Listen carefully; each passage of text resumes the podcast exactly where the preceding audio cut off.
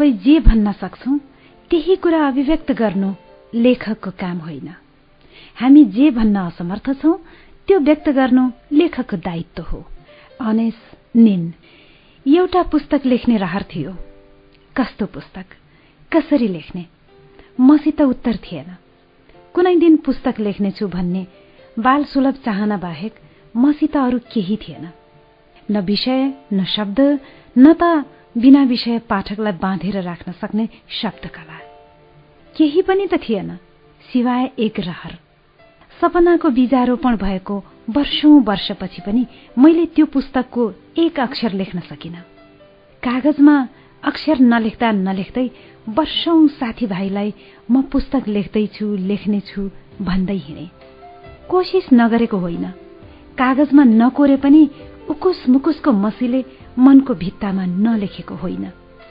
भरिन त पुरै भरिएको थिएँ। पोखिन पो सकेको थिइनँ भरि हुनु र नपोखिनुको वेदना त्यसको छटपटाहट म शब्दमा अनुवाद गर्न असमर्थ छु। बिस्तारै समय यस्तो आयो म स्वयंलाई आफूले पुस्तक लेख्ने कुरा पत्यार लाग्न छाड्यो। सपनाको कागजमा रहरको मसीले लेख्दैमा किताब लेख्न सकिने भए सबै लेखक बन्थे भन्ने साधारण सत्य बुझ्न मलाई वर्षौं लाग्यो। अनेकौं पल्ट लेख्न सुरु नगरेको होइन। आधा पेज पनि भरिन नपाउँदै आफैलाई चित्त नबुझेर दर्जनौं पटक च्याते। घरमा लेख्न सकिन भन्दै शान्त ठाउँहरूमा भौतारिए स्थान फेर्दैमा लेख्न सकिन्न भन्ने शिक्षा बाहेक कुनै उपलब्धि भएन। मेरो मनमा गर्भाधान भएको बिना विषय बिना शब्दको पुस्तकले वर्षौंसम्म कुनै आकार नलिएको देखेर पछिल्लो समय म आफैसँग निराश भए। लेखनमा दुई बाधा थिए। पहिलो पुस्तकको विषयबारे मेरो मनको अन्तर्द्वन्द। म कहिले राजनीतिक विषयमा लेख्न चाहन्थे त कहिले उपन्यास लेख्ने सपना देख्थे। अनि बेला बखत आध्यात्मिक दर्शनलाई विषयवस्तु बनाउने जोश चल्थ्यो। सब थोक पेन्डुलम झै अस्थिर र क्षणिक उत्तेजना बाहेक केही थिएन। हुन त पुस्तकका निम्ति मसँग अनेक विषयवस्तु हुनुपर्ने। म पत्रकारिताको यस्तो स्थानमा वर्षौंदेखि उभिएको थिएँ जहाँ मलाई नयाँ नयाँ आइडिया सुनाउने मानिसको कमी थिएन। सरसर्ती हेर्दा पत्रकारिताको अनुभवले मानिसलाई पुस्तक लेखनमा सघाउनु पर्ने हो तर यथार्थ त्यस्तो नहुने रहेछ। पत्रकारिताले एउटा निश्चित अवधिपछि हामी जस्ता पत्रकारलाई नयाँ सिकाउन बन्द गरिदिन्छ। न भाषा न शैली न विद्या न बुद्धि न ज्ञान न त विज्ञान। यो पेशाले नित दिन उही पुरानो सतही राग रटिरहने थोत्रो टेप रेकर्डमा परिणत गरिदिन्छ धेरै पत्रकारलाई। आफूसँग जोडिन आएका धेरैलाई पत्रकारिताले यताबाट उता उताबाट यता भौतारी रहने पेन्डुलम बनाएर छाडिदिन्छ। म पनि थाहै नपाई यस्तो पेन्डुलम बन्न पुगे जसलाई अस्पताल जाँदा डाक्टरको एयरपोर्ट देख्दा पाइलटको बैंक छिर्दा धनीमानीको अदालतको बिल्डिङ अगाडि आउँदा वकिलको संसद ढुक्दा नेताको र मन्दिर गुम्बा उकाली ओराली गर्दा आध्यात्मका विषयवस्तुमा पुस्तक लेख्ने जोश चलेर आउँथ्यो। जोश जति छिटो आउँथ्यो त्योभन्दा बढी रफ्तारमा बिलाउँथ्यो। म आत्मालाप शैलीमा लेख्न चाहन्थे तर आफ्ना सबै कमजोरी लुकाएर लेखक कहलिन चाहन्नथे। न त तिनलाई सार्वजनिक गर्ने आत्मबल मसित थियो। आफ्नो र परिवारको दाल भात चोहो गर्ने क्रममा मेरो हातबाट हुन पुगेका सानातिना कर्महरूलाई संचार जगतमा ठूलै योगदान गरे भन्दै आत्मरतिको कागजी पुलिन्दा तयार पार्ने आँट पनि मैले गर्न सकिन। जर्ज अर्वेलले भनेका छन् कुनै पनि अटोबायोग्राफीलाई त्यस बखत मात्र विश्वास गर्न सकिन्छ जब त्यसभित्र लेखकले आफ्ना विषयमा केही लज्जास्पद डिस्ग्रेसफुल सत्य उद्घाटित गरेको हुन्छ। अर्वेल मेरा प्रिय लेखक हुन् तर उनको यो चुनौतीलाई धेर थोर रूपमा भए पनि स्वीकार्ने आँट गर्न मलाई निकै समय लाग्यो। लेखनको दोस्रो बाधा थियो आलस्य। आलस्य मेरो जिन्दगीको अविभाज्य अङ्ग हो। बाहुन्नमा चल्दै गरेको मेरो जिन्दगीको अधिकांश भाग केही नगरी त्यसै बितेको छ। वेस्टेज अफ ट्यालेन्ट प्रतिभाको बर्बादी ठान्छे सुषमा मलाई। जीवन सङ्गिनीको कुरा सुन्दा एकछिन त हो क्यारे भन्ने लाग्छ।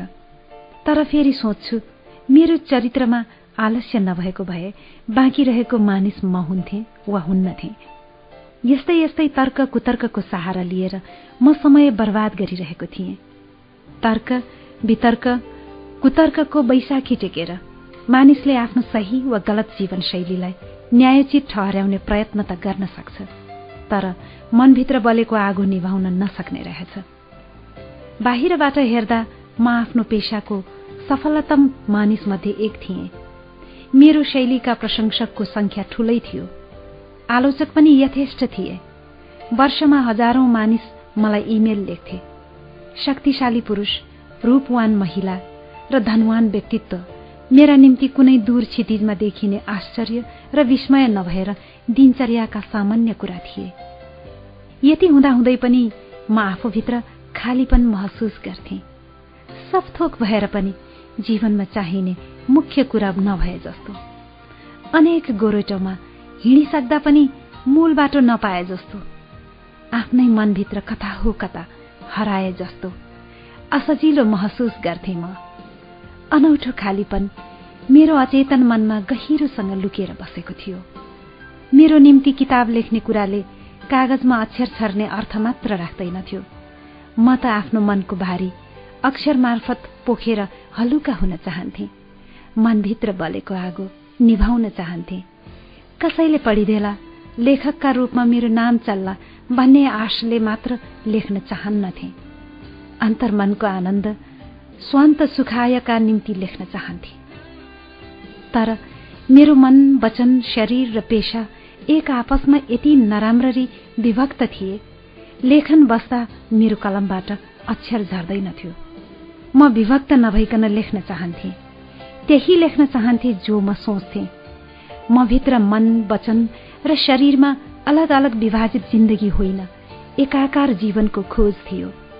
मन वचन र कर्मले पुरापुर एकाकार त सन्त मात्र हुन्छन् भन्ने थाहा नभएको होइन। जीवन एकहोरो रेखामा होइन। प्याजकै पत्र पत्रमा विभाजित छ भन्ने शङ्कर लामिछानेको एब्स्ट्राक्ट चिन्तन प्याज नपढेको होइन। यति सब हुँदाहुँदै पनि म आफ्नै सुरमा हिँडिरहेँ। भनौँ या बेसुरमा भौतारी रहे समय बित्दै जाँदा लाग्न थाल्यो जबसम्म म विभाजित जिन्दगी बिताइरहेको हुन्छु तबसम्म लेखनमा अन्तर्मनको आनन्द आउने छैन। स्वान्त सुखाया उपलब्ध हुने छैन। त्यो उपलब्ध नभएसम्म लेख्न बस्दा मेरो कलमबाट कागजमा अक्षर होइन औपचारिकता छरिनेछ। म मस्तिष्कले होइन हृदयको मसीले पुस्तक लेख्न चाहन्थे। आज सम्झँदा अनौठो लाग्छ। अलिकति लाज पनि लाग्छ। जीवनका धेरै वसन्त मैले हृदयको होइन आफ्नो मस्तिष्कको सेवा चाकरीमा बिताए। जीवनको एक कालखण्डसम्म मलाई आफ्नो मस्तिष्कको क्षमतामा गर्व थियो। अरू धेरै मानिसले पनि हो हो विजय बाबु त कस्तो ट्यालेन्टेड भन्दै मेरो सोचलाई यथेष्ट मलजल नगरेका होइनन्। तर एक दिन यस्तो घटना घट्यो मेरो जीवनको जगै हल्लियो। करिब चौध वर्ष अघिको कुरा। ती वर्षहरू मेरा निम्ति परम आश्चर्य र दुःखका वर्ष थिए। मेरो दुःखको कुनै शारीरिक वा भौतिक कारण थिएन। बाहिरबाट हेर्दा म वर्षौंदेखि जुन स्थानमा खडा थिएँ त्यहाँ एकैछिन बस्न पाए ललायत हुने मानिसको संख्या सानो थिएन होला। छापा रेडियो र टेलिभिजन संचार जगतका यी तीनै विधामा जुन सरलता र सहजता साथ म विचरण गर्थे त्यो धेरैका निम्ति आश्चर्य ईर्ष्या र विस्मयको विषय बन्न सक्थ्यो। एकातिर व्यावसायिक रूपमा त्यो स्थिति अर्कातिर पारिवारिक रूपले माया गर्नेहरूबाट घेरिएको थिए। यो सब भएर पनि शब्दमा भन्नै नसकिने विचित्र अतृप्तताबाट पीड़ित थिए। एक हिन्दी गीत झैं थियो जीवन। मेरे नयना सावन भादो फिर भी मेरा मन प्यासा। आफूभित्र रहेको अपूर्णता भर्न म वर्षौं भौतारिए शक्तिवान धनवान रूपवान र बुद्धिमान मात्र होइन गरीब र निसहाय बीच पनि समय बिताए। चरम निराशाले भरिएका मात्र होइन पत्याउनै नसकिने साहस आशा र उपलब्धिले परिपूर्ण मानिस पनि भेटे। तीमध्ये केही त टेलिभिजन मार्फत देखाए पनि। यी सब घटनाको केन्द्रबिन्दुमा रहेर पनि मेरो मनको शून्यता मेटिएन। भौतारिन रोकिएन सोचेको ठाउँमा पुगिएन। पुग्न त परै जाओस्। पुग्न चाहेको ठाउँको नाम ठेगाना समेत पत्तो लागेन।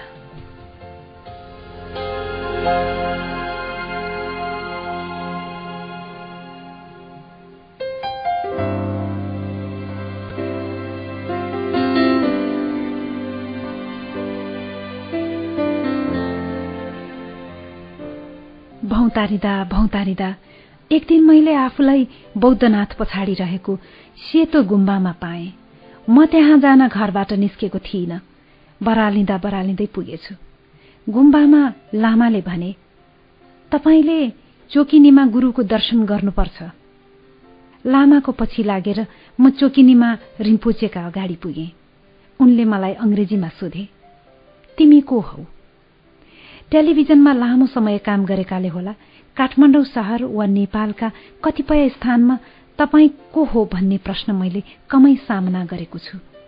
झर्को मान्दै आश्चर्य र अहंकार मिश्रित स्वरमा जवाफ दिए। म विजय कुमार हुँ। तिमी विजय कुमार हौ वा विजय कुमार तिम्रो नाम हो? मुसुक्क हाँस्दै रिम्पोचेले सोधेको यो प्रश्नले मलाई दस हजार भोल्टको झट्का दियो। त्यसअघि म विजय कुमार हुँ अथवा त्यो मेरो नाम मात्र हो भनेर कहिल्यै सोचेको थिइनँ। मेरो मुहारमा छाएको अनिश्चय देखेर रिम्पुचेले भने तिमी त आफूलाई निकै जान्ने सुन्ने ठान्छौ। मलाई यति मात्र भन तिमी विजय कुमार हौ वा त्यो तिम्रो नाम मात्र हो। साधारण चाहिँ सुनिने असाधारण गहिराईको यो प्रश्नका अगाडि मेरो अहंकार लज्जावती झार भयो। खै रिम्पोचे अहिले यसै भन्न सक्दिन। म विजय कुमार हुँ वा त्यो मेरो नाम मात्र हो। केही हतार छैन। आज दिनभरि र रातभरि सोच। भोलि यही ठाउँमा यही समय फेरि भेटौं। प्रश्न उही रहनेछ विजयजी तपाईँ टेलिभिजनमा कसैलाई प्रश्न सोधेपछि उत्तर दिन तीस सेकेन्ड समय पनि दिनुहुन्न। गुरुबाट तपाईँलाई पुरै चौबिस घण्टा समय बक्सेको छ। भोलि चाहिँ उत्तर पक्कै लिएर आउनुहोला नि। म चुपचाप कोठाबाट निस्किने बेला त्यहाँ बसेका एक सज्जनले व्यङ्ग्यात्मक स्वरमा भने कुनै अरू ठाउँ भएको भए मैले त्यो बाजेलाई रुखो स्वरले के पो जवाफ दिने थिएँ होला। तर त्यस दिन चाहिँ आफ्नो पराजित अहंकारको घाउमा उसले नुन खुर्सानी छर्केको महसुस गर्दै घर फर्के। सारा दिन र राति अबेरसम्म रिम्पोचेले सोधेको प्रश्नको उत्तर खोज्ने असफल प्रयत्न गरे। भोलिपल्ट निर्धारित समयमा सेतो गुम्बा पुग्दा मलाई आफ्नो ज्ञानको सीमितता र अहंकारको विराटता दुवैका विषयमा धेर थोर महसुस भइसकेको थियो। उत्तर ल्यायो त म क्षमा प्रार्थी छु रिम्पोचे। मैले तमाम प्रयत्न गर्दा पनि उत्तर ल्याउन सकिन। तिमीले आफूलाई क्षमा प्रार्थी होइन भाग्यमानी ठान्नुपर्छ। भाग्यमानी यस अर्थमा कमसेकम त्यो प्रश्नबारे सोच्ने मौका त पायो। अधिकांश मानिस उनीहरू वास्तवमा को हुन् भन्ने सर्वाधिक महत्वको प्रश्नका विषयमा एकछिन पनि विचारै नगरी कैयौं पटक यो पृथ्वीमा आउने र जाने गर्छन्। तिमीले कमसे कम त्यो प्रश्नबारे विचार त गर्यौ। अब कुनै दिन गुरु रिम्पोचेको कृपा भयो भने उत्तर पनि प्राप्त गर्नेछौ। आऊ यात्राको थालनी गरौं। जुन दिन मैले यो लामो यात्राको पहिलो पाइला चाले त्यस दिनदेखि मेरो निम्ति संसार बिस्तारै बिस्तारै बदलिँदै गयो। पत्रकारिताले मलाई अरूका दोष पत्ता लगाउन सिकाएको थियो तर यो नयाँ यात्राको नियम ठिक उल्टो थियो। यहाँ अरूको होइन आफ्नै दोष मनन गर्ने शिक्षा दिइन्थ्यो। मेरा दोष यति धेरै थिए तिनलाई पत्ता लगाउन कुनै भारी चिन्तनको दरकरार थिएन। यसो हल्का नजर दिए पुग्थ्यो। तर आफ्ना अवगुण हेर्न त मानिस मरे तुल्य हुँदो रहेछ। आँखाको बनोट नै बहिर्मुखी रहेछ। हुन त बिचरा आँखालाई पनि के दोष दिनु? मानिस आफ्नो आँखाले होइन मनले संसार देख्छ। कठै बरा आँखा त लाचार क्यामेरा झै रहेछ। मन भन्ने क्यामेरा पर्सनले जता फर्कायो जे देखायो जति देखायो त्यति मात्र हेर्न सक्ने। दुई चार वर्ष अघिसम्म मैले आफू बाहेक अरू सबै मानिसमा दोषै दोष मात्र देख्थे। प्राय पत्रकारमा पाइने विश्व निन्दक प्रवृत्तिको मात्रा म भित्र सामान्यभन्दा धेरै बढी थियो। जति ठूलो विश्व निन्दक उति नामी पत्रकार। पत्रकारिताका विद्यालयहरूमा मलाई अरूका गल्ती हेर्न सिकाइएको थियो। आफ्ना कमजोरी मनन गर्न होइन। तर चार वर्ष अघि मेरा मूल गुरु नामखा रिम्पोचेले भने आफ्ना कमजोरी पनि हेर्न सिक। आफ्नो मनले आफ्नै मनलाई हेर्न सिक। यो मन जे गर्दैछ किन गर्दैछ थाहा पाउने कोसिस गर। धेरै प्रयत्न गरेपछि मैले अरूको शरीरमा हात्ती जत्रो दोष देख्ने बेला आफूमा पनि कमिला बराबर गल्ती देख्न थाले। आफूले आफैलाई हेर्ने क्रममा मलाई हल्का थाहा भयो। मेरा कमजोरी यथार्थमा कमिला जत्रा साना मसिना छैनन्। जब मैले आफ्नै कमजोरी हेर्ने यात्राको पहिलो पाइला चाले। तब अचानक अनायास क्षणभरमा मलाई यो पुस्तकको विषयवस्तु प्राप्त भयो। जुन विषयवस्तु मैले वर्षौं सोचेर खोजेर अनेक कोसिस गर्दा पनि पाउन सकेको थिइनँ। त्यही विषय एक दिन मलाई बिना कुनै प्रयास फुर्यो।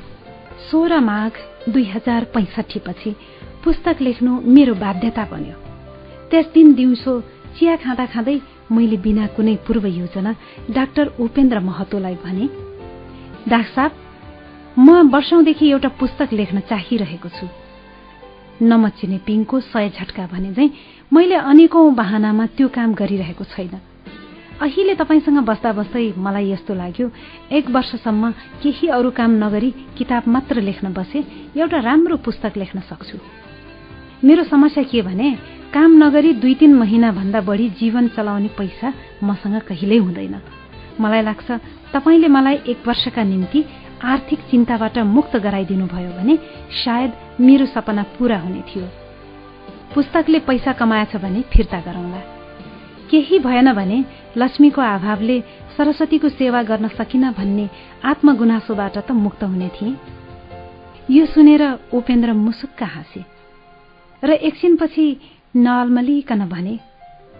हुन्छ विजयजी तपाईँ एक वर्षसम्म अरू केही नगरी आनन्दले किताब लेख्नुहोस्। उपेन्द्रको उदारताले मलाई एक यस्तो भाग्यशाली स्थितिमा पुर्याइदियो जहाँ म वर्ष दिनको निम्ति रोजी रोटीको कुनै चिन्ता नगरी किताबै लेखेर मात्र बस्न सक्थे। तर विडम्बना मैले रोजी रोटीको चिन्ता नगरी वर्ष दिन बिताइदिए तर लेख्न केही सकिन। आर्थिक समस्या रहित हुँदैमा सिर्जना गर्न सकिने भए त हुने खाने जति सबै सर्जक बन्थे भन्ने जीवन्त बोध उपेन्द्रको उदारताले गराइदियो। उपेन्द्र महत्वप्रति आभारी छु। उनको आर्थिक सहयोगका निम्ति होइन। यसै पनि उनले मद्दत गर्नुपर्ने र नपर्ने धेरैलाई सहयोग गरेका छन्। म एकजना पुरानो सहपाठीलाई पनि गरे कुनै ठूलो कुरा होइन।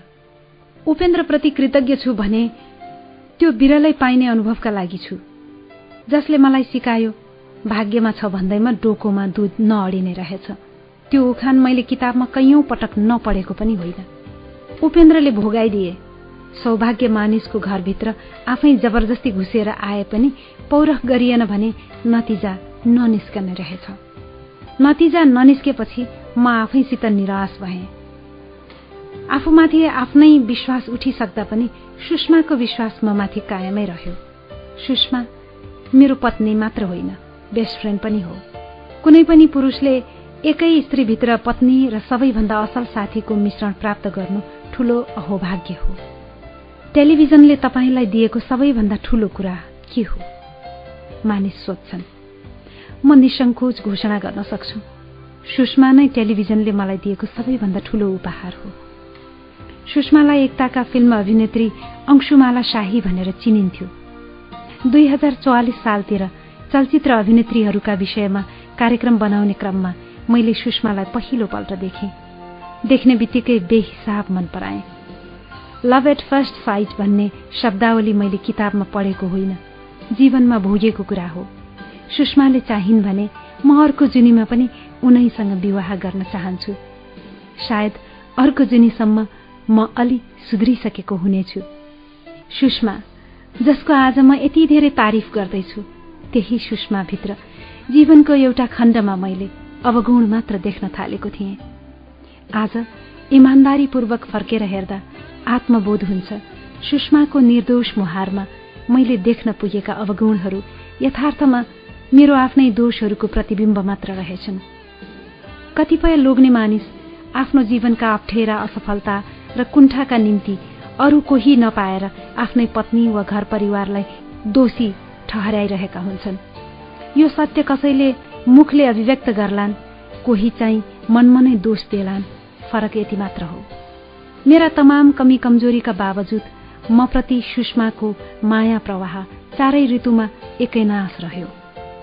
मौसम चाहे बर्खायाम होस् वा सुक्खा हिउँद आओस् या वसन्त उसको प्रवाहमा मैले मौसम अनुसार घटबड महसुस गर्न पाइन।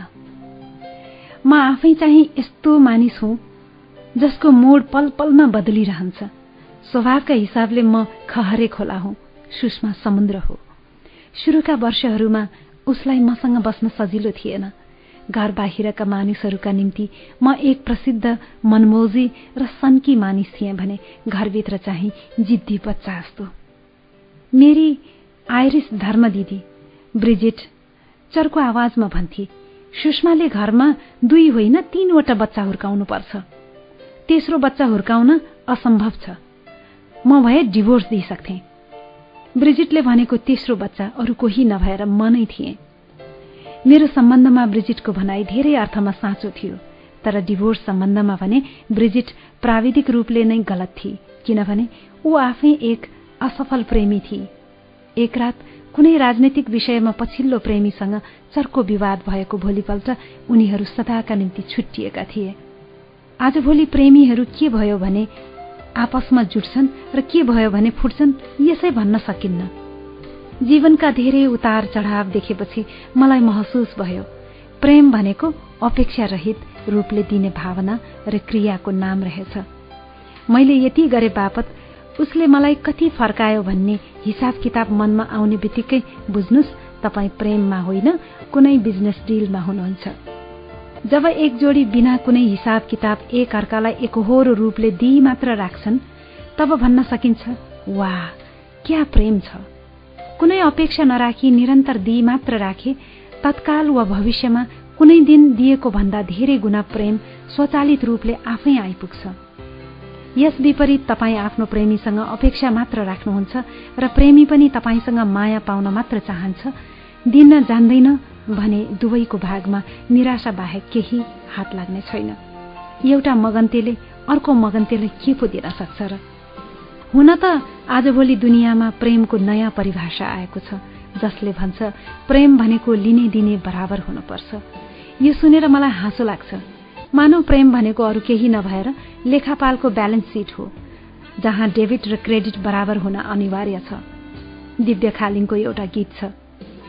मायाको आधारमा सम्झौता नै हुन्छ। लिनुपर्ने जे छ दिनुपर्ने जे छ त्यो बराबर हुन्छ। नारायण गोपालसँग एक दिन ठट्टा गर्दै सोधे यो गीत कुनै चार्टर्ड एकाउन्टेन्टले लेखेको हो कि क्या हो? सुनेर मस्त हाँसेका थिए नारायण दाई। एकछिनपछि जवाफ दिए यो एक व्यवहारिक सत्यको गीत हो। पारमार्थिक सत्य अल्टिमेट ट्रुथ होइन।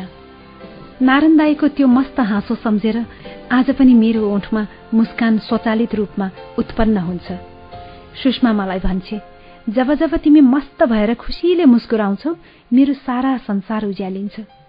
सुषमालाई देखेर महसुस हुन्छ साँचो प्रेम गर्न कोरा आई लभ यू भने जस्तो सजिलो रहेनछ। जब प्रेमी कुनै हिसाब किताब नगरी दिई मात्र राख्छ तब त भन्न सकिन्छ वाह क्या प्रेम छ। कतै पढेको थिएँ। जब तिमी कसैलाई साँचो अर्थमा प्रेम गर्छौ तब उसका कमजोरी र गल्तीका बावजुद ऊप्रतिको भावना फेरिँदैन। मस्तिष्क क्रोधले भरिए पनि हृदयको प्रेम पखालिँदैन। दिमाग ताते पनि मुटु शीतल नै रहन्छ। हुन त यस्तो अवस्था नारी पुरुष सम्बन्धमा बिरलै आउन सक्छ। मेरो जीवनमा त्यस्तो विशेष अवस्था आयो भन्ने मूर्खतापूर्ण दावी म गर्न चाहन्न। स्वीकार व्यक्ति यति मात्र हो कि यो सम्भावनाबाट हामी मेरै कारण वञ्चित भयौं। सम्भावना थियो तर मेरै कारण त्यो सृजनामा परिणत भएन। म आफू जे छु जस्तो छु जति छु त्योभन्दा बलियो हुन सकिन भनेर सुषमाले मलाई कहिल्यै दोष लगाइन। मैले चाहिँ सुषमा जे जस्ती र जति छे त्यसैमा खुसी नमानेको अवस्था पनि आयो। प्रेम मेरा निम्ति लिने विषय थियो। सुषमाका निम्ति प्रेम दिने भावना थियो। आजसम्म कुनै पनि क्षण सुषमाले मलाई यो भनिन मैले तिमीलाई यति धेरै माया दिएँ तर खोइ तिमीले के दियौ र? यो पुस्तक मेरा गुरुहरूको आशीर्वाद सुषमाको प्रेम र उपेन्द्र महतोको उदारताबाट उत्पन्न भएको त्रिवेणी हो। यो त्रिवेणी सरल प्रवाहमा बगेको छ। यसमा समेटिएका अनुभव व्यक्तिगत झैं देखिए पनि समाजको एउटा ठूलो हिस्साले त्यसमा कतै न कतै आफ्नो छाया देख्नेछ। नयाँ र पुराना दुवै पुस्ताले यो कृतिमा कतै न कतै आफूलाई पात्रका रूपमा पाउनेछन्।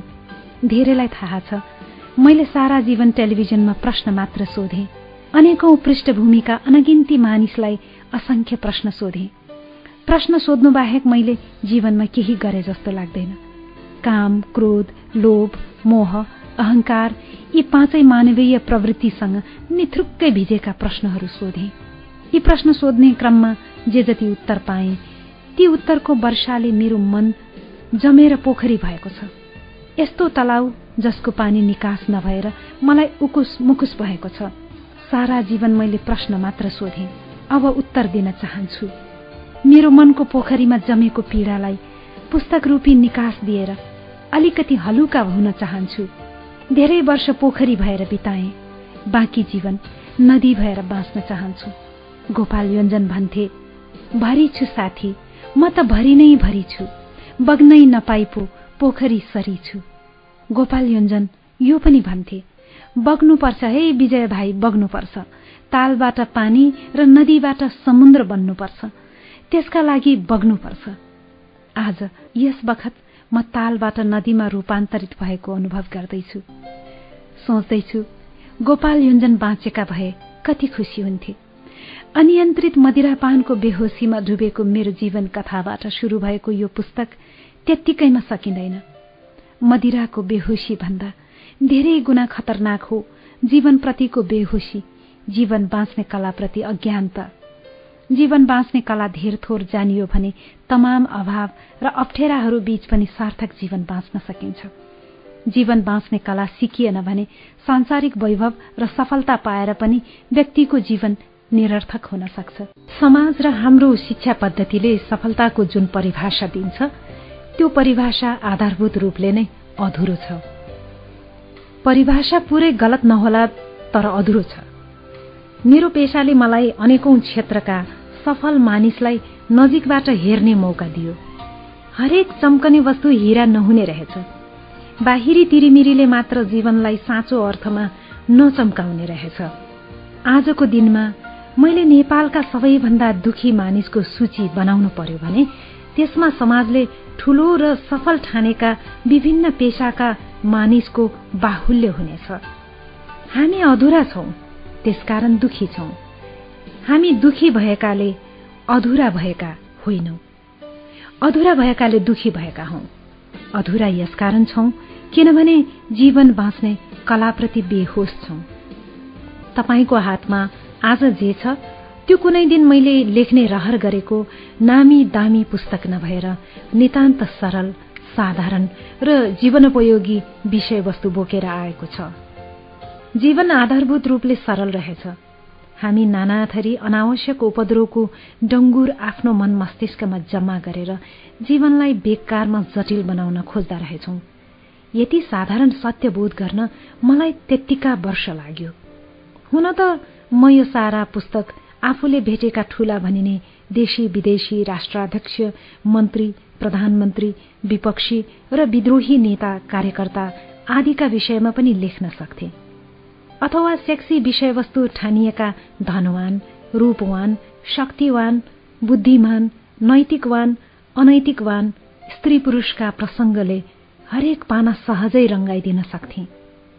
त्यस्ता प्रसंग यो पुस्तकमा छँदै छैनन् भन्ने होइन। छन् तर प्राथमिक होइन दोयम भूमिकामा।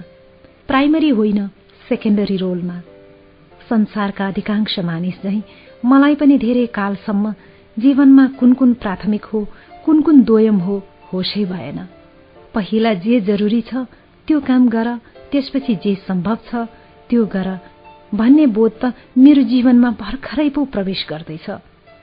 जीवनको एक कालखण्ड मदिराको बेहोसीमा बिताए। आज भोलि जीवन बाँच्ने कलाप्रतिको बेहोसीसित सङ्घर्ष गर्दैछु। कसैले पठाएको एउटा कार्डमा लेखिएको थियो जीवन कठोर से कठोर शिक्षक भन्दा पनि कठोर हुँदो रहेछ। शिक्षकले पहिला पाठ पढाउँछ अनि मात्र जाँच लिन्छ। मलाई त जीवनले पहिला जाँच लियो अनि पाठ पढायो। मेरा अनुभव पनि कार्डमा लेखिएका अक्षरसित बिल्कुलै मिल्दाजुल्दा रहे। म ती भाग्यशाली मध्ये परिन जसले जिन्दगीबाट पहिला सिक्ने अनि जाँच दिने मौका पाए। यस अर्थमा मैले उल्टो बाँचे। हुन त मार्गरेट यङले दशकौं अघि नलेखेकी होइनन्। धेरैजसो मानिस जीवनलाई उल्टो दिशाबाट बाँच्ने प्रयास गर्छन्। फेदबाट नबाँचेर टुप्पोबाट जिउने प्रयत्न गर्छन्। उनीहरू ठान्छन् कि धेरै वस्तु धेरै पैसा र धेरै नाम भएपछि उनीहरू खुसी हुनेछन्। यथार्थ यसको ठिक उल्टो छ। मानिसले सर्वप्रथम आफू त्यो हुन सक्नुपर्छ जो उसको वास्तविकता हो। त्यसपछि मात्र आफूले गर्नुपर्ने कामको कुरा आउँछ। म चाहन्छु मेरा सन्तान सारांशिका र सारांशको नयाँ पुस्ताले जीवनलाई म झै टुप्पोबाट नबाँचेर फेदबाट बाँचुन्। नाम दाम यौवन र कुलतको मायाजालमा फसेर आफू हुनुको अर्थ एसेन्स अफ बिइङ नबिर्सुन्। हुन त मलाई थाहा छ हरेक नयाँ पुस्ताले आफ्नो बाटो आफै तय गर्छ। कोही चलनचल्तीको मार्गमा हिँड्न रुचाउलान् कोही आफै बाटो खनेर अघि बढ्लान्। त्यति थाहा हुँदा हुँदै कुनै आम अभिभावक झैं म पनि आफ्ना छोराछोरीले सामना गर्नुपर्ने संसारका चुनौतीको सही वा गलत पूर्वानुमान गरेर बेला बखत झसङ्ग हुन्छु। झसङ्ग हुन्छु किनभने आजको नयाँ पुस्ताले सामना गर्नुपर्ने डिस्ट्राक्सन चुनौती र सम्भावनाको तीव्रता अभूतपूर्व छ। आकर्षण र विकर्षण जति धेरै साधनको सामना अहिलेको पुस्ताले गर्दैछ त्यो मानव इतिहासमा कहिल्यै भएको थिएन। यति धेरै विविधता भएका बजारी ग्याजेट र विचार यसअघि पृथ्वीमा कहिल्यै एकत्रित थिएन। कम्प्युटरको एक क्लिकमा उपलब्ध सामाजिक सञ्जालको चक्र यति बेगले कहिल्यै घुमेको थिएन। घुमाइको बेग यस्तो तीव्र छ सम्झने बित्तिकै रिङ्गाटा लाग्छ। बाटो फेला पार्नुभन्दा हराउन धेरै सजिलो। त्यसैले त हामी खोजी मात्र रहन्छौ भेट्टाउँदैनौ केही। जीवनमा कति धेरै तालचा र यति थोरै साँचो लेखेका सारा डेसन भन्छन्। यस्तो द्रुत वेगको जीवन यात्रामा उत्पन्न हुने रिङाटाबाट बच्न मानिस पहिला त्यो हुन जरुरी छ जो उसको वास्तविकता हो। ऊ हुनुको अर्थ हो उसको बिइङ हो जीवनलाई टुप्पोबाट बाँचेर फेदबाट जिउने बोध हो। जसो जसो पुस्तकका पाना थपिँदै गए केही यस्ता कुरा लेख्न बाध्य भए जो लेखुला भनेर कहिल्यै सोचेको थिइनँ म मानिसको सफलतालाई आकाशमा ऊ कति माथि पुग्यो भनेर नाप्दिन। धरतीमा थचारिएपछि कति उठ्यो भन्ने मात्र जाँच्दछु। General George Patton.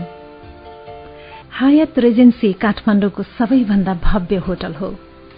प्रवेश मार्गको सुन्दरताले नवागन्तुकलाई होटलको भव्यताबारे छनक दिइसकेको हुन्छ। नजिकै पूर्वतिर रहेको बौद्धनाथ हेर्दै साँझपख होटलको कौशीमा बस्नु आफैमा एक अनुभव हो। ठूलो हरियो चौर स्विमिङ पुल त्यसमा पौडिरहेका लोभलाग्दो शरीरहरू। त्यसमाथि जुनेली रात हुनुपर्छ। आकाशको जुनले बौद्धनाथको गजुर चुम्दा स्वर्ग पृथ्वीमा उर्लेको प्रतीक हुन्छ। दुई हजार उनासाठीको एक हिउँदी साँझ त्यहाँ रिसेप्सन थियो। राजा ज्ञानेन्द्रले शेरबहादुर देउवालाई बर्खास्त गरी लोकेन्द्र बहादुर चन्दलाई प्रधानमन्त्री बनाएको बेलाको कुरा म नेपाल टेलिभिजनका निम्ति कार्यक्रम बनाउँथे। दरबारका संवाद सचिव मोहन पाण्डे पनि रिसेप्सनमा थिए। उनले मलाई अघिल्लो हप्ता प्रसारित मेरो कार्यक्रम ठिक भएन भनेर चर्को टिप्पणी गरे। मैले सोधे तपाईँ आफैले हेरेको होइन मैले सुनेको। सुन्ने बित्तिकै यस्तो रिस उठ्यो। उनलाई झन्चरको स्वरमा जवाफ दिए। तपाईँहरू आफ्ना चाकरीबाजले भनेको भरमा मलाई मन परी भन्ने? मेरो निम्ति तपाईँको कमेन्ट जुत्ताको सोल बराबर हो। सुनेर उनी सन्निपात भए। वरिपरि उभिएकाहरू छक्क परे। म गलत कुरा धेरै बेर सुन्न र सहन सक्दिन। साहस भनेको उच्च मानवीय गुण हो। तर त्यसको अभिव्यक्ति गर्ने बेला मानिसले होस पुर्याउनुपर्छ। सही विषयमा सही तरिकाले सही मात्रामा सही मानिसका अगाडि क्रोध व्यक्त गर्नु ठूलो कला हो जुन कला मसित थिएन। त्यो साँझ मैले भनेको कुराको सार गलत थिएन तर भन्ने तरिकाको रूप गलत थियो। अहिले रियलाइज हुन्छ। रिसेप्सन त केही बेरमै सकियो तर मेरो क्रोध सकिएको थिएन। त्यो दिन असाध्य रक्सी खाइयो। रिसेप्सनमा होइन। त्यही रिसेप्सनमा भेटिएका एकसँग होटलकै बारमा।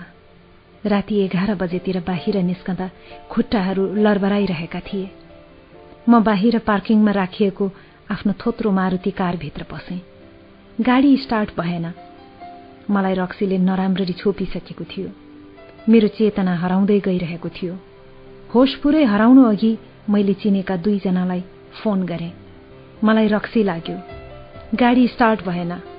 प्लिज लिन आऊ उनीहरू आएनन्। मैले जीवनमा मित्र होइन परिचितहरू मात्र कमाएको रहेछु। केही क्षणपछि मेरा आँखा बन्द हुँदै गए। मध्यरातमा आँखा खुल्यो। चाडोले शरीर लगलग कामिरहेको थियो। कसैले मेरो मुखमा टर्चको उज्यालो फाल्दै थियो। होटल सुरक्षाकर्मी र उसका साथ एउटा कर्मचारी रहेछ। विजय सर होटलभित्र गएर सुतौँ। म हिँड्नै सक्दिनँ। प्लिज मलाई मद्दत गर्नुहोस्। कम्बल ल्याइदिनु भए ठुलो गुण हुने थियो। ती सहृदयले मलाई कम्बल ल्याएर ओढाइदिए। म रातभरि ह्याथ होटलको पार्किङ लटमा सुतेँ। गाडीभित्रै दुई पटक बान्ता गरे होला। राम्रो सम्झना त छैन। म यति शक्तिहीन थिएँ। गाडीको झ्यालबाट टाउको बाहिर निकालेर बान्ता गर्न सक्दिनथे हयातका गाडहरू कुरा गरिरहेको आवाज कानमा पर्यो। हेर यस्तो राम्रो र बुद्धिमान मानिसको गति दुई पेक थोरै खाए पनि त हुन्थ्यो नि। यो मान्छे मलाई टेलिभिजनमा सबैभन्दा मनपर्ने मान्छे थियो। तर यसको जस्तो हालतमा हुनुभन्दा त होटलमा गाड भएर जीवन बिताउनै राम्रो। भोलिपल्ट बिहान आँखा खोल्दा सूर्यको पहिलो किरण बौद्धनाथको गजुरमा परिसकेको थियो। एकछिन त यादै भएन म कहाँ किन कसरी छु भनेर तर झसङ्ग भएर अघिल्लो रातका सबै घटना सम्झे। मेरो शानदार सुट मैले गरेको बान्ताले पूरा भिजेको थियो। मेरो शरीरबाट मदिरा र बान्ताको मिश्रित गन्ध फैलिरहेको थियो। मैले अघिल्लो साँझ सम्झेँ जब म सुटमा कसिएर रिसेप्सनमा पसेको थिएँ। यु लुक सो गुड भन्नेहरू कति धेरै थिए। You are so famous intelligent and good looking how lucky भनेर थप्ने पनि कम थिएनन्। तर अहिले मेरो हालत देखेर आफैमाथि दया लाग्यो। मैले होटलको कम्बल सुरक्षा गार्डलाई फिर्ता दिएँ। गाडी स्टार्ट गर्ने प्रयास गरेँ। भएन। हिँडेरै हयात गेटतिर लागे। बाटामा देखिएका सबै मानिसको तुलनामा आफूलाई दिनहीन र दुखी पाएँ। सडकमा कुनै गाडी थिएन। त्यो दिन नेपाल बन्द रहेछ। म हिँड्न सक्ने हालतमा थिइनँ। होटलको गेट छेउ मूल सडकमा कुनै साधन भेटी पो हाल्छ कि भनेर उभिरहे। बिहान छ बजेको हुँदो हो। एउटा सैनिक गाडी देखेँ। मैले हात दिएँ। उसले रोक्यो। अफिसरले मेरो हालत देखेर अचम्म मान्यो।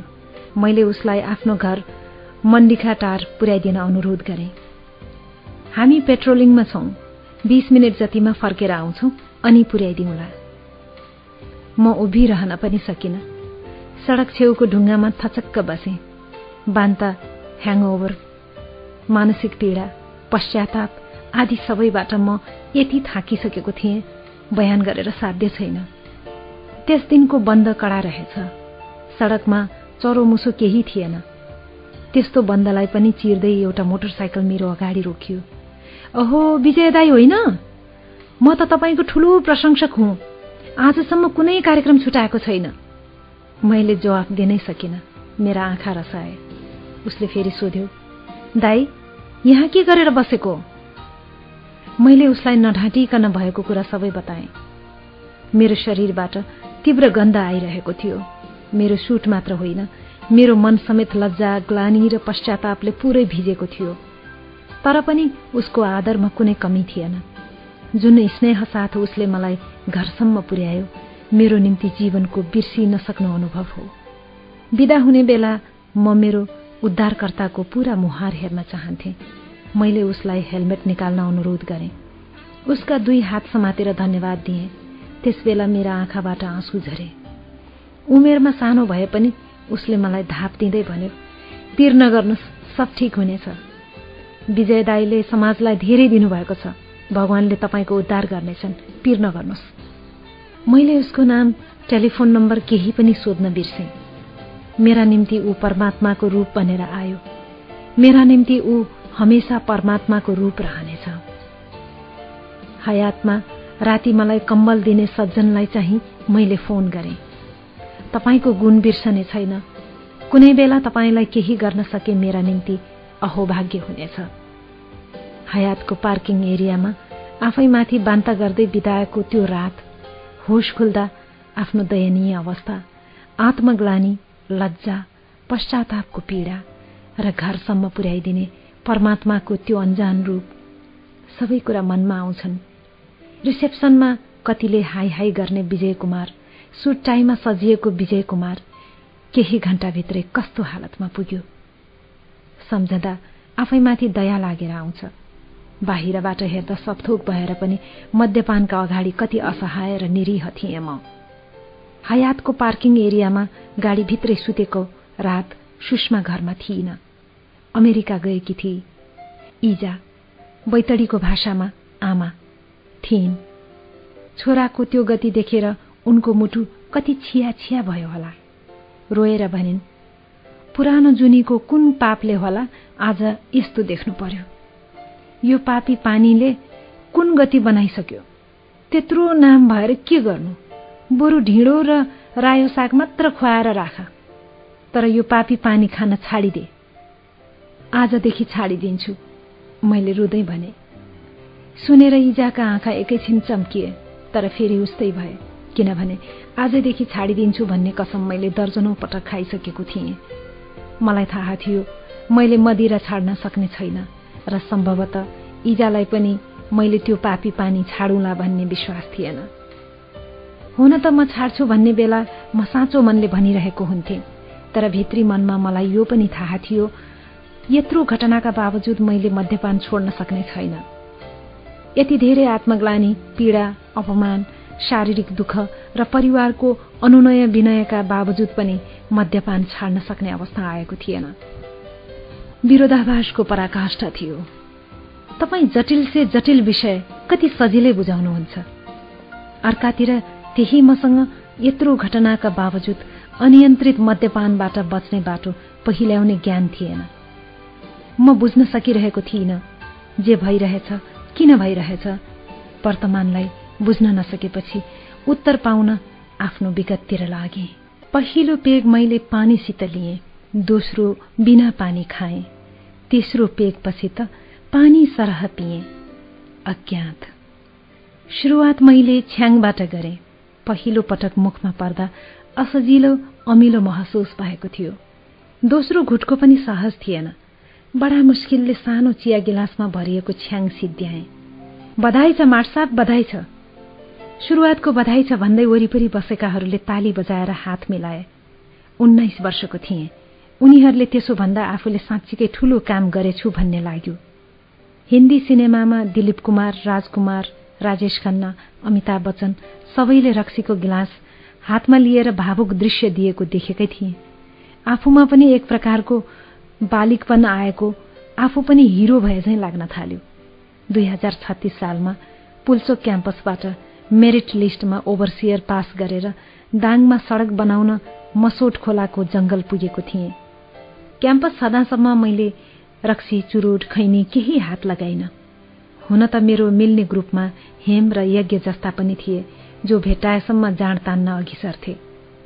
यज्ञ अमृत क्याम्पसबाट फेल भएर पुल्चोक क्याम्पस आएको थियो। हेम चाहिँ त्यही पुल्चोक क्याम्पसमा चिटचोरे बापत एकपटक रस्टिकेटमा परेको थियो।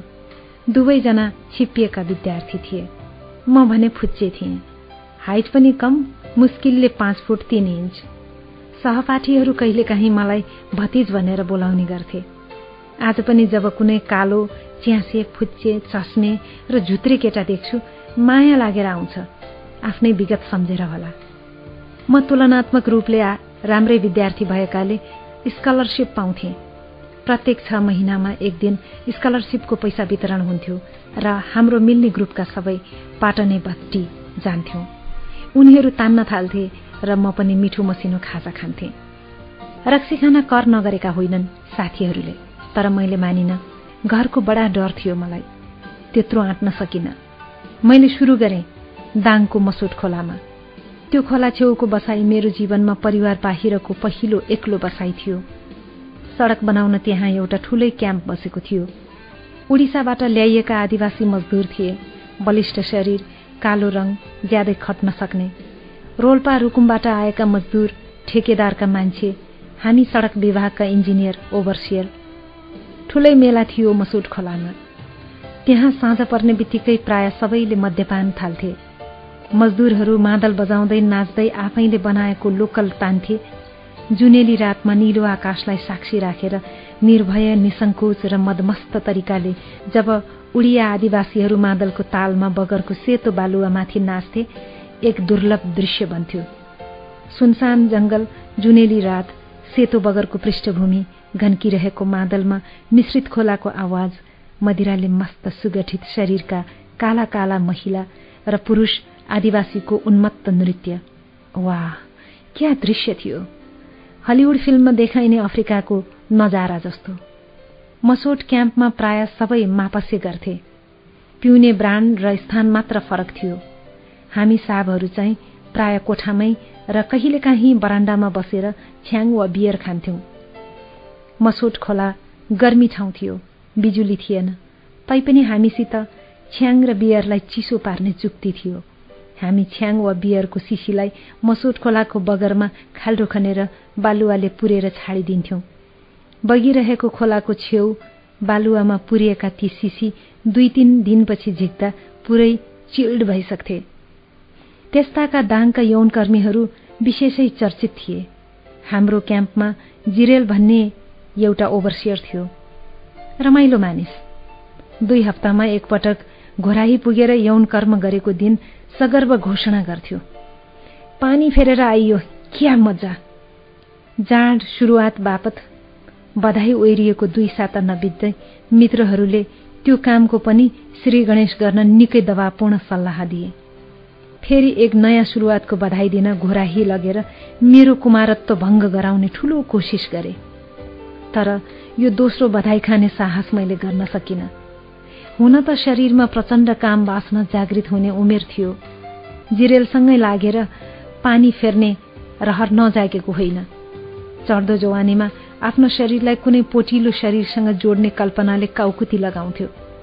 तर मलाई लाग्यो किनिएको यौन कर्मले मेरो बासनाको ज्वरोलाई क्षणिक रूपमा स्खलित त गराउला तर मनलाई तृप्त गराउने क्षमता राख्दैन। त्यसैले जिरेलसित गइन। एक दिन जिरेललाई उदास देखे। उसलाई भिरिङ्गी लागेको रहेछ। ती दिनहरूमा एड्स आएको थिएन। पेन्सिलिनका थुप्रै चक्की खाएपछि जिरेलको यौन रोग ठिक भयो। तर त्यसपछि पनि जिरेल चेतेन। उसको पानी फेर्ने काम पुनः नियमित भयो। मसोट खोलामा मुस्किलले चार महिना बसेँ। पुगेकै महिना रक्सी सुरु गरेँ। दोष मसोट खोलाको थिएन। दोष मेरै थियो। साँच्चै भन्नुपर्दा त्यस बखतसम्म दोष मेरो पनि थिएन। किनभने रक्सी सुरु गरेको धेरै वर्षसम्म म हल्का मात्र पिउँथेँ। मसोटको पहिलो पेकदेखि लिएर अल्कोहलिक हुन मलाई निकै वर्ष लाग्यो। सुरुमा म कहिलेकाहीँ रमाइलोका लागि पिउने सोसल ड्रिङ्कर थिएँ। हल्का हल्का झमझम हुन्थ्यो उत्तेजनात्मक रमाइलो। पिउने बेला हामी जगजित सिंहका गजल सुन्थ्यौं। नशाकर हल्का हल्का छ लहु में हो त हल्का छ गजलले थोरै पिउने सल्लाह दिए पनि हामी मस्त पिउँथ्यौं। पिएपछि मेरा महत्वाकांक्षा आकाश छुन्थे ओभरसियर थिएँ म। तर रक्सी खाएपछि सारा नेपालको चिफ इन्जिनियर मै हुँ जस्तो लाग्थ्यो। चिफ इन्जिनियर ओभरसियर भन्दा कम्तीमा पाँच तह माथिको पद हुनु हो। तर रक्सी खाएपछि बीचका तहहरू कता हो कता बिलाउँथ्यो। नपिएका बेला चिफ इन्जिनियर हुने कुरा सोच्न पनि सक्दिनथे। रक्सी खाएपछि मेरो सो आकलन यथार्थभन्दा धेरै ठूलो हुन्थ्यो। मदिराले प्रभावित भएपछि मानिसको यथार्थ मापन यन्त्र बिग्रेर जाँदो रहेछ। कुनै पनि घटना वा व्यक्ति या त धेरै ठूलो देखिन्छ या भुसुना जत्रो। म चाहिँ पिएपछि आफूलाई धेरै ठूलो देख्थेँ। मेरो ठिक विपरीत हाम्रो क्याम्पमा एउटा सुपरभाइजर थियो। ऊ चाहिँ दुई चार पेग लिएपछि आफूलाई कुल्ली ठान्थ्यो। आफू बसिरहेको कुर्सीबाट ओर्लिएर भुइँमा बस्दै आफू मुनिका स्टाफलाई पनि नमस्ते हजुर नमस्ते सर भन्दै रुन्थ्यो। रक्सीसँग साइनो जोडीको महिना दिनपछि एक नयाँ आफन्त मेरो जीवनमा थपियो। चुरोट। देउखुरी बजारमा भेटियो। रक्सीको पहिलो घुटको जस्तै चुरोटको पहिलो सर्को तान्न निकै अप्ठ्यारो भयो। संसारको कुनै कुलतको स्वाद सुरुमा मिठो हुँदैन। रक्सीको पनि पहिलो पेग चुरोटको पहिलो सर्को खैनीको पहिलो फाको। तर ढिलो चाँडो यस्तो शारीरिक र मानसिक परिस्थिति निर्माण हुन्छ जहाँ यी वस्तु शरीरलाई प्राय भएनन् भने सकसक लाग्न थाल्छ। लत लागिसकेको हुन्छ। मसोट छँदा मातेर बेहोस भएको मलाई सम्झना छैन। ती दिनहरूमा म रमाइलोका निम्ति पिउँथे। इफेक्ट वा असरका निम्ति होइन। हुन त मसोट छँदै खाएर गति छाड्नेहरू नदेखेको होइन। कुल्ली होस् वा इन्जिनियर बेला बखत सबै छाड्थे। कुल्लीहरू बढी खाएर छादेको कुरा भोलिपल्ट सहजै भन्थे। हाकिम साहबहरू चाहिँ अघिल्लो रात केही नभए झैँ अभिनय गर्थे। गरिबहरू थोरै कुरा लुकाउँछन्। भौतिक वस्तुको सञ्चय थोरै हुनेसित लुकाउने कुरा पनि त्यति धेरै नहुँदा रहेछन्। घर नै खाली भएपछि के लुकाउनु? कहाँ लुकाउनु? किन लुकाउनु? लुकाउने यत्न गरे त्यो असफल हुन्छ। किनभने गरिबहरूसित लुकाउने सिप थोरै हुन्छ। मध्यम वर्गका मानिस चाहिँ रक्सी केटी वा चुवाका मामिला लुकाउने कोसिस अलि बढी गर्छन्। मानसिक रूपले अधिकांश मध्यम वर्ग बडा जटिल अवस्थामा जीवन बाँच्छ न ऊ निम्न वर्गको स्वच्छन्दतामा ओर्लने साहस गर्न सक्छ न त उच्च वर्गको सोफेस्टिकेटेड र सुरक्षित छाडापनमा उक्लने मौका उसले पाउँछ।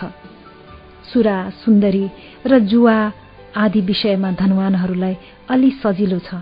पैसाले कहिलेकाहीँ मानिसका अवगुण लुकाउन मद्दत पनि गर्छ। तर रक्सी यस्तो न्यायिक वस्तु हो जसले कुल्लीलाई एउटा र इन्जिनियरलाई अर्को नियम लागू गर्दैन। राजालाई एउटा र रङ्कलाई अर्को कानून लगाउँदैन। जीवनमा धेरै पछि नेपाली वामपन्थी इतिहासका युग पुरूष मनमोहन अधिकारीसँग दुई चार पेग पिउने मौका मिल्यो। मैले भने मदिरा असली सत्यवादी हो।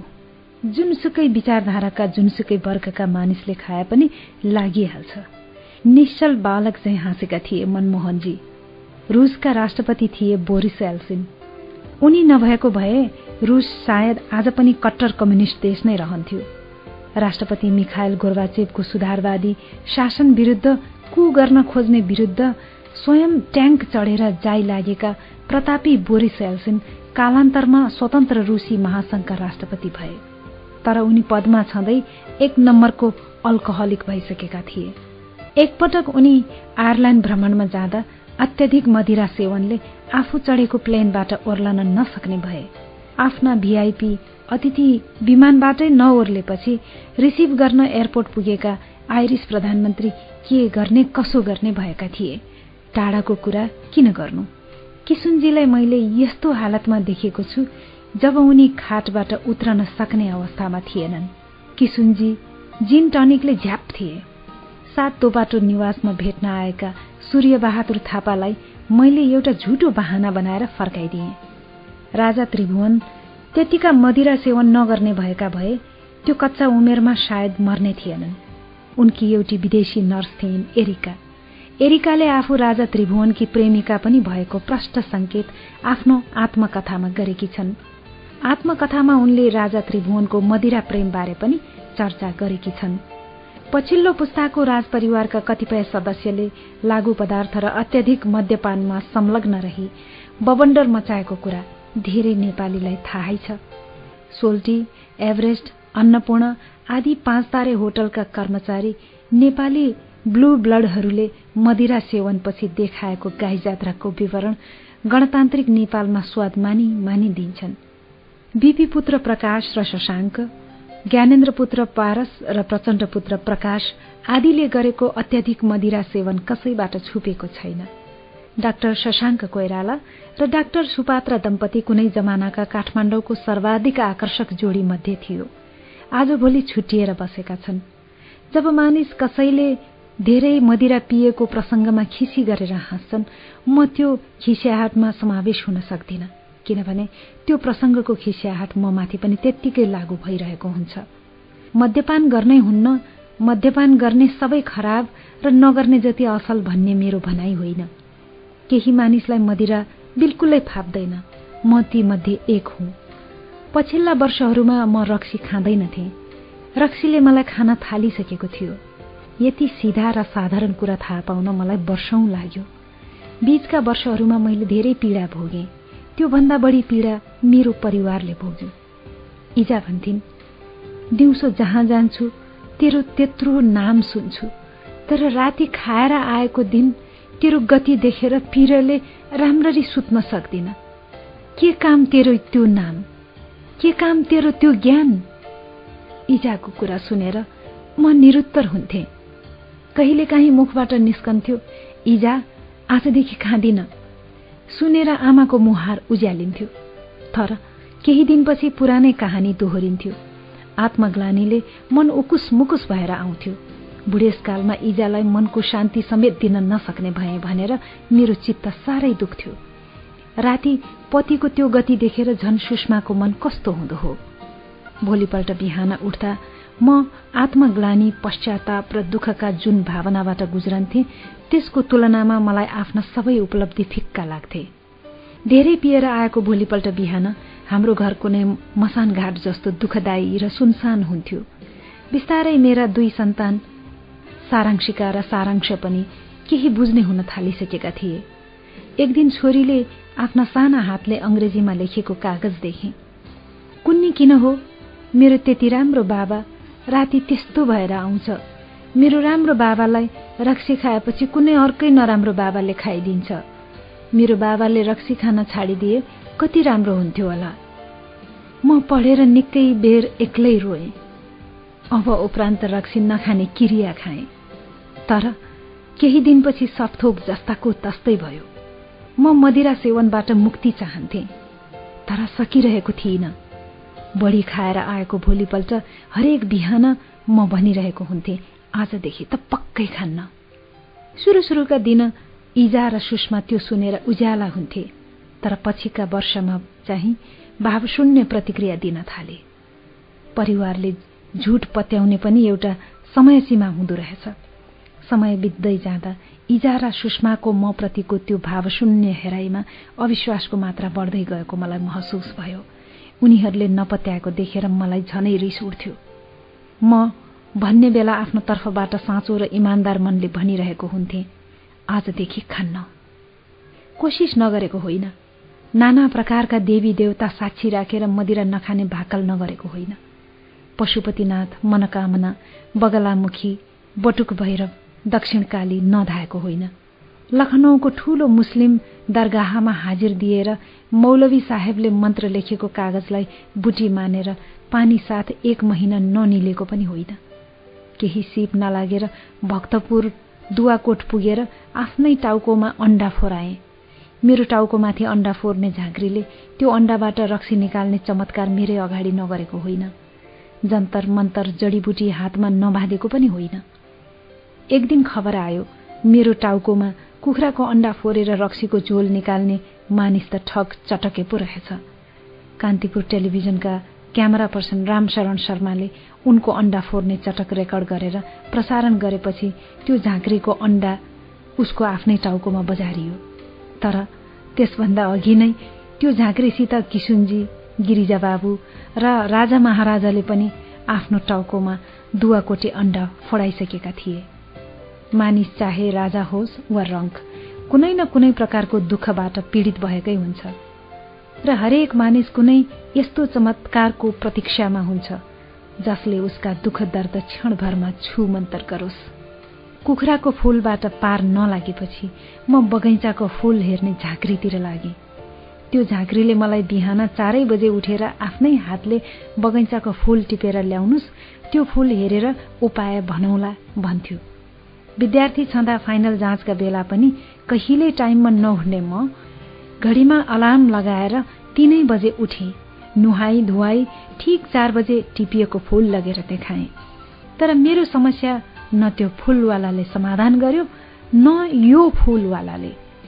वर्षौंपछि फूल र फूलका प्रसङ्ग लेख्न बस्दा रमाइलो जोक झैँ लाग्छ अन्धविश्वास प्रतीत हुन्छ। तर त्यसबेला यिनै कर्मले मेरो दुःख पार लगाइ पो हाल्छ कि भन्ने ठूलो आशा थियो। म दिशा निर्देश नामक टेलिभिजन कार्यक्रमको सञ्चालक थिएँ तर विडम्बना मेरो आफ्नै जीवन भने दिन प्रतिदिन दिशाविहीन भइरहेको थियो। जति जति समय बित्दै गयो मात्ने रातको संख्या बढ्दै गयो। हप्तामा दुई साँझसम्म घडीको चालसित चल्नुपर्ने। स्क्रिनमा ह्याङओभर छ्याङ्गै देखिने टेलिभिजन जस्तो माध्यममा काम नगर्ने भएको भए अझ कति साँझ पो मात्थे होला। कट्टर कुमाई ब्राह्मण पृष्ठभूमिको मेरो परिवारमा रक्सीको त कुरै छाडौं भान्सामा लसुन प्याज समेत वर्जित थियो। इजा अहिले पनि माछा मासुबाट सात हात पर छिन् मेरो जन्म बैतडीमा भयो। म पाँच वर्षको छँदा नैनीतालमा भएको बस दुर्घटनामा बुबाको देहवसानपछि मेरो पालन पोषण मामाहरूले काठमाडौँ ल्याएर गरे। सुदूरपश्चिम नेपालको सिधा सादा सोझो आफ्नो मेहनत र योग्यताबाट गरी खाने संस्कारमा हुर्केको बालक थिए म। मेरो ठूलो मामा प्राध्यापक दिव्यदेव भट्ट आफ्नो कठोर अनुशासनका निम्ति कहलिएका थिए। वनस्पति शास्त्रमा पीएचडी गर्ने पहिलो नेपाली पछि सचिव भए राजदूत पनि। माइला मामा उद्धवदेव भट्ट नेपालको असंलग्न परराष्ट्र नीतिको जग हाल्ने कूटनीतिज्ञ मध्ये एक हुन्। कूटनीतिक क्षमता शालीनता र भद्रताका निम्ति त्यत्तिकै नामी। परराष्ट्र सचिव हुँदै संयुक्त राष्ट्र संघमा स्थायी प्रतिनिधि भए र मेरो प्रिय कान्छो मामा वासुदेव आफ्नो मनमा लागेको कुरा प्रष्ट बोल्थे। त्रिभुवन विश्वविद्यालयका पूर्व उपकुलपति त्रैलोक्यनाथ उप्रेती नातामा ठूलो बुवा हुन्। हकी स्वभावका वरिष्ठ अधिवक्ता लवदेव मामाले मलाई साह्रै माया गर्ने। माइजूले पनि बच्चा छँदा हर साँझ छेउमै रहेको लवदेव मामाको घर जान्थे। त्यहाँ नवभारत टाइम्स र गोर्खापत्र आउँथ्यो। आठ वर्षकै उमेरदेखि अखबार पढ्न थाले। सुरुमा हप्तामा एक दिन पढ्थे। शनिबारको गोर्खापत्र र आइतबारको नवभारत टाइम्स। बालकथा र कार्टुनका निम्ति बिस्तारै अरू पेज पनि पढ्न थाले। दश कक्षा पुगुन्जेल म न्युज पेपर एडिक्ट भइसकेको थिएँ। नपढेको दिन निन्द्रै नलाग्ने। त्यस बेलाका नामी वकिल कृष्णप्रसाद पन्त महिनामा एक दिन मेरो सामान्य ज्ञानको जाँच लिन्थे। धेरै उत्तर मिलाउन सके क्याडबरी दिन्थे। घरमा देश विदेशका ठूला बडाहरूको आगमन नियमित थियो। कहिले काहीँ साँझ पख मामाहरूले पाहुनाका साथ ड्रिङ्क लिने गर्थे तर अत्यन्तै लिमिटमा। यदा कदा बैठकमा सोडा वा पानी म पुर्याइदिन्थे। एकजना सम्झन्छु आनन्द जोशीजी हाम्रा पारिवारिक आफन्त मामाहरूसँग बेला बखत ड्रिङ्क गर्न आउँथे। सरकारी सेवामा सचिव पदसम्म पुगे च्याउसे ख्याउटे शरीरमा हड्डी मात्र भएका। दुई तीन पेग लिएपछि उनको सानो च्याउसे शरीरले आकाशमा उड्दै गरेको भङ्गेरा झैँ भावभङ्गीमा बनाउँथ्यो। त्यो देखेर सबै गलल्ल हाँस्थे। एक प्रकारका विदूषक बन्थे आनन्द जोशी रक्सी खाएपछि। आनन्द जोशी कहिले आउलान् रक्सी खालान् भनेर हामी बच्चाहरू कुरी बस्थ्यौं। वर्षौंपछि इजाले आँखाबाट आँसु झार्दै भनिन् याद छ तँलाई? हामी जोशीजीलाई हेरेर कति हाँस्थ्यौं।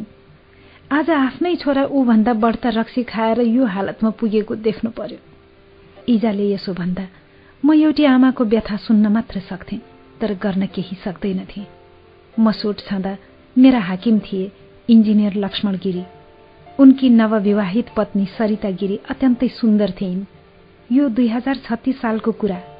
दुई चार पटक लक्ष्मण गिरीसँग बसेर पिउने मौका पर्यो। एकपटक इन्जिनियर दीपक झा प्रकाशजङ शाह लक्ष्मण गिरी म र अन्य ओभरसियर दाङ र देउखुरी बीचको पहाडीमा पर्ने चौपटामा पिउँदै थियौं। दीपक झा चाहिँ एलगिरी एलगिरी भन्दै हातले फोहोर फोहोर इसारा गरेर लक्ष्मणलाई जिस्काउँदै थिए। हामी हाहा हुहु गरेर रमाइलो मान्दैथ्यौं मन मिल्ने लोग्ने मानिसहरू कुनै ठाउँमा जाने बित्तिकै ढिलो चाँडो त्यहाँ यौन सन्दर्भका वास्तविक र काल्पनिक गफले प्रवेश गरिहाल्छ। केटी साथीहरू पनि आपसमा भेट हुँदा त्यसरी नै छिल्लिन्छन् कि कुन्नी? त्यो हदसम्म छाडा त नहोलान्। शालीनताका हिसाबले औसत रूपमा नारी पुरुषभन्दा परिष्कृत प्राणी हो जस्तो लाग्छ मलाई। ती दिनहरूमा लक्ष्मण गिरी बडा रमाइलो गरेर रक्सी खाने सोसल ड्रिङ्कर थिए। समय चक्रमा सबै बदलियो। म पेसा परिवर्तन गरेर पत्रकार भएँ सरिता गिरी काठमाडौँ आएर स्कुल टिचर भइन् पछि राजनीतिमा लागिन्। चौपट्टाको जंगलमा भेटिएकी सोझी र छरिती सरिता काठमाडौँ आएपछि चतुर र मोटी भइन्। अभिनेता राजेश हमालका नजरमा समेत सेक्सी महिला नेत्री दरिन् मन्त्री पनि भइन्। तर यसबीचका वर्षहरूमा लक्ष्मण गिरी चाहिँ पुरै अल्कोहलिक भए। उनी बढी रक्सी खाएका कारण अस्पतालमा समेत भर्ना भए। उनकी छोरी इरिना र मेरी छोरी सारांशीका बुढानीलकण्ठ स्कुलमा सहपाठी थिए। एक दिन सुने लक्ष्मण गिरी छोरी भेट्न आउँदा हिँड्नै नसक्ने गरी टिल्ल थिए। इरिनालाई कस्तो लाग्यो होला भन्ने सोचेर म भावुक भएँ। इरिना आजभोलि विदेशमा छिन्। बीचका वर्षहरूमा सरिताले बडा मेहनतले छोराछोरी हुर्काइन्। एकपटक लक्ष्मण गिरी साह्रै सिरियस हुँदा स्कुलका सबै क्लासमेट बच्चाहरू उनलाई भेट्न अस्पताल गए। बुढा नीलकण्ठ स्कुलमा पढेका बच्चाहरूबीच जुन बलियो प्रीत छ त्यो अतुलनीय छ। एक अर्काको दुःख सुखमा जुन अपनत्वले उनीहरू सहभागी हुन्छन् सहोदर परिवारवाला पनि सायद त्यस्तो नगर्लान्। जब जब मैले इरिनालाई देखेँ उसमा आफ्नै छोरी साराङ्शिकाको छाया पाएँ। आजको दिनमा पनि जब म कुनै यस्तो बच्चा देख्छु जसका पिता अनियन्त्रित मद्यपान गर्छन्। मेरो मन रसाएर आउँछ। सोध्छु आज मलाई जुन कुरा अनुमान गर्दा पनि पीडा हुन्छ त्यही कुरा भोग्ने बेला मेरो परिवार र स्वजनहरू कति धेरै कष्टबाट गुज्रे होलान्। हुन त एकै दिनमा धेरै पिउने भएको होइन। त्यहाँसम्म पुग्न वर्षौं लाग्यो। मसोट छँदा मैले मुस्किलले दस दिन पिएँ। त्यहाँ मेरो समस्या मदिरा होइन। महत्वाकांक्षा थियो। मसोटमा चार महिना नबित्दै लाग्न थाल्यो इन्जिनियरिङ मेरा लागि उपयुक्त पेशा होइन। दरखास्त मात्र हालेको भए म इन्जिनियरिङ पढ्न तत्कालीन सोभियत संघ सहजै जान सक्थेँ। तर मसोटमा बिताएको समयभित्रै मलाई लाग्न थाल्यो मैले कुनै अर्कै क्षेत्रमा करियर बनाउनु पर्छ। त्यसबेलाको नेपालमा इन्जिनियर बनेर म आर्थिक रूपले सुरक्षित जीवन बाँच्न सक्थेँ। तर मलाई लाग्यो इन्जिनियरिङ करियरले मेरो जीवनलाई सजिलो बनाए पनि खुसी दिने छैन। म पेसा बदल्न चाहन्थे। तर कुन क्षेत्र समात्ने? मसित उत्तर थिएन। जीवनमा उद्देश्य नभएको मानिस मृत हो। महत्वाकांक्षा भएको तर हृदयमा प्रेम नभएको मानिस पनि मृत हो। जसको जीवनमा केही गर्ने उद्देश्य र मनमा प्रेम छ त्यही मानिस पूर्ण जीवन्त हो। Pearl Bailey. दुई हजार छत्तीस सालको एक दिन मसुट खोला। साइट अफिसमा हेड अफिसबाट गोप्य अत्यन्त जरुरी छाप लागेको सर्कुलर आयो जसमा भनिएको थियो सड़क विभागका चीफ इन्जिनियर बीपी शाह सड़क निरीक्षणका लागि आउनुहुनेछ। यो खबरले सुनसान मसोटमा हल्ली खल्ली मचायो जिल्लामा पोस्टिङ हुनेहरूका निम्ति चीफ इन्जिनियर सड़क विभागको राजा सरह हुन्थ्यो। दाङको तुलसीपुरदेखि देउखुरीको लमहीसम्म फैलेको हाम्रो प्रोजेक्टमा कार्यरत सबै ओभरसियरलाई आआफ्नो क्षेत्रको ट्र्याक सकेसम्म राम्रो अवस्थामा राख्न निर्देशन आयो हामीले पनि आफ्नो सेक्सनमा पर्ने रोड ट्र्याकलाई दिन रात मेहनत गरेर जीप गुड्ने बनायौं। चिफ साहबलाई चढाउन ठेकेदारले टाढा गाउँबाट तीनवटा कुखुराको भाले ल्यायो। यी बदिया भाले हुन्। खसी बनाइएका भाले। बच्चा छँदै सिउर काटेर खसी पारिएका भाले। स्वाद गजब हुन्छ हजुर। त्यस्तो खाले कुखुराको भाले त्यसअघि देखेको सुनेको थिइन। चिफ साहब आउने दिन बिहानै उठेर नुहाई धुवाई गर्यौं। मानौ कुनै ठूलो चाडपर्व हो। दुई घण्टा जति धुल्याममा सड़कमा उभिएपछि टाढा जीपको लस्कर देखियो। हामी सड़क किनारामा पंक्तिबद्ध भयौं। हाम्रो विश्वास थियो चिफ साहबको गाडी रोकिएला। हाम्रो भलाकुसारी होला परिचय होला। आखिर त्यतिका दिन ट्र्याक तयार पार्न हामी खटिएका थियौं। दिउँसो बाह्र बजेतिर जीपको लस्कर देखियो। हामी उभिएको ठाउँ नजिक आयो र नरोकिकनै अगाडि बढ्यो। म हेरेको हेरै भए। मेरो अगाडि जीपले उडाएको धुलो बाहेक केही थिएन। त्यस दिन मैले आफू र त्यो धुलो बीच कुनै फरक पाइन। आफ्नो अस्तित्वको कुनै अर्थ देखिन। रात दिन खटिएर बाटो तयार गर्दा पनि चिफ साहबको गाडी रोक्दै नरोकी जाने हो भने आफ्नो के हैसियत भयो र? यो सोचाइले मलाई लामो समयसम्म छाडेन। आज सोच्छु मैले त्यो घटनालाई चाहिने भन्दा धेरै संवेदनशील भएर लिएको रहेछु। मैले जीवनमा धेरै घटनालाई बढी नै सेन्सिटिभ भएर लिएको रहेछु। भावुक मानिसले बढी दुःख पाउँछ देवताले दिए भन्दा बढी दुःख बेहोर छ रोक्न त जीप अर्को ओभरसियरको साइटमा पनि रोकिएको थिएन। उसले यसलाई सामान्य रूपले लियो। उसका निम्ति प्रसङ्ग त्यही सिद्धियो। मेरा निम्ति सुरु भयो। आँखा अगाडि केवल धुल्याम्य बादल थियो र धुलोकै कण बराबर मेरो अस्तित्व थियो। मलाई लाग्यो चिप साहबले जान मेरो अपमान गरे। कहिलेकाहीँ हामी आफ्नै मनको कुण्ठाका कारण उत्पन्न हुने हीन भावनाका निम्ति कुनै चिन्न जानको निर्दोषलाई दोषी घोषित गरिदिन्छौ। मैले त्यस दिन गरे झै। बिचराको दोष यति मात्र थियो। म उभिएको ठाउँ उसले जीप रोकेन मसित बोलेन मेरो अहंकारको तुष्टि गरेन। अहंकार यस्तो घाउ हो जसलाई बोकेर मानिस हिँड्छ। बाटोमा कसैले जानेर नजानेर दिएको सानो धक्काले पनि त्यो घाउ धेरै दुख्छ। जति ठुलो घाउ उति धेरै पीडा। पीडा अरूको धक्काले भन्दा पनि आफ्नो घाउको साइजले दिन्छ भन्ने बुझ्न मलाई वर्षौं लाग्यो। मेरो घाउ ठुलो थियो। सानो धक्काले पनि धेरै दुख्यो। त्यस रात मैले धेरै रक्सी खाएँ। मेरो घाइते अहंकारले मसोटबाट फर्कने निर्णय गर्यो। मेरो मनमा एक यस्तो मान्छे बनेर देखाउने रहर चल्यो जो सडकमा उभिएको किन नहोस्। उसले हात दिँदा हिँडिरहेका मानिस र गुडिरहेका गाडी एकछिन भए पनि रोकिउन् त्यस साँझको जमघटमा रक्सीको सुरमा मैले गफ दिएँ। बुझ्नुभयो कुनै दिन म पनि केही बनेर देखाइदिन्छु। त्यहाँ ठेकेदारको एउटा प्राविधिक पनि थियो। मेरो कुरा सुनेर ऊ जोर जोरले हाँस्यो।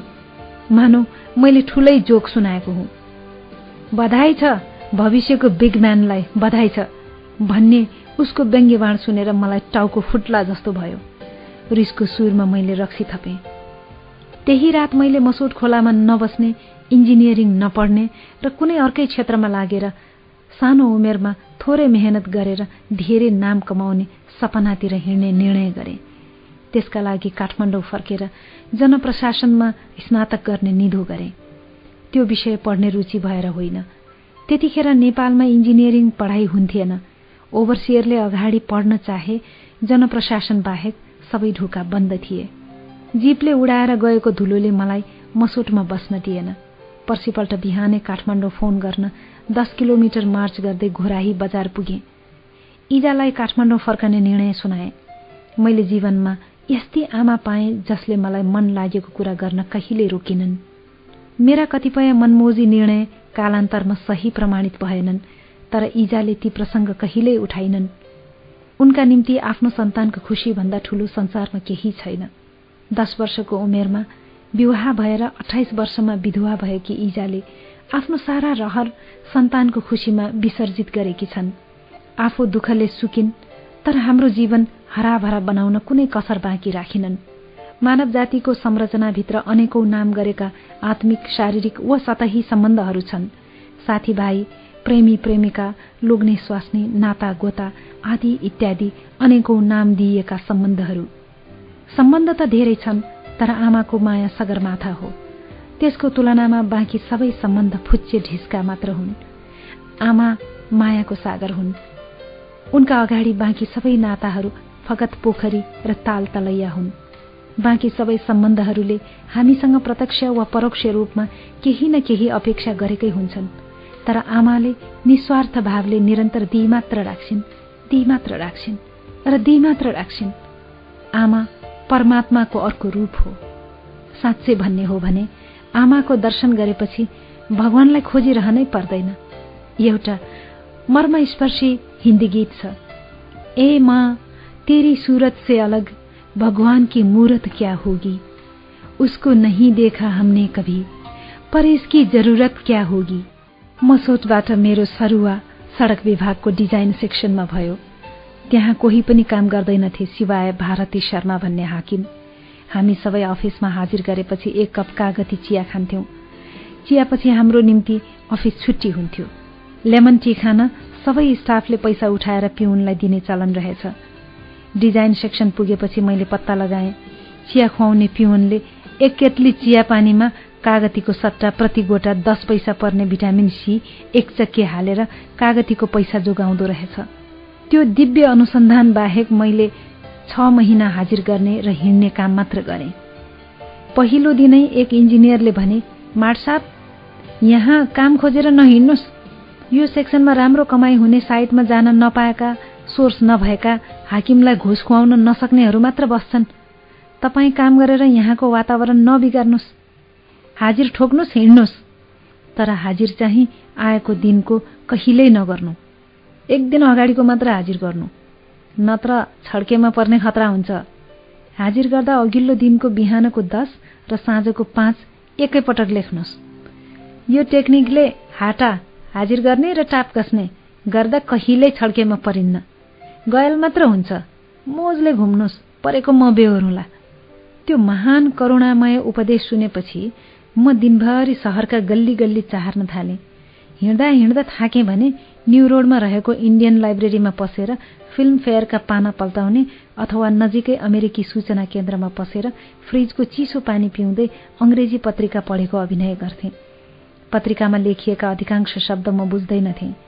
थकाइ मार्न र चिसो पानी पिउन अङ्ग्रेजी बुझेको अभिनय गर्थेँ। कुन्नी के खोजेर पो हो? सडक बजार र गल्ली गल्ली भौतारिन्थेँ म। मसोटबाट त म सपना पूरा गर्न काठमाडौँ फर्केको थिएँ। तर यहाँ आएर अर्थ न बर्थ बेकारका गतिविधिमा हराएँ। न ओभरसियरको काम गर्ने जाँगर बाँकी रह्यो न त अगाडि इन्जिनियरिङ पढ्ने रुचि। भविष्यमा के गर्ने अत्तो पत्तो केही भएन। दिनभरि यताउता गर्दा गर्दै साँझ पर्थ्यो। चिया चुरोटमै दिन बित्थ्यो जमाना सस्तो थियो। आकाङ्क्षा थोरै थिए। सुका कप चिया पाइन्थ्यो। अर्को सुका थपे चनाचिउरा बाल्यकालदेखि नेवार साथी धेरै थिए। घरमा कुखुरा नचल्ने बेला पनि मैले बजारमा राँगाको छोयला कचिला र भुटनको स्वादन गरिसकेको थिएँ। साँझपख बाटो छेउ पातमा मोमो खान तीन सुका खल्तीमा भए पुग्थ्यो। बाहुन छेत्रीले नखाने हुँदा सहरमा मोमो भन्नाले ठूलो खसीकै मोमो बुझिन्थ्यो। पद्मोदय स्कुल छेउ साँझपख प्रभात स्टोभ बालेर मोमो बेच्ने मैया सम्झन्छु। बाहुन बाजे भएर पनि मोमो खाने जिस्कँदै भन्थे। हाँस्दै दुई गेडा फोसा थपेर दिन्थे। दिनभरि हिँड्दा हिँड्दा थाकेको शरीरमा बेलुकी पख उसका रसिला मोमोको स्पर्श तृप्ति कसरी भुलौँ म? ती दिनमा कुन्नी के खोजेर भौतारिन्थे म? इन्जिनियरिङ जस्तो सुरक्षित पेसामा लाग्न छाडेर किन भौतारिन्थे म? फैज अहमद फैजको शेर झैँ भयो जिन्दगी सुबह होती है शाम होती है जिन्दगी यूं ही तमाम होती है। कुन कुरा कामको हो कुन बेकामको मेरो जीवनको प्राथमिकता के हो के होइन? धेरै कालसम्म मलाई रत्तिभर मतलब भएन। नभएकोमा गुनासो पनि छैन। मलाई लाग्छ जीवनको एक काल मानिस दिग्भ्रमित हुँदै भौतारिनुमा खराबी धेरै छैन। पछि त्यसबाट फुत्कनुको जो मजा छ हो त्यसैले जीवनमा पूर्णताको रङ थप्छ। पूर्णतामा बाँचेको जीवन भन्नु एकहोरो एकै खाले घटनाको समजोड होइन। अनेकौं परस्पर विपरीत रंग मिले पो इन्द्रिणी। तातो घाममा नहिँडेको मानिस शीतलताको महत्वलाई कसरी बुझ्न सक्छ? जाडोमा नकठ्याङ्ग्रिएको कसैले न्यानोपनलाई त्यसको सम्पूर्णतामा कसरी अनुभूत गर्न सक्छ र भ्रम र स्पष्टता विपरीत तापक्रम भएका अनुभूति हुन्। निरुद्देश्य बरालिनु र पूर्व निर्धारित बाटोमा हिँड्नुका विष निरुद्देश्य बरालिनु र पूर्व निर्धारित बाटोमा हिँड्नुका विषयमा पनि यही भन्न सकिन्छ। नाङ्गो आँखाले हेर्दा कन्ट्राडिक्टरी देखिन्छन् तर गहिरिएर हेरे थाहा लाग्छ कन्ट्राडिक्टरी मात्र होइनन्। कम्प्याटेबल पनि छन्। एक आपसमा विपरीत छन्। त्यसैले त यिनीहरू एकत्रित हुँदाको आनन्द अवर्णनीय छ। तातो र चिसो अग्लो र होचो स्त्री र पुरुष भ्रम र स्पष्टता संसारका सबै विपरीतार्थ झैँ देखिने कुरा यथार्थमा जोडिएका छन्। जोडिएका छन् र पो जीवन छ। तारमा नेगेटिभ र पोजिटिभ छ। र पो बिजुली। जब कोही भन्छ फलानुको सन्तान त बरालियो बिग्रियो। मेरो अनुभव भन्छ कोही बरालिँदैमा सधैँको लागि बिग्रेको नभन्नु। बरालिनु भौतारिनु एक क्षणिक अवस्था मात्र पनि हुन सक्छ। एक भनाइ छ सबै बरालिनेहरू उद्देश्यविहीन हुँदैनन्। विशेष गरी ती जो चलन चल्तीको भन्दा बेग्लै सत्यको खोजीमा हुन्छन्। म पत्रकार नभएको भए त्यसरी बेसुरमा हिँड्दा मानिसले खत्तम पागल भएछ भन्थे होलान्। पत्रकारिताले मानिसलाई बिना काम बेकार बाइज्जत बरालिने सुविधा दिन्छ। जसले जहाँ भेटे पनि रिसर्चमा हिँडेको भन्न सकिन्छ। देवालय होस् या वेश्यालय कसैले फेला पार्दा स्टोरी रिसर्चमा हिँडेको ढुक्कैसित भन्न पाइन्छ। मसोटबाट फर्केको दुई वर्ष नबित्दै मैले पनि रिसर्चमा हिँडेको दावी गर्ने लाइसेन्स पाएँ। म पत्रकार भएँ। व्यवस्था चाहे पञ्चायती होस् या बहुदलीय या गणतान्त्रिक म दृष्टिकोणका हिसाबले हमेसा एउटै मान्छे रहे।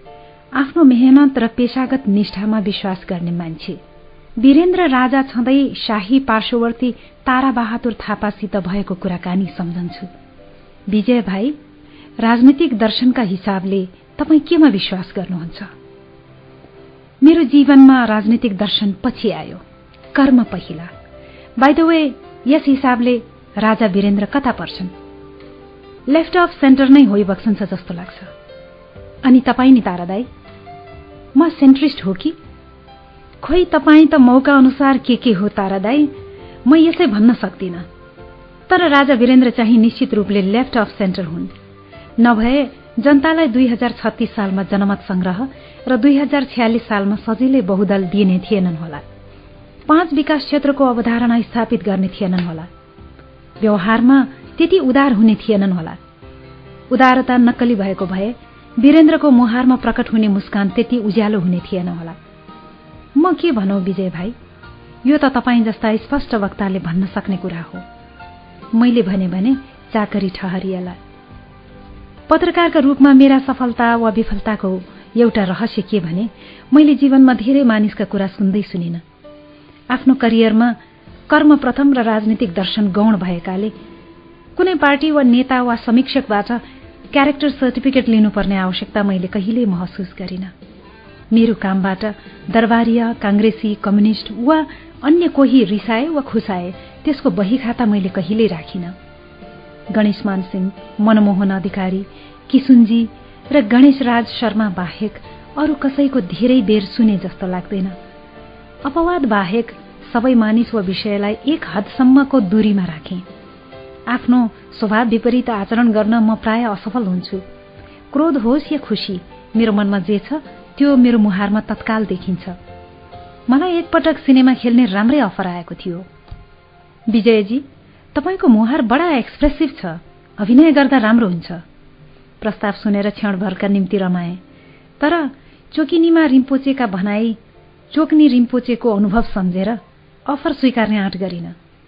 त्यो अनुभवबारे चोक्ने रिम्पोजेले आफ्नो पुस्तक ओपन हार्ट ओपन माइन्डमा यसरी लेखेका छन्। सेतो गुम्बामा मेरा दाजु चोकिनीमा रिम्पोचेलाई भेट्न गएको थिएँ। एउटा मानिस आयो र भन्यो म बर्नाडो बर्टलुसी हुँ। लिटिल बुद्ध नामक सिनेमाको निर्देशन गर्दैछु। मलाई तपाईँको मुस्कान मन पर्यो। त्यसैले तपाईँलाई एउटा रोल दिन चाहन्छु। भोलि आउन सक्नुहुन्छ? हुन्छ आउँछु। भोलिपल्ट क्यामेरा सामु पुगेँ। अस्कर अवार्ड विजेता बार्टलुचीले मलाई क्यामेरा सामु गएर मुस्कुराउनु भने। अनेक कोसिस गर्दा पनि मैले त्यसो गर्न सकिनँ। मैले त जीवित मानिस सामु मात्र मुस्कुराउन जानेको थिएँ। त्यहाँ त बेजान लेन्सको अगाडि मुस्कान दिने कुरा पो चलिरहेको थियो। मैले सकिनँ। तर पनि बार्टलुचीले हार मानेनन्। भोलिपल्ट सेटमा फेरि फिल्म सुटिङ हेर्न आउने निम्ता दिए। म चार पाँच दिन सुटिङ हेर्न गएँ। सारा प्रतिक्रियाबाट निराश भएँ। सबै थोक कृत्रिम महसुस भयो। मेकअप गर बत्तीहरू मिलाऊ पटक पटक रिहर्सल गर। निर्देशकले इसारा गर्ने बित्तिकै हाँस ए रो एउटै दृश्यलाई कोण कोणबाट खिच? सब थोक पट्यार लाग्दो र नक्कली लाग्यो। अन्तत उनीहरूले मेरो साटो कोही अरूलाई त्यो रोल दिए। टन्टै सकियो यो अनुभवको बेफाइदा के भयो भने कुनै पनि सिनेमा हेर्ने मेरो रुचि नै मर्यो फिल्म हेर्न गए सोच्थे यो सिन वास्तवमा यस्तो कहाँ छ र? कति गरेर खिचिएको होला? बत्ती क्यामेरा रिटेक कति जात्रापछि पो यस्तो देखिएको हो। यस्ता विचार मनमा आउने बित्तिकै फिल्म हेर्ने उत्साह मर्थ्यो। चार पाँच वर्षसम्म म सिनेमाको आनन्दबाट वञ्चित भएँ। तर बिस्तारै मेरो दृष्टिकोण बदलियो। मैले अलि सकारात्मक भएर सोच्न थालेँ। जीवन आफै पनि त सिनेमा जस्तो छ नि। एक होइन अनेक घटना र अनुभवका धेरै कोण मिसाइएपछि मात्र जीवनरूपी सिनेमा तयार हुन्छ। अनेकौं कारण र घटना एकै ठाउँमा जम्मा भएपछि मात्र त्यो निर्माण हुन्छ जसलाई हामी जीवन भन्छौं। यस्तो थाहा पाउने बित्तिकै फेरि सिनेमाको मजा लिन थाले। तर यसपटक आफ्नो मनलाई स्क्रिनभन्दा अलिकति दूरीमा राखेर मैले बुझेँ त्यो दृश्य पर्दामा छ।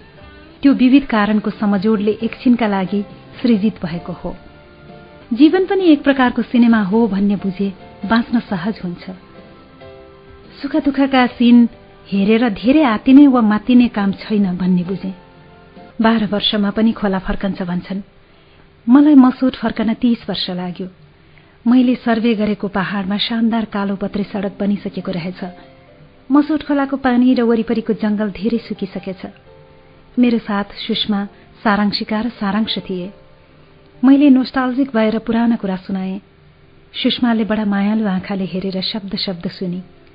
यो ठाउँसँग मेरो साइनो सुषमा भन्दा पुरानो थियो। छोराछोरीले खासै रुचि दिए जस्तो लागेन। छोराको मुहारमा हे के बेकारको कुरा सुनाएको? भने जस्तो भाव देखियो। हरेक पुस्ताका आफ्नै प्राथमिकता हुँदा रहेछन्। सैद्धान्तिक रूपमा त मलाई पनि थाहा छ। मानिससँग भएको एकमात्र समय वर्तमान हो। विगत बितिसक्यो भविष्य आएकै छैन। तर पनि कुन्नी किन हो? म बारम्बार आफूलाई युवा अवस्थाका ससाना कुरातर्फ फर्की फर्की निहालिरहेको पाउँछु। बासु भट्टाचार्य निर्देशित छोटी सी बात सिनेमाको गीत झैं। न क्यों होता है ये जिंदगी के साथ? अचानक ये मन किसी के जाने के बाद करे फिर उसकी याद छोटी छोटी सी बात।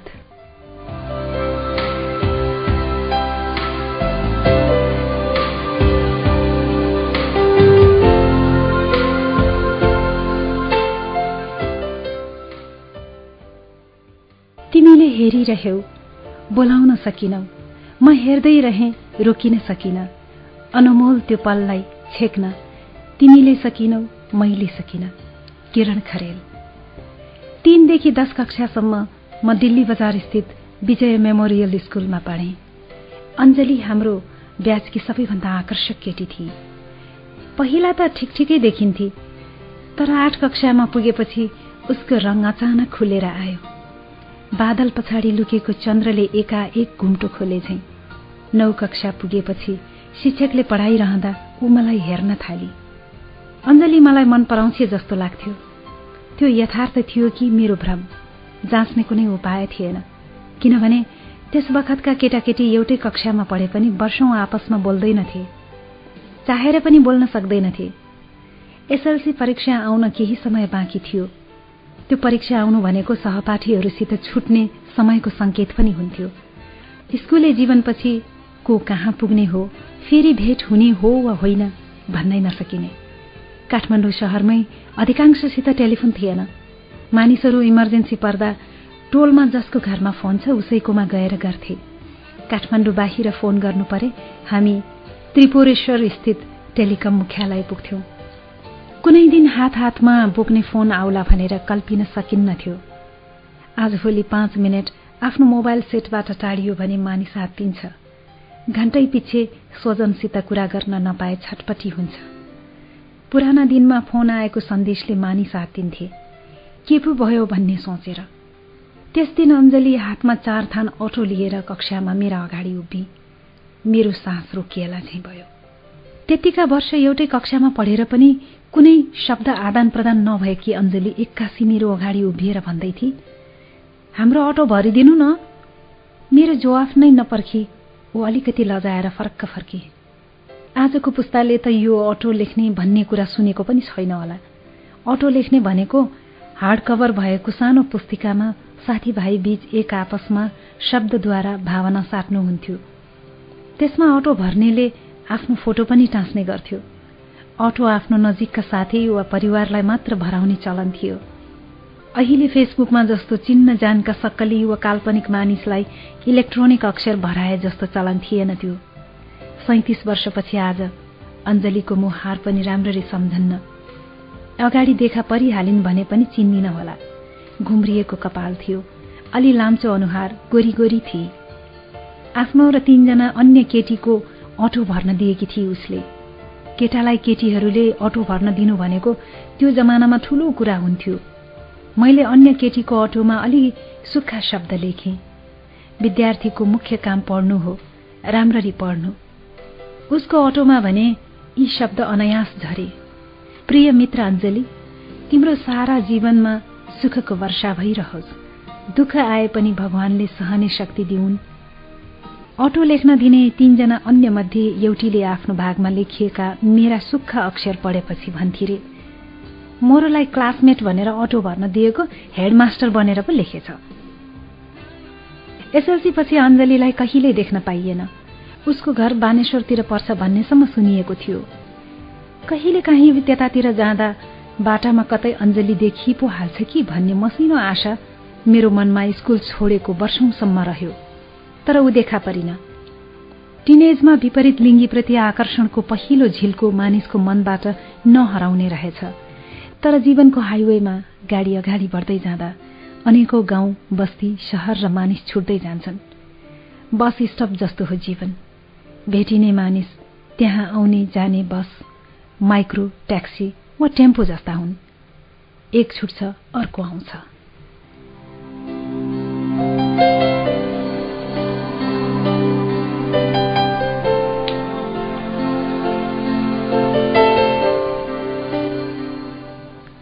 जीवनको गाडी अगाडि बढ्दै गयो। अञ्जलीका सम्झना पछाडि छुट्दै गए। अचम्म लाग्छ। एउटा केटी जसले त्यतिका वर्षमा मसँग हाम्रो अटो भरिदिनु न भन्ने जम्मा चार शब्द बोली। हो उसलाई म आज यो आत्मालाप लेख्न बस्दा यति धेरै सम्झँदैछु। जीवनलाई पछाडि फर्केर हेर्ने आजको बेला सम्झनु पर्ने मुहार त धेरै थिए। धेरै देशी विदेशी साथी थिए। ती कसैलाई नसम्झेर म अनयास अञ्जलीलाई सम्झिरहेछु। अघि नै भनिसके अञ्जली स्कुलकी सबैभन्दा सुन्दर केटी थिए ती दिनहरूमा म चाहिँ मुस्किलले पाँच फुट दुई इन्च अग्लो थिएँ। कालो च्यासे र पुड्के मलाई अञ्जलीले किन हेरिबस्थे म भन्न सक्दिनँ। जुन समयमा म हुर्किएँ कुनै युवक युवतीले आपसमा सामान्य शिष्टाचारका दुई शब्द बोलेको केही बेरमै उनीहरू बीच लभ पर्यो रे भन्ने हल्ला स्कुल कलेज वा टोलभरि नै फैलन्थ्यो। हल्ला बेहोर्ने रिस्क लिनुभन्दा आपसमा नबोलेकै जाति भन्ने मान्यता थियो विशेष गरी केटीहरूको। केटासित नबोले घमण्डीको बिल्ला बोले लप पर्यो भन्ने हल्ला। जे गरे पनि दोष छोरी मान्छेकै बढी। हाम्रो समाजमा स्त्री पुरुष बीच वास्तविक र काल्पनिक सम्बन्ध हल्लाको अधिकांश बोझ नारी पक्षले एक्लै बोक्नुपर्ने हुन्छ। कुनै पनि सम्बन्ध नारी पुरुषले मिलेर बनाएका हुन्छन् तर त्यसमा कुनै एक्सिडेन्ट पर्दा लगभग सारा दोष छोरी मान्छे एक्लैलाई भिडाउने चलन छ। सम्बन्ध एक्सिडेन्टमा परे पुरुष सहजै मुक्त हुन सक्छ। नारी सक्दिन। जे काम गर्दै हिँड्दा पुरुष हिरो र प्ले बोय कहलिन्छ त्यही कामसँग हल्का ठक्कर खाँदा छोरी मान्छे चरित्रहीन ठहरिन्छे दुई दशक अघि राजेश हमालको पूर्ण नग्न तस्विर प्रकाशनमा आयो। चर्चा खासै भएन। भएको धेरथोर चर्चालाई पनि राजेशले वास्तै नगरी हिँडे। केही समयपछि सब सामसुम भयो। तर अभिनेत्री श्रेषा कार्कीको नग्न तस्विरको गाईगुई बजारमा के चलेको थियो उनले आत्महत्या गरिन्। केही वर्ष अघि नम्रता श्रेष्ठको सेक्स टेप बजारमा आयो। धेरैले उनलाई दोष दिए चरित्रहीन भने। त्यही काममा नम्रतासँगै संलग्न पुछमान हो कि के मान नाम गरेको सज्जनको भने कुनै चर्चा भएन। उनले समाजमा नम्रता झैं क्यारेक्टर सर्टिफिकेट लिनुपर्ने आवश्यकता ठानिएन। वर्षौं एकै कक्षामा पढेर पनि केटाकेटी बीच हेलो हाई समेत नहुने हाम्रो स्कुले पुस्ताको युगबाट समाज धेरै टाढा आइपुगेको छ। आज बाह्र कक्षा पनि नपुगेका केटाकेटी एकअर्कालाई अँगालो मार्दै खुले आम बजारमा हिँडिरहेका देखिन्छन्। अझ कोही कोही त क्याबिन रेस्टुराँमा वेटरलाई खानाको अर्डरसँगै रत्तीभर अप्ठ्यारो नमानिकन कन्डम ल्याउन बिर्सिएछ खानासँगै त्यो पनि ल्याऊ भनिरहेका हुन्छन्। यस्तो फरमाइस सुन्दा पनि वेटरले कुनै असामान्य प्रतिक्रिया देखाउँदैन। ज्यादै छिल्लिएको वेटर भए कतिवटा ल्याऊ भन्छ। यस्ता कुरा त हामी सोच्न पनि सक्दैनथ्यौं। हुन त हरेक पुरानो पुस्ताले मैले जस्तै कुरा गर्छ। हामीलाई देखेर हामीभन्दा पुरानाले पनि त्यस्तै महसुस गरे होलान् जो म आज गर्दैछु। अञ्जलीपछि कल्पनालाई सम्झन्छु। कल्पनालाई मैले फ्रेन्च सेन्टरमा भेटेँ। पहिलो पटक देख्दा सोचे कुनै फ्रेन्च महिला होली। स्मार्ट सुट लगाएकी थिए हाम्रो नियमित फ्रेन्च शिक्षिका विदा बसेकीले सट्टा भर्न आएकी थिए फ्रेन्चले भन्दा राम्रो फ्रेन्च बोल्ने कल्पना इतिहासकार बालचन्द्र शर्माकी छोरी हुन्। बुबा फ्रान्स र रुसमा राजदूत भएकाले उतै पढेकी। दाङतिरका कुनै जमिनदारको छोरासँग विवाह भएको तीन वर्ष नपुग्दै डिभोर्स भयो। कल्पना फ्रेन्च सेन्टरमा जोडिएको आफ्नो माइतीमा बस्थे पहिलो विवाहबाट एउटी छोरी भई भूमि। कल्पना भन्थिन् जीवन कल्पनाले नचल्ने रहेछ। त्यसैले छोरीको नाम भूमि राखे। भूमि भनेको कठोर यथार्थ हो। मैले वर्ष दिन जति फ्रेन्च पढे पछि वाक्य तर कल्पनासँगको सङ्गत छाडिन। कल्पनाबाट मैले पाश्चात्य हुनु र आधुनिक हुनु वेस्टर्न र मोडर्न एउटै कुरा होइनन् भन्ने सिकेँ। युरोपमा उच्च शिक्षा लिएकी कल्पना आधुनिक युवती थिइन् तर कोरा वेस्टर्नाइज थिइनन्। हाम्रो पालाको त कुरै छाडौं। आजको पुस्तामा समेत आधुनिक कहलिनाका निम्ति वेस्टर्नाइज नै हुनुपर्छ भन्ने भ्रम छ। कल्पना र म कहिलेकाहीँ लामा लामा सेसनमा कुरा गर्थ्यौं। यत्तिका मैले त्यत्तिका धेरै विषयमा ज्ञान राख्ने नेपाली कमै भेटेको छु नारी त बिरलै। कल्पना मैले संगत गरेको पहिलो आधुनिक केटी भएकीले उसका धारणाहरूको ममाथि बढी प्रभाव पर्नु अस्वाभाविक होइन। कल्पना हमेसा मेरा निम्ति साथी नै रही। कुनै केटा र केटी आपसमा राम्रो साथी हुन सक्छन् र त्यो सम्बन्धको सीमा रेखा तोड्ने विचार उनीहरूको मनमा कहिल्यै नआउन पनि सक्छ भन्ने दुर्लभ अनुभूति कल्पनासँग मैले गर्न पाएँ। हुन त केही मानिस भन्छन् कुनै केटी र केटाका निम्ति एउटा समय सीमापछि राम्रो साथी मात्र भएर बस्न सम्भव छैन।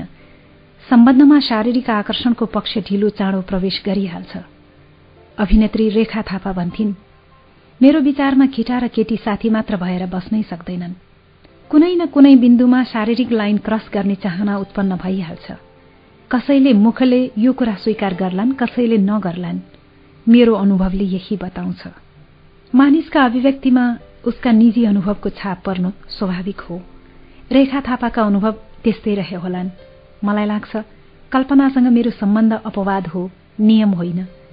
रेखा थापाले भने झै सत्य के पनि हो भने एक निश्चित बिन्दुपछि स्त्री पुरुष मित्रतामा यौनिका आकर्षणको बिन्दु प्रत्यक्ष वा अप्रत्यक्ष रूपमा ढिलो चाँडो प्रवेश गरिहाल्छ। रेखा थापा यसो पनि भन्थिन् हामी साथी मात्र हौ भन्नेहरूले पनि एक अर्कालाई मित्रवत हक गर्ने वाहनामा स्पर्श सुखको मज्जा लिइ नै रहेका हुन्छन्। प्रत्यक्ष स्पर्श नगर्नेले पनि आँखाले वा मनमा नै सेक्स गरि नै रहेका हुन्छन्।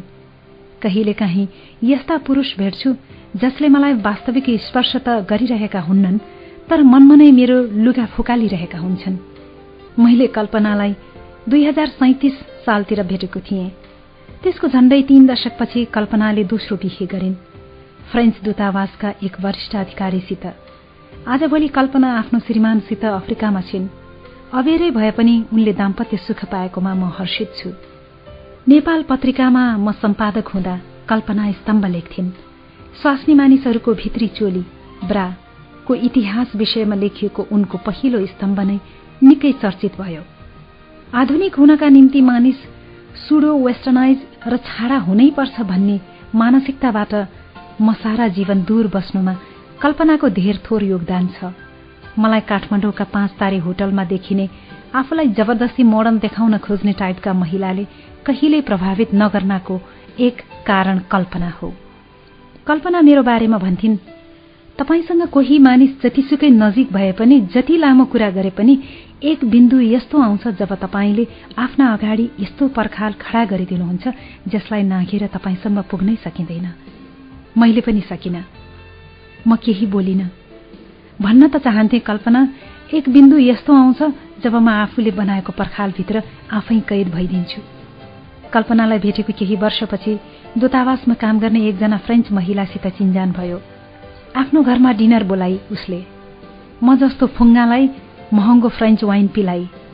मैले पनि जाने नजानेका विषयमा गफ दिएँ। त्यो पनि टुक्रे फ्रेन्चमा। उसले दिक्किएर भने तिमीलाई त्यति राम्रो फ्रेन्च नहुने रहेछ। सिक्दैछु। के तिमीलाई थाहा छ? सबैभन्दा छिटो फ्रेन्च सिक्ने ठाउँ कुन हो? फ्रेन्च सेन्टर जहाँ म पढ्छु। होइन। कहाँ त? स्युग ला बख द लाली। उसले फ्रेन्चमै भने यसको अर्थ हुन्छ ओछ्यानको छेउमा। तिमी छिटो सिक्न चाहन्छौ भने मलाई भन्नु। म छिटो सिकाइदिन्छु। मुस्कुराउँदै आमन्त्रण दिए। म वाल्ल परे। एउटी अञ्जली थिए जसले मसित त्यतिका वर्ष एउटै कक्षामा पढेर पनि जम्मा चार शब्द बोली। अर्की यो गोरी मैया भेट्न साथ प्राइभेट कोचिङ गर्ने अफर दिए। मलाई सोचमा देखेर उसले मेरो ग्लासमा वाइन थप्दै भने के सोचेर बसेको विजय? फ्रेन्च भनेको गर्नेहरूको भाषा हो। सोच्नेहरूको होइन। नजानेको सिकाइदेऊला पिर नगर।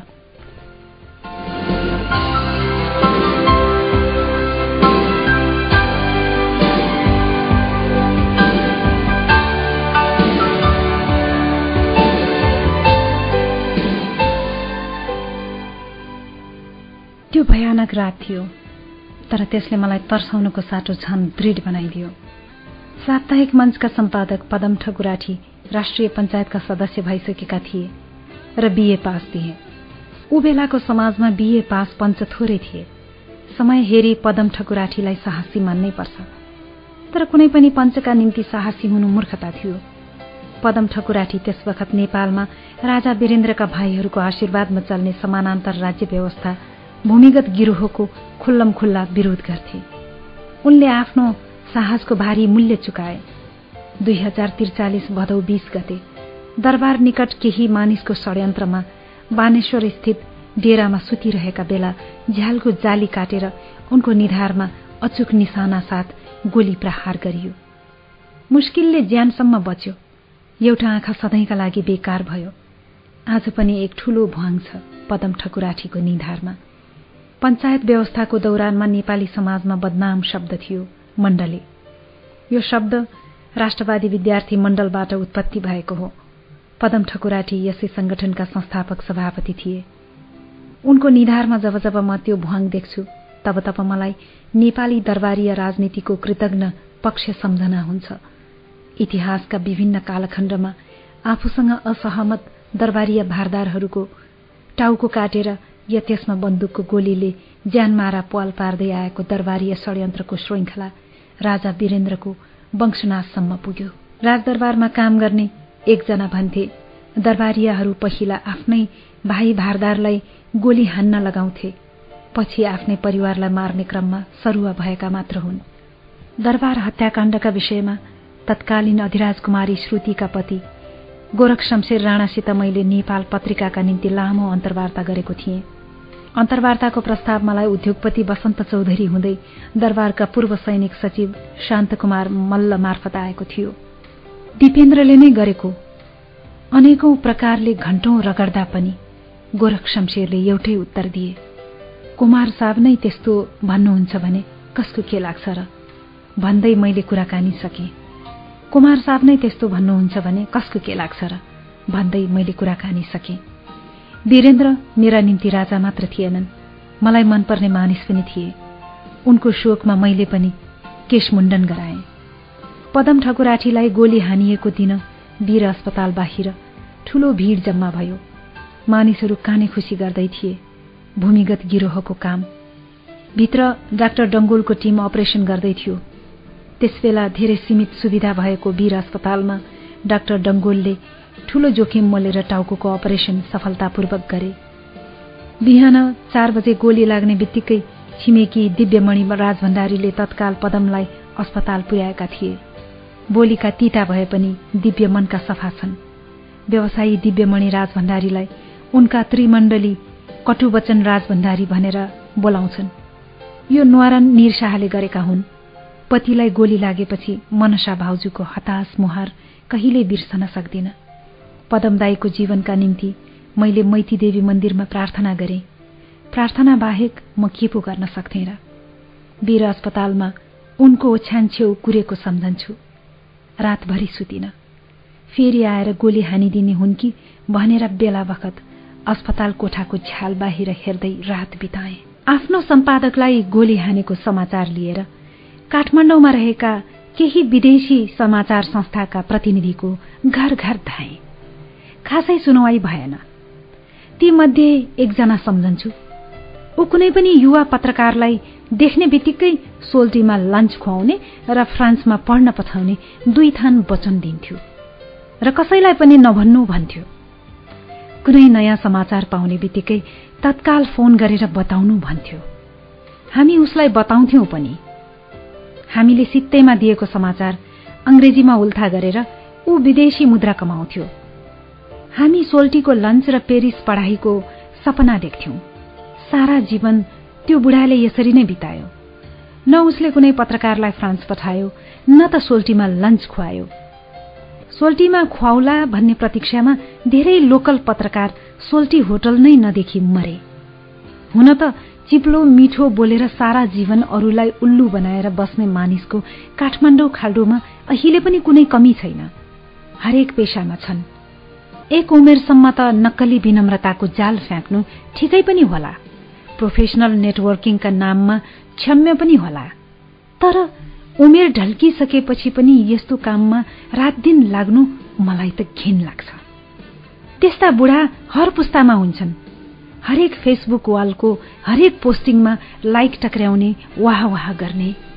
चोरको वालमा पनि वाह वाह सज्जनको वालमा पनि वाह वाह काङ्ग्रेसको वालमा पनि वाह वाह कम्युनिस्टको वालमा पनि वाह वाह वैद्यबाको वालमा पनि वाह वाह कमल थापाको वालमा पनि वाह वाह।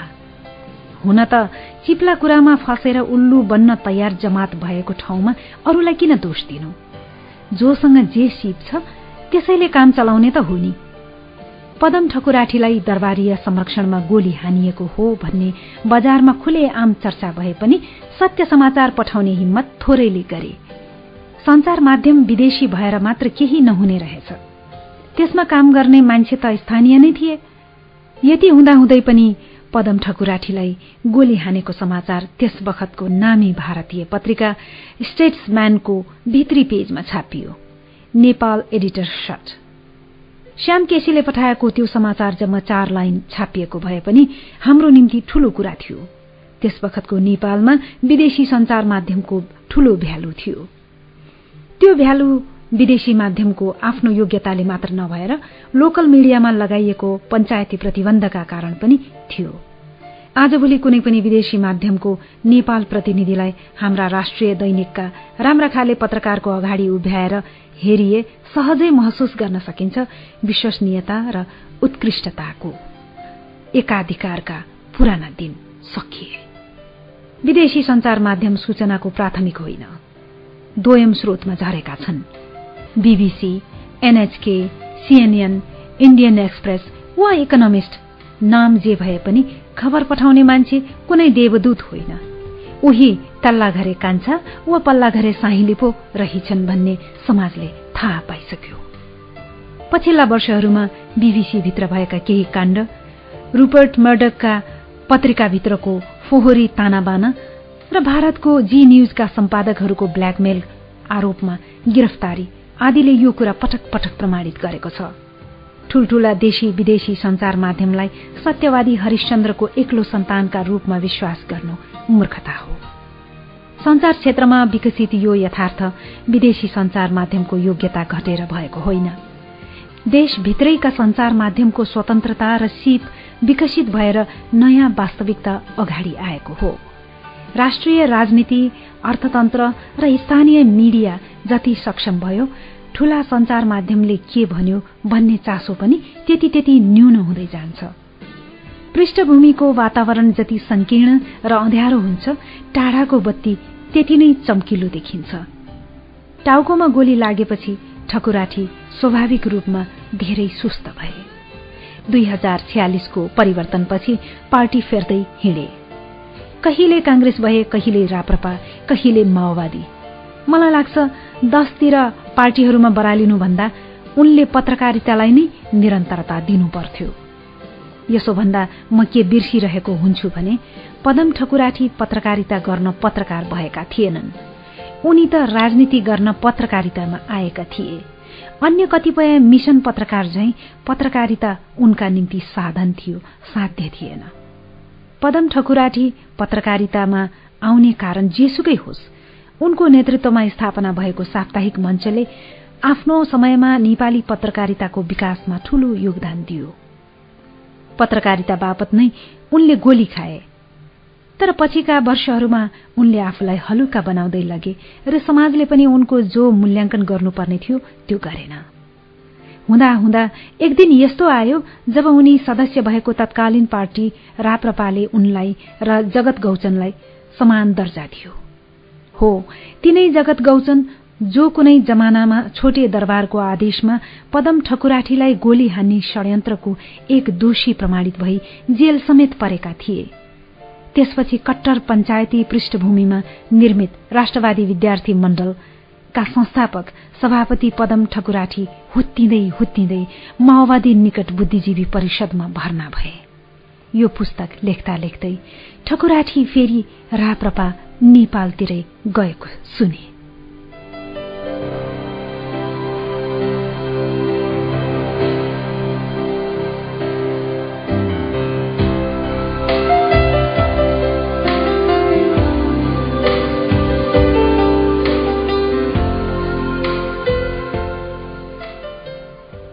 आफ्ना पतिलाई गोली लागेपछिका वर्षमा मनसा भाउजूले निकै मेहनत गरेर सृष्टि र सृजनलाई हुर्काइन्। प्राध्यापक हुनु उनी सृष्टिले अमेरिका गएर उतै विवाह गरी। सृजन डाक्टर छ। ऊ पाकिस्तानमा पढेको हो। छोराबारे पदमदाईले एक भावुक सम्झना सुनाए। विजय मेरो जीवन त जे भयो सो भयो। बिस्तारै मानिसले मलाई बिर्सदै गए। म पनि कुनै दिन पत्रकारिता गर्थे भन्ने सम्झाउन निधारमा गोली लागेर बनेको खाल्डो बाहेक केही बाँकी रहेन। सृजन डाक्टरी पढ्न चाहन्थ्यो। त्यतिका खर्च हामीसित भएन। पाकिस्तान एम्बेसीमा फोन गरे। मेरो नाम पदम ठकुराठी हो। तपाईँ सायद मलाई चिन्नु पनि हुन्न होला धेरै वर्ष पहिला म पत्रकार थिएँ। त्यसबेला राजदूत फैजलसित मेरो राम्रै परिचय थियो। म तपाईँलाई चिन्छु। राजदूत फैजलको पालामा पनि म यही काम गर्थे। राजदूतसँग भेट मिल्यो। महामहिम आजको दिनमा म कोही पनि होइन। एक बाउ मात्र हुँ छोराको छात्रवृत्तिका लागि सूर्यबहादुर थापा लगायत केहीलाई भनेको छु। खै होला जस्तो छैन। कुन्नी के सोचेर तपाईँकोमा आए। वर्षौं अघि तपाईँको कुर्सीमा जो बस्थे उनीसँग मेरो राम्रो परिचय थियो। उमेर छँदा देशलाई सक्दो योगदान गरेकै हुँ। तर आज आफैलाई पर्दा म कतै केही पनि छुइन। पत्रकारितामा पनि छैन। तपाईँ अझ जे हुनुहुन्छ र हुनुहुन्न भन्नेसित मलाई मतलब छैन। सधैँभरि कोही केही भइराख्दैन पनि। आफ्नो छोराका निम्ति तपाईँले अब कसैलाई भनिराख्न पर्दैन। त्यसको केही महिनापछि साँझ घर फर्कँदा छोराले भावुक स्वरमा भन्यो पाकिस्तानमा पढ्न पाउने खबर आयो। पत्रकारितामा लाग्ने सबै पदमदाई जस्तै भाग्यमानी हुँदैनन्। उमेर छँदा दुनियाँको खबर लेख्दा लेख्दै आफ्नै घर परिवार बेघर भएको अनेकौं उदाहरणले भरिएको छ नेपाली संचार जगत। पदम ठकुराठीको पत्रिकामा लेखे बापत कुनै पैसा नपाए पनि पत्रिका निस्कन्ने अघिल्लो अपरान्न हामी सुन्धारा लजको छानामा मिठो थकाली लन्च खान पाउँथ्यौं। कहिलेकाहीँ राति जाउलाखेलको भोड्का कुखुराको मासु र आलुको अचार खान्थ्यौं। सुरु सुरुमा मेरो ध्यान मासु र आलुमा धेरै र बोड्कामा थोरै हुन्थ्यो। समय बित्दै जाँदा रुचि मासुमा र आलुमा थोरै दारूमा धेरै हुन थाल्यो। दिउँसो पत्रकारिताको नशा राति दारूको नशा। पदम ठकुराठी जनार्दन आचार्यहरूले आफै त बताएनन् तर बिस्तारै मैले चाल पाउन थाले। एउटै ठाउँमा काम गर्दा गर्दै पनि हामीहरू बीच केही आधारभूत भिन्नता रहेछन्। उनीहरू राजनीतिमा काम नपाएर पत्रकारितामा आएका थिए। म छँदा खाँदाको इन्जिनियरिङ करियर छाडेर पत्रकारितामा लागेको थिएँ। उनीहरू केहीसम्म अल्मलिन पत्रकारितामा पसेका थिए। मेरा लागि पत्रकारिता बाहेक दुनियाँको सपथोप बेकारको अलमल थियो। हामी बीच धेरै कुरामा भिन्नता भए पनि पदम ठकुराठीप्रति म कृतज्ञ रहनेछु किनभने पत्रकारितासित पहिलो परिचय गराउने उनै थिए। आफ्नो सम्पादकले पत्रकारिताका निम्ति टाउकोमा गोली खाएको थियो भन्ने तथ्य मैले आजसम्म एक दिन पनि भुलिन। पत्रकारका रूपमा म कहिल्यै कसैसँग डराइन कसैसँग दबिन। मनमा लागेको कुरा निसङ्कोच निर्भय भएर भने त्यसको एउटा कारण मैले वीर अस्पतालमा पदम ठकुराठी छेउ बिताएको त्यो रात पनि हो। त्यो भयानक रातले मलाई तर्साउनुको साटो झन दृढ बनाइदियो।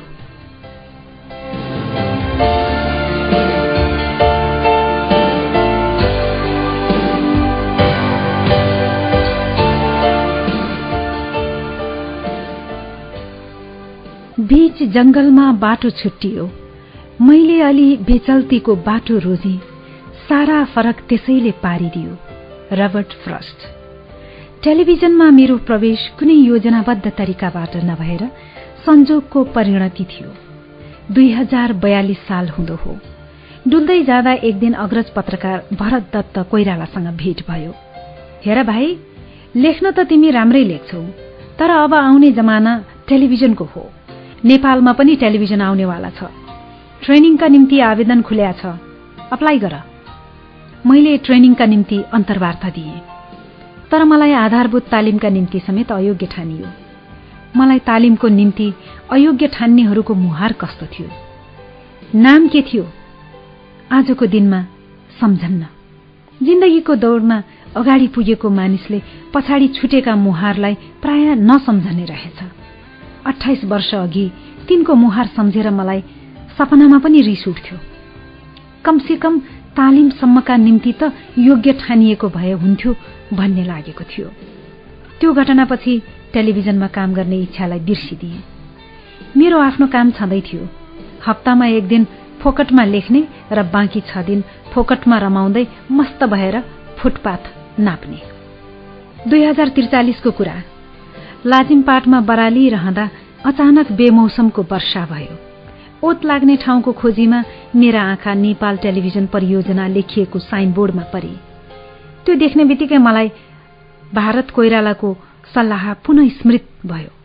सिधै हाकिमसँग भेटेर आफ्नो रहर भनौं भन्ने सोच मनमा आयो। अफिसभित्र पसे तर भेटै नगरी फर्के तालिमका निम्ति अयोग्य ठहर्याइएको म आफ्नो दोस्रो प्रयासमा कुनै हालतमा निराश हुन चाहन्नथे। घर फर्केर आफूसँग भएको सानो माइक्रो रेकर्डरमा नेपाली र अंग्रेजीमा बोलेर पाँच मिनट जति रेकर्ड गरे। भोलिपल्ट दिउँसो नेपाल टेलिभिजन परियोजनाका अध्यक्ष निर शाहको अफिसमा पसे सर म तालिमका निम्ति समेत अयोग्य ठहर्याइएको मानिस हुँ। तर पनि मलाई विश्वास छ टेलिभिजनमा केही गरेर देखाउन सक्छु। मलाई एकपटक मौका दिनुहोस्। मेरो आवाज एकपटक सुनिदिनुहोस्। निर शाहले मैले दिएको माइक्रो क्यासेट बटन थिचे। पाँच मिनट लामो त्यो टेपलाई उनले मुस्किलले तीस सेकेन्ड सुने। तालिम सालिम छाड्नुहोस् कार्यक्रम बनाउने प्लानिङ थाल्नुहोस्। धन्यवाद सर। भन्ने बेलामा मेरो मनमा खुसीको बम पड्कँदै थियो। तर यता आएपछि पत्रिकामा लेख्न पाउनुहुन्न। सुनेर खिस्रिक्क परे। त्यसो भए म एकपटक पदम दाईलाई सोधेर फाइनल गर्छु। म तपाईँलाई यत्रो ब्रेक दिँदैछु। तपाईँ चाहिँ जाबो अखबारको अरूलाई सोधेर निर्णय गर्ने भन्नुहुन्छ? अप्रसन्न मुद्रामा निरशाहले भने कुनै दिन तपाईँले भन्दा ठूलो काम मलाई कसैले दियो र त्यस दिन तपाईँलाई एक वचन सोध्दै नसोधी हिँडे भने तपाईँलाई कस्तो लाग्ला सर? मेरो ठाडो प्रत्युत्तर सुनेर मुस्कुराए निर। पत्रिकामा सल्लाह गर्दा पदम ठकुराठीले टेलिभिजन नजाने सल्लाह दिए। निरको ठेगान छैन। बिहान काम दिएर बेलुका निकालिदिन्छ। फेरि सरकारी मिडियामा टिक्न सक्ने तिम्रो टेम्परामेन्ट नै छैन। तर जनार्दन आचार्यले अर्कै कुरा भने तपाईँ जानुहोस्। यहाँ बेकारमा हल्लिएर अब करियर अगाडि बढ्दैन। पदमको कुरा छाड्नुहोस्। उसलाई त एउटा स्वयंसेवक कम हुन्छ। कसरी भन्नुहोस् तपाईँ जानुहोस्। पैसा चाहिँ कसिएर लिनुहोला। यी दुई सल्लाह बीच मैले बीचको बाटो निकाले। सोचे धेरै पैसा मागेर हेर्छु। त्यति पैसा निरले दिँदैन। दिए मोजै मोज नदिए टन्टै पन्छियो। म निर शाहको घर ज्ञानेश्वर पुगे। सर काम त गर्ने तर पैसा अलि धेरै चाहिन्छ। कति? पाँच हजार। नो प्रब्लम तपाईँ हप्ताको एउटा कार्यक्रम बनाउनुहोस् पाँच हजार लिनुहोस् म छक्क परे पत्याउनै सकिन। फोकटबाट पत्रकारिताले एकैपटक त्यत्रो छलाङ लगाउने मौका मलाई दिँदै थियो। टेलिभिजनका अन्य कर्मचारी बीच हल्ली खल्ली मचियो। उनीहरूले मेरो नामै पाँच हजारै राखेका रहेछन्। मासिक पाँच हजारको रकम उनीहरूको त कुरै छाडौं स्वयं निर शाहको तलबभन्दा धेरै थियो। मैले तपाईँलाई गर्न सक्ने जति दिएँ। अब गरेर देखाउने पालो तपाईँको। निर शाहको वचन सुनेर मेरा गह भरिए। मनमा नै प्रतिज्ञा गरे यो मानिसको निर्णयलाई म कुनै हालतमा गलत साबित हुन दिने छैन। त्यो अविस्मरणीय अपराह्नका विषयमा पच्चिसौं वर्षपछि कुरा चल्दा निरले भने तपाईँलाई देख्ने बित्तिकै मैले महसुस गरेको थिएँ यो मानिस अलि फरक छ। तपाईँको रूपरङ चालढाल हिँडाई बोलाइ हेराई सफथोक मसँग त्यसबेला टेलिभिजनमा भएका सबै मानिसभन्दा नितान्त भिन्न लाग्यो। म एक यस्तो टेलिभिजन प्रस्तुताको खोजीमा थिएँ जसले जीवनका विविध विषयलाई मौलिकता साथ प्रस्तुत गर्न सकोस्। मलाई एक स्टार टेलिभिजन प्रस्तुताको खोजी थियो। तपाईँमा त्यो सम्भावना देखेर नै आउट अफ द वे गएर ब्रेक दिएको हुँ। मैले सरलाई निराश त गरिन है। मैले आशा गरे भन्दा धेरै गर्नुभयो तपाईँले। नेपाल टेलिभिजनले तपाईँलाई जे जति दियो तपाईँले टेलिभिजनलाई त्योभन्दा धेरै फर्काउनुभयो।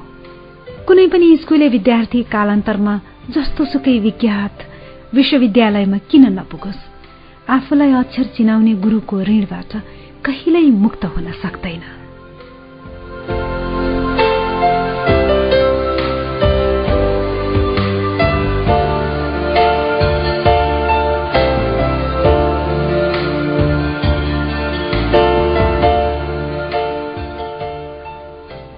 टेलिभिजन स्टुडियोमा पहिलोचोटि छिर्दा मेरो मन रोमाञ्च उत्सुकता र डरको ककटेल बनेको थियो। अनेक थरी उपकरण चारैतिर बत्ती नै बत्ती। स्टुडियोको इन्चार्ज गोकुल खत्रीले मेरो लुरे शरीर र ख्याउटे मुहार हेरेर भने निर राजाले कस्तो मान्छे पठाएको? ज्यान त केही रहेनछ।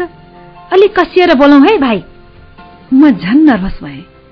मानिस डरायो भने कि थर्कमान भएर चुपचाप बस्छ कि त डर लुकाउन ठूलो स्वरले कराउन थाल्छ। म अलि कराएर माइकमा बोल्न थाले।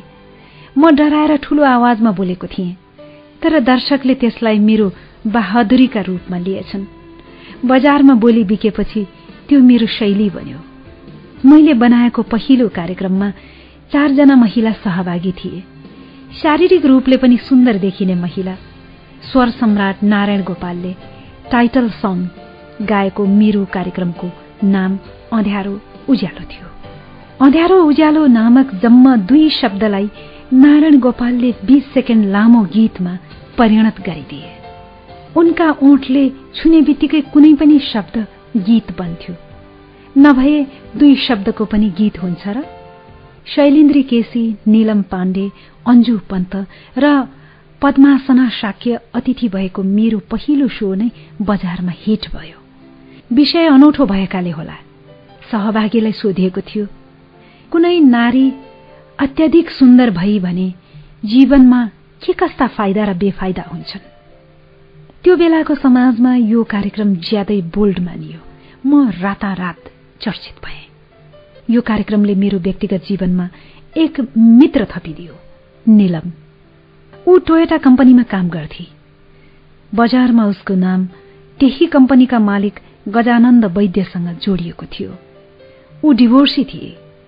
नीलम आफ्नो विस्फोटक शारीरिक संरचना यौवन र स्टाइलका निम्ति काठमाडौँको हाई क्लास सोसाइटीमा चर्चित थिए। उसको अफिस शंकर होटलको लेनमा थियो। त्यसबेलाको निम्ति नौलो मानिने बाहिरबाट भित्र देख्न नसकिने तर भित्रबाट बाहिर सबै देखिने सिसा भएको अफिसमा बस्थे। कुन्नी किन हो? ऊ मलाई रुचाउँथे। रुचाउँथे भन्दा पनि स्नेह गर्थे भन्नु उपयुक्त होला। उमेरमा म भन्दा पाँच वर्ष जेठी होली। निलमले मलाई आफ्नो मोटरमा राखेर काठमाडौँका हाई क्लास रेस्टुरेन्टहरू चिनाई। सोफेस्टिकेटेड म्यानर सिकाउने प्रयत्न गरी। जसमा ऊ विफल भई पछि कोसिस गर्न छाडिदिए। ऊ आफ्नो जिउमा बडा मिल्ने तरिकाले लुगा लगाउँथे। भनौ या जे लगाए पनि उसको शरीरमा पुगेपछि राम्रो देखिन थाल्थ्यो। एकपटक सेतो प्यान्टमा सेतै कमिज लगाएकी उसँग शङ्कर होटलको बगैँचामा लन्च खाएको सम्झन्छु। मलाई काँटा चम्चा राम्ररी चलाउन आउँदैनथ्यो। अझै आउँदैन। ती दिनहरूमा नआएकोमा लाज लाग्थ्यो। आजभोलि मतलबै हुँदैन। टेबल म्यानर वा अन्य अव्यवहारिक सफिस्टिकेसन ममा छैन भनेर अरूले के सोच्लान् भन्ने विचार मेरो मनमा कहिल्यै आउँदैन। म जे छु जस्तो छु त्यसैमा निलमले मलाई स्वीकार गरिदिएकीले सायद मेरो मनमा आत्मविश्वासको बिउ रोपिएको होला। एकपटक निलम विदेश जाँदा मलाई ब्रान्डेड सर्ट टाई र स्विस स्वाच घडी ल्याइदिएको सम्झन्छु। मैले जीवनमा लगाएको पहिलो घडी र पहिलो ब्रान्डेड सर्ट त्यही थियो। निलमसँग मेरो सम्बन्ध आधारभूत रूपले प्लुटोनिक थियो।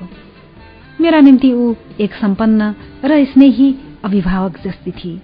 उसले मलाई स्नेह दिए तर शारीरिक रूपले आफूमा आशक्त बनाइन बन्न दिइन। निलमलाई भेटेको दुई चार महिनाभित्र मेरो जीवनमा एक यस्ती युवती आई जो आफ्नो पुरानो प्रेमीलाई जलाउन मात्र मलाई प्रयोग गर्न चाहन्थे। ऊ आफ्नो प्रेमीलाई देखाउन चाहन्थे। हेर म अर्को केटासँग पनि हिँड्न सक्छु। केटा फेर्दै हिँड्ने उसको पुरानै चाला रहेछ। भेट हुँदा जहिले पनि भोकाएको छु भन्थे र रेस्टुराँमा धेरै खान्थे। उसको धोकामा म दुई तीन महिना परे। नारी कोमलता र उदारता मात्रै होइन। नौटङ्की र क्षुद्रताको पनि प्रतीक हुन सक्छ भन्ने शिक्षा पाइयो। मेरो जीवनमा जति नारी आए तिनले कुनै न कुनै रूपमा मलाई केही न केही सिकाएर गए दिएर गए।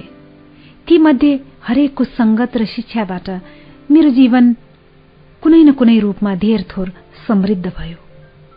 आजको दिन म संसारको कुनै पनि नारीलाई उसको लिङ्गबाट पर राखेर सहज व्यवहार गर्न सक्षम छु भने त्यसको कारण विगतमा नारी मित्रहरूले दर्शाएको स्नेह माया र करुणा पनि हो। अब मेरा निम्ति कुनै पनि नारी वा पुरुष लैङ्गिक एकाइ मात्र होइनन्। हरेक नारीभित्र पुरुष र प्रत्येक पुरुषभित्र नारीका अंश हुन्छन् भन्ने बुझे। त्यसैले मेरा निम्ति मेल फिमेल भन्दा म्यास्कुलिन वा फेमिनिन क्वालिटीले बढ्ता महत्व राख्छ। स्त्री पुरुष भन्ने ठाडो विभाजन होइन। अपितु स्त्रैण र पुरुषोचित गुणले प्राथमिकता पाउन थालेको छ। मेरो दोस्रो टेलिभिजन कार्यक्रम साझा बसका विषयमा थियो।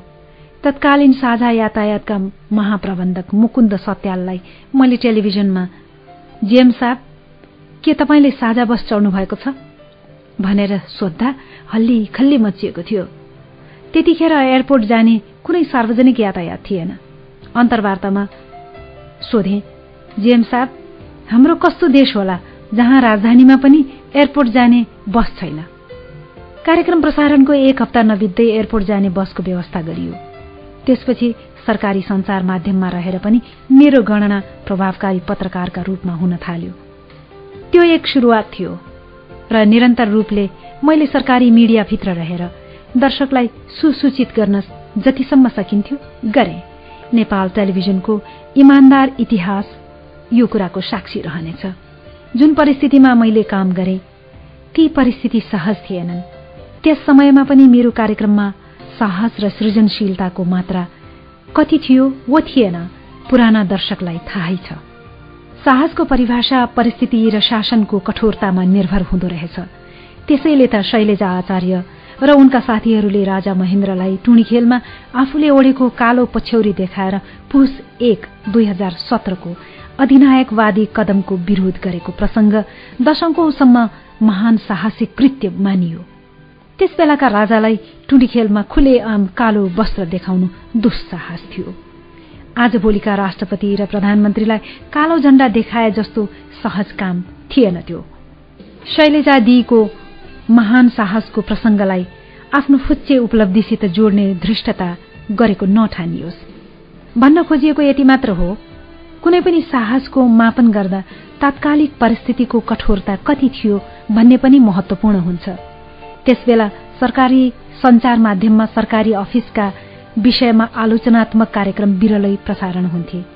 समाचार शाखाका हाकिमहरूलाई सृजनात्मक काममा होइन सत्ताधारीको जय जयकार गर्दै विदेश डुल्नेमा मात्र रुचि थियो। नेपाल टेलिभिजनका हाकिमहरू ठूला बडाको जय जयकार गर्थे र सानालाई आफ्नो जय जयकार गराउँथे। उनीहरू बाइसाइकल पर्सनालिटीको साक्षात रूप थिए। बाइसाइकल पर्सनालिटी अर्थात् आफू मुनिकालाई खुट्टाले चलाउने प्याडल ठान्ने र माथिकासँग चाहिँ शिर निहुराउँदै आफ्नो भात भान्सा थप स्वादिलो बनाउने खेलमा लाग्नेहरूको चरित्र। आजभोलि प्राइभेट च्यानलका छोटा मोटा हाकिम साहबमा पनि त्यही चरित्रको निरन्तरता पाइन्छ। टेलिभिजनमा दुई थान कार्यक्रम प्रसारण हुने बित्तिकै मलाई बाटामा केहीले चिन्न थाले। म छक्क परे। साप्ताहिक पत्रिकामा पाँचौं वर्ष लेख्दा नकमाएको परिचय दुई हप्तामै पाएको देखेर मलाई प्रोत्साहन मात्र होइन जिम्मेवारी बोध पनि भयो। सानो उमेरमा थोरै मेहनत गरेर धेरै नाम कमाउने सपनाले मलाई पत्रकारितामा ल्याएको हो टिकाएको होइन। नेपाल टेलिभिजन पछिको तीन महिनाभित्रै सगरमाथाका प्रथम आरोही एडमन्ड हिलारीसँगको अन्तर्वार्ताको मौका मिल्यो। हिलारीको महावाक्य सम्झन्छु एभरेस्ट चढ्नुभन्दा त्यसको टुप्पोमा टिकिरहन मुस्किल छ। शिखर हमेसा साँगुरो हुन्छ। त्यहाँ एकै पटक धेरै मानिस अटाउँदैनन् यो कुरा पर्वतारोहणका निम्ति मात्र होइन जीवनको हर क्षेत्रमा लागू हुन्छ। मैले विभिन्न क्षेत्रका सफल प्रोफेसनलहरूमा एउटा साझा गुण पाए आफ्नो पेशाप्रति निरन्तर निष्ठा भाव। उनीहरूको सही समयमा सही योग्यता र सही भावना साथ आफ्नो पेशा जोइन गरे र निष्ठापूर्वक त्यसैमा अडिरहे। नेपाली टेलिभिजनमा म जहाँसम्म पुगेँ त्यसको मूल कारण समय थियो। म सही समयमा आफ्नो रुचिको काममा लागे। त्यसपछि दुःख सुख जे आए पनि काममा हिँडिरहे। हिलारीलाई भेटेको दशकौंपछि सन्तोष भावले भन्न सक्छु। अन्तरात्माले स्वीकार नगरेको कुनै पनि कुरा पत्रकारका रूपमा समाजसँग बाँडिन।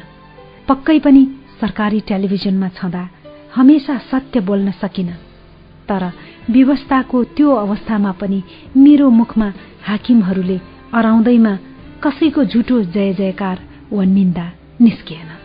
एक उदाहरण बालुवाटार होटलमा मनाइएको नेपाल टेलिभिजनको शैशवकालको एक वार्षिक भोजमा राति एघार बजेतिर मदिराले मस्त निर शाहले जम्मा भएका सबै स्टाफलाई पञ्चायत फुल्यो डाली डाली भन्ने गीत गाउन लगाए।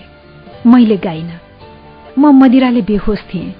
तर राजनीतिक गीत पत्रकारले गाउनुहुन्न भन्ने होस बाँकी नै थियो। कसैले मेरो कम्प्लेन गरेपछि निर शाहले मलाई त्यो गीत गाउन भने म कुनै पनि राजनीतिक गीत गाउन्न मलाई क्षमा गर्नुहोस् सर। निरलाई मेरो कुरा चित्त बुझेन तर उनलाई मेरो बानी थाहा थियो। एक बिन्दु आएपछि म कसैको कुरा सुन्दिन कसैको पनि। उनले मलाई कुनातिर लगेर भने यसो हो भने तपाईँ अब यहाँ नबस्नुहोस् चुपचाप घर जानुहोस् यहाँ यत्राबिन मानिस छन्। अनुशासन बिग्रन्छ। निर शाहले दिएको सम्मानजनक निर्गमको अवसर प्रयोग गर्दै म हल बाहिर निस्किएँ भित्रबाट चर्कु स्वरमा सामूहिक गायनको आवाज आउँदै थियो। पञ्चायत फुल्यो डाली डाली। दुई हजार छयालिस सालको जनआन्दोलनले पञ्चायतको डाली मात्र होइन जरै समेत हुत्यायो। चर्को स्वरमा पञ्चायत फुल्यो डाली डाली गाउनेहरू। अब गणेशमान सिंह भन्दा ठूलो आवाजमा जय नेपाल र मनमोहन अधिकारी भन्दा कसिएको मुठी उचालेर लाल सलाम गर्न थाले। पञ्चायत छँदा अफिसमा मलाई काङ्ग्रेस भनेर दुःख दिनेले पञ्चायत गएपछि उनीहरूले जस्तै मैले बहुदलीय नेताको जयगान नगरेको देखेर प्रतिगामी दरबारिया भन्न थाले। कहिले कसैको वास्ता गरेको भए पो म नयाँ विशेषणको वास्ता गर्थे। वास्ता नगरे पनि मनभित्रको एउटा कुना घोँस्थ्यो रिस उठ्थ्यो पोल्थ्यो।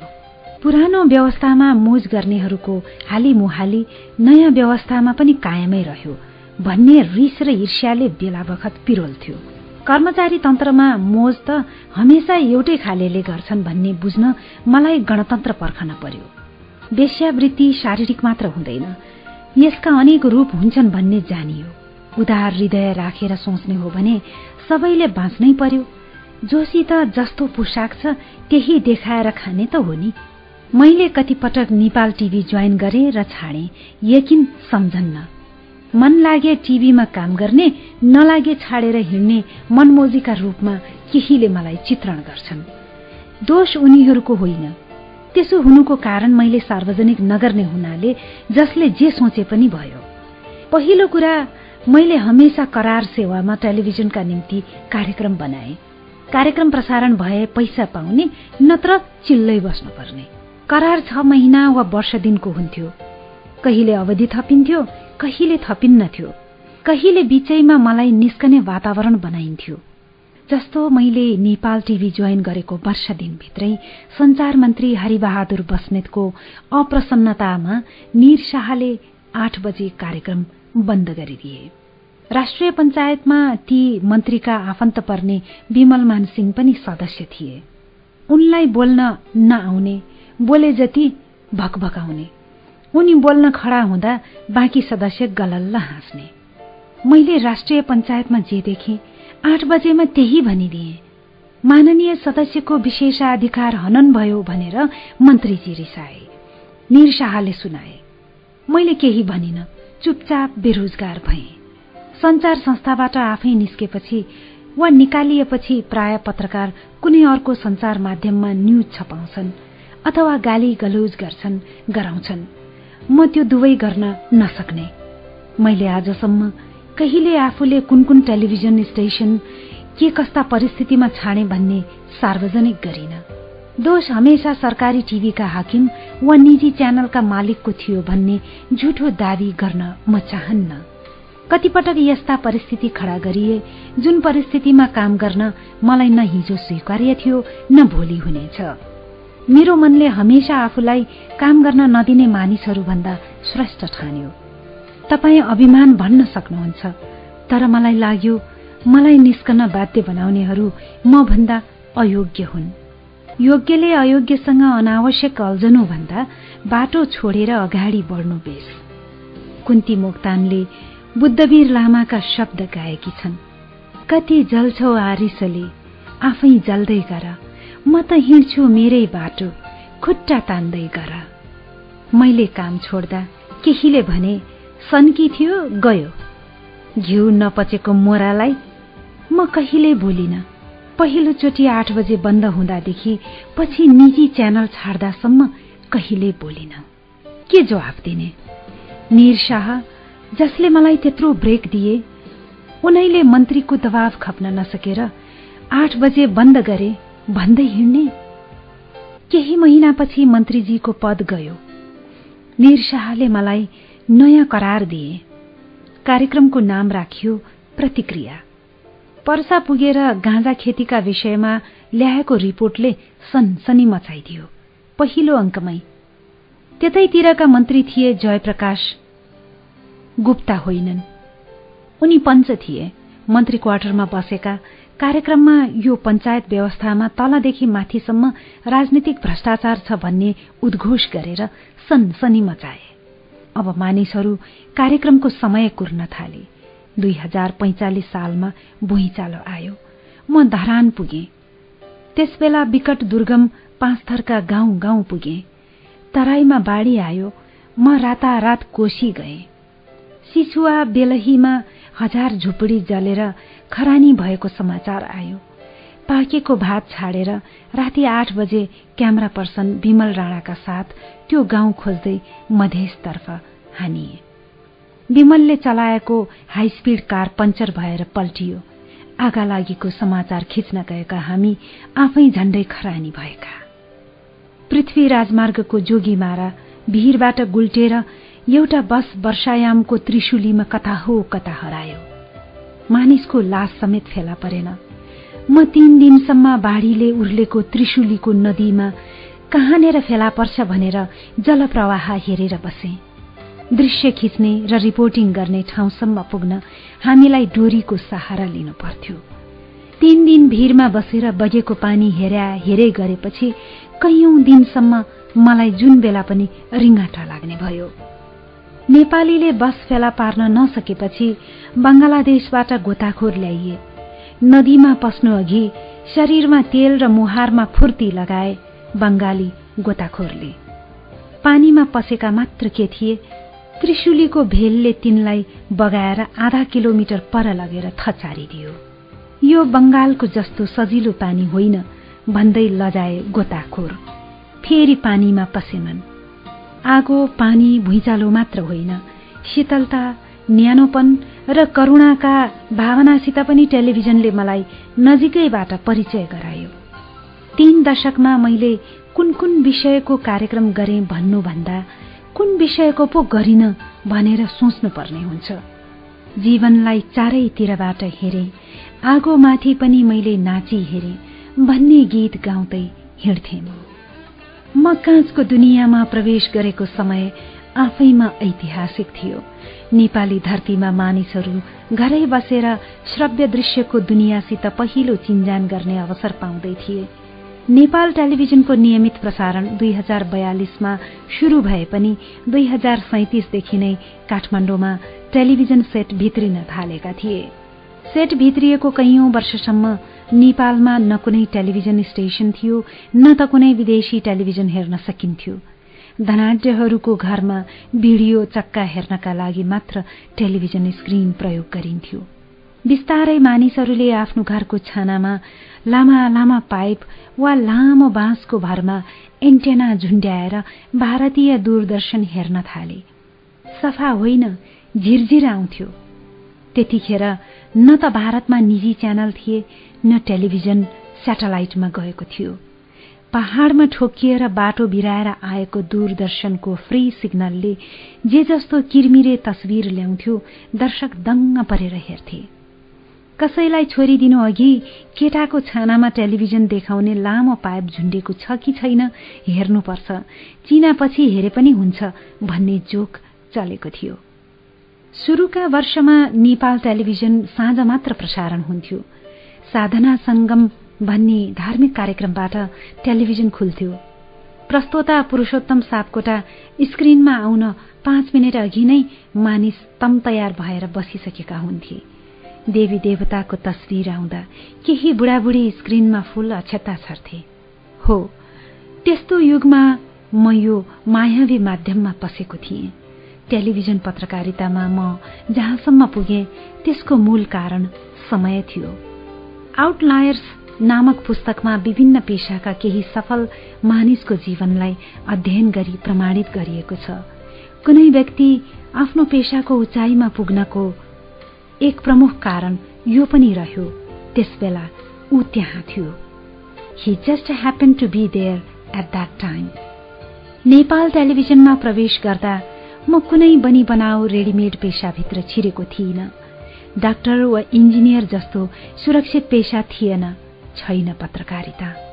पर्फर्मिङ आर्टको कुनै पनि विधा नेपालमा सोखसम्म हुन सक्छ पेशा हुन सक्दैन। भनेर कुनै अभिभावकले सोच्छ भने ऊ गलत छ भन्न मिल्दैन।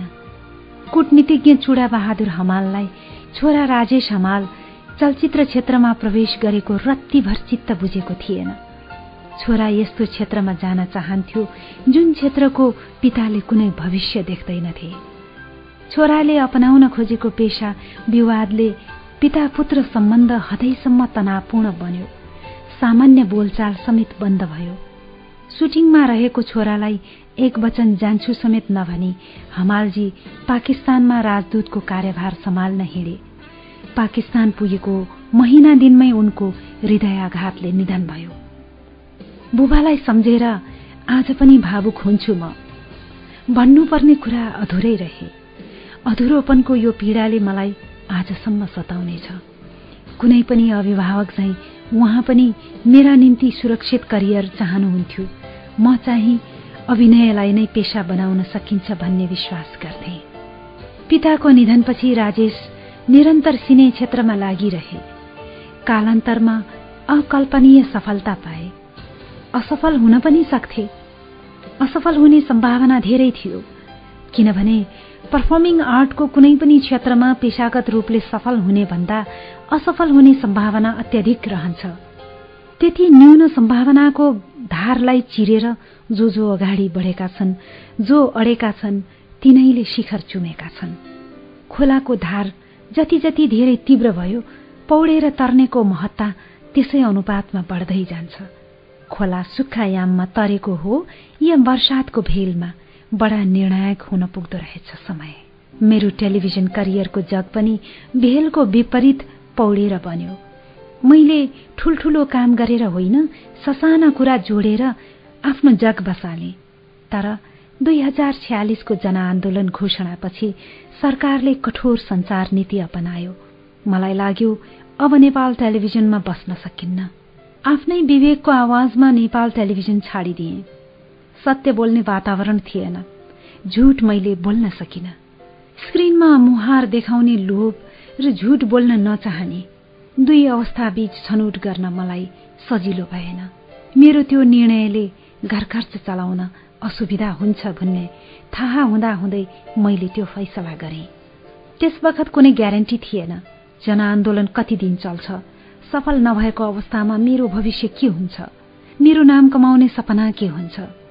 यस्ता नानाथरी प्रश्न अनुत्तरित थिए। यति हुँदाहुँदै आफ्नो पेट र नामको भोक मेटाउन म कुनै पनि हालतमा विवेकलाई बन्धक राख्न सक्दैनथे। म टेलिभिजनमा आफ्नो भविष्य त्याग्न तयार थिएँ। म नाम कमाउने सपना फाल्न पनि तयार थिएँ। तर आफ्नो मनले स्वीकार्न नसकेको कुरा दर्शक समक्ष प्रस्तुत गर्न तयार थिइन। त्यस बखत अन्य टेलिभिजन कर्मीले जनआन्दोलनलाई के के शब्दमा तथा नाम गाली गरे त्यो मेरो सरकारको विषय थिएन।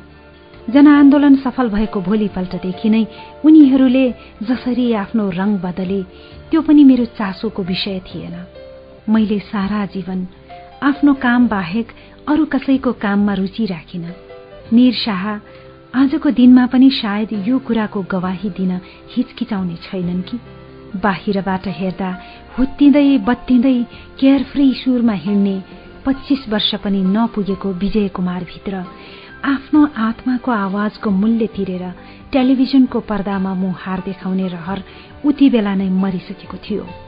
मैले कार्यक्रम बनाइन भन्नुको यो अर्थ कदापि नलागोस्। कांग्रेस वा संयुक्त वाम मोर्चाको समर्थक वा पञ्चायतको विरोधी भएर मैले त्यसो गरेको थिएँ। परमात्माको कृपाले मलाई यो जुनीमा त्यस्तो दिन आजसम्म देख्नु परेन।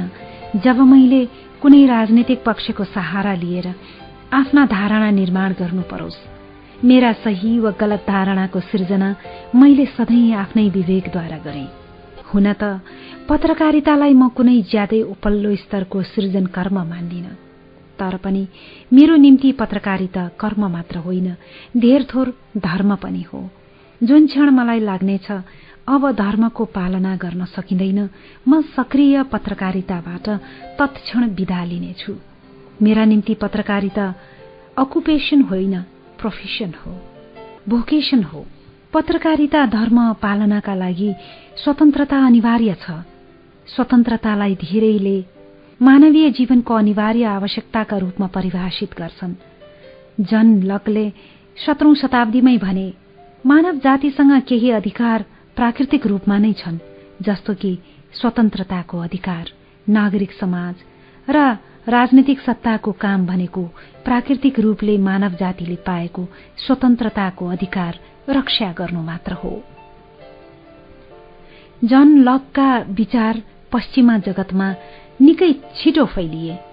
सन् उन्नाइस सौ छिहत्तरमा अमेरिकी स्वतन्त्रताको घोषणा पत्रको वैचारिक धरातल निर्माणमा पनि जन लकका विचार निकै निर्णायक रहे। त्यस युगको विडम्बना सबै मानिसलाई स्वत स्वतन्त्र मान्ने अमेरिकी स्वतन्त्रताको घोषणा पत्रले स्वास्नी मानिस र काला दासलाई समान दर्जाको मानव जातिका रूपमा स्वीकार गरेन। पराकाष्ठा त तब भयो जब जन लकले लेखेको क्यारोलाइना राज्यको आधारभूत संविधानमा भनियो यो राज्यको स्वतन्त्र मानिसलाई आफ्ना निग्रो दासहरूमाथि पूर्ण स्वामित्व हुनेछ।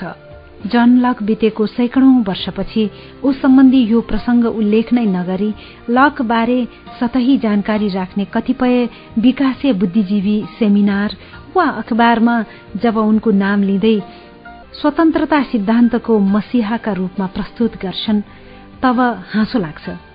सोरेन किर्कगाडको तीखो कथन छ। मानिसहरू विचारको स्वतन्त्रता हासिल नगरिकनै वाक स्वतन्त्रताको माग गर्छन्। जटिलताको शुरूआत यहाँबाट हुन्छ। निकै झुक्याउने खालको छ यो शब्द स्वतन्त्रता। संस्कृतबाट आएको यो शब्द स्व र तन्त्र मिलेर बनेको छ। आफूले आफूमाथि शासन गर्नु अत्यन्त मुस्किल काम हो। आफूले आफूमाथि शासन गर्नु अरूमाथि शासन गर्नुभन्दा धेरै दुष्कर हुन्छ। दुई भिन्न भिन्न आयामहरूको सुसंयोजनमा मात्र वास्तविक स्वतन्त्रता फलित हुँदो रहेछ। पहिलो आफू वरिपरिको वातावरणीय स्वतन्त्रता। वातावरणीय स्वतन्त्रता भन्नाले परिवार साथीभाइ समाज कार्यक्षेत्र र देशमा उपलब्ध राजनैतिक स्वतन्त्रतालाई जनाउँछ। तर असली स्वतन्त्रता पूर्ण रूपेण फलित हुन वातावरणीय स्वतन्त्रता एक्लै पर्याप्त हुँदैन।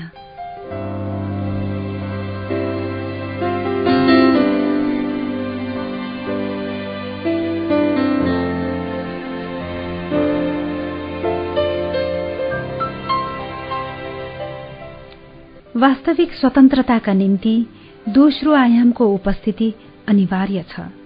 मानिसको विवेकीय स्वतन्त्रताको आयाम स्वतन्त्रताको विवेकीय पक्ष र वातावरणीय पक्षको संयोजनमा मात्र पूर्ण स्वतन्त्रता जन्मन सक्छ। होइन भने प्राप्त स्वतन्त्रता अधुरो हुन्छ। नेपालमा जनताको बलिदानले कैयौं पटक वातावरणीय स्वतन्त्रता आयो। तर नेताहरूमा विवेकीय स्वतन्त्रता नहुँदा प्राप्त उपलब्धि सुकेर गए।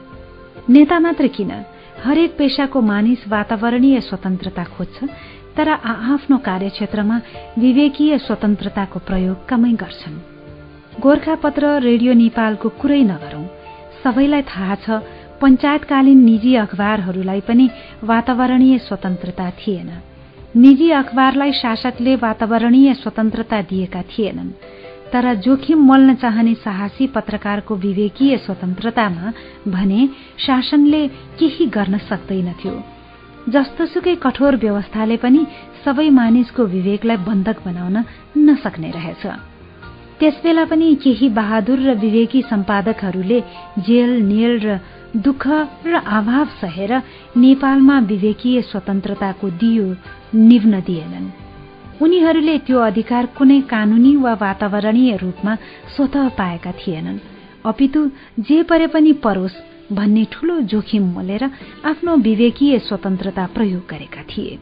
गोविन्द वियोगी होमनाथ दाहाल चन्द्रलाल झा मणिराज उपाध्याय गोपालदास श्रेष्ठ मदनमणि दीक्षित आदि अग्रजको प्रभाव नभएको भए मेरो कथा अर्कै हुने थियो। पदम ठकुराठी जनार्दन आचार्य किशोर नेपाल ध्रुवहरि अधिकारी हरिहर विरही आदि विविध विचारका पत्रकारले लेख्ने गरेको पत्रिकाको पृष्ठभूमिबाट टेलिभिजनमा नआएको भए मेरो कथा सायद अर्कै हुने थियो। निजी अखबारले नपाएको स्वतन्त्रता पञ्चायतकालीन सरकारी टेलिभिजनमा सम्भव हुने कुरा थिएन। तर पनि रेडियो नेपाल र गोर्खापत्रको तुलनामा नेपाल टेलिभिजन अलिकति फराकिलो थियो। त्यो अलि फराकिलो चौर कुनै नीतिगत निर्णयका कारण मैले पाएको थिइनँ। विवेकीय स्वतन्त्रता प्रयोग गरेर आफ्ना कार्यक्रमहरूका निम्ति त्यो विशेष स्थिति निर्माण गरेको थिएँ। दुई हजार त्रिचालिस सालतिर नेपाल टेलिभिजन पस्ने बित्तिकै हामीले सरकारी संचार माध्यम सम्बन्धी नेपालमा चलिआएका केही सनातनी मान्यतामा हल्का चिरा पार्यौं। सरकारी संचारले सरकारको भजन मात्र गाउँदैन आलोचना पनि गर्न सक्छ। मन्त्री प्रधानमन्त्रीलाई कार्यक्रममा बोलाएर आछु आछु पारेर जनताप्रति जवाबदेही बनाउने आँट पनि गर्न सक्छ भन्ने कुरा त्यस बखतको नेपालका निम्ति नसोचिएका कुरा थिए। धेरैले नसोचेका यो कुरा हामीले कसरी सम्भव गरायौं? आफ्नो विवेक र निरशाहको प्रोत्साहन त छँदै थियो। दरबारमा पनि मेरो कामप्रति सहानुभूति राख्नेहरू नभएको भए हामीले त्यो सब गर्न सक्ने थिएनौं जो गर्यौं। राजदरबारका महत्वपूर्ण पदाधिकारी चिरण शमशेर थापा ताराबहादुर थापा शान्तकुमार मल्ल आदिको अलिकति सदाशयता नभएको भए मेरो करियर टेक अफ हुनु अघि नै क्रास भइसक्थ्यो। कुमार खड्गविक्रम शाहले पनि मलाई काममा प्रोत्साहित गरे। बेला बखत संचार मन्त्रीहरूले दिन खोज्ने झमेलाबाट नतर्सिने आत्मविश्वास पनि दिए। यथार्थको दुनियाँ ब्ल्याक एन्ड व्हाइटमा होइन। ग्रे जोनमा चल्दो रहेछ। जतिसुकै अधिनायकवादी भनिएको संस्थामा पनि केही उदार मानिस जस्तोसुकै लोकतान्त्रित भनिएको संस्थामा तानाशाही मानसिकता बोकेका मानिस हरेक युगमा हुँदा रहेछन्। संसार न पूरा कालो छ न पुरै सेतो। तर एक अवस्था यस्तो आउँछ जब कुनै पनि जिउँदो मानिसले यो पनि ठिक त्यो पनि ठिक भन्न सक्दैन। एउटा छनौट गर्नै पर्ने हुन्छ। मैले त्यो छनौट गरिसकेको थिएँ। नेपाल टेलिभिजनले चाहे जस्तो कार्यक्रम नबनाएर दुई हजार छ्यालिसको जनआन्दोलन अघि गणेश मान्जीको घरमा भएको बेलामा उपस्थिति जनाएर।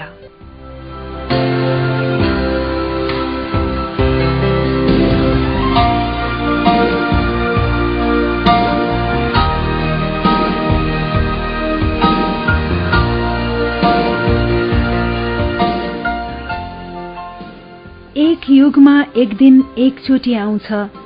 उलट पुलट उथल पुथल फेर फेर ल्याउँछ। लाटा सुधा बोल्न थाल्छन् चल्छ ओठ दुःखको। गए भनी नदेखिएका फर्की फर्की आउँछन्। गोपाल प्रसाद रिमाल। कविता अक्षरबाट जीवनमा बदलियो। दुई हजार छ्यालिस चैत चौबिस कसरी भुलाऊ विशाल जुलुस राजदरबार घेर्न निस्कियो। जुन देशका मानिस लाठी लिएको पुलिस देख्ने बित्तिकै भागाभाग गर्थे त्यही देशका जनता अटोमेटिक मसिन गन बोकेका सैनिकलाई पार गरेर दरबारको शासन भत्काउन निस्किए। दरबार मार्गमा राजा महेन्द्रको शालिक चढेर त्यसको श्रीपेज भत्काउन उद्यत एकजना युवाको मुहार सम्झन्छु। अचानक ऊ ढल्यो गोली लागेको रहेछ तर पनि भीड़ हटेन। अर्को बहादुर शालिकमाथि चढ्यो ऊ पनि ढल्यो। त्यसपछि त्यहाँ रोकिने मेरो साहस भएन। भीड़मा ठूलो खलबली मचिएको थियो। लाठी गोली बर्सँदै थिए। हामीहरू भागाभाग गर्दै घण्टाघर छेउ गल्लीमा लुक्यौं। उता कतिको ज्यान गयो केही थाहा भएन। राति शहरमा कर्फ्यूको घोषणा भयो। दुई हजार छ्यालिस चैत पच्चिस गते बिहान जब सारा शहर कर्फ्यूमा थियो म घरमा सुतिरहेको थिएँ। टेलिफोनको घण्टी बज्यो। म ताराबहादुर बोलेको भाइ स्थिति के छ? तपाईँलाई मैले के भन्न बाँकी छ र? दुई महिना अघि पोखरा रत्न मन्दिरमा भनेको सम्झनुहुन्न? म आफ्नो खल्तीबाट टिकट काटेर देशका निम्ति सुझाव दिन आएको बिर्सिनुभयो? मैले खस्रो स्वरमा जवाफ फर्काएँ।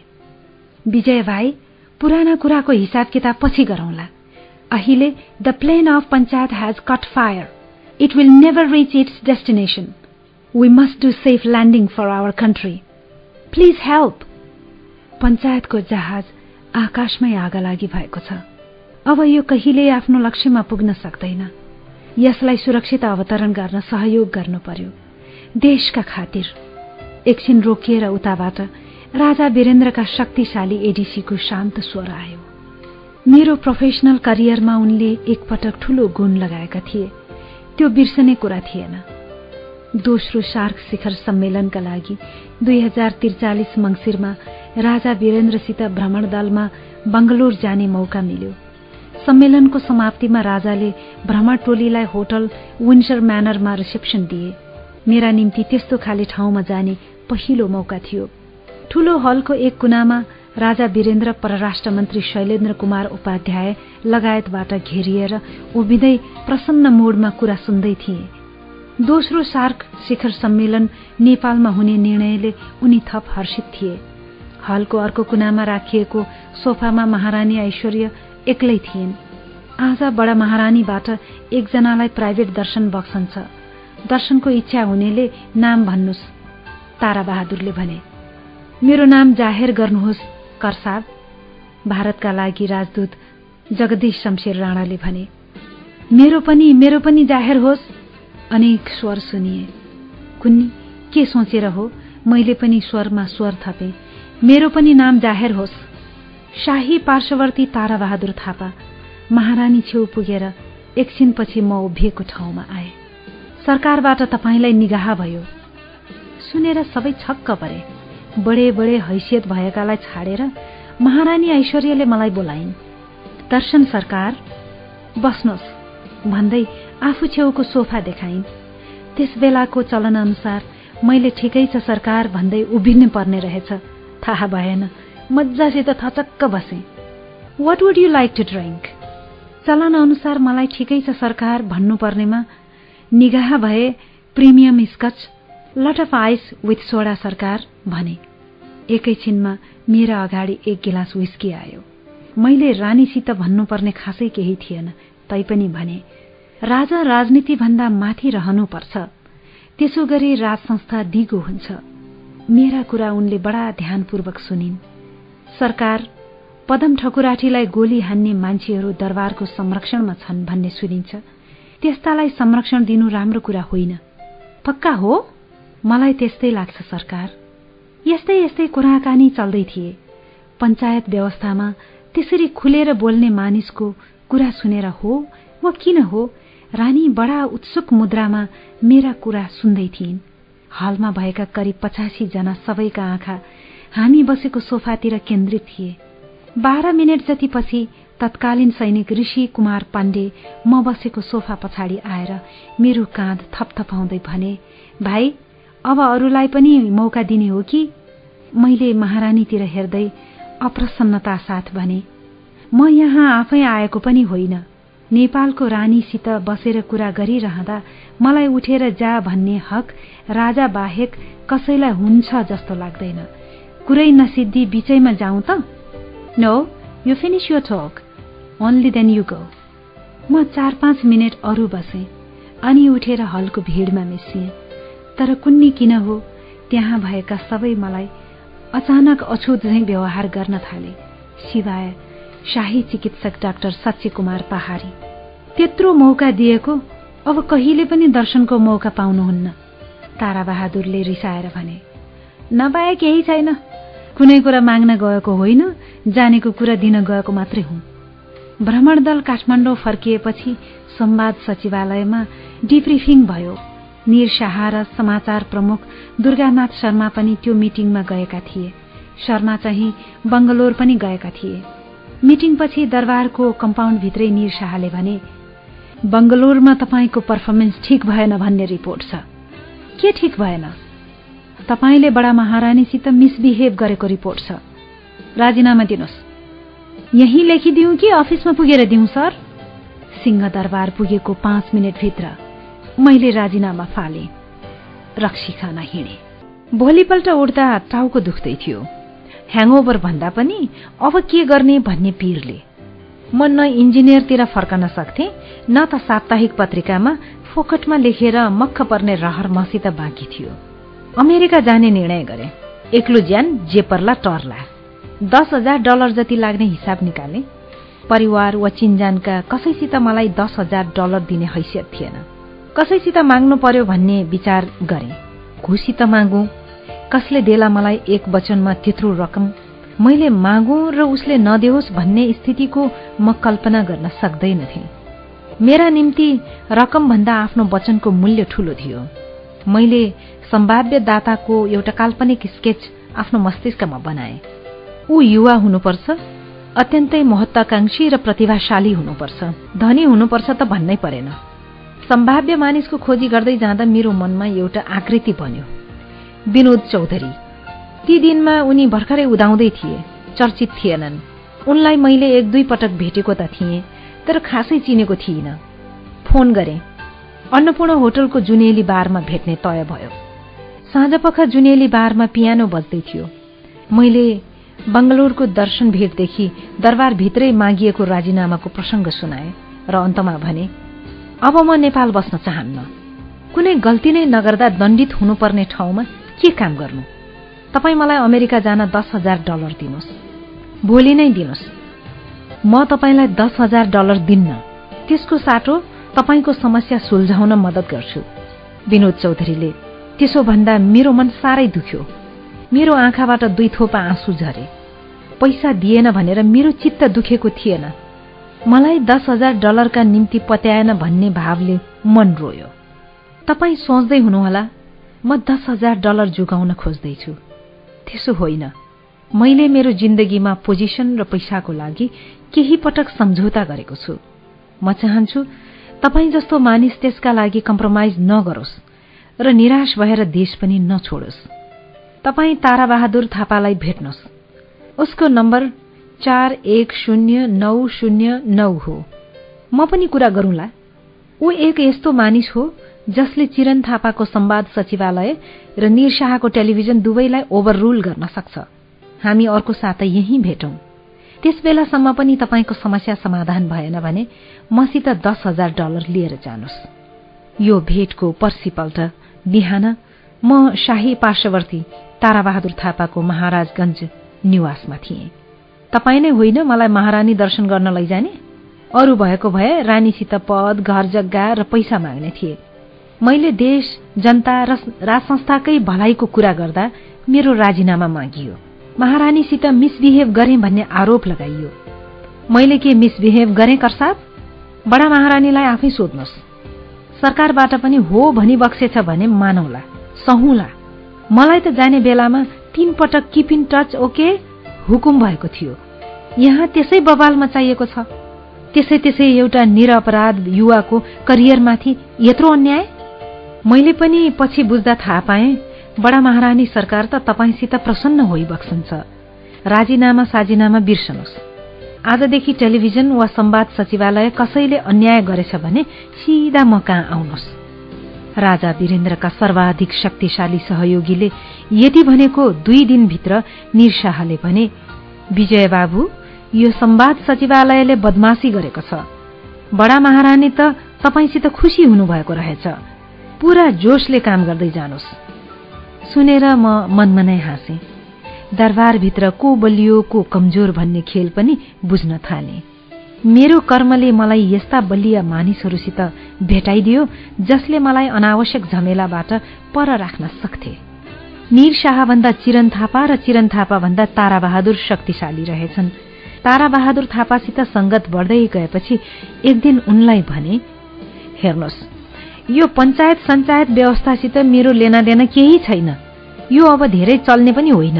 राजालाई राजनीति भन्दा माथि राख्नुपर्छ। होइन भने एकैसाथ दुवै डुब्नेछन्। तपाईँले चाहिँ मलाई सरकारी माध्यममा अलि बढी स्वतन्त्रता दिनुहोला। त्यसो गर्दा त्यो भाँडोको विश्वसनीयता पनि बढ्छ। मेरो करियर पनि राम्रो हुन्छ। राज संस्थालाई परेको बखत सहयोग पनि गरौंला। म अरू जस्तै मिडिया दुरूपयोग गरेर ठगठाग गर्ने मानिस होइन। नेपालमा राम्रो काम गर्न पनि सोर्स फोर्स चाहिन्छ। त्यसको पीर नगर्नु भाइ हामी छौं।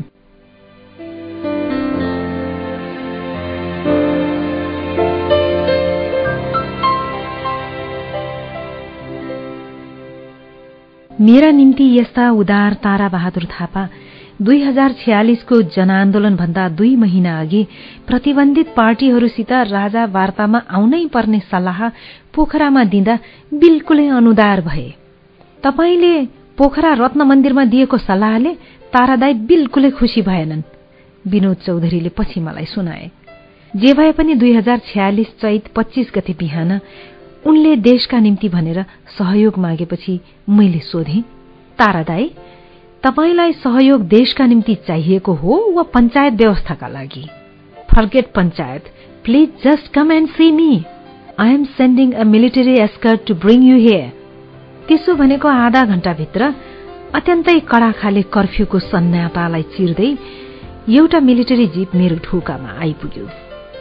सड़कमा चरोमुसो केही थिएन। आकाशमा भएका काला बादलले वातावरणलाई थप सुनसान र रहस्यमय बनाइरहेका थिए। आन्दोलनका सर्वोच्च कमाण्डर गणेशमानजी बिरामी भएर वीर अस्पतालमा र किसुनजी पुलचोक स्थित ध्रुव भान्जाको घरमा नजरबन्द थिए। अन्य नेता विभिन्न जेलमा बन्दी थिए। या भूमिगत। ताराबहादुर थापाले प्रष्ट शब्दमा भने अब यो निर्दलीय व्यवस्थालाई धेरै बोक्न सकिन्न भन्ने निष्कर्षमा महाराज धिराज पुगिबक्सेको छ। महाराज धिराजको यो निर्णयलाई मन नपराउने मानिस पनि दरबारभित्रै छन्। परिवारभित्र पनि होलान् तर अब तिनीहरूले गर्न सक्ने केही छैन। यो कर्फ्यू लगातार त्यस बेलासम्म जारी रहनेछ जबसम्म सेफ ल्यान्डिङ हुँदैन। यो उद्देश्यमा सफलताको निम्ति जे जे गर्नुपर्छ गर्नुहोस्। संचार मन्त्री पशुपति शमशेरजीसँग पनि कोअर्डिनेट गर्नुहोला। यो लाइन विपरीत सरकारी संचारको कुनै पनि हाकिमका कुरा तपाईँले मान्नु पर्दैन। महाराज धिराजबाट आजै राति नेताहरूसित दरबारमा भेटघाट गर्ने कार्यक्रम छ। सरकार संवैधानिक राजा हुन तयार होइबक्सन्छ तर नेताहरूलाई भेट्नु अघि एउटा कुराको सार्वजनिक कमिटमेन्ट ल्याउन सकिन्छ कि भन्ने आशा गरिबक्सेको छ। नेपाली कांग्रेस संवैधानिक राजतन्त्रप्रति कमिटेड छ भन्ने कुराको पब्लिक कमिटमेन्ट। भाइले किसुनजीसित कुरा गरे सहयोग हुने थियो। दाई कसैलाई कुनै कमिटमेन्ट गराउने मेरो काम होइन। किसुनजीले दिएछन् भने तपाईँलाई फोन गरिदिउँला। मैले आफ्नै शैलीमा उत्तर दिएँ। उड्दा उड्दै मैले फेरि सोधेँ यो काम गर्न मलाई नै किन छानेको? म त टेलिभिजनको रेगुलर स्टाफ पनि होइन। आन्दोलन सुरु भएपछि मैले त्यहाँ पाइला पनि टेकेको छैन। गम्भीर मुद्रामा शाही पार्श्ववर्ती ताराबहादुर थापाले जवाफ दिए। परिवर्तन निश्चित छ। त्यसको सूचना आम जनतासम्म तत्काल टेलिभिजन रेडियोबाट पुर्याउन तपाईँ जस्तै विश्वसनीय पत्रकारको आवश्यकता छ। एक यस्तो पत्रकार जसलाई दल दरबार र जनता सबैले विश्वास गर्न सकुन्। पञ्चायत व्यवस्था छँदा रेडियो टेलिभिजन र गोर्खापत्रको फाइनल अथोरिटी राजदरबारको संवाद सचिवालय हुने गर्थ्यो। तर त्यस दिन संवाद सचिवालय सुनसान थियो। सैनिक सचिवालय व्यापक रूपले सक्रिय थियो। त्यसपछि म नवनियुक्त मन्त्री पशुपति शमशेरको निवासमा गए जो संचार मन्त्री पनि थिए। मरिजमान मन्त्रीमण्डल भर्खरै बर्खास्त भएको थियो। लोकेन्द्रजीको मन्त्री परिषदमा पशुपति शमशेरको मुख्य भूमिका सहजै महसुस गर्न सकिन्थ्यो। प्रतिबन्धित अवस्थामा रहेका राजनीतिक दलहरूसित उनी नै की नेगोसिएटर थिए। भारतसित पनि उनको बलियो सम्बन्ध थियो। दिउँसो बाह्र बजे म पुलचोक पुगेँ। किसुनजीले छक्क पर्दै स्वाभाविक मुद्रामा स्वागत गरे। अरे बाफ रे बाफ विजय बाबु? कर्फ्यूको बीचमा पनि बाफ रे बाफ विजय बाबु। मैले उनलाई एक शब्द तलमाथि नगरी आफूले थाहा पाएसम्मका घटनाक्रम सुनाए। किसुनजीलाई पनि तीव्र गतिमा बदलिँदै गरेको परिस्थितिबारे अन्दाज त छँदै थियो।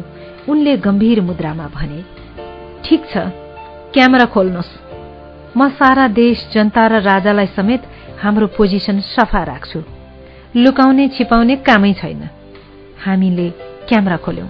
प्रतिबन्धित नेपाली कांग्रेसका सभापति कृष्ण प्रसाद भट्टराईले भने प्रजातन्त्रको सम्बन्धमा नेपाली कांग्रेस आफ्नो सिद्धान्तसँग कुनै सम्झौता गर्न सक्दैन। Anything short of democracy we will not accept राजतन्त्रको विषयमा हामी ठिक त्यही ठाउँमा छौं जहाँ दुई हजार सात सालमा थियौं। संवैधानिक राजतन्त्रप्रति हामी आज पनि त्यत्तिकै कटिबद्ध छौं जति पहिला थियौं। धोका राजाले हामीलाई दिएका हुन् हामीले राजालाई दिएका होइनौ। राजाले प्रष्ट बुझुन् हामीलाई अहिलेको जस्तो सक्रिय राजतन्त्र र पञ्चायत व्यवस्था कुनै हालतमा स्वीकार्य छैन। किसुनजीका भनाई राजा वीरेन्द्रलाई कन्भे भयो। पशुपति शमशेरसँग दिउँसो तीन बजे फेरि एकपटक मेरो कुराकानी भयो। उनले राति दरबारमा निर्णायक वार्ता हुने कुरा बताए। राति आठ बजेतिर म आफ्नो जीवनको सर्वाधिक महत्वपूर्ण घटना कभर गर्न राजदरबार जाने तयारी गर्न थालेको बेला अचानक थाहा पाएँ नेपाल टेलिभिजनका समाचार शाखा प्रमुख दुर्गानाथ शर्मा पो त्यता जाने सुरसार गर्न थालेका रहेछन्। दुर्गानाथ लेखेको कुरा पढ्न जान्ने एक राम्रा समाचार वाचक थिए। मसँग खासै लेना थिएन किनभने म समाचार शाखाप्रति होइन सिधै अध्यक्षप्रति जवाफदेही थिएँ। जसो तसो समय बित्दै गयो उनीसँग मेरो राम्रै मित्रवत सम्बन्ध भयो। चैत पच्चिसको त्यो ऐतिहासिक साँझमा पनि उनले पुरानै बानी अनुसार महत्वपूर्ण असाइनमेन्टमा आफै अघि सर्न खोजे। तर त्यो दिन उनका निम्ति मौसम सदाझै अनुकूल थिएन। मैले बीचैमा ताराबहादुर थापालाई र पशुपति राणा दुवैलाई चर्को स्वरमा फोन गरे। के तमासा गरेको? अरूलाई नै साँझ मुख्य कुरा हुने बेला लानु थियो भने घरमा सुतिरहेको मलाई किन बोलाएको? ताराबहादुर थापाले हाँस्दै जवाफ दिए। त्यहाँबाट तपाईँ बाहेक कोही निस्कनै सक्दैन। किनभने कर्फ्यू पास त तपाईँको नाममा छ। बिना पास निस्कनेलाई गोली हान्छ सेनाले। टेलिभिजनका अध्यक्ष तथा महाप्रबन्धक निर शाह हङकङ गएकाले इन्जिनियरिङ पृष्ठभूमिमा रविन्द्र राणा कायम मुकायम हाकिम थिए। उनलाई पनि मेसेज आयो।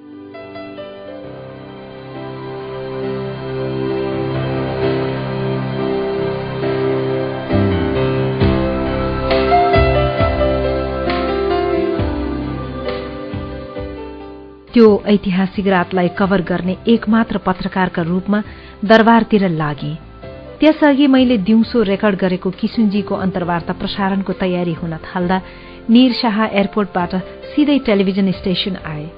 छक्क पर्दै प्रसारणको तयारीमा रहेको किसुनजीको टेप हेरे जहाँ म भन्दै थिएँ अब प्रस्तुत छ प्रतिबन्धित नेपाली कांग्रेसका सभापति कृष्ण प्रसाद भट्टराईसँग आज अपराह्न लिइएको ऐतिहासिक अन्तर्वार्ता।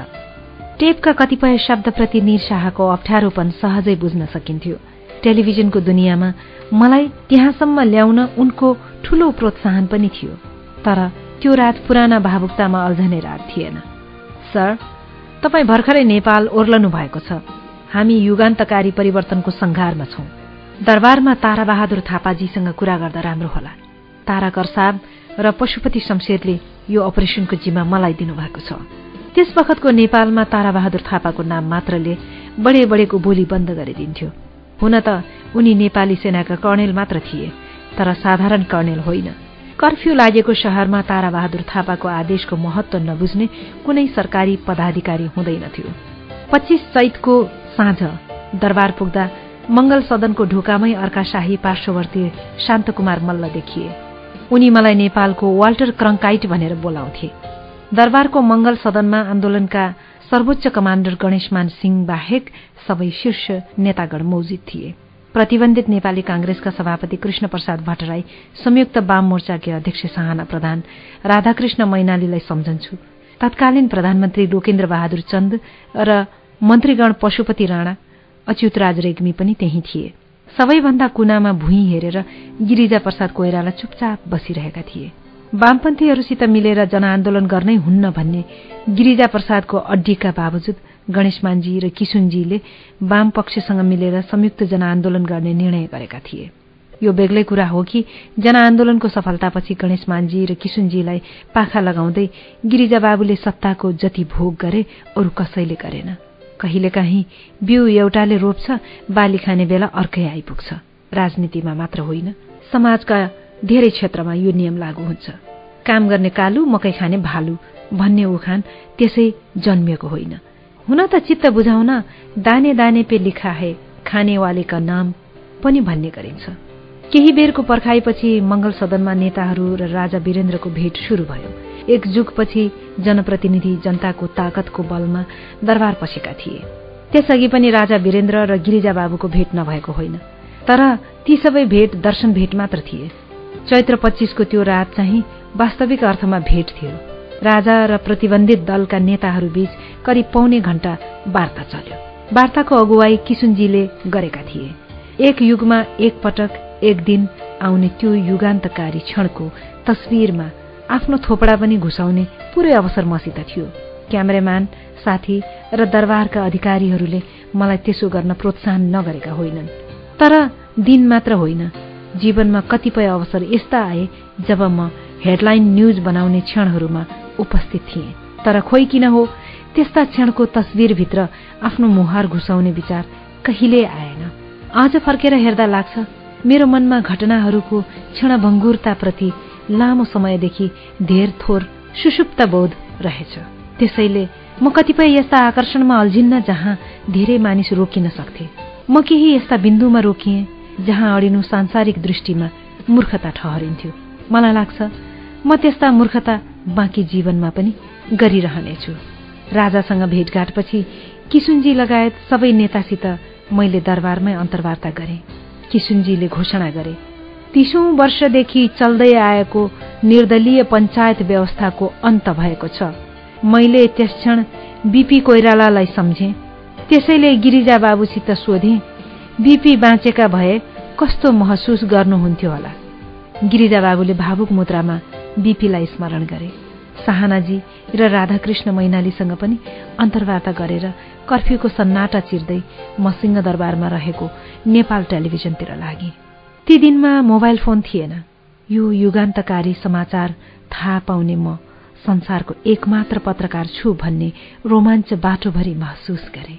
आन्दोलनको न्यूज कभर गर्न संसारभरिका मिडिया काठमाडौँ जम्मा भए पनि दुई दिनदेखि लागेको कर्फ्यूले उनीहरू तीव्रता साथ घटिरहेका घटनाप्रति अनभिज्ञ थिए। आन्दोलनकारी नेताहरूको अन्तर्वार्ता राति साढे दस बजे प्रसारित भयो। सारा विश्वले नेपालमा एक नयाँ युगको सुरुवात भन्ने थाहा पायो। तीसौं वर्षसम्म निर्विकल्प भनिएको निर्दलीय व्यवस्था ढल्दै थियो। राजनीतिक दलमाथि प्रतिबन्धको मलामी निस्कँदै थियो। भोलिपल्ट अनगिन्ती राष्ट्रिय र अन्तर्राष्ट्रिय संचार माध्यममा अघिल्लो रात मैले गरेको अन्तर्वार्ताको हवाला दिएर समाचार प्रकाशन प्रसारण भए। चैत छब्बीस गते काठमाडौँका सड़कहरूमा विजय जुलुस मनाउँदै जनसागर उर्लियो। टोल टोलबाट मानिस उठे गल्ली गल्लीबाट उठे। रिमालको कविता जीवनमा अनुदित भयो। सारा सड़कभरि जुलुस थियो। सरकारी मानिस र गाड़ीको नामो निशान हरायो। त्यस्तो दिनमा पनि म नेपाल टीभीको सरकारी जीप लिएर सड़कमा निस्के। न्यू रोड गेटमा भीड़ले मलाई रोक्यो। मरिचमानलाई फाँसी दे भन्नुहोस् भन्यो। म भन्दिन यसलाई ठोक। ठोके पनि भन्दिन। प्रजातन्त्रमा सजाय अदालतले दिन्छ भीड़ले होइन। यो कसैले भनेको भरमा नारा लगाउने मान्छे होइन। भइगयो छोड्दे भन्दै एक वृद्धले मेरो पक्ष लिए। त्यसपछि भीड़ले मलाई छोड्यो। भोलिपल्ट आफ्नो जीपमा पिएल सिंहलाई साथ राखेर चार तारे झण्डा हल्लाउँदै गणेश मान्जी राजा वीरेन्द्रलाई भेट्न मंगल सदन पुगे जहाँ केही दिन अघि अन्य नेता पुगेका थिए। तीस वर्षपछि दरबारमा कुनै मानिस शानका साथ राजनीतिक पार्टीको झण्डा फहराएर पुगेको थियो। राजा भेट्न गणेशमान सिंहले क्षणभर प्रतीक्षा गर्नु परेन। राजा वीरेन्द्र नै उनलाई मंगल सदनमा पर्खिरहेका थिए। भित्र पसेर उनले राजासँग हात मिलाउन आफ्नो हात अगाडि बढाए जुन हात राजा वीरेन्द्रले सहजताका साथ समाते। कुनै नेपालीसँग नेपालको राजाले हात मिलाएको त्यो मेरो निम्ति पहिलो दृश्य थियो। राजतन्त्र विदा भएपछि ज्ञानेन्द्रले त्यसो गरेको देखे। गणेश मान्जीलाई राजा वीरेन्द्रले प्रधानमन्त्री पद स्वीकार्न अनुरोध गर्दा उनले किशुनजीको नाम सिफारिस गरे। प्रधानमन्त्री पद समेत त्याग्ने नेता यसै देशमा रहेछन्। मैले जिब्रो टोके।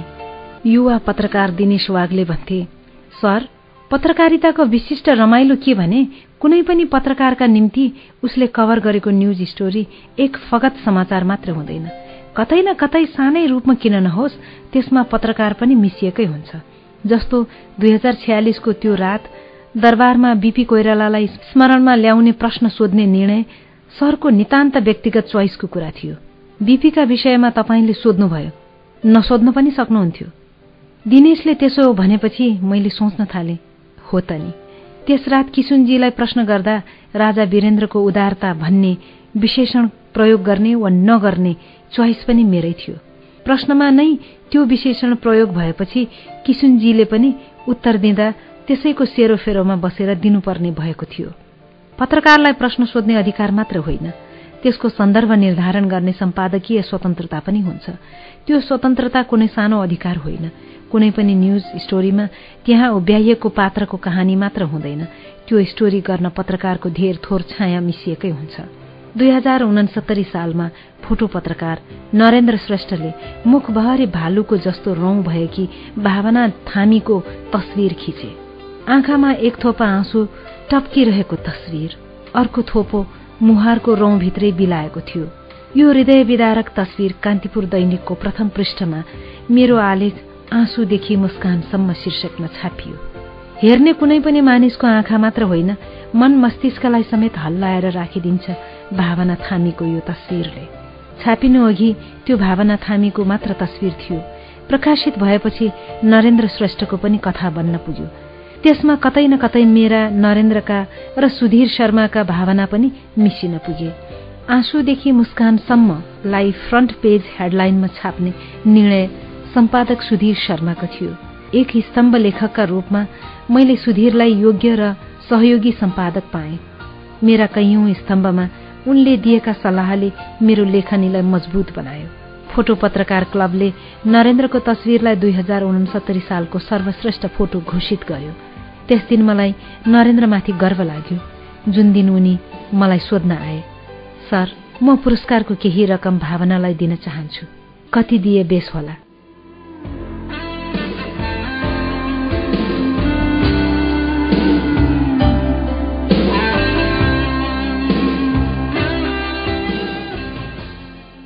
यो त्यही नरेन्द्र श्रेष्ठ थियो जसलाई बाह्र वर्ष अघि नेपाल पत्रिकाको संस्थापक सम्पादक हुँदा। चन्द्रशेखर कार्कीको सिफारिशमा मैले कान्तिपुरमा काम दिलाएको थिएँ। उसलाई कठोरतापूर्वक तालिम दिएर एक सफल प्रोफेसनल बन्ने जग हाल्न सघाएको थिएँ। आजको दिनमा नरेन्द्र श्रेष्ठको गन्ती देशको सर्वश्रेष्ठ लेन्स पर्सन मध्ये हुन्छ। युरोपियन फोटो एजेन्सीको नेपाल प्रतिनिधि हो ऊ। सन् दुई हजार तेह्र र चौधको अस्ट्रेलियन ओपन टेनिस खिच्न इपिएले विश्वव्यापी रूपमा चयन गरेर छानेका फोटो पत्रकारको श्रेणीमा पर्छ। हुँदा हुँदा उसले खिचेको तस्विर न्यूयोर्क टाइम्सको प्रथम पृष्ठमा छापियो। मलाई नरेन्द्रमाथि गर्व छ। उसका यी उपलब्धिका कारण होइन। मलाई नरेन्द्रमाथि गर्व छ। उसले भावना थामीलाई फोटोग्राफीको अब्जेक्ट मात्र ठानेन। पुरस्कार रकममा थपथाप गरेर उत्तरी दोलखाको दुर्गम गाउँ पुगेर सहयोग गर्यो। सफल फोटो जर्नलिस्ट त छँदैछ। एक असल मानिस बन्ने मार्गमा पनि हिँड्यो भनेर सन्तोष भयो। होइन भने हामी पत्रकारका निम्ति दुखद से दुखद घटना र त्यसका पात्र एउटा न्यूज अब्जेक्ट बाहेक के पो हुन्छ र? अर्काको गरिबी व्यवस्था र दुःख पनि बजारमा पस्कनु पर्ने बाध्यता यो पेशाको अँध्यारो पक्ष हो। म पनि त्यो बाध्यताको अपवाद भइन तर मैले सम्भव भएसम्म आफ्नो कार्यक्रममा आएका कतिपय गरीब असहाय र दुखीका निम्ति सहयोगको वातावरण निर्माण गर्ने धेरथोर प्रयास गरे। त्यसो गर्दा मेरो मनको ग्लानी अलि कम भयो। बाह्र घटना जसले इतिहास बनाए। मैले प्रस्तुत गरेको एक टेलिभिजन श्रृङ्खलाको नाम हो। दुई हजार छयालिस चैतको त्यो रात बाह्र ठूला घटना मध्ये एक हो। त्यस रातका सबै डिटेल लेखे पाठकलाई बोर लाग्न सक्छ। त्यसबेला चाहिँ आफूले पत्रकारितामा निकै ठूलो स्कुप मारे झैँ लाग्थ्यो। त्यो स्कुपको ह्याङओभर मेरो टाउकोमा दुई तीन वर्ष बस्यो। बिस्तारै हरायो। कुनै पनि उपलब्धि निश्चित कालखण्डको मात्र हुन्छ। एक समयपछि त्यसको राप मधुरो हुन थाल्छ। मैले कुनै समाचार यस्तो पढेको छैन जो एक कालखण्डपछि काम नलाग्ने सूचनाका रूपमा रूपान्तरित भएको नहोस्। के तपाईँलाई थाहा छ? दश वर्ष अघि संसारको सबैभन्दा धनी मानिस को थियो? विश्व सुन्दरी को थिए शक्तिशाली पुरुष को थियो। सम्झन सक्नु भएन नि है। कुनै समय हिमालय पर्वत जस्ता विशाल देखिन्थे। आज मस्तिष्कमा दबाव दिएर खोज्नुपर्ने भएका छन्। दश वर्ष अघिसम्म हामी सबैलाई यस्तो लाग्थ्यो सधैँभरि यिनीहरूकै राज चल्ला। आज नाम समेत सम्झन मुस्किल छ। अमिताभ बच्चनका पिता महाकवि हरिवंश राय बच्चनले पल अर्थात क्षणका सम्बन्धमा कालजयी पंक्ति रचेका छन्। मैं पल पल का शायर हूँ पल पल मेरी कहानी है। मुझसे पहले कितने शायर आए और आकर चले गए। वे भी एक पल का हिस्सा थे, मैं भी एक पल का हिस्सा हूँ। कल तुमसे जुदा हो जाऊँगा, आज तुम्हारा हिस्सा हूँ। कतिपय सूचना र जानकारी जो आज हेडलाइनमा छन्, तिनलाई खोज्न भोलि पुस्तकालय र पर्सी संग्रहालय जानुपर्ने हुन्छ।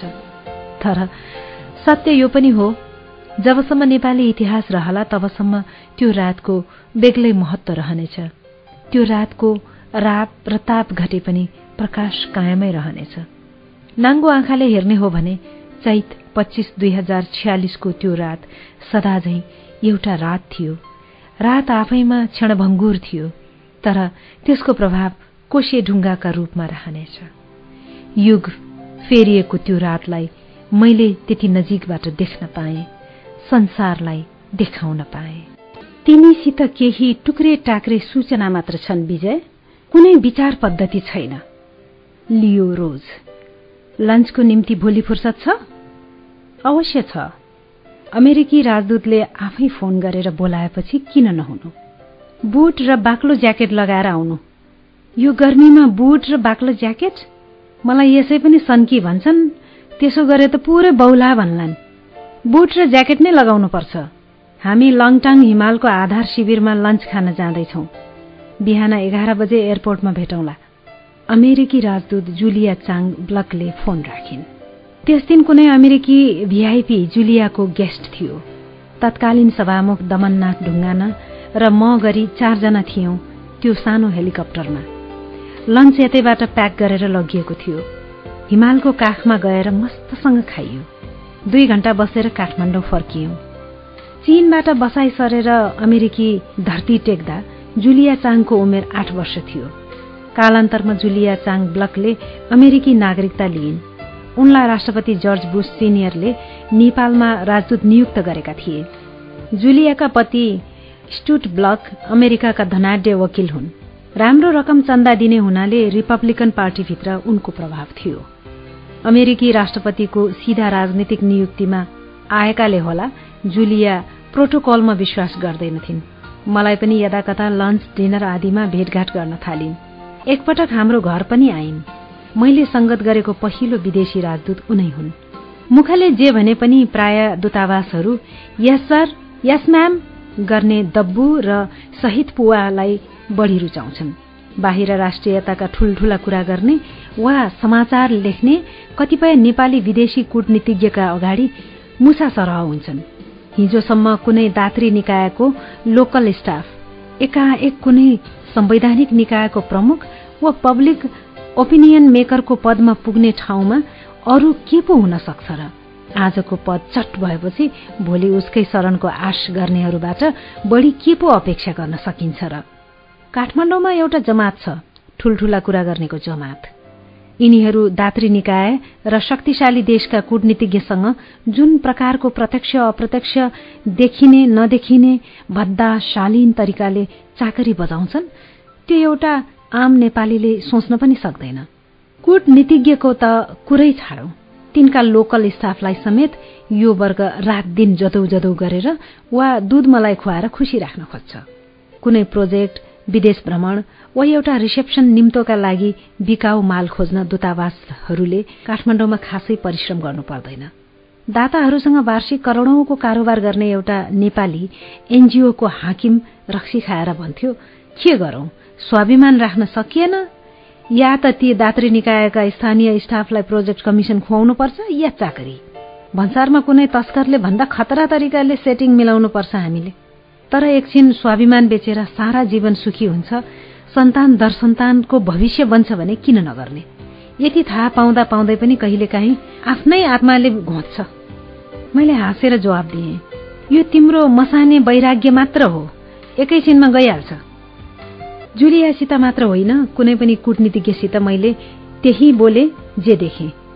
के बोले के इम्प्रेसन पर्ला रिसाउला कि खुसाउला भन्ने हिसाब किताब नगरिकनै बोले र लेखेँ व्यक्तिगत नाफा नोक्सानको हिसाब किताब गर्न म पत्रकारितामा आएको थिइनँ भन्ने चेतनाले मलाई कहिले छाडेन। यो चेतना बोधलाई तपाईँ स्वाभिमान भन्न सक्नुहुन्छ। घमण्ड भने पनि हुन्छ। जुन दिन नाफा नोक्सानको हिसाब किताबले मेरो विचार र बाणीलाई संकुचन गरेको महसुस हुन्छ म पेसाका रूपमा पत्रकारितालाई त्यागेर कुनै सानोतिनो व्यवसाय गरेर जीवनयापन गर्नेछु। पत्रकारका रूपमा काठमाडौँमा कति राजदूत भेटे हिसाब राख्न सक्दिन। सुरुमा रमाइलो लाग्थ्यो। सबै उस्तै हुन् भन्ने बुझ्न थालेपछि त्यसको आकर्षण हरायो। एक्का दुक्का अपवाद रहे। Michael Malinowski deputy chief of mission हुँदा केही अवधिका निम्ति कार्यवाहक राजदूत भए किनभने जुलिया चाङ आफ्नो पदावधि सकेर अमेरिका फर्किसकेकी थिइन्। त्यसै बेला म अमेरिकामा ह्युबर्ट हम्फ्री फेलो छनिए। यो सन् उन्नाइस सय तिरानब्बेको कुरा हो। अमेरिका जानु अघि सुषमा र मैले माइकल र उनकी पत्नी क्यारेनलाई डिनरका निम्ति साङ्ग्रिला होटलमा बोलायौं। हामीसँग त्यस बेला मोटर थिएन ट्याक्सी चढेर गयौं। मैले त्यस दिन खाली पेट यति धेरै रक्सी खाएँ डिनर सकिँदा नसकिँदै म हिँड्नै नसक्ने अवस्थामा पुगेँ। माइकलले मलाई होटलबाट बोकेर अमेरिकी झण्डा फरफराइरहेको गाडीमा राखेर बानेश्वर स्थित डेरा पुर्याइदिए। मलाई होसै थिएन। म कसरी त्यो दिन साङ्ग्रिलाबाट डेरा पुगे? आफूले बोलाएको गेस्टले आफैलाई बेहोस हालतमा डेरा पुर्याइदिएको कुरा बिहान सम्झँदा धेरै लाज लाग्यो। माइकललाई सरी भन्न फोन गरे। मेरो व्यवहारबाट रिसाएर कतै मेरो स्कलरसिप नै रद्द हुने त होइन भन्ने शङ्का मनमा लाग्यो। तर उताबाट सहानुभूतिपूर्ण स्वर आयो। विजय तिमीलाई त्यो हालतमा देखेर म दुखी भएँ। आशा गर्छु त्यो एउटा अपवादको रात होस्। मलाई खुसी छ तिमी चाँडै अमेरिका जाँदैछौ जहाँ तिमीले एक नयाँ सुरुवात गर्न सक्छौ। माइकलको स्वरमा जुन प्रकारको अभिभावकत्व भरिएको थियो त्यो सुनेर म भावुक भएँ। मैले सहज भाव राखेर काठमाडौँ स्थित कूटनीतिज्ञ मिसनका मान्छेसित व्यवहार गरे। मेरो व्यवहार कसैले मन पराए पराएनन् मेरो व्यवहारका कारण मलाई कति रिसेप्सन वा विदेश भ्रमणको लिस्टबाट हटाइयो जोडियो कहिल्यै वास्ता गरिन। यस्तो पृष्ठभूमिमा त्यो रात त्यस्तो हालतमा बोकेर माइकलले ल्याइदिए त्यो स्नेह म बिर्सन्न।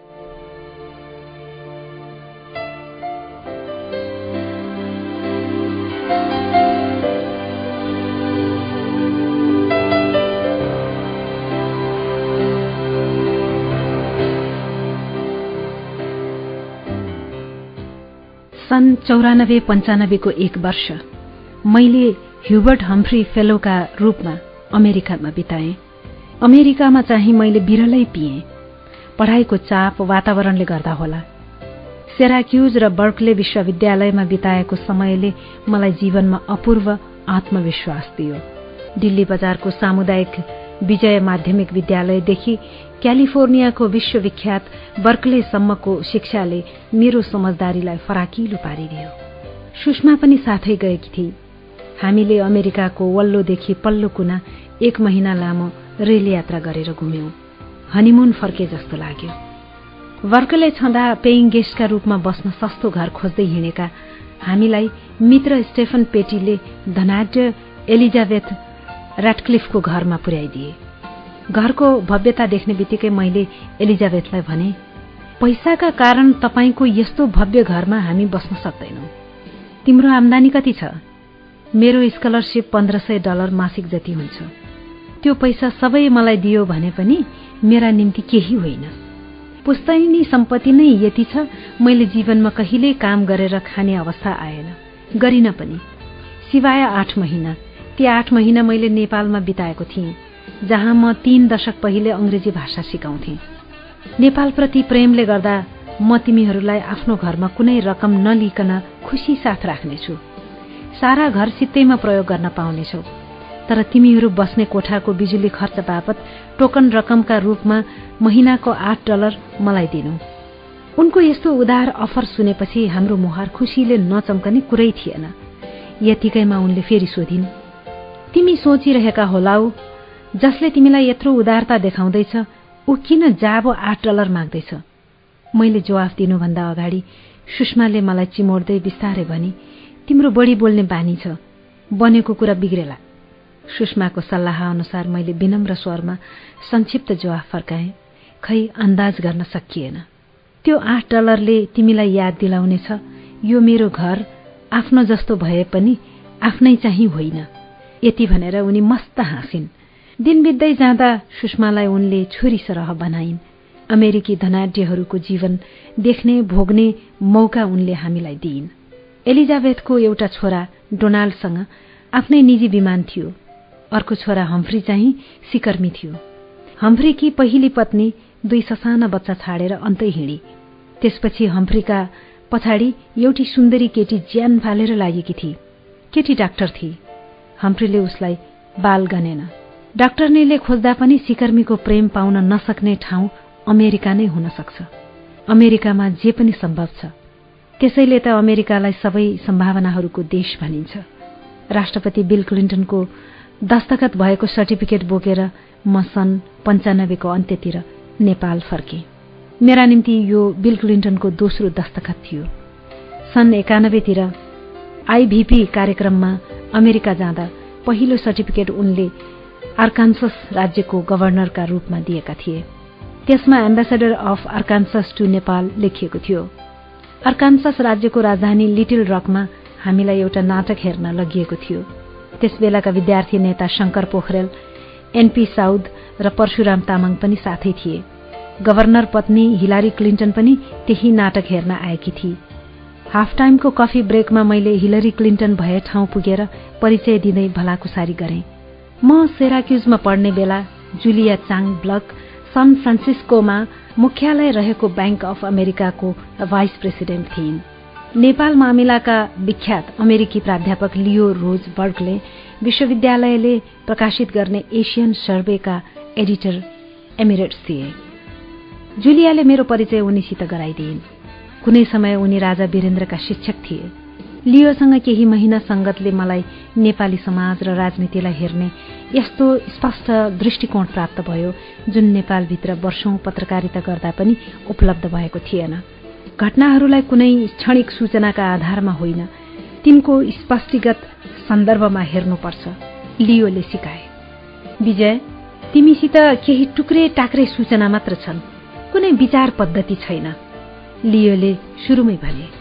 आज सहजै भन्न सक्छु नेपालमा जसलाई हामी बुद्धिजीवी समीक्षक वा लेखक भन्छौ तीमध्ये कतिपय त्यस्तै हुन् जस्तो म। Tits and bits of information but no school of thought कहिलेकाहीँ लाग्छ हामी आफ्नो स्वार्थ सुहाउँदा केही टुक्रे टाक्रे सूचनाहरूको संकलक मात्र हौ। संकलक कहिल्यै सर्जक हुन सक्दैन। बर्कले छँदा जुलियाले मलाई क्यालिफोर्निया साइन्स एकाडेमीका निम्ति ब्याङ्क अफ अमेरिकाले आयोजना गरेको फन्ड रेजिङ डिनरको निम्तो दिइन् एउटा डिनर टिकटको मूल्य हजार डलरभन्दा बढी थियो। फर्मल ब्ल्याक एन्ड व्हाइटमा जानुपर्ने डिनरका निम्ति मसित ड्रेस थिएन। जुलियाले भनी त्यस्तो लुगा भाडामा पनि पाइन्छ। भाडाको लुगा लगाएर त स्वर्ग पनि जान्न। तिमीसित दौरा सुरुवाल छ भने त्यसले पनि हुन्छ। छ खुसी हुँदै जवाफ दिए। ड्रेस त भयो तर जुत्ताको समस्या बाँकी थियो। मसित कालो जुत्ता थिएन। सुषमा र म जुत्ता खोज्न बजार जाँदा ज्यादै महँगो लाग्यो। मैले जुक्ति झिके। कालो जुत्ता होइन कालो पालिस किने। आफूसित भएको पुरानो खैरो जुत्तामा कालो पालिस दले क्यालिफोर्नियाको साइन्स म्युजियममा आयोजित डिनरमा एक से एक अमेरिकन मौजुद थिए। सबै फर्मल सुटमा थिए। म एकजना चाहिँ दौरा सुरुवाल र पालिस लगाएर कालो पारिएको खैरो जुत्तामा सजिएको थिएँ। अमेरिकीहरू छक्क परेर हेर्थे कोहीले त नेपालको राजकुमार हो भनेर पनि सोधे। म चाहिँ बेला बखत डराएर तल हेर्थे कतै जुत्तामा दलिएको कालो पालिस सेतो सुरुवालतिर पो सर्दैछ कि। म र जुलिया बसेको टेबलमा अरू चारजना थिए। एउटा यस्तो मानिस पनि थियो जो दुई महिनापछि ब्याङ्क अफ अमेरिकाको अध्यक्ष हुनेवाला थियो। जुलिया त्यसको अगाडि धेरै बोल्दैनथे। वाइनको सुरमा मैले मस्त बात मारे। आफ्नो हाकिमसित त्यसरी मनपरी बातिएको देखेर जुलियाले मलाई कर्के आँखाले हेरी। म सुरमा भए पो वास्ता गर्थे। तर हाकिम चाहिँ मसित निकै प्रभावित देखिन्थ्यो। सायद ऊ पनि फिटफिट थियो। जाने बेला मलाई कार्ड दिँदै अफिसमा भेट्न आउन भन्यो। डिनरपछि जुलियाले मलाई भनी Bijay I am so happy you are so impressed with you जुलियाले चिनाइदिएको त्यो प्रभावशाली मानिसलाई भेट्न म गइनँ न त उसले दिएको कार्ड सुरक्षित राखेँ। यस्ता धेरै कार्ड मैले सुरक्षित राख्न सकिनँ। बरु कुनै भिजिटिङ कार्ड नै नभएका अनेकसित लामो सङ्गत गरे। उर्दूको सायरी जस्तो। हाम्रो पिउने तरिका अलिक फरक छ साथी। कहिले समुद्रलाई वास्ता नगर्ने कहिले चाहिँ थोपा पनि नछोड्ने। अमेरिकाले विशेष गरी सेराक्युज र बर्कले विश्वविद्यालयले मलाई जीवनमा ठूलो आत्मविश्वास दियो। सरकारी स्कुलमा पढेको मेरो मनको कुनै कुनामा आफू अङ्ग्रेजी राम्ररी बोल्न नजान्ने संसार नदेखेको भन्ने जुन हीनता बोध थियो सब बाफ भनेर उड्यो। यो होइन कि मेरो अङ्ग्रेजी पहिलाभन्दा धेरै राम्रो भयो। नराम्रो अङ्ग्रेजी बोल्दा कसले के भन्छ भन्ने वास्ता गर्न छाडिदिए। जुन आत्मविश्वास र माया मेरा प्रोफेसरहरूले मलाई दिए हो त्यसको ताकतले मलाई बलियो बनाइदियो।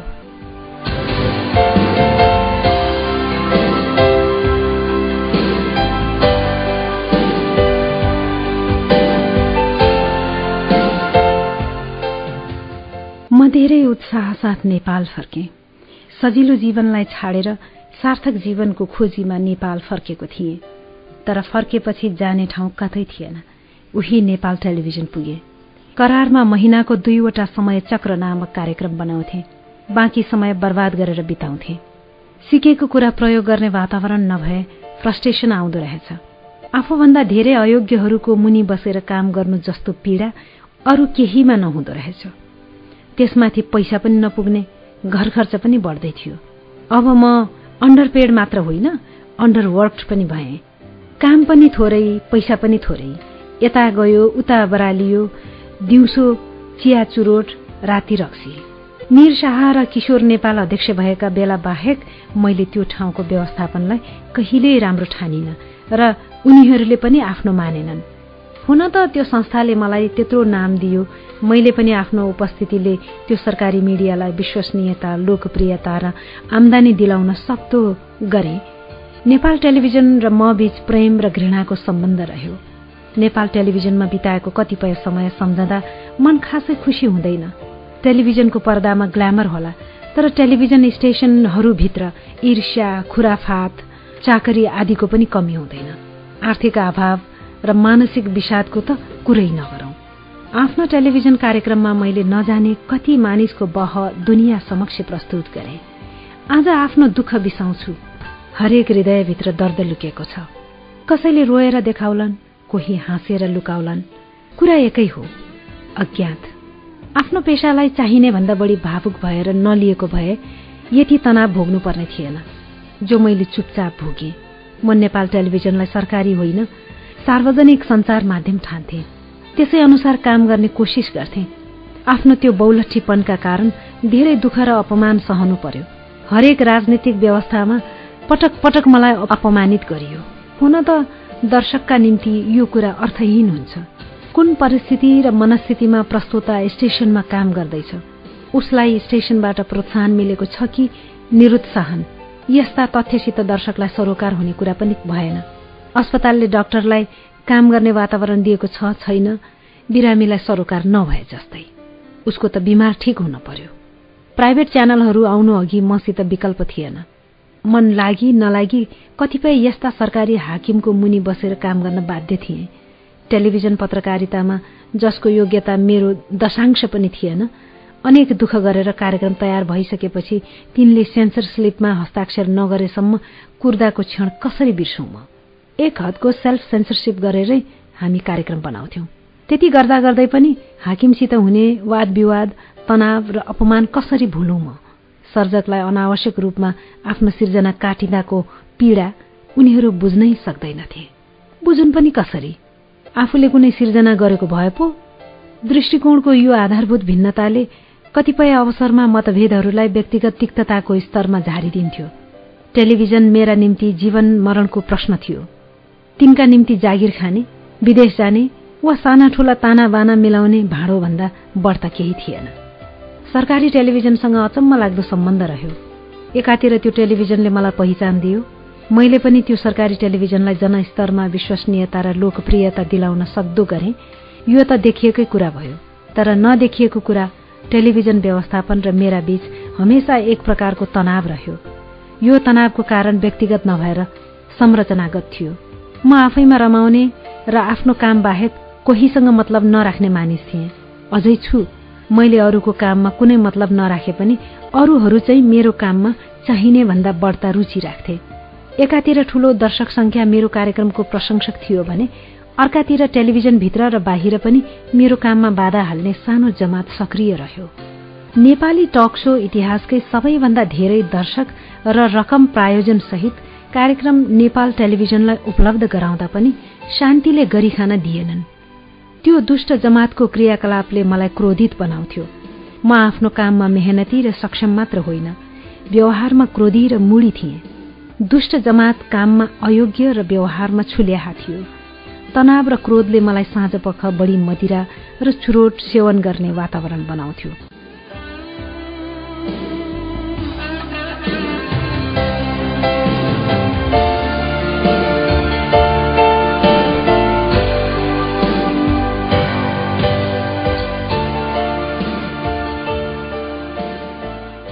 क्रोध भनेको सलाईको काँटी जस्तो हो। अरूलाई जलाउनुभन्दा पहिले आफैलाई जलाउँछ भन्ने उक्ति मेरो हकमा पूरै लागू भयो। एक उदाहरण दुई हजार पचपन्न सालतिर उत्कृष्ट सेवा गर्ने समाजका उज्याला व्यक्तित्वबारे दश भाग लामो कार्यक्रम आफै खर्च जुटाएर निर्माण मात्र गरिन नेपाल टेलिभिजनलाई थप प्रसारण शुल्क समेत तिरेको थिए। एक उदाहरण दुई हजार पचपन्न सालतिर उत्कृष्ट सेवा गर्ने जमातका उज्याला व्यक्तित्वबारे दश भाग लामो कार्यक्रम आफै खर्च जुटाएर निर्माण मात्र गरिन नेपाल टेलिभिजनलाई थप प्रसारण शुल्क समेत तिरेको थिए। आज पनि लाग्छ शनिबार विजय कुमारसित नामक त्यो कार्यक्रम हाम्रो टेलिभिजन इतिहासको कोसे ढुङ्गा हो। समाजलाई सकारात्मक योगदान गर्दै गरेका विभिन्न क्षेत्रका ज्ञात अज्ञात व्यक्तिसँग सम्बन्धित यो श्रृङ्खला अत्यन्तै प्रेरणादायी भन्दै दर्शकले मन पराए। साँच्चै भन्ने हो भने यस्ता प्रेरणादायी कार्यक्रम नेपाल टेलिभिजनले आफ्नै लगानीमा बनाउनु पर्थ्यो। त्यस्तो केही बनाऊ भनेर मैले अनेक पटक भने मानेनन्। त्यहाँसम्म पनि ठिकै थियो। प्रायोजकहरूको सहयोगले मैले आफै बनाए। राजनीति र भाषणले भरिएको टेलिभिजनमा दर्शकले ताजा वायुको आनन्द महसुस गरे। त्यहाँ प्रस्तुत एक पात्रको नाम अनुराधा कोइराला थियो। ती दिनमा उनी एउटा सानो छाप्रोमा माइती नेपाल चलाएर बसेकी थिए। थोरै मानिसलाई उनको विषयमा थाहा थियो। त्यसै कार्यक्रम अन्तर्गत अनुराधा दिदी र उनको कामबारे हामीले सारा देशलाई जानकारी दियौं। जलस्रोत विज्ञ दीपक ग्यावालीलाई नेपाली समाजमा चिनाउने काम गर्यौं। आम दर्शकले धेरै रुचाए।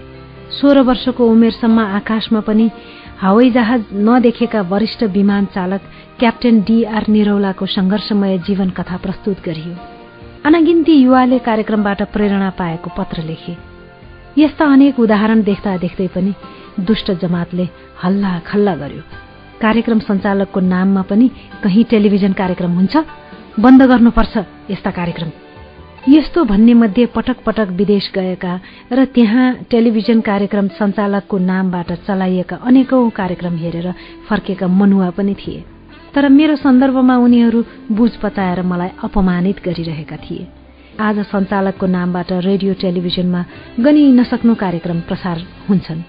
त्यो बेला शुक्ला भन्ने मान्छे जीएम थिए। साउन्ड इन्जिनियरिङ पढेका थिए।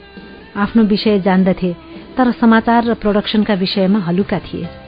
तर पनि शुक्लाले नेपाली सरकारी संसार इतिहासकै सबैभन्दा लामो समय जीएम खाने रेकर्ड बनाए। टेलिभिजनको जीएम र रेडियो नेपालको कार्यकारी निर्देशक गरी पन्ध्रौं वर्ष हाकिम भयो होलान्। शुक्लाको ज्ञान सतही थियो तर उनले चुरो कुरा बुझेका थिए।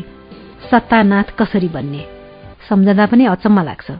सार्वजनिक प्रसारणको जिम्मेवारी यो देशमा त्यतिका लामो समय कस्ता कस्ता मानिसले पाए। तिनका निम्ति जनतालाई सुसूचित गर्ने काम जिम्मेवारी होइन जागिर थियो। बेलायती इतिहासकै महान प्रधानमन्त्रीमा गणना हुने बेन्जामिन डिजराइलीले भनेका छन् सृजनात्मक प्रचार नभइकन जनसमर्थन प्राप्त हुँदैन। जनसमर्थन नभए हरेक राष्ट्रको क्षयीकरण मात्र हुन्छ। तर हाम्रा नेताहरूलाई सर्जक होइन आदेश पालक चाहिएको थियो। आदेश पालकलाई सिर्जना होइन जागिर चाहिएको थियो। एक हिसाबले जे थियो ठिकै थियो। जोडी मिलेकै थियो। यो त भयो जीएमका कुरा अब अध्यक्षका कुरा। दुई हजार छ्यालिस पछि नमुना नमुना अध्यक्ष बिहोरियो। यदा कदा किशोर नेपाल वा हेमबहादुर विष्ट जस्ता टेलिभिजन केही नबुझेकाहरू पनि आए तर अधिकांश चाहिँ नेताको ढोका कुरेर पद चिठा पाएका मानिस थिए। तीमध्ये एकजना बराल थिए। टेलिभिजनमा आउनु अघि हल्का फुल्का काङ्ग्रेसी पर्चा लेख्थे क्यारे। काङ्ग्रेसी कोटामा अध्यक्ष बने। अध्यक्ष पनि के भन्नु? टेलिभिजनको आधारभूत ज्ञान पनि नभएको मानिसलाई अध्यक्ष बन्यो भन्नुभन्दा सरकारी मोटर चढ्नु र कुर्सीमा बस्न आएको पटके भन्दा बढी उपयुक्त हुन्छ। यिनीहरूले त्रिपुरेश्वरको अर्किड होटलमा टेलिभिजन कार्यक्रमहरूको समीक्षा गर्ने भनेर एउटा भेला गराए। आफ्नै स्तर बराबरकै दुई चारजना मान्छे बटुलेर मेरो अनुपस्थितिमा शनिबार विजय कुमारसित कार्यक्रमको हुर्मत लिनसम्म लिए। त्यही होटलमा शुक्लाले अब त्यो कार्यक्रम बन्द हुनेछ। नयाँ एपिसोड थपिन्न भन्ने घोषणा गरे। जुन कार्यक्रमले नेपाली समाजमा योगदान दिने अनेकौं नामलाई स्थापित गर्न सहयोग गर्यो त्यही कार्यक्रम टेलिभिजन हाकिमहरूको नजरमा अपाच्य र बन्द गराउनु पर्ने ठहर्याइयो यो निर्णय गर्ने समीक्षा कार्यक्रममा बोलाएर आफ्नो कुरा राख्ने न्यूनतम न्यायको अवसर समेत मलाई दिइएन। जुन काम राष्ट्रिय टेलिभिजनले आफ्नै स्रोतमा गर्नु उसको धर्म थियो त्यही काम बिचरा एकजना पत्रकारले आफै स्रोत जुटाएर गर्दा प्रोत्साहनको साटो दुत्कारियो बराल त पटके थिए। उनलाई भन्नु केही छैन। टेलिभिजनमा अध्यक्ष पाए खाए। टेलिभिजनको साटो चुनढुङ्गा उद्योगमा अफर आएको भए त्यसैको अध्यक्ष हुन्थे। आजभोलि अमेरिकातिर बरालिँदैछन् रे। मलाई पुरापुर विश्वास छ। अध्यक्ष बराललाई अमेरिकाले उनको योग्यता सुहाउँदो काम दिएकै होला। अमेरिका त्यसै महान भएको होइन। मानिसलाई उसको योग्यता अनुसार काम दिन्छ। अध्यक्ष बरालको जय होस्। बिर्सिसकेको थिएँ। आज लेख्न बस्दा प्रसङ्गवश सम्झेको मात्र हो। एकछिनपछि फेरि बिर्सन्छु। बराललाई बिर्से पनि शुक्लाप्रति उनको नन प्रोफेसनल कृत्यका कारण मेरो मनमा लामो समय तितोपन रह्यो। राम्रो काम गर्दा गर्दै आफ्नो उपस्थितिले सरकारी टेलिभिजनलाई दर्शक विश्वसनीयता समाजमा सकारात्मक चेतनाको विकासका साथै आर्थिक प्रयोजनका हिसाबले पनि योगदान पुर्याए बापत मलाई पुरस्कारको साटो अपमानित गरेर होटलमा भेला गराएर कार्यक्रम रोक्न बाध्य पारेकाले मेरो मनमा तितो बाहेक के हुन सक्थ्यो र। राजनैतिक कार्यक्रमहरूमा भने जस्तो स्वतन्त्रता नपाउँदा त सहेकै थिए। सकारात्मक मानिसका विषयमा बनाइएको श्रृंखलामा पनि त्यस तरिकाबाट रोक लगाउने व्यवहार मेरो भावुक मनले सहन सकेन। एका बिहानै संसदमा प्रतिपक्षी नेता मनमोहन अधिकारीको निवास पुगे। उनी महाराजगंज स्थित विपक्षी नेता निवासमा बस्थे। आफ्नो विषयलाई लिएर कुनै नेताको घर पुगेको मेरो जीवनको पहिलो र आजसम्मको अन्तिम मौका थियो। उनले छक्क परेर सोधे होइन अहिले त काङ्ग्रेस शासनमा छ। तपाईँले आफूमाथि भएको अन्याय किशुनजी वा प्रधानमन्त्री गिरिजालाई नभनेर मलाई किन? मनमोहनजी तपाईँलाई थाहै छ। मैले आजसम्म विपक्षी र तल परेका धेरै मानिसको अधिकार रक्षाका लागि झिनो मसिनो आवाज उठाएको छु। म हेर्न चाहन्छु आज मलाई पर्दा विपक्षी दलको नेताले मेरो अधिकार रक्षा गर्छ कि गर्दैन? यसो भन्ने बेला मेरो गला अवरुद्ध भयो। मनमोहनजीले आफ्नो पिएलाई प्रधानमन्त्री कोइरालासँग टेलिफोन लगाउन निर्देशन दिए। ती दिनहरूमा मोबाइल थिएन ल्यान्डलाइनबाट सम्पर्क हुन सकेन। तपाईँ त्यो शुक्लालाई भन्नुहोस् न। विजयजी मैले सरकारी कर्मचारीलाई जीवनमा बिरलै फोन गरेको छु। आज गर्छु। बिहानको समय थियो। शुक्ला घरमै भेटिए। तर उनले मनमोहनजीको वाणीलाई सामान्य रूपमा मात्र लिए। तर त्यही क्षण अचानक मेरो ज्ञान चच्छु खुल्यो। शुक्ला एउटा प्रवृत्ति मात्र हो भनेर मैले प्रष्ट देखेँ। यो प्रवृत्तिले सत्ताको भाषा मात्र बुझ्छ भन्ने बोध भयो। मेरा निम्ति जुन वाणी श्रद्धेय थियो शुक्ला प्रवृत्तिका निम्ति त्यो मूल्यहीन थियो। यो साधारण सत्य बुझ्न मलाई त्यतिका वर्ष लाग्यो। मनमोहनजीलाई बिहान भेटेको राति रक्सी खाए। नौ बजेको हुँदो हो। हरि शर्मालाई फोन गरेर सबथोक बताए। हरि मेरा मित्र मात्र होइनन्। प्रधानमन्त्री गिरिजा प्रसाद कोइरालाका सचिव पनि थिए। उनले शान्त स्वरमा जवाफ दिए विजय बाबु तपाईँ फोन राख्नुहोस्। शुक्ला अबको पाँच मिनटभित्र तपाईँलाई खोज्दै हिँड्नेछन्। राम जाने हरि शर्माले शुक्लालाई के भने? मनमोहन अधिकारीसँग टसमस नहुने शुक्ला हरि शर्माको एक फोनले पानी पानी भए। पाँच मिनट नबित्दै फोनमा शुक्लाको काँतर स्वर सुनियो। होइन तपाईँले मलाई जागिर खान दिनुहुन्न कि क्या हो विजयजी? मेरो के गल्ती भयो? बसेर कुरा गरौं। तर त्यस दिनपछि मैले शुक्ला वा कुनै पनि जीएमसँग कहिल्यै साँचो मनले कुरा गरिन। हरि शर्माको एक फोनले मलाई सरकारी संचारको वास्तविक धरातल देखाइदियो। त्यसपछि मेरो मनमा शुक्लाप्रति कुनै गुनासो बाँकी रहेन। सरकारी नै भए पनि मिडिया भनेको सामान्य जागिर होइन। गुरुत्तर जिम्मेवारी हो भन्ने मेरो जस्तो पागलपन उसमा थिएन भन्दैमा दोष उसको थियो कसरी भनौं? यति सानो कुरा बुझ्न धेरै वर्ष लगाएकोमा आफैसित हाँसो उठ्न थाल्यो। त्यसपछि म परिस्थिति मिले काम र दामबारे सहमति भए नेपाल टेलिभिजनका निम्ति कार्यक्रम बनाउने होइन भने घरै बस्न थाले। सतही रूपमा हेर्दा मलाई दिइएको पारिश्रमिक धेरै देखिए पनि यथार्थ त्यो थिएन किनभने आधा समय त बेरोजगारै बस्थे। पाइरहेको काम छाड्ने रहर कसलाई हुन्छ र? तर अनावश्यक दबाव र तनावको मूल्यमा आफ्नो थोपडा स्क्रिनमा देखाउने रहर मैले पूरै छाडिदिए।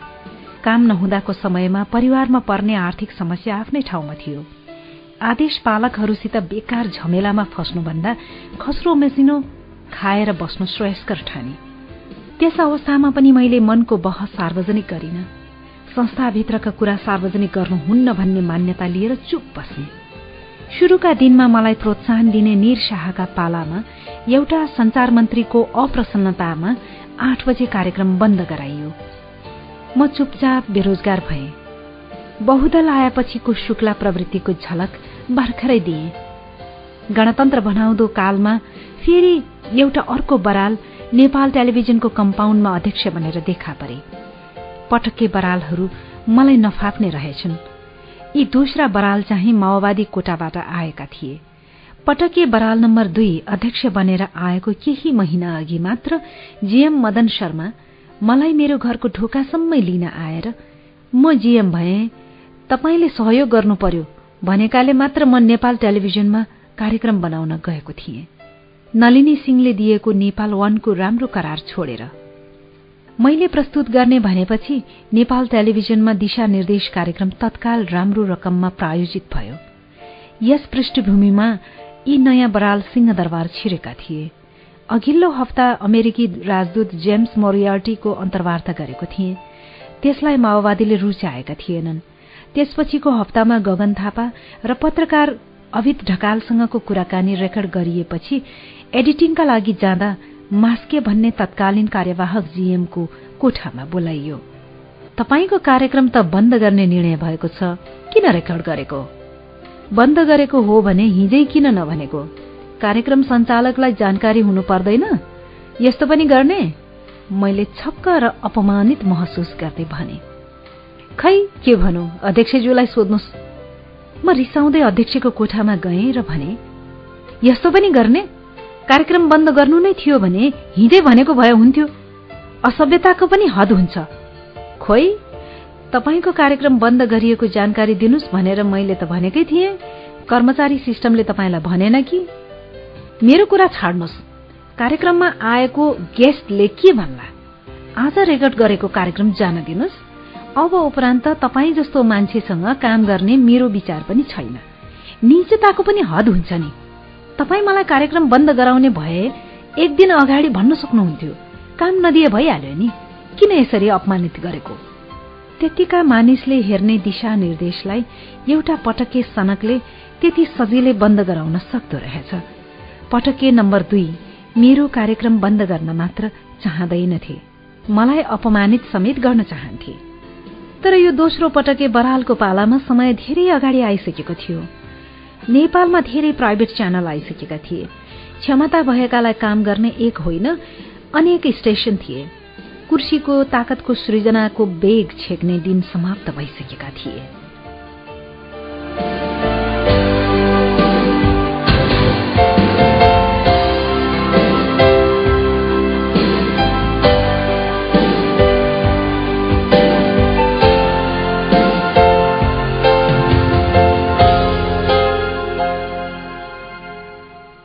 निम्ति सरकारी पटकेहरूले दिने वा रोक्न सक्ने कार्यक्रम निर्माण निर्माणका करारले अर्थ राख्न छोडिसकेका थिए। पटके बरालहरू क्रोध होइन कमेडी पात्रमा रूपान्तरित भइसकेका थिए। मैले पटके बराल नम्बर दुईको कृत्यलाई हाँसोमा उडाउन एउटा पत्र टेलिभिजनमा दर्ता गराएँ। नेपाल टेलिभिजनको इतिहासमा यो संस्थालाई सबैभन्दा धेरै रकम आमदानी गराउने टक शोको सञ्चालकका हैसियतले मेरो पारिश्रमिक तत्काल नबढाइए अर्को हप्तादेखि कार्यक्रम बनाइने छैन। पत्र दर्ता गराएको दुई घण्टा नबित्दै एक निजी च्यानलका निम्ति कार्यक्रम निर्माण गर्ने मेरो समझदारी भइसकेको थियो। केही दिनपछि प्रचण्डसँग नयाँ बजारमा भेट भयो। बाबुराम भट्टराई पनि साथै थिए।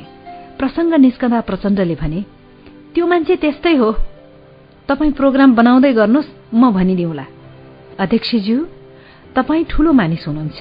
यति ठूलो मानिसलाई विजय कुमारले टेलिभिजनमा काम दिलाइदेऊ भनेर भन्ला भन्ने कहिल्यै नसोच्नुहोस् तपाईँसित माग्नै परे कुनै ठूलै काम मागुला। मलाई त्यो असभ्य मानिससित काम गर्नु छैन। मैले सारा जीवन टेलिभिजनलाई दिएँ त्यसरी अपमानित गरेर निकाल्नु पर्थ्यो र प्रचण्ड र बाबुरामले चुपचाप नजर झुकाए। पटके बराल नम्बर दुईले दिशानिर्देश कार्यक्रमलाई अपमानित गरी बन्द गरेको केही कालपछि न माओवादीको सरकार बाँकी रह्यो न पटके बराल नम्बर दुईको कुर्सी। कालान्तरमा म कान्तिपुरमा स्तम्भ लेखक भए। दिशानिर्देश कार्यक्रमको प्रस्तुता छँदै थिए। त्यति मात्र होइन कान्तिपुर टेलिभिजन समाचार शाखाको नीतिगत प्रमुख भए। त्यस अवस्थामा पनि माओवादीले आफू सरकारमा हुँदा म प्रति गरेको दुर्व्यवहारको तुष पालिन। यो कुरा कान्तिपुर टेलिभिजनको न्यूज रूममा काम गरेका सबैलाई थाहा छ। मैले तुष पाल्न सकिन किनभने किशुनजीले मलाई सिकाएका थिए। एक असभ्य अधिनायकवादीले जस्तो व्यवहार गर्छ ठिक त्यस्तै व्यवहार कुनै प्रजातन्त्रवादीले पैँचो फर्काउन थाल्यो भने दुई बीच फरक नै के रह्यो र? आफ्नो हातमा शक्ति भएका बेला पनि क्षमाशील हुन सक्नु नै साँचो अर्थमा मानिस हुन सक्नु हो। सरकारी टेलिभिजनबाट अपमानित गरेर निकालिएको केही महिनापछि मधु आचार्यको अनुरोधमा मैले एन्टेना फाउन्डेशनको निम्ति मेरो जिन्दगी मेरो विश्वास श्रृङ्खला बनाए। अरू च्यानलसँगै नेपाल टेलिभिजनमा पनि त्यो देखाइयो।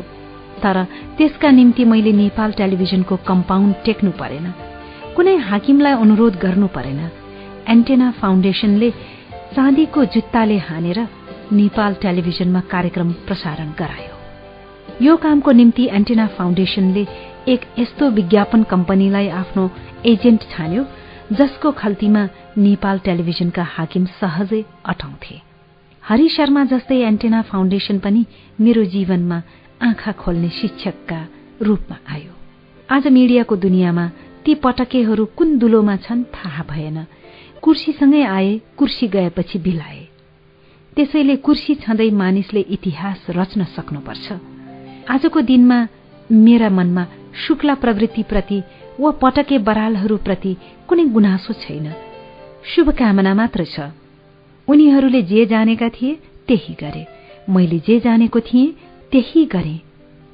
दुई हजार अडसठी सालमा फेरि एकजना बराल मेरो करियरमा आए। ती तेस्रा बराल चाहिँ मलाई फाप्नोसम्म फापे। फाइन प्रिन्टका अजित बराल र निरज भारीले मलाई पत्रकारबाट लेखक बन्ने ढोका खोलिदिए। म एक यस्तो पेशामा छु जहाँ ताली मात्र खान्छु गाली खान्न भनेर सोच्नु मूर्खता हुनेछ। काम गर्दै जाँदा सधैँभरि सबैलाई खुशी बनाउन सकिन्न। प्रयास यति मात्र गर्ने हो। तालीको गडगडाहटमा गालीको चिच्याहट आफसे आफ विलिन होस्। मैले आम दर्शकबाट जुन माया पाएको छु खुशी लाग्छ। बढी खुशी त्यस बखत लाग्छ जुन कुनै नयाँ पुस्ताको पत्रकारले भन्छ। सर म तपाईँको फ्यान हुँ। धेरै कुरा सिक्न सकिन्छ तपाईँबाट। मेरा राम्रा कुरा सिक्नु नराम्रा कुराबाट टाढै बस्नु हाँस्दै भन्छु म। बाधा दुरुत्साहन र अपमानले आफ्नो साथ सहयोग प्रोत्साहन र सम्मानको सम्भावना पनि लुकाएर ल्याउँदा रहेछन्। यसैले अपमानमा आतिनु र सम्मानमा मातिनु दुवै अर्थहीन हुन्। लामा गुरु भन्थे उदाउन लागेको सूर्यको रङ रातो हुन्छ। अस्ताउन लागेको सूर्यको रङ पनि रातै हुन्छ। प्रज्ञावान मानिसका निम्ति उदाउनु र अस्ताउनु एकै हुन्छ। बढ्दो उमेरले धेरै टेलिभिजन कार्यक्रम बनाउने ताकत पनि शरीरमा कम हुँदैछ। जबसम्म सकिन्छ तबसम्म काम गर्ने हो। आम दर्शक पाठकले स्वीकारुन्जेल काम गर्ने हो। स्वान्त सुखाया हुन्जेल काम गर्ने हो। दुई हजार अडसठी पुसदेखि म कान्तिपुर टेलिभिजनमा कार्यरत छु। यहाँ मैले जुन प्रशासनिक झमेला रहित वातावरणमा कार्यक्रम बनाउन पाएको छु त्यो अनुभूति पहिला बिरलै पाए। मेरा लागि यो सन्तोषको अनुभव हो। सबैभन्दा बढी सन्तोष त मलाई यसकारण लाग्छ यहाँ म नयाँ पुस्ताका टेलिभिजन कर्मीलाई आफ्नो अनुभव सिकाउने मौका पाउँछु। युवा पुस्तालाई सिकाउँदै गर्दा उनबाट धेरै कुरा सिक्न पनि सकिँदो रहेछ। पुरानो पुस्तासित अनुभव हुन्छ ऊर्जा हुँदैन। नयाँसित ऊर्जा हुन्छ अनुभव हुँदैन। अनुभव र ऊर्जा एकै ठाउँमा बस्न सके सुनमा सुगन्ध।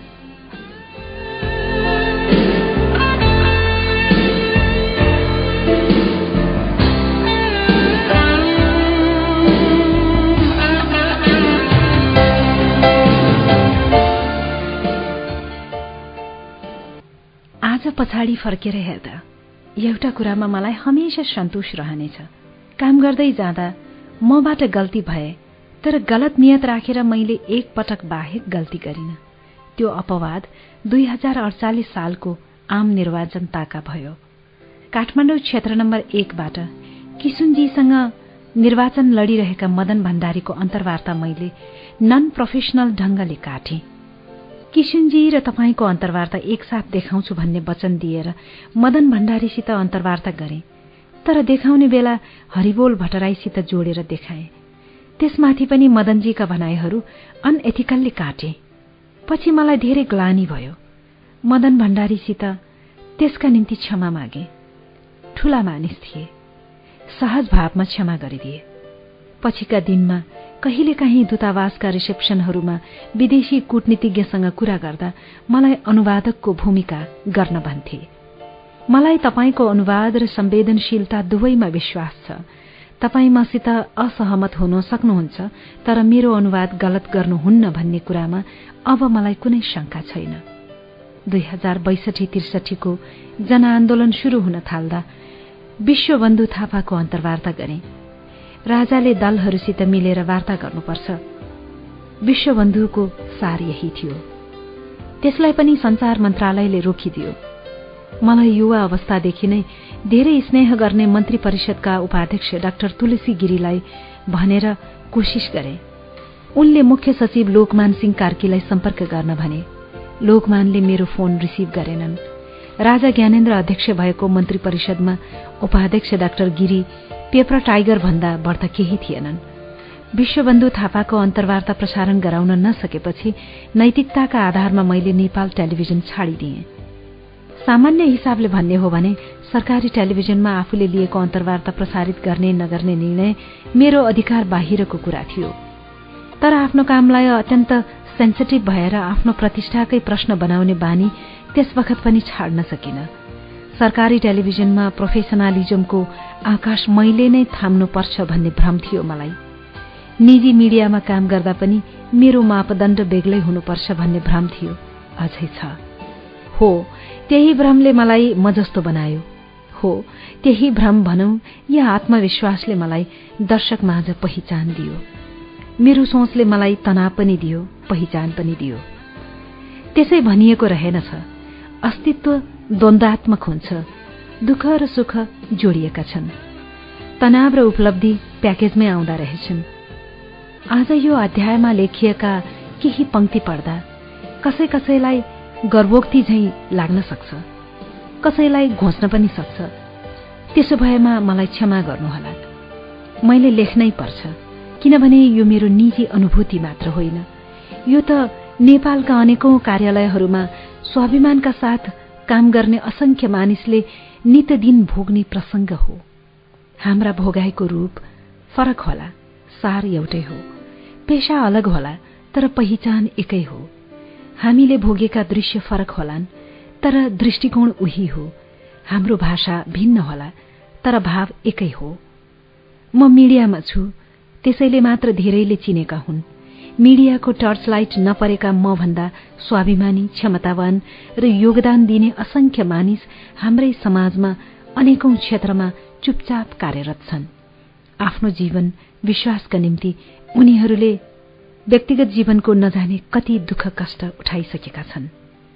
तिनले आफ्नो कार्यक्षेत्रमा नजाने कति खुराफाती धूर्तहरूको जालो प्रतिदिन सामना गरिरहेका छन्। त्यस्ता अज्ञात मित्रहरूलाई सम्झने बित्तिकै म आजभोलि आफूलाई धेरै सानो महसुस गर्छु। नेपाल टेलिभिजनको कम्पाउन्डभित्र मेरा लागि जीवन खराबै खराब थियो भन्ने अर्थ नलागोस्। जे जति तनाव भोगे त्यसको मूल कारण व्यक्तिगत थिएन। कतिपय साह्रै सुन्दर सम्झना पनि सिंहदरबार स्टेशनसँग जोडिएका छन्। विभिन्न शाखाहरूमा मलाई सहयोग स्नेह र आदर गर्ने साथीहरूको कमी थिएन। आजको नेपाल टीभी नयाँ पुस्ताको नेतृत्वमा छ। हाम्रो पाला भन्दा स्वतन्त्र र व्यावसायिक छ। नेपाल टीभी सरकारी होइन। सार्वजनिक संचार माध्यम हुनुपर्छ भन्ने सपनामा बाँचेको म जस्ता मानिसलाई सन्तोष लाग्न सक्छ। नयाँ पुस्ताका साथीले मलाई सायद बढ़ी बुझ्न सक्छन्। नेपाल टीभीसँगै काम गरेका प्राविधिक साथीहरूको गुण म आजन्म बिर्सन सक्दिन। उनीहरू थिए र म भए। उनीहरू नभएका भए म कहाँ हुन्थे र? तिनले रात बेरात भनेनन् जाडो गर्मी भनेनन् हिमाल तराई भनेनन्। जब जब मैले बोलाएँ उनीहरू आए उनीहरू आए तब न मैले दुनियाँलाई आफ्ना कार्यक्रम देखाउन पाएँ। श्याम चित्रकार त्रैलोक्य चित्रकार लक्ष्मण उप्रेती ध्रुव बस्नेत विजया देवकोटा शान्ता जोशी र सम्झना कर्माचार्यलाई सम्झन्छु।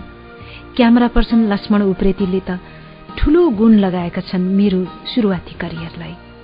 पछिल्ला दिनमा सुरेश मानन्दर रवि तुलाधर मधुर श्रेष्ठ महेश्वर भक्त श्रेष्ठ सूर्यमान रञ्जित केशव रिमाल रामबाबु अधिकारी मिश्रीलाल यादव र शशी चालिसेलाई कसरी भुल्न सक्छु र म? दर्शकहरूको स्मृतिमा यी नाम छन् कि छैनन् कुन्नी? मेरो सम्झनामा हमेसा रहनेछन्। टेलिभिजन कर्मीका नाताले मेरा दुई अनुहार छन्। पहिलो जसलाई दर्शकले स्क्रिनमा देख्छन् दोस्रो मुहार स्क्रिनमा देखिन्न। त्यो मेरो प्राविधिक साथीहरूको मुहार हो। उनीहरू मेरो स्क्रिनमा नदेखिने अनुहार हुन्। हामी एक अर्का बिना अपूर्ण छौं। मसित काम गर्न सजिलो छैन किनभने म आफ्नो कामलाई हल्का रूपले कहिले लिन्न। साथीहरूलाई यो पनि थाहा छ मसित काम गर्नुको मजा पनि बेग्लै छ। सुरेश मानन्दरको धेरै माया लाग्छ मलाई। सबैभन्दा धेरै मसित हिँडेकाले होला। मेरो दुःख सुख मान अपमान आशा निराशा र पेशागत निष्ठाका दृश्यहरू उसले पनि म सँगसँगै भोग्यो। उकालो उक्लिसकेपछि आफू स्या गर्दै हिँडेको गोरेटो प्रष्ट देख्न सजिलो हुन्छ। मेरो समस्या भनौं या मूर्खता या पेशागत निष्ठा म एक यस्तो सपनामा बाँचे जसले मलाई हमेसा भन्यो नेपाल टेलिभिजन भनेको जनताको पैसाबाट चलेको हुनाले यसलाई सरकारी होइन सार्वजनिक प्रसारण माध्यमका रूपमा चलाइनुपर्छ। सार्वजनिक प्रसारण माध्यमका रूपमा चलाइनुपर्छ। यस निम्ति त्यहाँका हाकिमहरूले यतिका वर्षदेखि खितकिते कार्यक्रमहरूको साटो सकारात्मक सोच बढाउने कार्यक्रमलाई पनि प्रोत्साहन दिएका भए आज हिरोभन्दा जोकर ठूलो हुने विश्वको एकमात्र देश नेपाल हुने थिएन। मेरो कुरा सुनेर नीति निर्माताहरू मुखले एकदम ठिक भन्दै सही थाप्थे तर मनमनै चाहिँ हाँस्दा रहेछन्। हेर बेवकुफ कुन चाहिँ सरकारले आफ्नो हातमा भएको त्यत्रो भाँडो छाड्छ? जड्याले रक्सी बाहुनले जेरी र माहुरीले फूल छाडेर पनि दुनियाँ चल्छ? बडा जान्ने भएको। कुन्नी कुन दुनियाँमा बस्छ यो? भन्दा रहेछन्। हो म नजाने कुन्नी कुन दुनियाँमा बस्ने मानिस रहेछु। कामना सिने मासिकले मेरो बारे कभर स्टोरी बनाउँदै दुई हजार पैंचालिसतिरै लेखेको थियो। नेपाल टेलिभिजनका सुपरस्टार विजय कुमार जसका आँखाहरू कुनै अर्कै दुनियाँको सपना देखिरहेको झैं प्रतीत हुन्छ खामनाले लेखेको एघार वर्षपछि धर्मदिदी ब्रिजिटले पनि भनी विजय You live in the world of illusion and dreams, almost like a madman. तिमी यथार्थमा होइन कल्पना र भ्रमको संसारमा बाँच्छौ पागल झै। हो एउटा राम्रो पत्रकार बन्नका निम्ति म पागल झै लागे। मैले घर हेरिन परिवार हेरिन आफूलाई हेरिन पागल झै पत्रकारितामा लागे। मसँगै पत्रकारितामा प्रवेश गरेका कोही मरे कोही थाके कोही रिटायर भए र कोहीलाई मार्केटले रिटायर गरिदियो। मेरो भाग्य बलियो रहेछ। मलाई मेरो पागलपनले जोगाइदियो।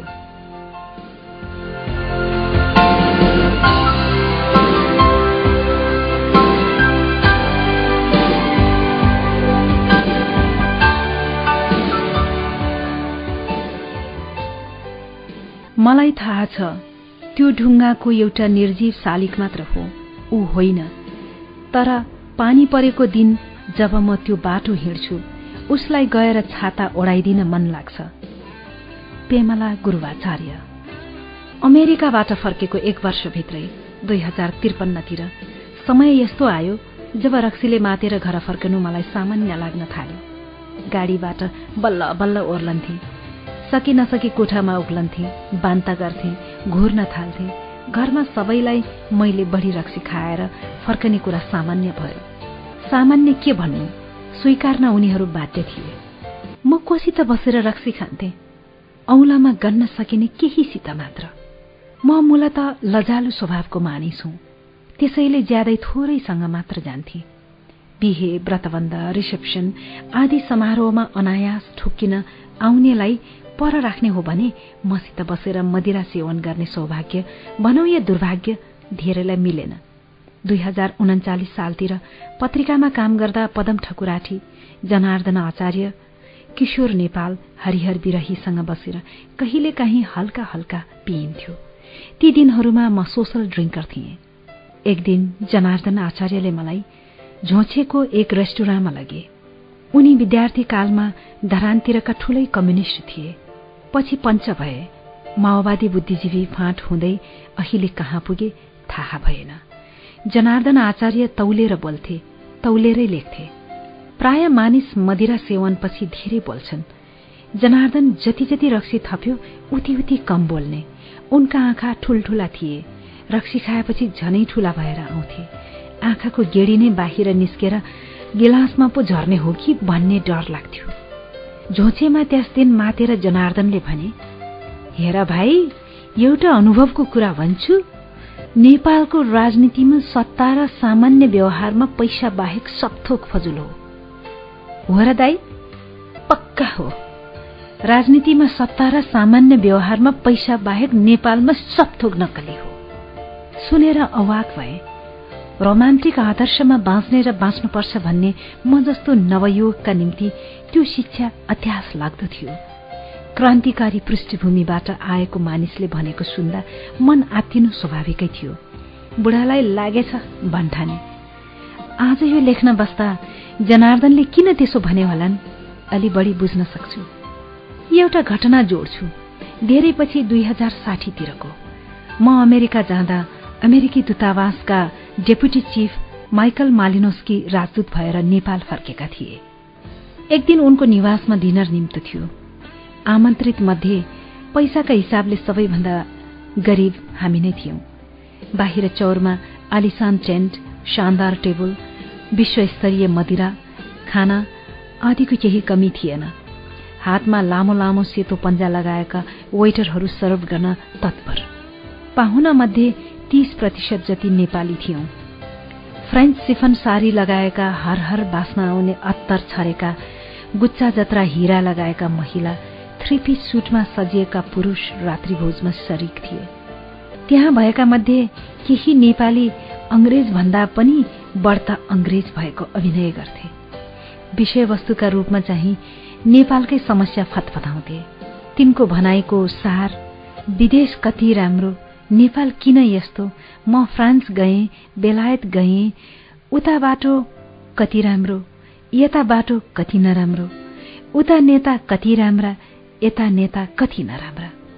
उनीहरू नेपाली नेता र कर्मचारीलाई भ्रष्ट र अयोग्य भन्थे।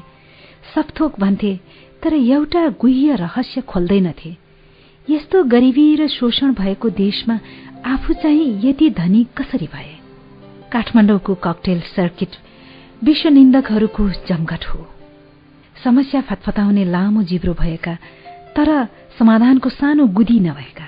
लामो थुतुनो सानो गुदी यिनको मूल पहिचान हो। यिनले जानेको महामन्त्रको सार हो। सारा विश्व खराब म असल। दुनियाँ अयोग्य म योग्य। उनीहरूको कुरा सुनेर पहिला मलाई रिस उठ्थ्यो। पछिका दिनहरूमा हाँसो उठ्न थाल्यो। त्यस रात दस बजेको हुँदो हो। पार्टीबाट आधा जस्तो फर्किसकेका थिए। बाँकी जमेकाहरू मस्त थिए। टाढाबाट हेर्नेलाई भ्रम हुन सक्थ्यो। कति भाग्यमानी र सुखी मानिसको जमात। अचानक एउटी महिला चिच्याएको आवाज आयो। सबै हेर्न थाले। नन्दु राणा उत्तानो भएर भुइँमा लडेका थिए। मुखबाट रगत बग्दै थियो। उनकी श्रीमती चिच्याउँदै थिइन्।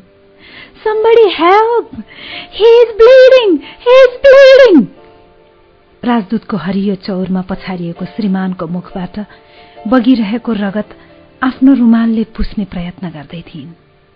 बुझ्दा थाहा भो कुन्नी के कुरामा रिस उठेर नेपालमै बस्ने टाइगर टप्सको ब्रिटिस मालिकको छोराले नन्दु राणालाई मुक्का ठोकिदिएछ। अघिसम्म सुटमा सजिएर युनो युनो भन्दै सारा संसारका समस्या समाधान गर्न सक्ने मानिस अहिले भुइँमा पछाडिएको थियो। त्यत्रो घटना भयो त्यत्रो ठाउँमा तर सबै तै चुप मै चुप भए। मुक्का खाने नै चुप भएपछि कसलाई के मतलब? एकैछिनमा सब सामसुम भयो। कसैलाई केही नभएको अभिनय गर्दै पार्टी जारी रह्यो। अनौठो अनुभव थियो मेरा लागि। सोचे यस्तो घटना कुनै भट्टीमा घटेको भए? यस्तो घटना अमेरिकी राजदूतको घरमा नघटेर साधारण ठाउँमा साधारण मानिससँग घटेको भए के त्यति सजिलै अभिनय गरेर टुङ्गिन्थ्यो त? त्यो मुखका कुहिरेको साटो कुनै नेपालीले हानेको भए के अमेरिकीहरूले त्यसलाई त्यसै छाडिदिन्थे? धनी र बलियासँग संगत गरेपछि उनीहरूले हानेको मुक्का सहन पनि तयार हुनुपर्ने समाजको रीत त्यस दिन देखे। मैले एक पेग रक्सी थपेँ। जनार्दनका ठुल्ठुला आँखा सम्झे। वर्षौं अघि उनले झोछेमा बोलेको सम्झे। राजनीतिमा शक्ति र सामान्य व्यवहारमा पैसा बाहेक नेपालमा सफथोक फजुल हो। दुई हजार बयालिस माघको त्यो विलक्षण साँझ सम्झिन्छु। जनार्दनकोमा नारायण गोपाल आएका थिए गाएका थिए। हामी सबै मस्त थियौं। जाडोको महिना ज्वाइँ खट्टेको तातो रक्सी कुखुराको जाँते उसिनेको काउली टिमुरको छोप। वाह! क्या स्वाद थियो क्या साथ थियो। नारायण दाईले गाउँदा पृथ्वीमा स्वर्ग ओर्लेको थियो। पिउँदा पिउँदै जिन्दगी यो रित्याउन चाहन्छु म। आफ्ना भन्ने सारालाई आज भुल्न चाहन्छु म। नारायण गोपालसँग त्यस साँझ सुरु भएको सम्बन्ध सदा निकट र अटुट रह्यो। चिन्जान धेरै पछि भए पनि उमेर र पेशामा ठूलो भिन्नता भए पनि नारायण दाईका अन्तिम वर्षमा उनीसित सबैभन्दा धेरै समय बिताउनेमा पर्छु। त्यति हुँदाहुँदै पनि मैले नारायण दाईको अन्तर्वार्ता कहिले गरिन। मानिसहरू हमेसा भन्थे खै त नारायण गोपालज्यूको इन्टरभ्यू? किन गरेन उसको अन्तर्वार्ता? मैले यो प्रश्नको उत्तर धेरै वर्षसम्म दिइन। चन्द्रशेखर कार्कीको वचन हार्न नसकेर नागरिक दैनिकमा संस्मरण लेखे जसको शीर्षक थियो अन्तर्वार्ता नदिने नारायण दाई। नारायण दाई बितेको केही वर्षभित्रै पेमला भाउजू पनि रहिनन्। उनीहरूले महाराजगंज चोकबाट पाँच मिनट हिँडेर पुगिने ठाउँमा घर बनाएका थिए। आजभोलि त्यो चोकलाई मानिसहरू नारायण गोपाल चोक भन्छन्। कालजयी गायक नारायण गोपालको शालिक त्यहाँ स्थापित छ। जब जब त्यो प्रतिमा छेउबाट गुज्रन्छु मेरो मन नारायण दाई र पेमला भाउजूको सम्झनाले निथुक्क भिज्छ तपाईँ अफिस जाने बेला वा किनमेल गर्न आउँदा नारायण दाईको शालिक छेउबाटै हिँड्नुहुन्छ।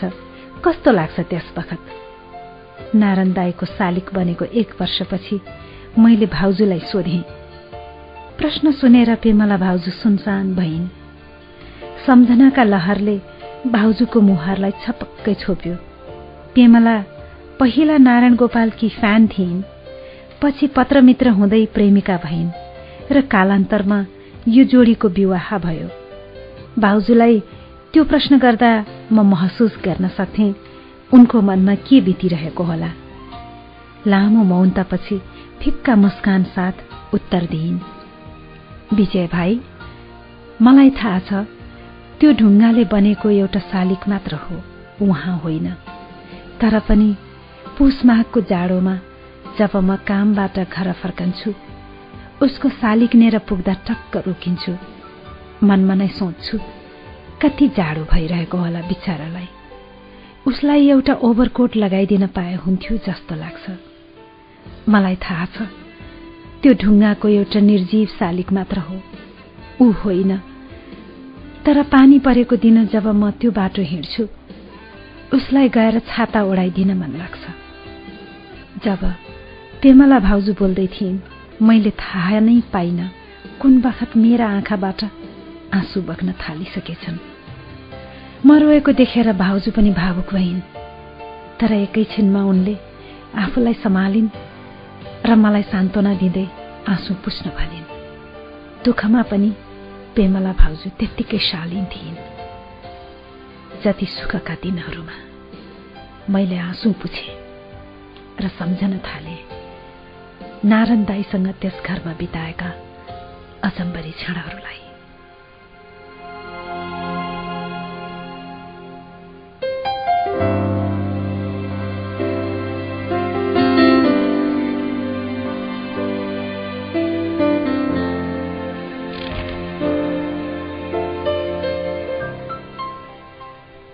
नेपालमा टेलिभिजन थिए।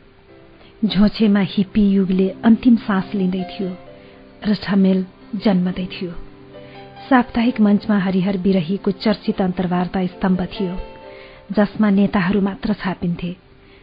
एक दिन हरिहरले भने अबको अङ्कमा नेता होइन नारायण गोपालको अन्तर्वार्ता छाप्ने। अन्तर्वार्ताको पृष्ठभूमि मिलाउन जनार्दन आचार्यको घरमा साँझ नारायण गोपालसँग भेटघाट कार्यक्रम राखियो।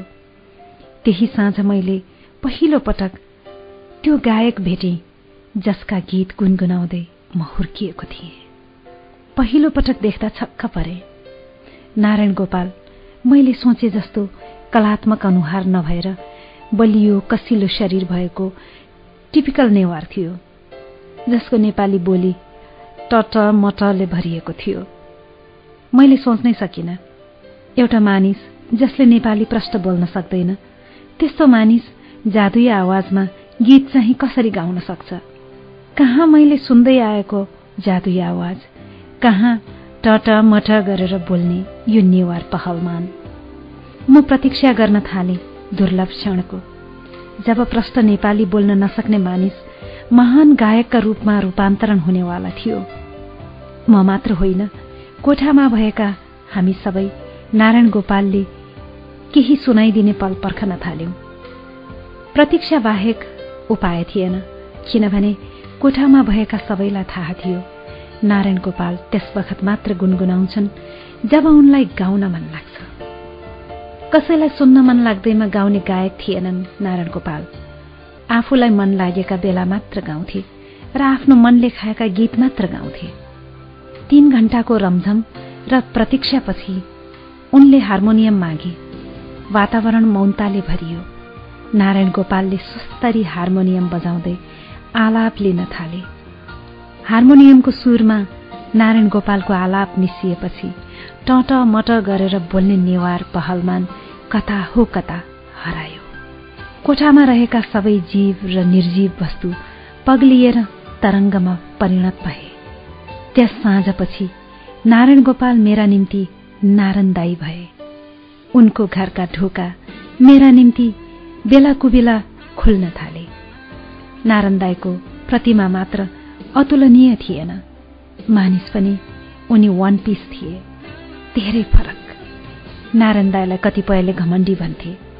तर मेरो अनुभवमा उनी धेरैसँग घुलमिल गर्न नरुचाउने लजालु स्वभावका स्वाभिमानी मानिस थिए। एकपटक भन्थे यो सहरमा प्रत्येक चाकडीबाजले आफूलाई स्वाभिमानी भन्छ। अनि थोर बहुत स्वाभिमानीलाई घमण्डीको दर्जा दिइन्छ। नारायण आफ्नै संसारमा बस्थे। त्यो संसारमा प्रवेश सजिलो थिएन। तर जुन जुन भाग्यमानीले त्यो संसारमा प्रवेश पाए तिनका निम्ति आनन्दै आनन्द थियो। मस्ती नै मस्ती थियो। नारायण दाईको नाम सम्झने बित्तिकै मेरा दुई थप निकट सम्बन्धहरू मस्तिष्कमा आउँछन्। महान संगीतकर्मी गोपाल योञ्जन र गीतकार विश्वम्बर प्याकुरेल। नारायण दाईसँग विश्वम्बर प्याकुरेलको त्रिवी क्वार्टरमा भुल्नै नसकिने समय बिताए। नारायण दाई चिनेको तीन चार वर्षपछि नेपाल टेलिभिजन आयो। अँध्यारो उज्यालो नामक कार्यक्रम गर्ने निधो भएपछि म सिधै नारायण घरमा पुगेँ। मेरो कार्यक्रमको शीर्ष गीत रेकर्ड गर्न नेपाल टेलिभिजन आउन अनुरोध गरे।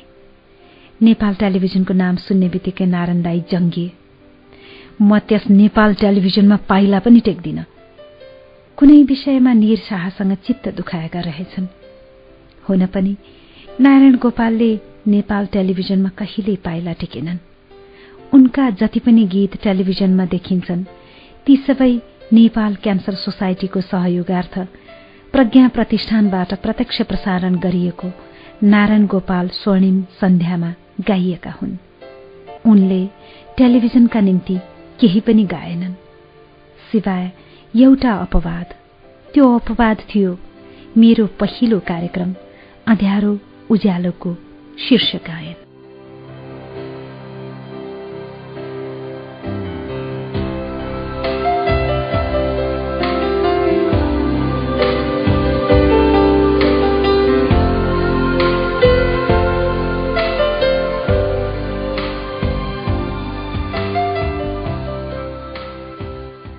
कालान्तरमा मैले असंख्य अन्तर्वार्ता गरेँ तर नारन्दाईको अन्तर्वार्ता गर्न पाइनँ। एक दुईपल्ट प्रस्ताव गर्दा उनले हाँसेरै टारिदिए नारायणदाई बित्नुभन्दा एक वर्ष अगाडिको कुरा। उनी वीर अस्पतालबाट भर्खरै घर फर्केका थिए। पूर्व सूचना बिना क्यामेरा लिएर महाराजगंज पुगे। दलबल सहित आएको देखेर नारायणदाईको अनुहारमा निराशा छायो। उनले थाकेको आवाजमा भने विजय मैले तिमीलाई पत्रकारको रूपमा मात्रै कहिले लिइन। तिम्रो भाउजूले पनि भाइ जस्तै मान्दछे। तिमीले मेरो गीत मात्र होइन हाम्रो जिन्दगी पनि महसुस गर्नुपर्ने हो। एउटा आधा घण्टाको अन्तर्वार्ताले म हुनुको अर्थ देखाउन सक्ला त? के तिमी पनि अरू पत्रकार झैँ मेरो अन्तर्वार्ता गरेर अलिकति नाम कमाउन चाहन्छौ? के तिमीलाई थाहा छ संसारका सबैभन्दा उत्कृष्ट अन्तर्वार्ताहरू पढ्न सुन्न र हेर्नका निम्ति मात्र हुँदैनन्। उत्कृष्ट अन्तर्वार्ता त मानिसले महसुस गर्न सक्नुपर्छ। उत्कृष्ट अन्तर्वार्ता हृदयको हृदयसँगको सम्वाद हो। म चाहन्छु कुनै दिन तिमीमा त्यस्तो अन्तर्वार्ता गर्ने हृदय विकसित होस्। नारायण कुरा सुनेर म स्तब्ध भए। उनको स्नेह दुरुपयोग गर्दै क्यामेरा ल्याएकोमा लज्जाबोध र आत्मग्लानी भयो। मेरो अनुहारमा अप्ठ्यारोपन देखेर नारायण दाईले भने भइगो केही छैन क्यामेरा फर्काऊ तिमी चाहिँ बस। मैले त्यसै गरेँ।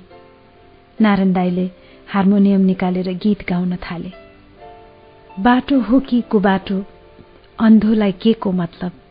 आँखै हुनेको पनि ठोकिन्छ जिन्दगी।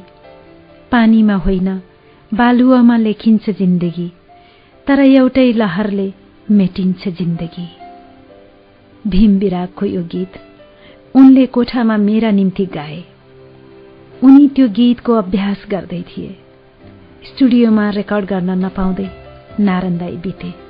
कुनै स्टुडियोमा रेकर्ड नगरिएको नारन्दाईको त्यो गीत मेरो मुटुको हरेक कुनामा आज पनि भरिएको छ। म सम्झन्छु नारन्दाई अस्पताल भर्ना भएका दिनहरू।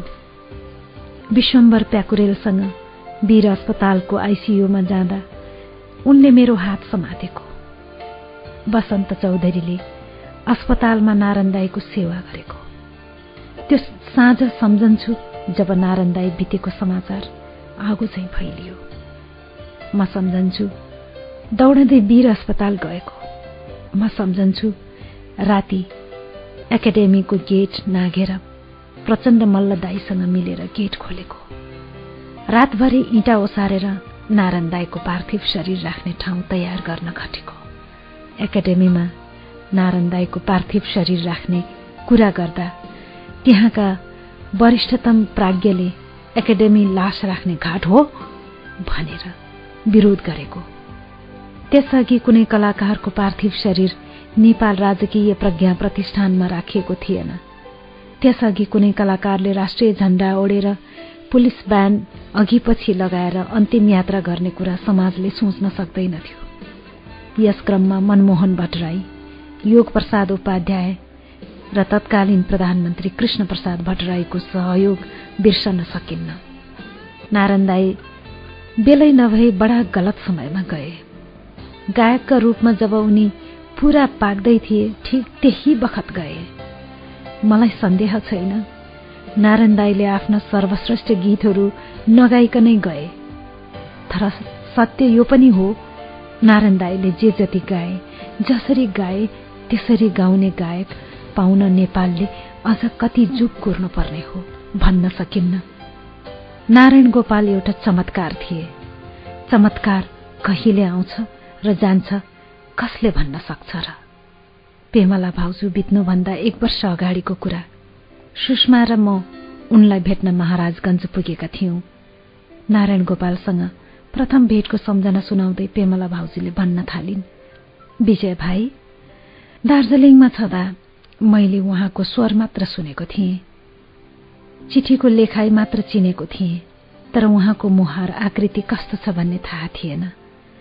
मलाई भेट्न दुईजना आउनुभएको थियो। त्यो मध्ये एकजना बलियो पहलमान जस्तो देखिन्थ्यो। मैले सोचे यो चाहिँ पक्कै होइन। मैले लजाएर अर्को मानिसलाई हेरेँ तर तिनले हतारिँदै इसारा गरे म होइन ऊ हो। त्यो बलियो खाइलाग्दो मानिस नै उहाँ हुनुहुँदो रहेछ। त्यो नै हाम्रो पहिलो भेट थियो।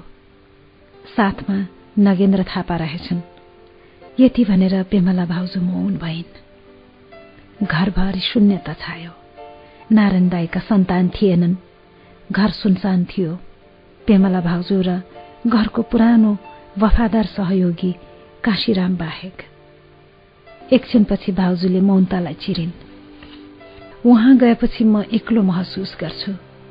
तर जब म उहाँका गीत बजाउँछु लाग्छ पल्लो कोठामा साधना गर्दै हुनुहुन्छ। लाग्छ यही हुनुहुन्छ। विजय भाइ तिमीले उहाँले खाना पकाएको सम्झन्छौ? कति मिठो पकाउने है? याद छ? ती शनिबारहरू जब तिमी यहाँ आउने गर्थ्यौ दाईसँग बेकारका बेतुकका फाल्तु कुरा गरेर तिमीहरू कति जोड जोडले हाँस्थ्यौ। हो पेमला भाउजू मलाई ती सबै क्षण याद छन्। I will always miss you Narayan दाई। आई मिस यु पेमला भाउजू। दुई हजार अडसठी असौज पन्ध्र। मध्यरातमा निन्द्रा खुलेको छ। नारायण दाईका विषयमा आफैले लेखेका शब्द पढ्दा मेरा आँखा सम्झनाको पानीले छताछुल्ल भएका छन्। मानिस आफैले लेखेको पढेर यति भावुक हुन सक्छ थाहा थिएन। यति त म त्यस दिन पनि रोइन भाउजू। जुन दिन मैले एकाडेमीमा नारायण दाईको पार्थिव शरीर राख्ने मञ्च बनाउन रातभरि इँटा बोके। यति त म त्यस दिन पनि रोइन। जुन दिन वीर अस्पतालको आइसियुमा नारायण दाईले मेरो हात यसरी मुसारे मानौ भनिरहेका थिए यो पल्टको जुनीमा यति नै हो माया साँची राखे माया नमारे। पुरानो कुरा सम्झँदा मन भावुक भएर आउँछ। बाहिर जति कठोर देखिए पनि कति सजिलै रुन्छु म। नारायण दाई बितेपछि बिसौँ वर्ष गइसके तर आज पनि जब जब उनका गीत सुन्छु मनमा प्रश्न उम्रन्छ के नारायण दाईले आफ्नो स्वास्थ्यको अलिकति ख्याल राखेर त्यति धेरै मदिरा र चुरोट नपिएको भए उनी अलि बढी बाँच्थे कि? यो प्रश्नको उत्तर मसित कहिल्यै हुने छैन। मलाई थाहा छ रात दिन मदिरा र सुर्ती सेवन गर्नेहरू पनि बाँचेकै छन्। कहिल्यै चुरोट रक्सी हात नलगाउनेहरू पनि अल्पायुमा बितेकै छन्।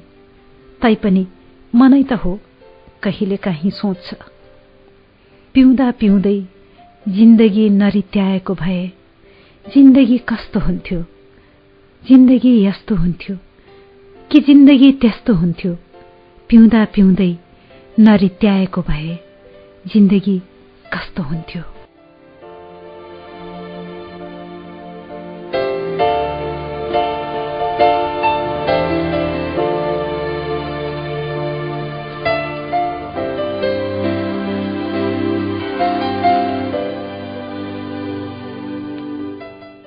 जे सबैभन्दा जरुरी छ सुरुवात त्यसैबाट गर।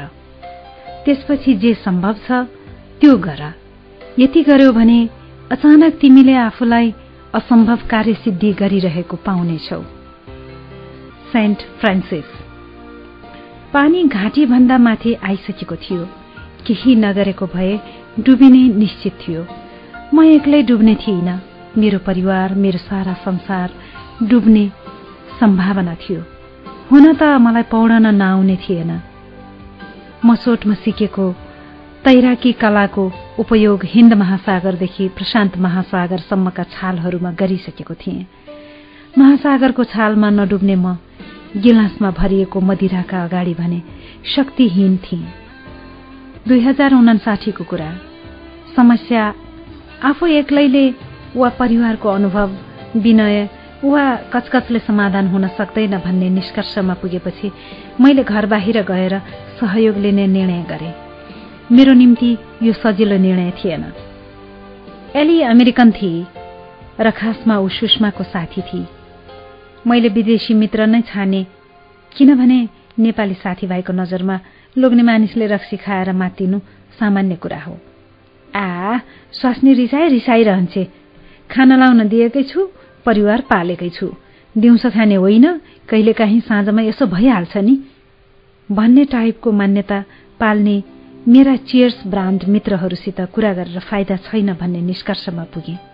भोलिपल्टै बिहान एलीलाई सब कुरा बताए। उसले ध्यानपूर्वक सुनि र मुस्कुराएर भनी तिमीलाई यो कुरा थाहा पाएर अचम्म लाग्ला। म आफै एक अल्कोहलिक हुँ। हामी बीच फरक यति हो मैले मदिरापान नगरेको पन्ध्र वर्ष भइसक्यो। पिर नगर्नु बिस्तारै सब ठिक हुँदै जानेछ। उसका ढाडसयुक्त शब्द सुनेर मैले आफूलाई सम्हाल्न सकिनँ। जीवनमा पहिलो पटक कोही मानिस मसित मेरो मदिरापान विषयमा सहानुभूति राखेर कुरा गर्दै थियो। त्यसअघि सबले मलाई मात्र दोष दिन्थे। एलीको सान्त्वनाले मेरो मनमा वर्षौंदेखि जमेर बसेको पीडा छताछुल्ल भयो। आफै एक अल्कोहलिक भएकीले ऊ मेरो आँसुको मुहानलाई राम्ररी चिन्न सक्थे। मेरो अश्रुधारा अलिक कम भएपछि उसले बिस्तारै भनी विजय आज तिमी घर फर्क। भोलि म तिमीलाई मद्यपानको उपचार गर्ने ठाउँ लैजान्छु। त्यस दिन एलीको घरबाट फर्कने बेला म धेरै हल्को महसुस गर्दै थिएँ। आफ्नो मनको बह सही मानिसका अगाडि पोख्न पाएर होला। कस्तो उपचार केन्द्रमा लाने हो भन्ने व्यग्र प्रतीक्षा थियो। म सोचिरहेको थिएँ कुनै विदेशी डाक्टरको क्लिनिकमा लैजाली। डाक्टरले मलाई अमोद औषधिको नाम लेखिदेला अनि त्यो रामवरण झोल खाएर म मदिरा झोल सेवनबाट पूर्णत मुक्त हुनेछु। एक मनले यो पनि सोच्दै थिएँ ह्यात्तेरी यस्तो डाक्टरको म किन पहिले नगएको होला? यतिका समय बर्बाद गरिएछ। बितेका दिनप्रति बिलौना गर्दै भविष्यको सुखद कल्पनामा डुब्दै भोलिपल्ट म उपचार केन्द्रमा पुगे। तर त्यहाँ न कुनै डाक्टर थियो न जाँच्ने उपकरण न त कुनै औषधि। एउटा सामान्य कोठा थियो भुइँमा साधारण कार्पेट ओछ्याइएको थियो र त्यसैमाथि एकजना नेपाली र पाँच विदेशी मुहार टुक्रुक्क बसेका थिए। एलीले आफ्नो परिचय दिए my name is Ellie am an alcoholic त्यहाँ भएका मानिस पालै पालो आफ्नो परिचय दिँदै बिग बुक नामक पुस्तक पढिरहेका थिए।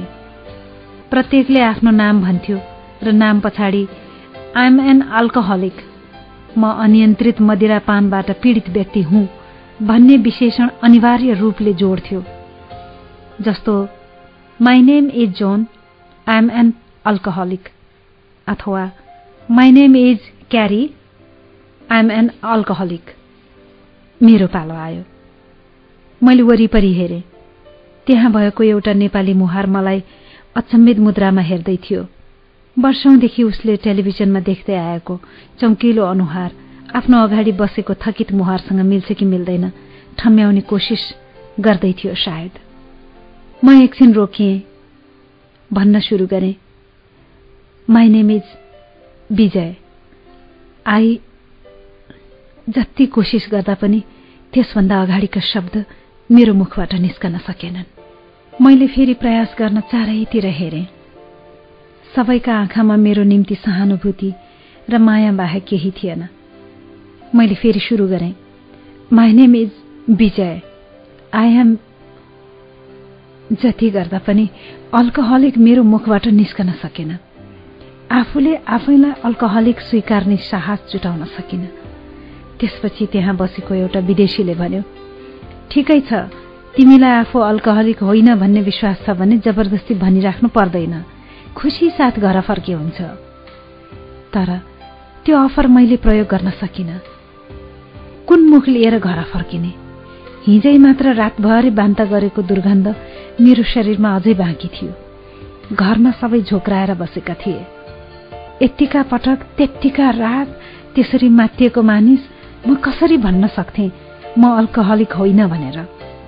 चिप्रोले कदाचित होइन भनिदिए पनि मेरो अन्तर्मनलाई थाहा थियो सही उत्तर के हो। मैले तेस्रो पटक मुख खोले। यसपटक मैले कोठामा कसैलाई पनि हेरिन सिवाय आफ्नो विगत र आफ्नो अन्तरात्मालाई। र सबैले सुन्ने प्रष्ट आवाजमा भने my name is Bijay I am an alcoholic मेरो आँखाबाट आँसु बग्न थाले।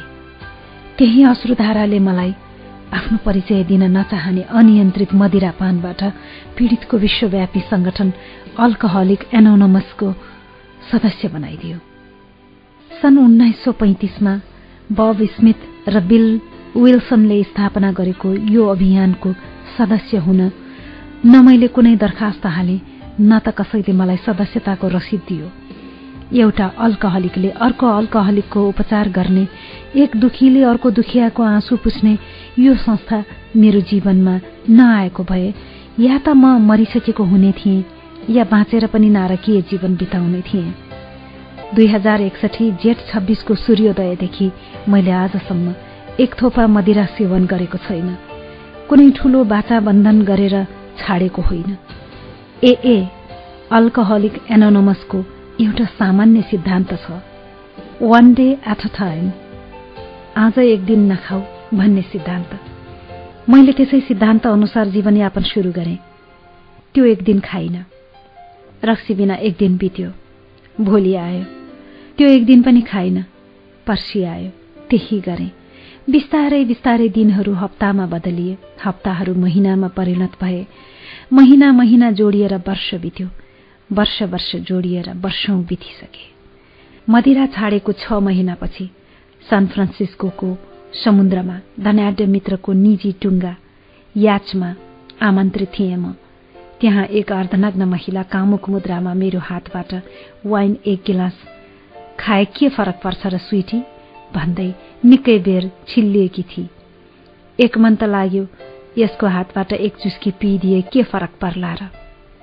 तर अर्को मनले भन्यो यस्तो वातावरणमा यस्तीको हातबाट पनि खाइनस् भने तेरो बाँकी जीवनका चुनौती ज्यादै सजिला हुनेछन्। नखा माइला आज एक दिन नखा।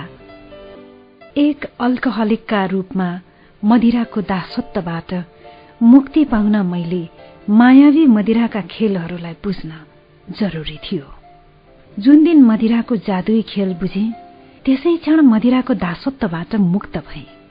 मदिराबाट मात्र होइन कुनै पनि अतिरञ्जित बासनाबाट मुक्त हुने हो भने त्यो बासनाका मायावी चाल आफूमाथि कुन कुन अवस्थामा कसरी हावी हुन्छन् वा हुँदैनन् भन्ने बुझ्न अनिवार्य रहेछ। हरेक इच्छित बासनाको उपलब्धिमा एउटा ज्वरयुक्त मस्ती फेभरिस इन्जोयमेन्ट छ।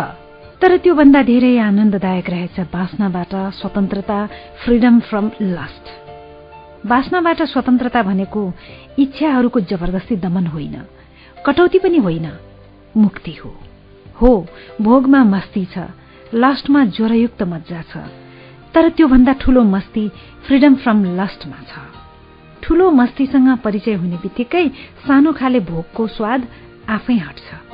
बासनाका हाँगाभिङ्गा छिमल्ने मात्र होइन। आन्तरिक समझदारीको ज्ञान इन्टरनल अन्डरस्ट्यान्डिङले तिनलाई जरैदेखि तिरोहित गराउन सक्नुमा नै फ्रिडम फ्रम लस्टको गरिमा लुकेको हुन्छ। फ्रिडम फ्रम लस्ट भनेको नपुंसक हुनु होइन। निर्वीर्य हुनु भनेको पनि होइन। आफू र आफ्नो परिवारका निम्ति जे कुरा सुपाच्य छैनन् तिनलाई स्वेच्छाले त्याग्नु मात्र हो। मैले मदिरालाई भोगे चिने र त्यागिदिए। त्यसपछिका वर्षमा सुषमा कति खुसी छ। सारांशिका र सारांश आफ्नो बाबालाई देखेर कसरी मुस्कुराउँछन्। इजा भन्छन् सूर्य जस्तो होस् त। केही समय सानो ग्रहण लागेको थियो। मुक्त भइस। योभन्दा ठूलो खुसी मेरो लागि के हुन सक्छ र? छोरी एकपटक होस्टलबाट घर आउँदा मैले मेरो ड्ररमा त्यही पुरानो कागज पाएँ।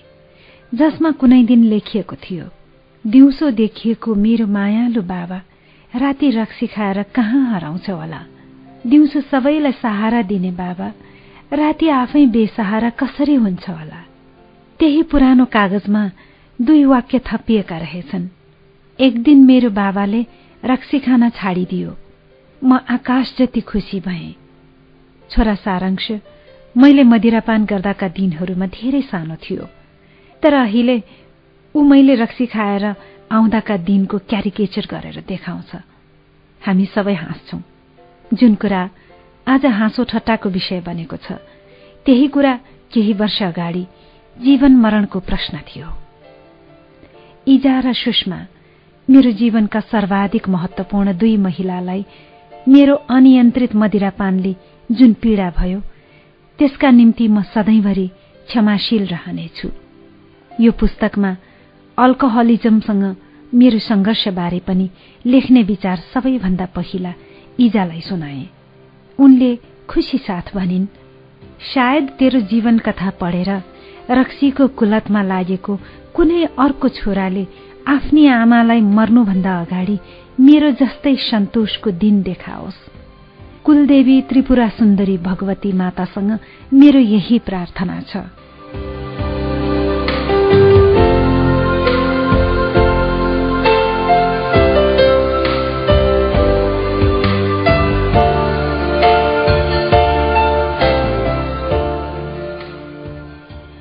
अल्कोहलिक त्यो हो जसको निरन्तर अनियन्त्रित मद्यपानले जीवनमा असर परिसकेको छ।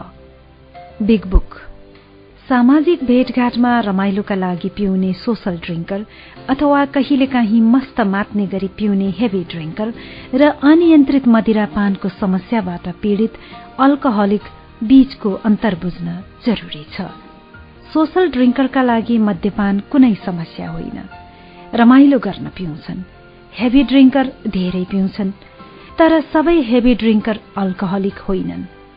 केही हेभी ड्रिङ्कर अल्कोहलिक हुन पनि सक्छन् जस्तो म। हेभी ड्रिङ्कर र अल्कोहलिक बीच फरक छुट्याउन सजिलो छैन। यो सीमा रेखाको पहिचान स्वयंले गर्नुपर्छ। अल्कोहलिक त्यो हो जसको निरन्तर अनियन्त्रित मद्यपानले जीवनमा असर परिसकेको छ। यहाँनिर निरन्तर भन्ने शब्द अर्थपूर्ण छ। एक दुई पटकको कुरा होइन। कसैको अनियन्त्रित मद्यपान निरन्तर भएको अवस्था हो यो। अल्कोहलिक त्यो हो जसको निरन्तर र बढ्दो अनियन्त्रित मदिरापानले जीवनमा असर परिसकेको छ। हाम्रो समाजमा यस विषयमा खुल्ला छलफल लुकाइएको छ। अज्ञानतावश यस्तो भएको हो।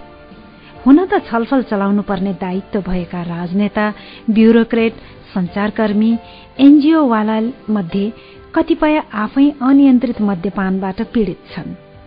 जिउभरि फ्रेन्च अत्तर छर्दै देश विदेशका सेमिनारमा नारी जागरणको उपदेश दिँदै हिँड्ने वुमन एम्पावरमेन्टका मोटा मोटा कार्यपत्र प्रस्तुत गर्ने कतिपय अगुवा नारी आफ्नै घरमा यो समस्याबाट पीड़ित छन्। नेपाली समाजको एउटा ठूलो अंश अनियन्त्रित मद्यपानबाट पीड़ित छ।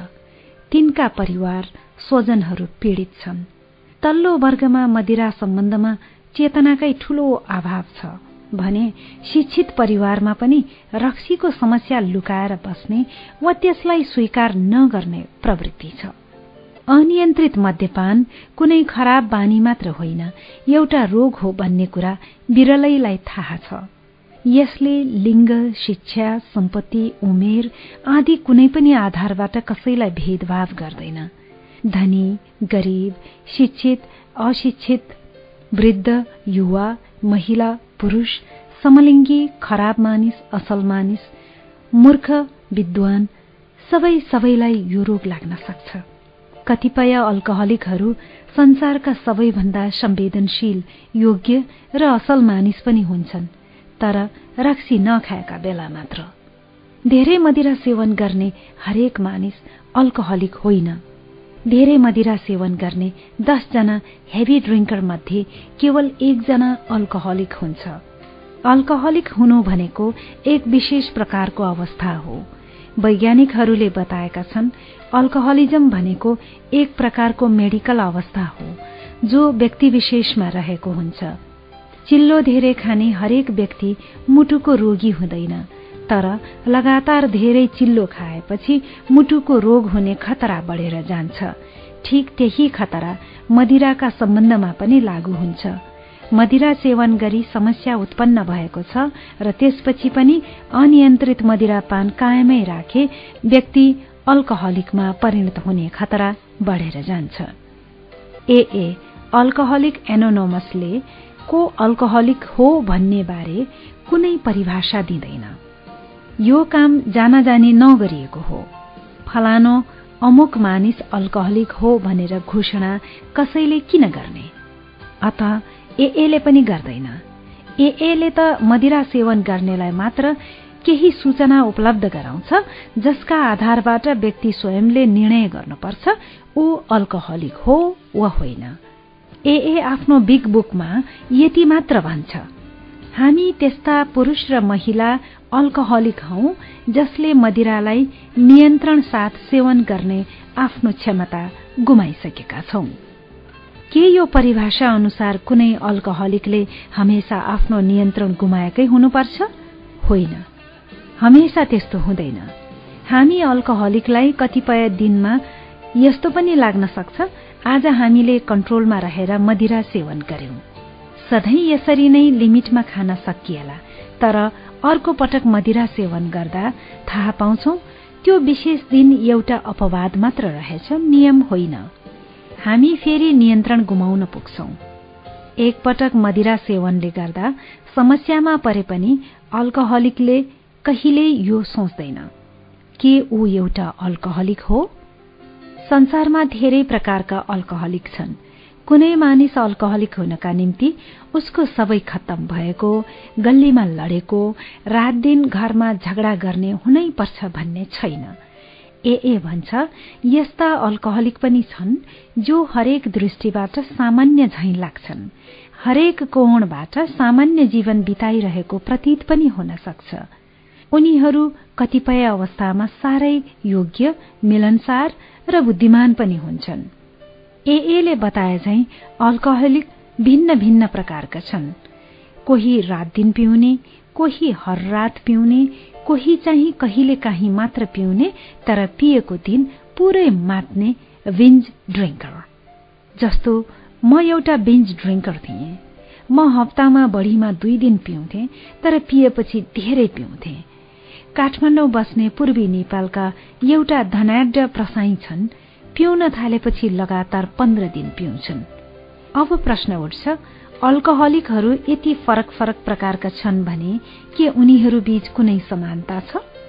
समानता के भने मदिराको उनीहरूमाथि प्रभावको समानता। मुखमा मदिरा परेपछि एक प्रकारको एलर्जी शरीरमा उत्पन्न हुन्छ र त्यसले गर्दा उनीहरू नियन्त्रित रूपमा मदिरा सेवन गर्न सक्दैनन्। रोक्नुपर्ने बिन्दुमा रोकिन सकिन्न। शरीरमा भएको त्यो विशेष अवस्था भनौं या एलर्जी त्यसको स्थायी उपचार आजसम्म भेटिएको छैन। त्यस्तालाई एकमात्र उपाय बताउन सकिन्छ मदिरा सेवन कहिल्यै नगर।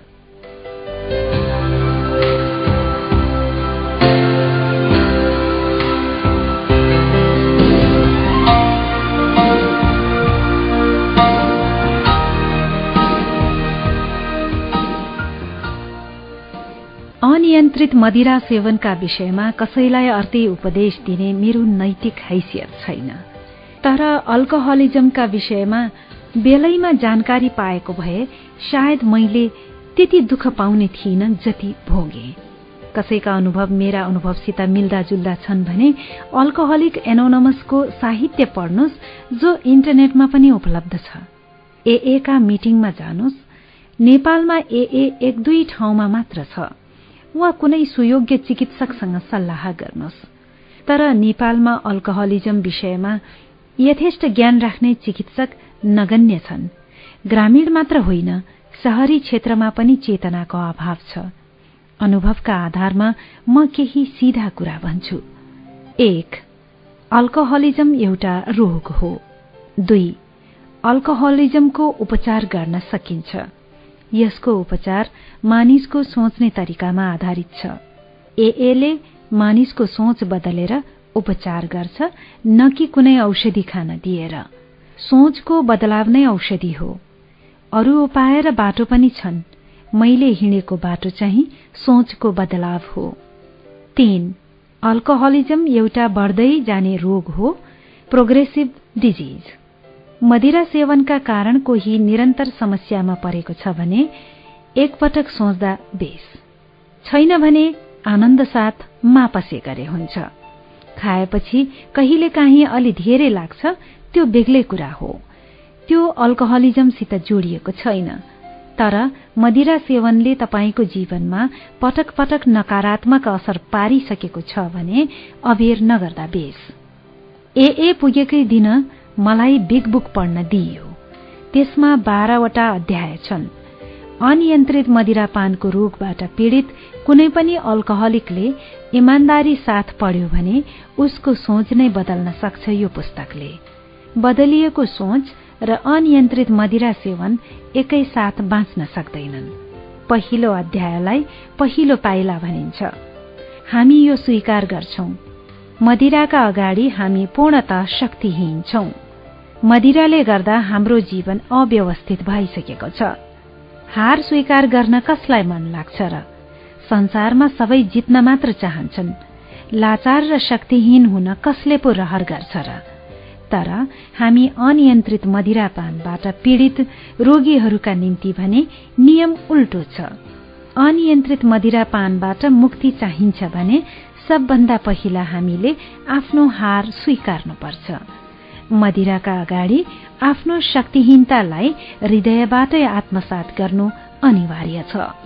जुन बखत हामी मदिराका अगाडि आफू शक्तिहीन भएको स्वीकार गर्छौ त्यही क्षणबाट त्यही पराजयबाट मदिरामाथि हाम्रो विजय यात्रा शुभारम्भ हुन थाल्छ। यस अर्थमा भन्ने हो भने हारको स्वीकारोक्ति नै कुनै पनि अल्कोहलिकका निम्ति जीतको पहिलो पाइला हो। जसरी चिनी रोगबाट पीड़ित डायबेटिकको मुखमा अलिकति चिनी पर्यो भने उसको ओठ तालु सब सुकेर आउँछ त्यसरी नै अल्कोहलिक मदिराका अगाडि पूर्णत शक्तिहीन अवस्थामा रहन्छ सारा जीवनभरि। मदिरासँग पराजय स्वीकार्न नचाहने मद्यपानीलाई हामी आदरपूर्वक भन्न चाहन्छौ। तपाई हामी जस्तो अल्कोहलिक हुनुहुन्न।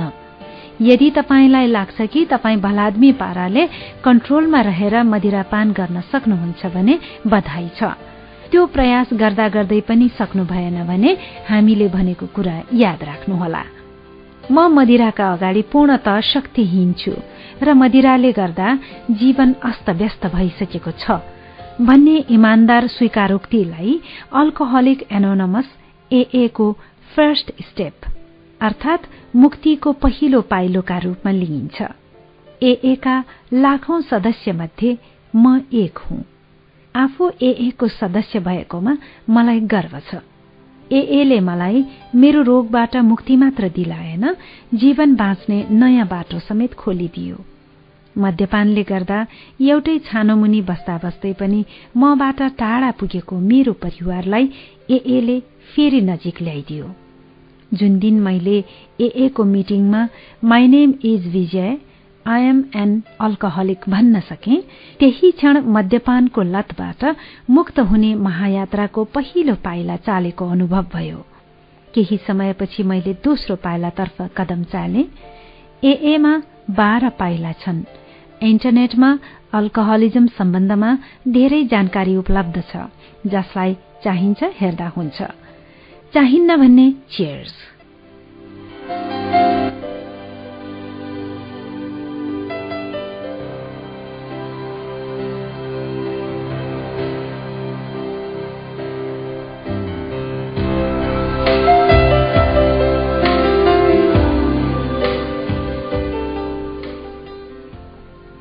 गीत कसैले सुनोस् या नसुनोस् म उभिएको धुलोले सुनोस् म माथिको आकाशले सुनोस्। नगेन्द्र थापा जब जब कसैले मलाई पेशागत सफलताको रहस्य सोध्छ तब तब मनमा यही गीत गुन्जन्छ। संस्कृतमा ज्यादै प्यारो शब्द छ स्वान्त सुखाय। यसको अर्थ हुन्छ आफ्नो स्वको आनन्दका निम्ति अन्तर्मनको सुखका लागि।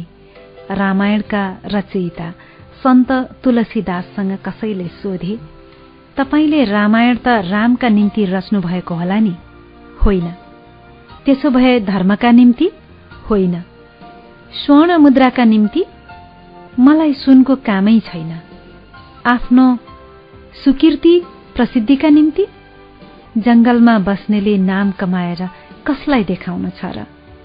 अनि किन लेख्नुभयो त रामायण? न रामका निम्ति न धर्मका निम्ति न स्वर्ण मुद्राका निम्ति न सुकीर्तिका निम्ति रामायण मैले स्वान्त सुखायका निम्ति लेखे।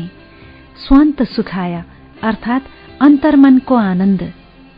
म पत्रकारितामा स्वान्त सुखाएको निम्ति होइन ख्यातिको लोभले पसेको थिएँ। तर बस्दा बस्दै पत्रकारितामा एक प्रकारको स्वान्त सुखाय प्राप्त हुन थाल्यो। प्रसिद्धिको लोभ मेरो मनबाट जति जति कम भयो स्वान्त सुखाएको मात्रा उति उति बढ्दै गयो। टेलिभिजन वा छापा पत्रकारितामा आफ्ना सृजनबारे आउने ताली वा गालीप्रति म कम चासो राख्छु किनभने म कसैको कमेन्टको लागि नभएर मूलत स्वान्त सुखाएका लागि काम गर्छु।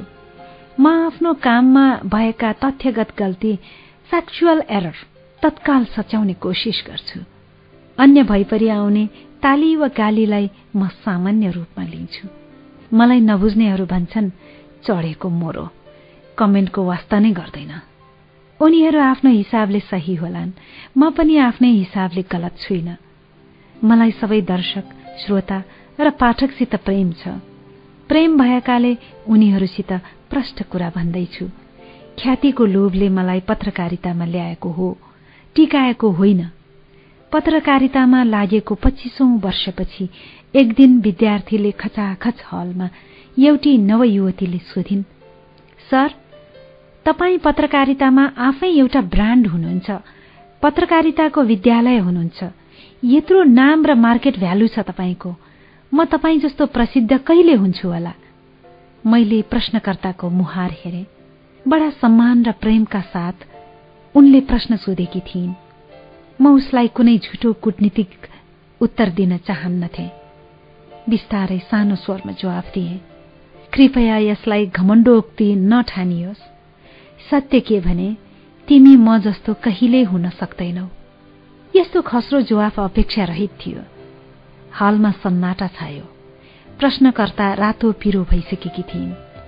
मैले सिधा उनीतिर हेरेर भन्न थाले नानु पहिलो कुरा संसारमा कोही पनि मानिस कुनै पनि अर्को मानिस जस्तो हुन जरुरी छैन। हामी सबै बराबर रूपले विशेष वा उत्तिकै साधारण छौं। किन कोही कोही जस्तो हुने? आफू आफू जस्तो हुने नि? हो हामीले सतत प्रयास गर्नुपर्छ। आफूलाई परमात्मा वा प्रकृतिबाट जे जस्तो क्षमता प्राप्त छ त्यो क्षमता पूरापूर आफ्नो व्यक्तित्वमा फुलाउन सक्नुपर्छ। नानु तिमीले मलाई सोधेको प्रश्न आधारभूत रूपमा नै गलत थियो। पत्रकारिताको विद्यार्थी हौ यसर्थ बुझिराख गलत प्रश्नले सही उत्तर पाउँदैन। पत्रकारितामा मात्र होइन जीवनमा पनि त्यही नियम लागू हुन्छ जीवनमा प्रश्नको गुणवत्ताको ठूलो महत्व छ।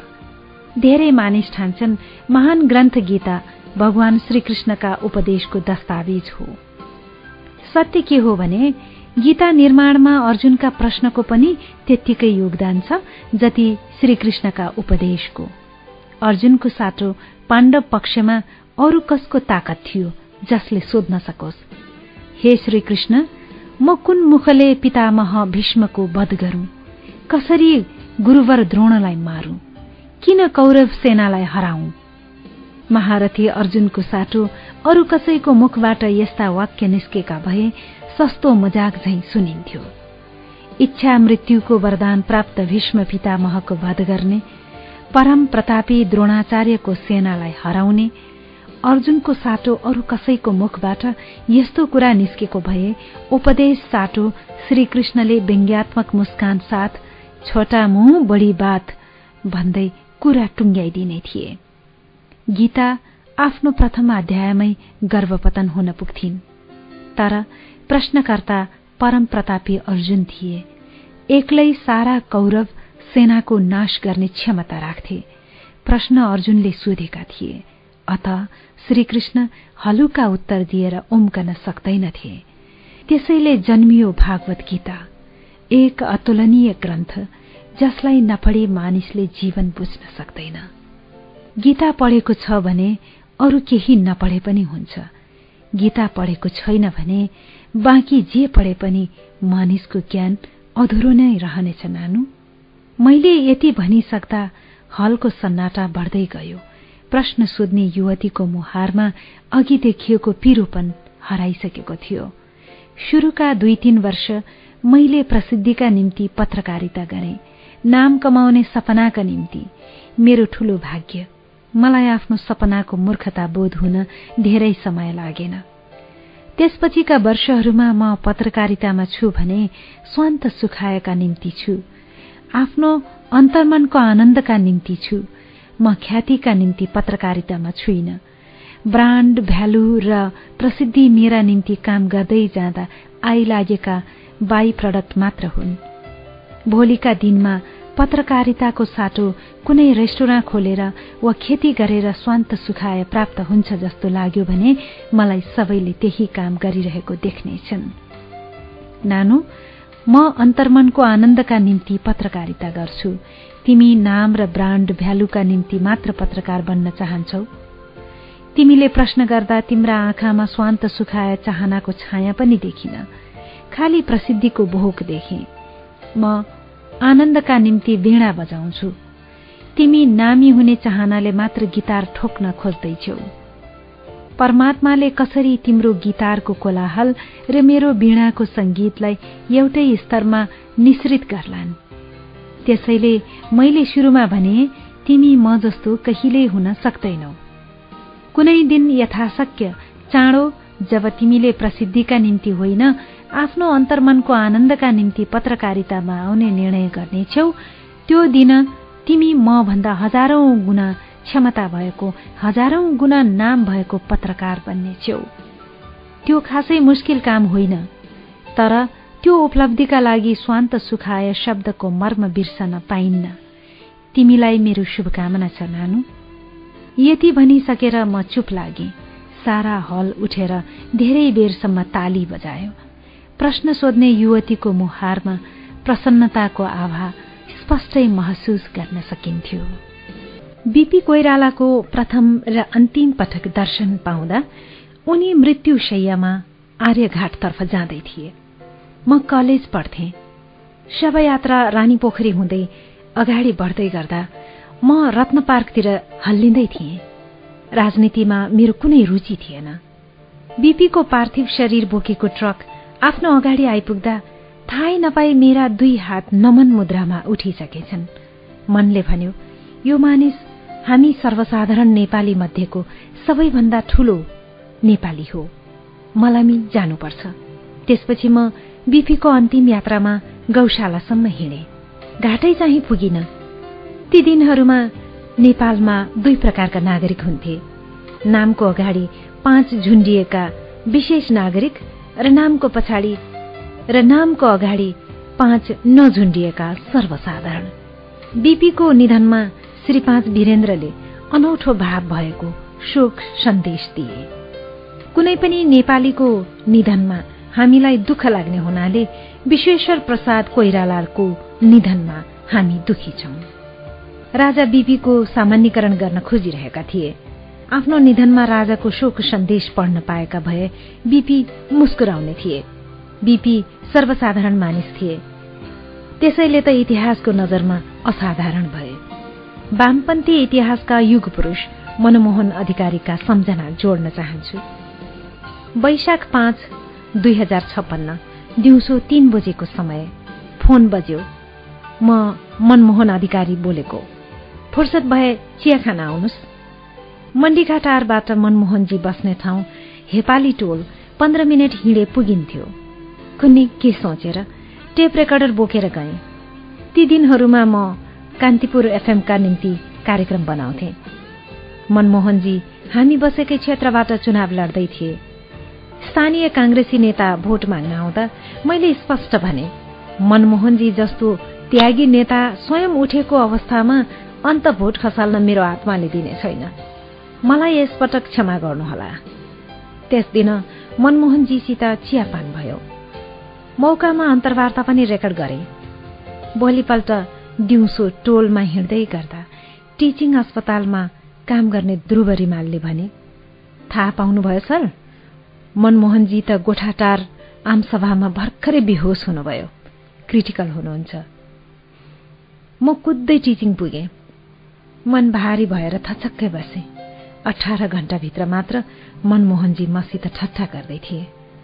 मनमोहनजी नौ दिन बेहोस रहे। एमाले नेताहरूले मसित उनको अन्तर्वार्ताबारे पटक पटक जिज्ञासा राखे। कमरेडले के भन्नुभएको छ ह? त्यसमा? चाँडै प्रसारण गर्नुहोस् मैले तिनलाई न विषयवस्तु बताएँ न त प्रसारण गरे। मलाई लाग्यो त्यो अन्तर्वार्ता प्रसारण गर्ने होइन प्रार्थना गर्ने समय थियो। म मृत्युशैयामा पल्टेका मनमोहनजीमाथि पत्रकारिताको कुनै स्कुप मार्न चाहन्नथे।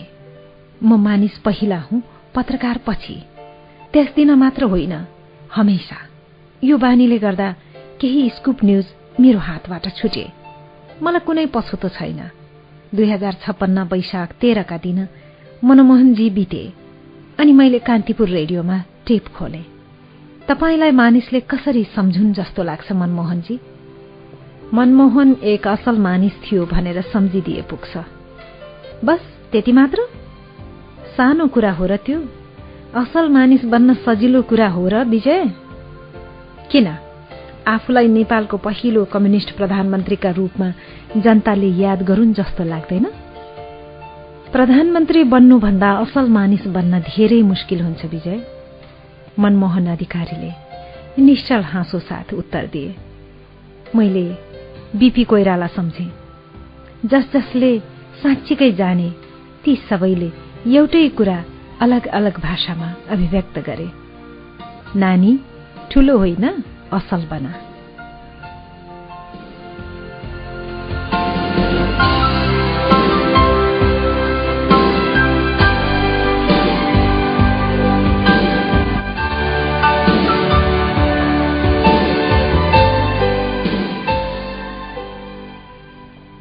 यो संसारमा पैसा प्रसिद्धि र सेक्स सबैभन्दा धेरै खोजिएका र सबैभन्दा कम बुझिएका कुरा हुन्। ओशो पैसा प्रसिद्धि र सेक्समा नशा छ मदिरामा नशा छ भन्नै परेन। पैसाको मात मलाई लाग्दै लागेन भए पो लाग्नु। आफूसँग नभएको कुराको मात नलाग्दो रहेछ। अप्राप्यताले मनमा लोभ वा ईर्ष्या भाव जगाउन सक्छ मात लगाउँदैन। भाग्यशाली रहे। आजसम्म पैसाको न त मात लाग्यो न त लोभ। प्रसिद्धि र सेक्सका विषयमा चाहिँ म यही स्तरको आत्मविश्वास राखेर अभिव्यक्ति दिन असमर्थ छु। पैसासँग मेरो सम्बन्ध सामान्य रह्यो। पैसा न त मेरो नजिकको साथी बन्यो न दुश्मन। लक्ष्मी देवीलाई मैले हालसम्म खासै महत्व नदिएकाले होला उनले पनि मलाई विशेष वास्ता गरिनन्। तर पैसाकै कारण मेरो मध्यमवर्गीय जीवनको कुनै पनि जरुरी काम आजसम्म धेरै बेर रोकिएको छैन। घर व्यवहार चलाउँदा बेला बखत गाह्रो साँगुरो नपर्ने होइन। जवान छँदा मेरो निम्ति पैसा भनेको दुई छाक दाल भातका निम्ति सटही माध्यम मात्र थियो। पारिवारिक जिम्मेवारी र बच्चाहरूको पालन पोषण खर्च थपिएपछि पैसाको महत्व अलि बढी बुझ्न थाले। हुन त बस्नका लागि बेलायत बस्ने दाई राजेन्द्रको घर छँदैछ। पत्रकारिताले दुई छाक खान पुर्याएकै छ। सामान्य मध्यमवर्गीय जीवनशैली भन्दा माथिको सपना मैले कहिल्यै देखिन। हुन त मेरा दुई तीनजना परिचितहरू धनी छन् तर उनीहरू धनी भएकाले मेरा परिचित भएका होइनन्। तिनको जीवन नजिकबाट देखेकाले पैसाले मानिसलाई सबै कुरा दिँदैन भन्ने सुरुमै बुझे। मेरो परिचयमा आएको पहिलो धनी मानिस विनोद चौधरी हुन्। पच्चिस वर्ष अघि म पुलचोक बस्थे। मेरो विवाह भएको थिएन। तीस पैसाको बस टिकट काटेर रत्न पार्क ओर्लन्थे। त्यहाँबाट दस मिनट हिँडेर विनोद चौधरीको ठमेल घर पुग्थे। मेरा निम्ति उनको घरका ढोका हमेसा खुल्ला रहन्थे। राति बाह्र बजेसम्म विनोदसँग रक्सी खान्थे। पेटमा ठाउँ खाली भए कुनै कुनै दिन खाना पनि खान्थे। उनकी पत्नीलाई म लिलिदी भन्छु। मध्यरातसम्म देश दुनियाँका विषयमा सोमरसे गहन संवाद गरेर बस्दा म यति पनि बुझ्दैनथे मेरो घण्टौं लामो उपस्थितिले लिलिदीलाई आफ्नो पतिसँग समय बिताउन नपाएकोमा कति झर्को लाग्दो हो। तर उनले त्यस विषयमा कहिल्यै अप्रसन्नता देखाएको मलाई सम्झना छैन। मध्यरातमा उठेर खुसी मनले खाना पस्केको मात्र सम्झन्छु। विनोद चौधरीको घरमा गाडी र ड्राइभरको कमी थिएन। तर उनले कैयौं वर्ष मलाई आफै गाडी चलाएर मध्यरातमा घर पुर्याए। एक दिन होइन दुई दिन होइन वर्षौं। मलाई छाड्न जाँदा गाडीको ब्याक सिटमा या ड्राइभर हुन्थ्यो या त लिलिदी विजय बाबु तपाईँलाई मैले जति बोकेँ जिन्दगीमा कसैलाई बोकिनँ। त्यति मात्र कहाँ हो र? एक दिन त तपाईँ गाडीसम्म पनि हिँड्न सक्नु भएन तपाईँलाई मैले आफ्नै पलङमा सुताएर आफू चाहिँ सोफामा सुते। राति तपाईँले मेरो पलङमा बान्ता गरिदिनुभयो। त्यो पनि सोहोरे। धन्य लिली थिइन् त्यो दिन घरमा। चान्चुने मानिस हो र तपाईँ? विनोद चौधरीले बान्ता सोहोरेको मानिस पो हो त। मदिरा छोडेको वर्षौंपछि मलाई जिस्काउँछन् विनोद। मैले उनलाई पहिलो पटक भेटेको बेला म भर्खरै करियर सुरु गरेको साधारण पत्रकार थिएँ। तर पनि विनोद चौधरीले म प्रति इज्जत र स्नेह मिश्रित व्यवहार गर्थे। विनोद चौधरीसँगको सम्बन्धले मेरो मानसिकतामा धन र धनाढ्यप्रति केही दीर्घकालीन प्रभाव छाडेर गयो। यस्तै त हुन् नि धनी भनेका भन्ने बुझे। कुनै पनि कुरा बुझेपछि त्यसको अतिशय आकर्षण हराएर जाँदो रहेछ। आफू मौद्रिक रूपले सम्पन्न नभए पनि विनोद चौधरीसँग रात दिन हिँड्न सक्ने हैसियतले न त मैले चानाचुने धनीलाई कहिले वास्ता गरे न त उनीहरूले पैसाको रवाफ मलाई देखाउने आँट गरे। न उनीहरू मेरो जीवनमा आए न मैले तिनको जीवनमा कुनै रुचि राखेँ। हामीहरू एक अर्काका निम्ति आउट अफ बााउन्ड थियौं। कसैसँग आउट अफ बााउन्ड हुनुका फाइदा बेफाइदा दुवै छन्। झ्याल ढोका थुनेर बसेपछि किरा झिङा पस्ने डरबाट त मुक्त होइन्छ। तर त्यसो गर्दा स्वच्छ वायुको प्रवेश पनि अवरुद्ध हुने ज्ञान मलाई थिएन। जीवन सोझो रेखामा मात्र होइन बक्राकार रेखाहरूको बीचमा पनि हिँड्छ भन्ने समझ मसित थिएन। मेरो रुचि पैसा कमाउनेमा थिएन। पैसालाई बुझ्नेमा थियो। पैसा एक भौतिक इकाइ हो। तर म पैसालाई फिजिकली होइन मेन्टल्ली बुझ्न चाहन्थे। पैसा जस्तो भौतिक इकाइलाई मानसिक रूपबाट मात्र सुमसुम्याउन खोज्ने मेरो मूर्खता वा विलक्षणतालाई बुझ्न सजिलो थिएन। दुई हजार अडचालिस मङ्सिर बाह्र गते सुषमासँग मेरो विवाह हुने तय भइसकेको थियो। विवाह हुने दुई हप्ता अगाडि आफ्नो खल्ती र खाताको रकम जम्मा गरेर हेर्दा पचास हजार मात्र थियो। इजाले अलिकति गहना पहिल्यै जोडेकै थिइन्। मैले सोचे म रात दिन विनोद चौधरीसँग हिँड्ने मान्छे। एक लाख मागेर हेर्छु भन्ने बित्तिकै दिइहाल्छ। त्यसपछि खर्च पुगी पनि हाल्छ। साँझ पख उनको घर गए। उनले प्रिमियम हुस्की खोले। हामीले दुनियाँ संसार राजनीतिका कुरा गर्यौं उनले आफ्नो करोडौं करोडका भावी प्रोजेक्टका कुरा सुनाए। त्यसपछि मैले आफ्नो विवाहको कुरा गरेर उनलाई भने मलाई एक लाख रुपियाँ दिनुहोस् न। मेरो विवाह छ दुई हप्तापछि। पैसाको कुरा आउने बित्तिकै विनोदले अलि गम्भीर भएर सोधे होइन होइन तपाईँलाई एक लाख रुपियाँ के के कामका लागि चाहिन्छ? भोजको लागि कति र लत्ता कपडाको लागि कति हिसाब गरेर हेरौँ न। यो जवाफ मेरा लागि पूर्णत अप्रत्याशित थियो। मैले सोचेको थिएँ मेरो मुखबाट झर्न नपाउँदै उनले मेरो आवश्यकता पूरा गरिदिनेछन्। त्यो रात मेरो मन धेरै दुख्यो। जुन विनोद चौधरीका कारण पैसाका विषयमा मेरो मनमा त्यत्रो कन्फिडेन्स उत्पन्न भएको थियो त्यही विनोद चौधरीले मलाई पर्दा त्यति जाबो रकमका लागि आनाकानी गरे भन्ने सोचेर धेरै छटपटाए। मेरो नजरमा विनोदसँग मेरो सम्बन्ध यति नजिक थियो उसँग केही माग्नु मेरो हक बन्थ्यो। म जस्तो संवेदनशील मानिसका निम्ति प्रश्न एक लाखको थिएन। आफूलाई पर्दा उसले त्यति पनि गरिदिएन भन्ने थियो। अहिले फर्केर हेर्दा प्रष्ट देख्छु। दोष विनोदको थिएन। दोष उसका प्रति मेरा अतिशयोक्तिपूर्ण आशाहरूको थियो। आफ्नो मूर्खता देख्ने बित्तिकै विनोद चौधरीका प्रति मेरो मनमा कुनै मैलो बाँकी रहेन। आसक्ति पनि बाँकी रहेन। परमात्माको लीला अचम्मै रहेछ। मागेर नपाइएको एक लाख भगवानले मलाई नमागिकनै पठाइदिए ठोकामै विवाह मितिको हप्ता दिन बाँकी छँदा एक साँझ अचानक निर शाह सपत्नी हाम्रो घर आइपुगे। विवाह तयारीका विषयमा इजा र मसँग सामान्य सोधपुछ गरे मैले आफ्नो अवस्था खुलस्त बताएँ। भोलिपल्ट अफिस पुग्दा चेयरम्यान साहबले खोजिरहेको सूचना पाए। सोचे कुनै अफिसियल काम होला। कोठामा पस्ने बित्तिकै नेपाल टेलिभिजनका अध्यक्ष निर शाहले एउटा मोटो खाम झिकेर मलाई दिँदै भने यसभित्र एक लाख रुपियाँ छ। तपाईँको विवाह खर्चका लागि। कुनै दिन भयो भने फिर्ता गरिदिनुहोला। खाम समात्ने बेला मेरा गह भरिए। त्यसअघि जीवनमा मैले एकै पटकमा एक लाख रुपियाँ कहिल्यै छोएको थिइनँ। निर शाहले दिएको लाख रुपैयाँले मलाई ठूलो सहारा मिल्यो। फर्पिङ स्थित शेषनारायण मन्दिरमा सामान्य र संक्षिप्त तरिकाबाट विवाह गरियो। हामीले परमात्मालाई साक्षी राखेर एक अर्कालाई टीका लगाइदियौं माला हाल्यौं। वरवधु दुवै पक्षबाट गरी हामी सोह्रजना थियौं। किशुनजीलाई लिएर पिपी प्रसाई दाई र किशोर नेपाल आएका थिए। चलिरहेको संसदबाट समय निकालेर सभामुख दमननाथ ढुङ्गाना भीमबहादुर तामाङलाई लिएर आए। तीर्थराज उपाध्याय कुबेर शर्मा निर शाह र विनोद चौधरी पनि थिए। भोलिपल्ट मैले बौद्धमा रहेको तारागाउँ होटलमा पार्टी दिए। पिपी दाईले राम्रो डिस्काउन्ट मिलाइदिएकाले त्यहाँ पार्टी दिन सकिएको थियो। खर्चको सीमितताका कारण धेरैलाई बोलाउन सकिएन।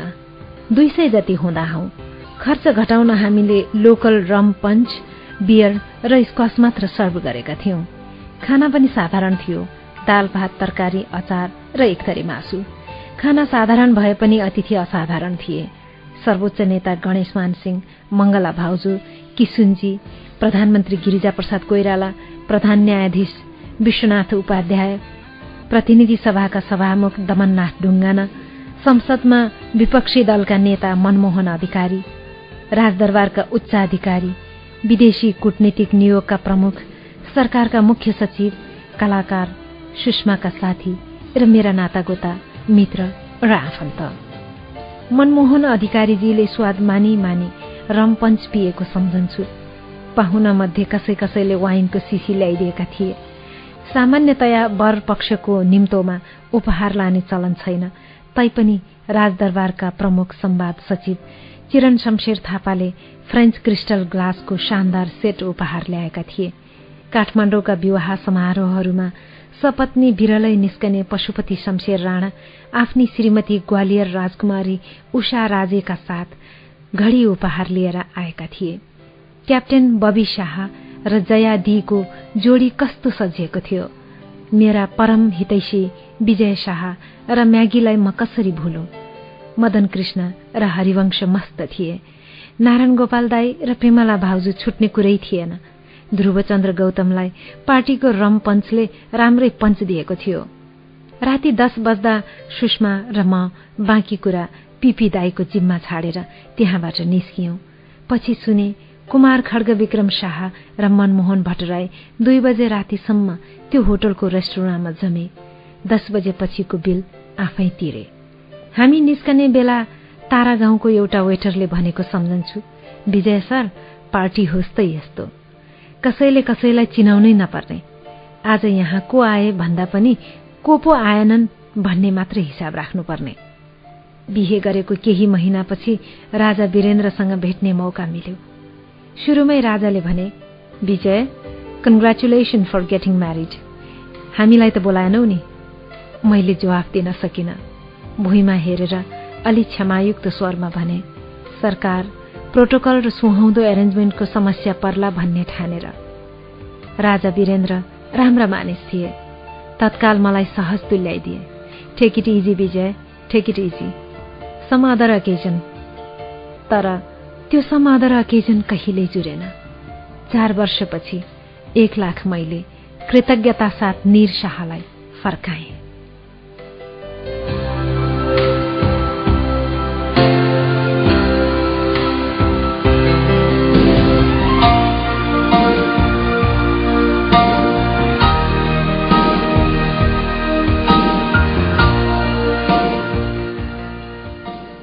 विवाहपछि घर व्यवहारमा फस्दै गए। विनोदसित भेटघाट पातलिँदै गयो। समयले विनोदका प्रति मेरो मनको गुनासो पुर्दै लग्यो।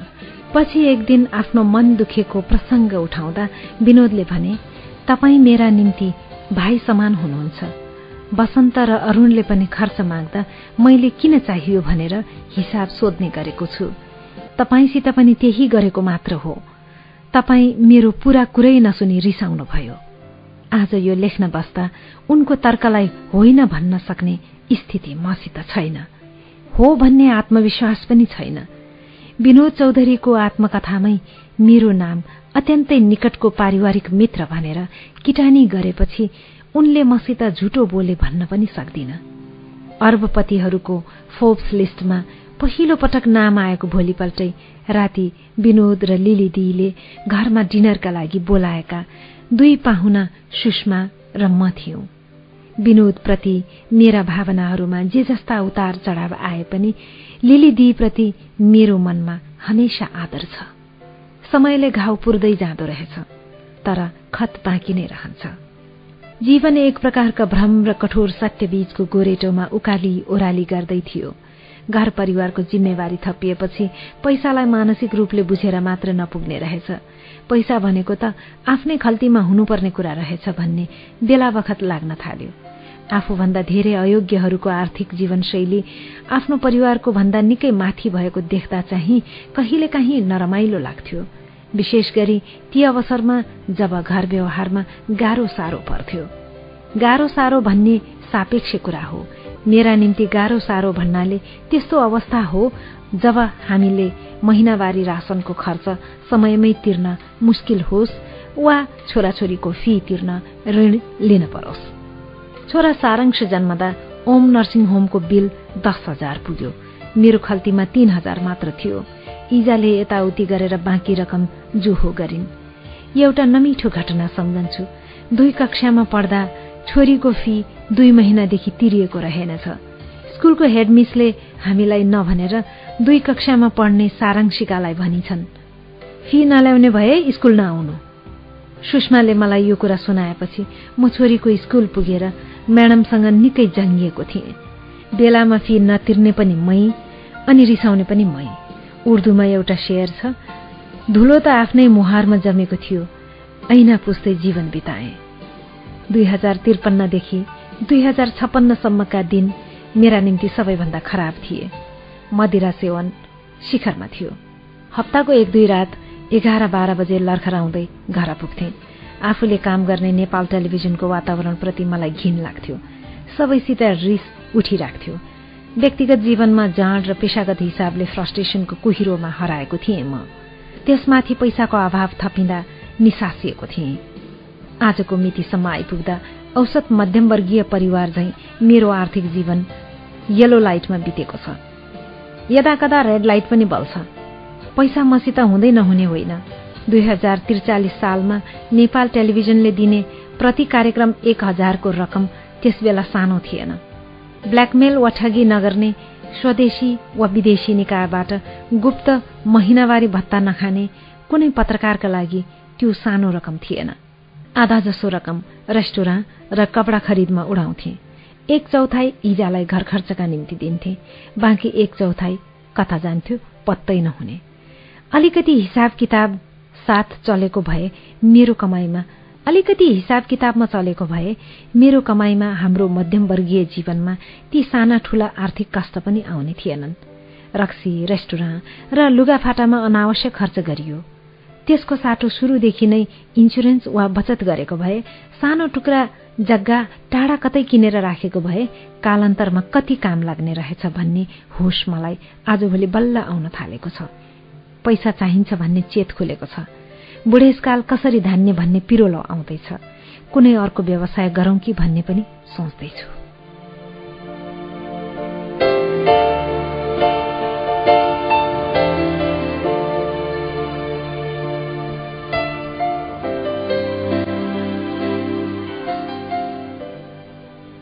छोरी पढ्न भारत जानु अघि मैले उसलाई भने पैसा भन्ने कुरा सबथोक होइन तर आजको युगमा पैसा धेरै थोक हो पनि। पैसाको महत्व कति हो र कति होइन यो कुरा व्यक्तिको सोचाइमा भर पर्छ। जीवन राम्ररी बिताउन मानिसलाई तीन थोकको सन्तुलन जरुरी छ। पैसा जीवनप्रतिको दृष्टिकोण र संवेदनशीलता।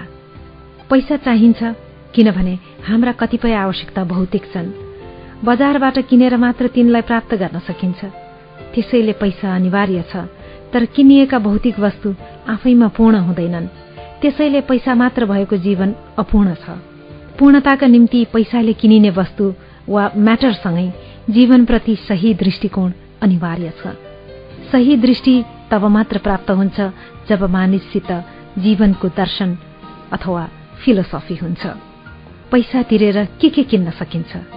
के के किन्न सकिँदैन। किनेर ल्याइएका वस्तुको वास्तविक महत्ता कति छ कति छैन यो थाहा पाउन सही दृष्टि जरुरी छ। छोरी त्यही दृष्टिको अभावले नै अथाह पैसा कमाएका अनेकौं मानिस जीवनमा खुसी छैनन्। भौतिक पदार्थ एक्लैले मानिसलाई खुसी दिन सक्ने भए पैसा वाल जति सबै सुखी हुने थिए। भगवानले त्यति सजिलै धनीलाई मात्र सुख कहाँ दिन्थे र? फिलोसफीले पैसालाई बुझ्न उपभोग गर्न वा त्याग्न मद्दत गर्छ। अत सुखका निम्ति पदार्थ म्याटरसँग चेतना अथवा माइन्डको मिलन अनिवार्य छ। जीवनमा परम आवश्यक तेस्रो तत्व हो संवेदनशीलता र मस्ती। हाँसो मुस्कान आँसु अट्टहास आदि जीवनलाई हाँसेर खेलेर बाँच्ने स्वभाव।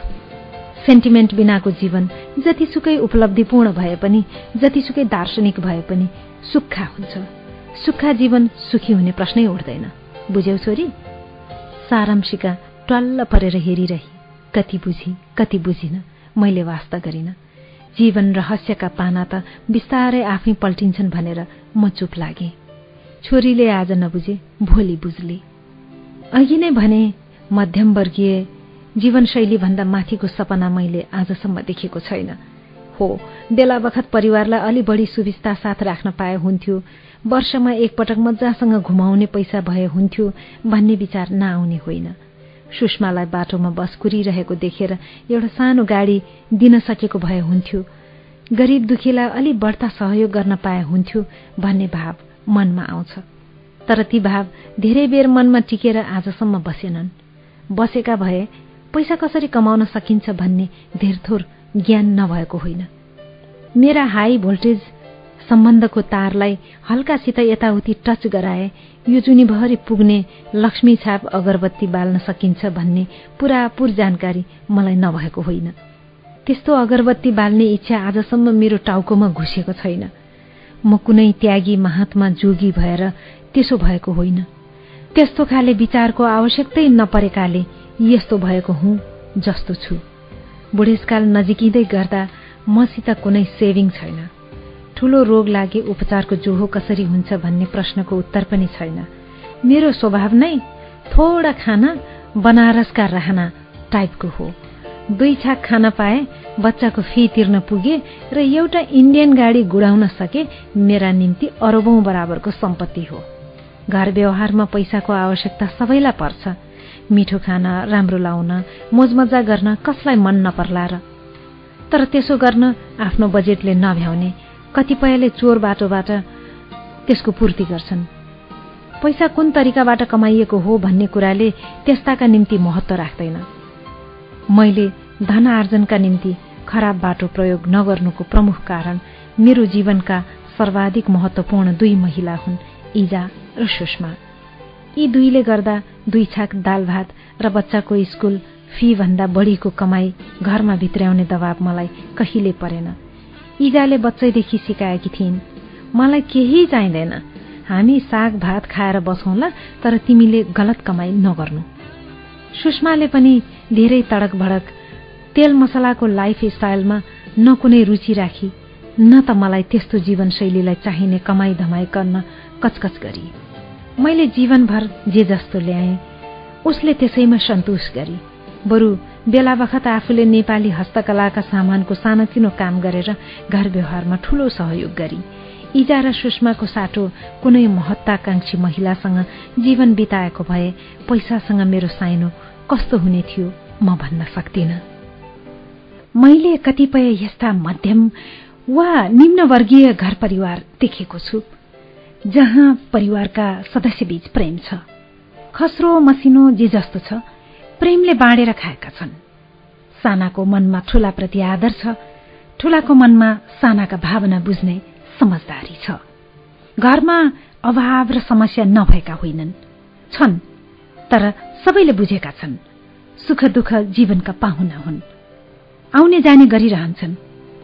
जीवनमा nothing very very good or very very bad last for very very long यस विपरीत केही यस्ता परिवार देखे जसको घर मुलीका निम्ति जीवन गणितीय बही खाता हो जे गर्दा खातामा आमदानी बढ्छ जोसँग सम्बन्ध राख्दा फाइदा हुन्छ जससँग सम्बन्ध तोड्दा नाफामा बढावा आउँछ त्यो मात्र जीवनको सत्य हो। नाफा सत्य जगत मिथ्या।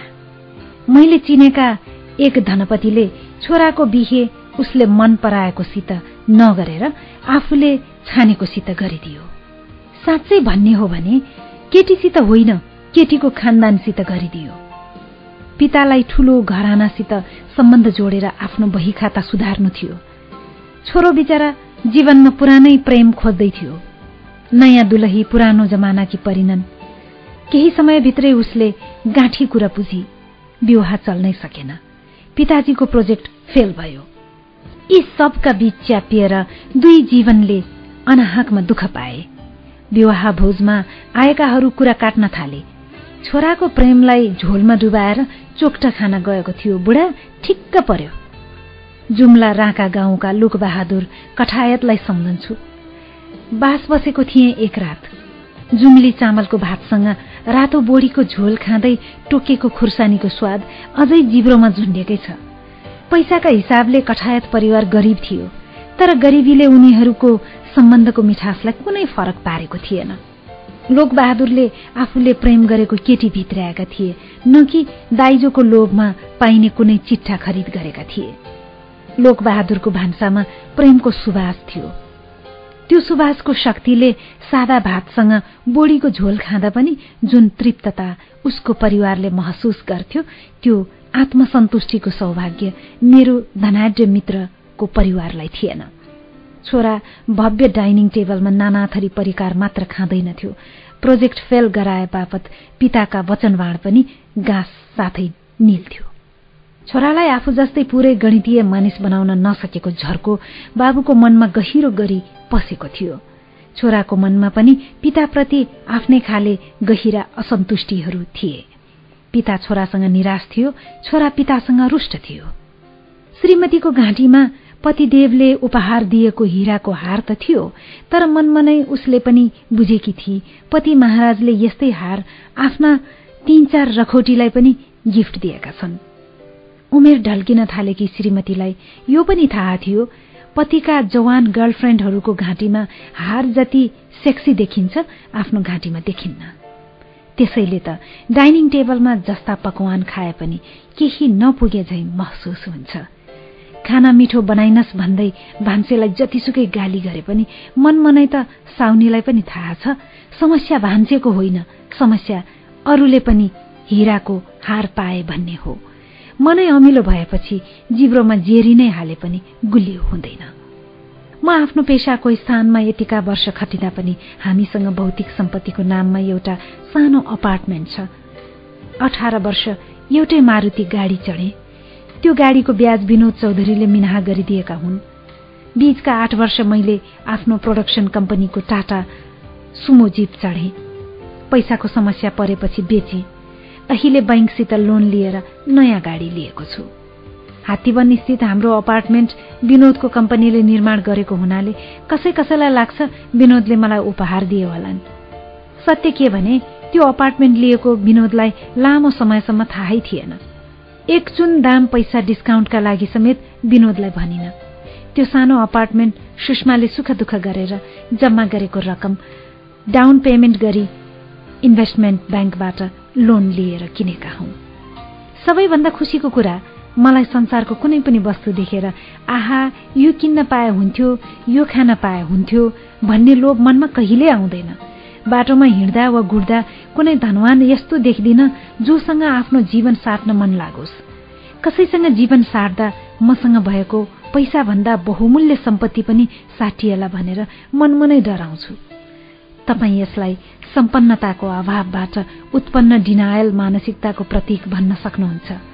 अथवा मेरो सन्तोषी व्यक्तित्वको परिचायक मान्न सक्नुहुन्छ।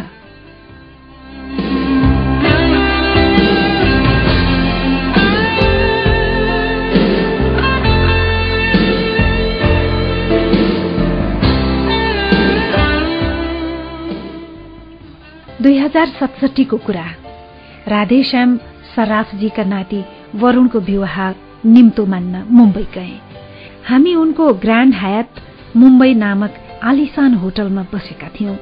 वधुपक्षको रिसेप्सनमा पुग्दा एक यस्तो मानिसले प्रवेशद्वारमा हाम्रो स्वागत गरिरहेका थिए जुन मानिसको मुहार वर्षौंदेखि देशी विदेशी मिडियामा देख्दै आएको अनुहारसित मिल्दोजुल्दो थियो। यो मान्छे त लक्ष्मी मित्तल जस्तै देखिन्छ नि। मैले छेउमा हिँडिरहेको अपरिचितसँग सोधे। यो मान्छे लक्ष्मी मित्तल जस्तो देखिँदैन किनभने यो मान्छे लक्ष्मी मित्तल नै हो। वरूणको विवाह विश्व धनाढ्य लक्ष्मी मित्तलकी भतिजी नताशासँग हुँदै थियो। त्यो विवाहमा मैले कसलाई मात्र देखिन। मुकेश अम्बानी रतन टाटा नवीन जिन्दल अनिल अग्रवाल हिन्दुजा भाइहरू संसारभरि रहेको ह्याथ चेन मालिक टम प्रिजकर त्यत्रो समारोह भयो तर राधेश्यामजीको परिवारले त्यसलाई साधारण रूपमा लियो। उनको ठाउँमा काठमाडौँको कुनै चालु साहुजीको सम्बन्ध लक्ष्मी मित्तल परिवारसँग जोडिएको भए नजाने कति वर्षसम्म काठमाडौँका राष्ट्रिय दैनिकमा फोटो छपाएर साहुजीले हैरान पार्ने थिए। विवाह समारोह तीन दिन चल्यो। एक रातको पार्टी चाहिँ वधु पक्षबाट लक्ष्मी मित्तलले दिएका थिए। मुम्बई शहरमा रातको खाना अबेरै खान्छन्। त्यसमाथि यो त लक्ष्मी मित्तलले दिएको डिनर पार्टी। दिउँसोदेखि मानिसहरू पार्टीको भव्यताका विषयमा चर्चा गरिरहेका थिए। हामी बसेकै होटल छेउ एउटा विशाल पाल झुन्ड्याइएको थियो। त्यसलाई पाल पनि के भन्नु? ठूल्ठूला होटलहरूको हल भन्दा पनि धेरै ठूलो पाल। पुरै पाल एयर कन्डिसनिङ थियो। पालभित्रै बनाइएका अस्थायी टोयलेट यति चम्किला थिए तिनको तुलनामा काठमाडौँको पाँच तारे होटलका सेता टायल जन्डिस लागे झै महसुस हुन्थे। त्यस्तो पार्टी आयोजना हुनेवाला थियो। मलाई भने निन्द्राले छोप्न थाल्यो। रक्सी खाने दिनहरूमा रात बिरात हिँड्ने म पछिल्लो समय अपवाद बाहेक राति दस बजे नै सुतिसक्छु। पहिला भए लक्ष्मी मित्तलको पार्टी कति इन्जोय गर्थे होला। पैसा प्रसिद्धि शक्ति र सुन्दरताको लोभ लाग्दो महासंग्राम सृजना हुनेवाला थियो। यति हुँदाहुँदै पनि मलाई महापार्टीको रौनक र निन्द्रा देवीको काखमध्ये एक छान्नुपर्ने भयो। सही होस् या गलत। निर्णय गर्न म बेर लाउँदिन। रुम सर्भिसलाई घण्टी बजाए। दुईवटा सादा नान र एक प्लेट पालक चिकन कोठामै मगाए। लक्ष्मी मित्तलको महारौनक सुरु हुने बेला म निन्द्रामा घुर्न थालिसकेको थिएँ। मुम्बईको त्यो तीन दिने बसाइले मलाई ठूलो फाइदा भयो। संसारको विभिन्न भागबाट आएका हयात कुकले बनाएका चौरासी भन्दा बढी व्यञ्जन र विश्वको कुना कुनाबाट ल्याइएका फलफूलको स्वाद थाहा पाउने मौका मिल्यो। पृथ्वीको पूर्वी कुनामा रहेको न्यूजील्याण्डको किवी फलदेखि संसारको पश्चिमी पुछारमा रहेको आलस्काबाट ल्याइएका एक्जोटिक माछाका परिकार सर्भ गरिएको थियो। काठमाडौँ हयातबाट गएका कुकको स्टलमा पनि निकै भिड थियो। त्यति मात्र कहाँ हो र?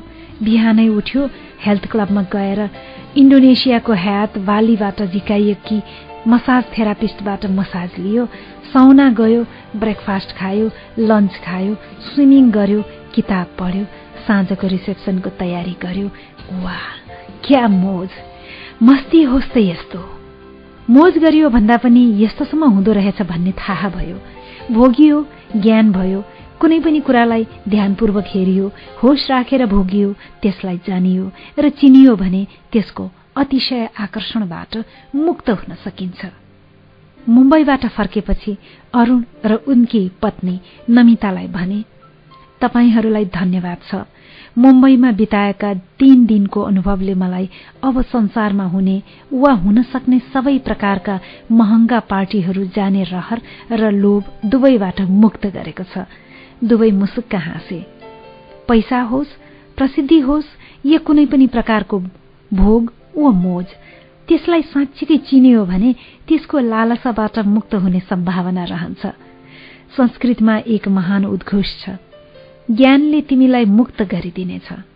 ओशोले अझ सरल शब्दमा भनेका छन् जिस चीज से मुक्त होना है उसे जान लेना जरूरी है।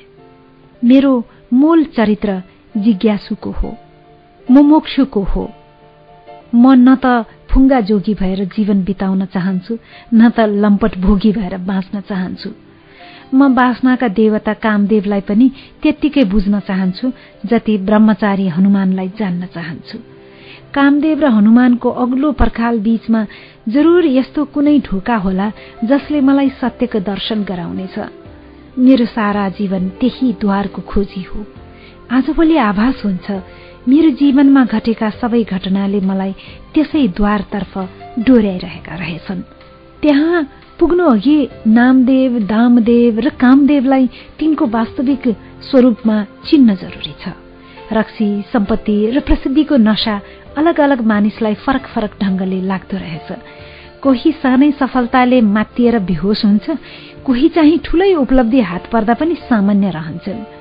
प्राय घटना स्वयंले भन्दा त्यसका प्रति हाम्रो रिएक्सनले हामीलाई चाहिने भन्दा धेरै उत्तेजित तुल्याइरहेको हुन्छ। सबै चम्कने वस्तु हिरा हुँदैनन्। मुम्बईको विवाह समारोहमा तीन दिन बस्दा मलाई त्यो अनुभव पनि भयो। त्यहाँ कति यस्ता देखे जसको हात र घाँटीमा भएका आभूषणले आँखै तिर्मिराउँथ्यो तर चम्किला आभूषण पहिरिने आँखाभित्र गहिरेर हेरे दुःख र विषादको गहिरो समुद्र देखिन्थ्यो। दुई हजार सत्तरी फागुनमा राधेश्यामजीकी नातिनी नतिसाको विवाह काठमाडौँमा भयो। भारतका अनुसार सुगर किङ विवेक सरावागीका छोरासित। विवाहमा शरीक हुने पाहुना बोकेर दशौं निजी र चार्टर विमान काठमाडौँ ओर्लिए। आएका मध्ये दसजनालाई राष्ट्रपति रामवरण यादवले चियापानको निमन्त्रणा दिए। राधेश्यामजीका छोरा अरूण उनका सम्धि विवेक र केही नामी उद्योगपतिसित म पनि राष्ट्रपति भवन गएँ। उहाँ भारतमा सोह्रवटा सुगर मिलको मालिक हुनुहुन्छ।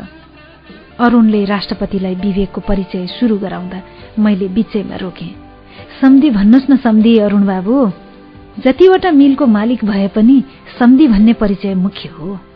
मिल भनेको आउँछ जान्छ। परिचयको मूल आधार त मानवीय सम्बन्ध हो नि। सुनेर विवेक मुस्कुराए। फर्कने बेला उनले मलाई आफ्नै गाडीमा बस्न अनुरोध गरे।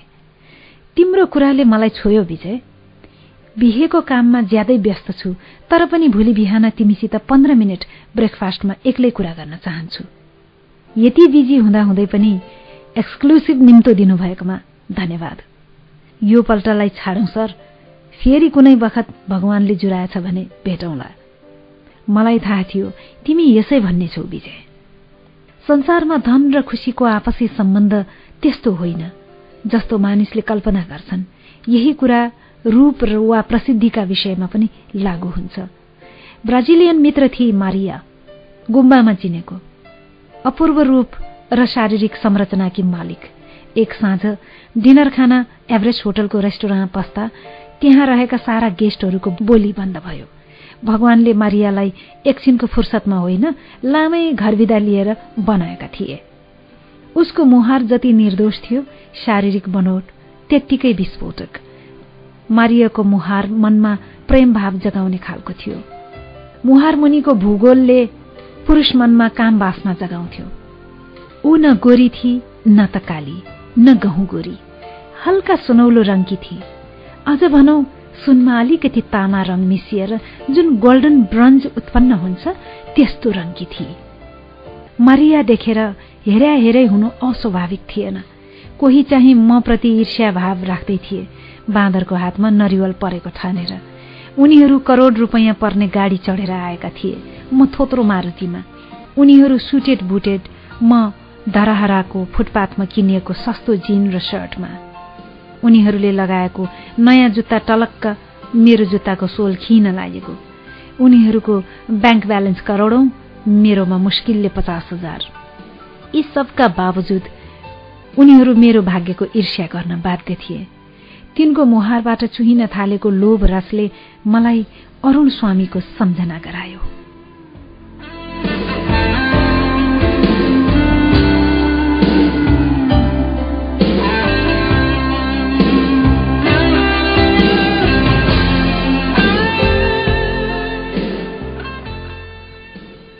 पैसा प्रसिद्धि र सेक्सको शक्तिलाई तुलना गरियो भने महत्वको क्रमबद्धता ऱ्याङ्किङ अर्डर के छ स्वामीजी? पैसाको शक्ति सबैभन्दा तल पर्छ। किनभने money is a dead thing पैसा एक निर्जीव वस्तु हो। पैसासँग मानिसको सम्बन्ध एक निर्जीव इकाइसितको सम्बन्ध हुनाले यसलाई म सबभन्दा तल राख्छु। पैसापछि प्रसिद्धिको पालो आउँछ। पैसा मानिसभन्दा पुरै बाहिर बस्छ। खल्ती या ब्याङ्क खातामा बस्छ। प्रसिद्धिको प्रभाव चाहिँ मानिसको आधी बाहिर आधी भित्र बस्छ। एक मानिस र अर्को मानिसको मनबीच घाँसिएको कुरा हो यो। यसकारण यो पूरा निर्जीव छैन। धेर थोर जीवन छ प्रसिद्धिमा। सेक्सलाई म प्रसिद्धिभन्दा माथि राख्छु। किनभने यो दुई जीवित एकाइ बीचको सम्बन्धमा आधारित छ। प्राणहीन वस्तुभन्दा प्राण भएका जीवहरू बीचको सम्बन्ध स्वाभाविक रूपमा मेरा गुरु ओशोको ऱ्याङ्किङ अर्डरमा माथि पर्छ। मारिया रेस्टुरेन्ट पसेपछि त्यहाँ भएका शक्तिवान र धनवानहरूमा एकाएक छाएको सन्नाटाले सूचित गर्यो ओशोको ऱ्याङ्किङ अर्डर कति यथार्थवादी रहेछ। उपेन्द्र महतो पनि भन्छन् पैसा र नामको तुलनामा सेक्सलाई माथि राख्छु। किनभने जीवन नै यसबाट शुरू हुन्छ। तर यो सृष्टिकै सबैभन्दा माथिल्लो शक्ति हो भन्ने अर्थ नलागोस्। मानिसको पहिचान आइडेन्टिटीलाई म सेक्सभन्दा माथि राख्छु। जति पैसा कमाए पनि नाम कमाए पनि त्यहाँभित्र पहिचानको चाहना लुकेको हुन्छ। पैसा र नामको तुलनामा सेक्सको तागत माथि छ भन्ने मात्र मेरो अभिप्राय हो। नपत्या परीक्षण गरेर हेरे हुन्छ। मारियासँग डिनर खान गएको रात रेस्टुरेन्टमा बसेका मानिसको बोल्ती बन्द हुँदा मैले उपेन्द्रलाई पनि सम्झेँ। यौन आकर्षण र शक्ति नभएको भए नयाँ नयाँ शरीर खोज्न पुरुष वा महिला लाग्ने थिएनन्। भारे भुरेको कुरै छाडौं। विश्वको सबैभन्दा शक्तिशाली पदमा छँदा पनि राष्ट्रपति बिल क्लिन्टन मोनिका लेमिन्स्कीको शारीरिक तापका अगाडि कति शक्तिहीन थिए। उपेन्द्रजी तपाईँलाई नेपालको धनी मानिस भएकोमा कस्तो अनुभव हुन्छ? को धनी को गरिब? यो फैसला आर्थिक सम्पन्नताको मापदण्डबाट मात्र हुन सक्दैन। कोही आर्थिक रूपले सम्पन्न होला कोही शारीरिक मानेमा समृद्ध होला अनि कोही चाहिँ मानसिक रूपले धनी होला। फरक फरक मापदण्डका आधारमा अलग अलग मानिस धनी कहलिन सक्छन्। कुनै पनि मानिस व्यक्तिगत रूपमा जतिसुकै सम्पन्न भए पनि यदि उसले आफ्नो धन समाजसँग बाँडेको छैन भने त्यो मानिस गरिब नै हो। चाहे उसको ब्याङ्क ब्यालेन्स जतिसुकै होस्। जुन दिन उपेन्द्रको मुखबाट यो सुने त्यस क्षणबाट मेरा निम्ति धनी शब्दको परिभाषा बदलियो। नेपालमा धेरैले धनवान ठानेका कतिपय मानिसलाई मैले धनी मान्न छाडे। निकैले गरिब वा मध्यम वर्ग ठानेका मानिस मेरो सुधारिएको नजरमा अपार वैभवशाली दरिए। मैले सम्झे ती असंख्य साधारण नेपालीलाई जसले आफ्नो गच्छेले भ्याएसम्म समाजसित आफ्नो सम्पन्नता बाँडिरहेका छन् कुनै अनाथालय चलाउन एकमुठी चामल दान गरेर होस् या कुनै गरिब विद्यार्थीको फी तिरिदिएर वा कुनै परोपकारी काम गरेर। आफूले भेटेका अनेक परोपकारीलाई जब जब सम्झन्छु धनी हुनुको वास्तविक अर्थ थाहा हुन्छ। यो संसारमा पैसावाल छन्। र यो संसारमा धनी मानिस पनि छन्।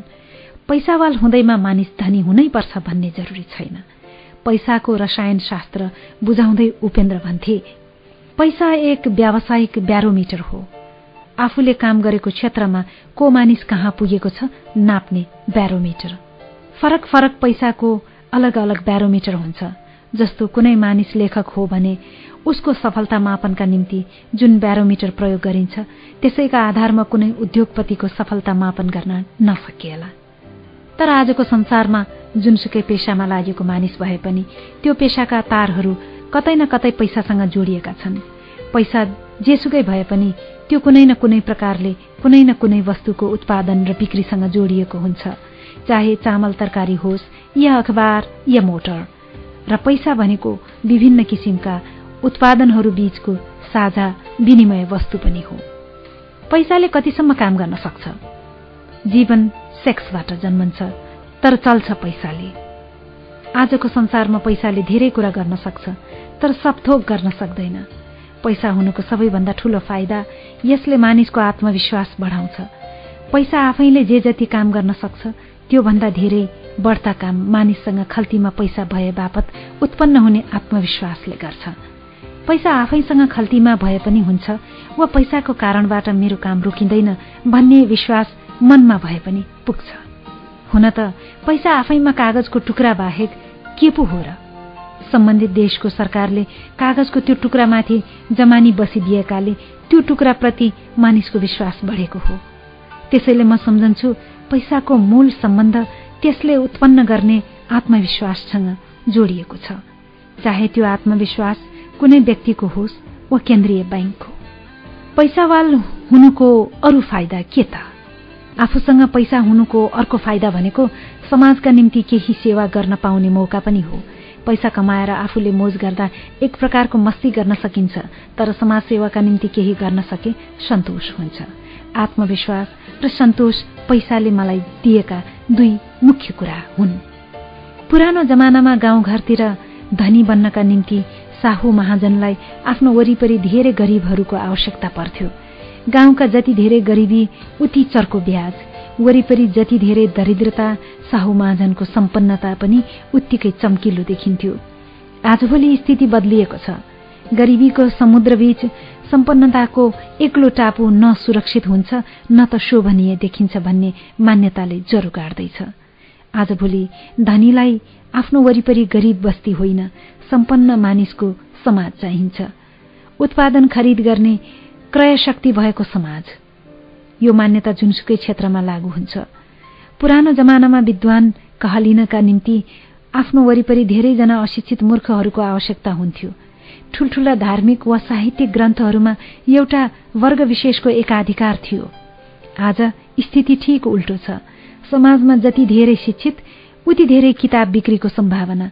सिनेमा साहित्य कला संगीतका विषयमा पनि यही भन्न सकिन्छ। जति धेरै पारखी उति ठूलो बजार। जति ठूलो बजार उति धेरै पारखी। नेपाली धनी र बाहिरतिरका धनी बीच के अन्तर छ? बाहिरतिरका धनीहरू मुद्रा मामिलामा मात्र धनी छैनन्। उनीहरू साहित्य कला संस्कृति आदि धेरै विषयमा पनि जानकारी राख्छन्। तुलनात्मक रूपमा भन्ने हो भने विदेशका धनीहरू हाम्रो जस्तो देशका पैसावाल भन्दा बहुआयामिक हुन्छन्। यही कुरा जुनसुकै पेसाको तुलना गर्दा पनि लागू हुन्छ। रूसको साटो नेपालमा व्यापार गर्नुभएको भए तपाईँको जीवन यस्तै हुन्थ्यो त? पोखरीमा माछा मार्नु र समुद्रमा माछा मार्नु बीच अलिकति फरक त पर्ने नै भयो नि विजयजी। कि कसो? जीवनका गाह्रा साँगुरा पलमा मलाई दसजनाले आर्थिक सहयोग गरे। तिनलाई मैले बदलामा थ्याङ्क्यू बाहेक केही दिइनँ। न त आजसम्म तिनले मबाट कुनै अपेक्षा गरे। को हुन् यी दश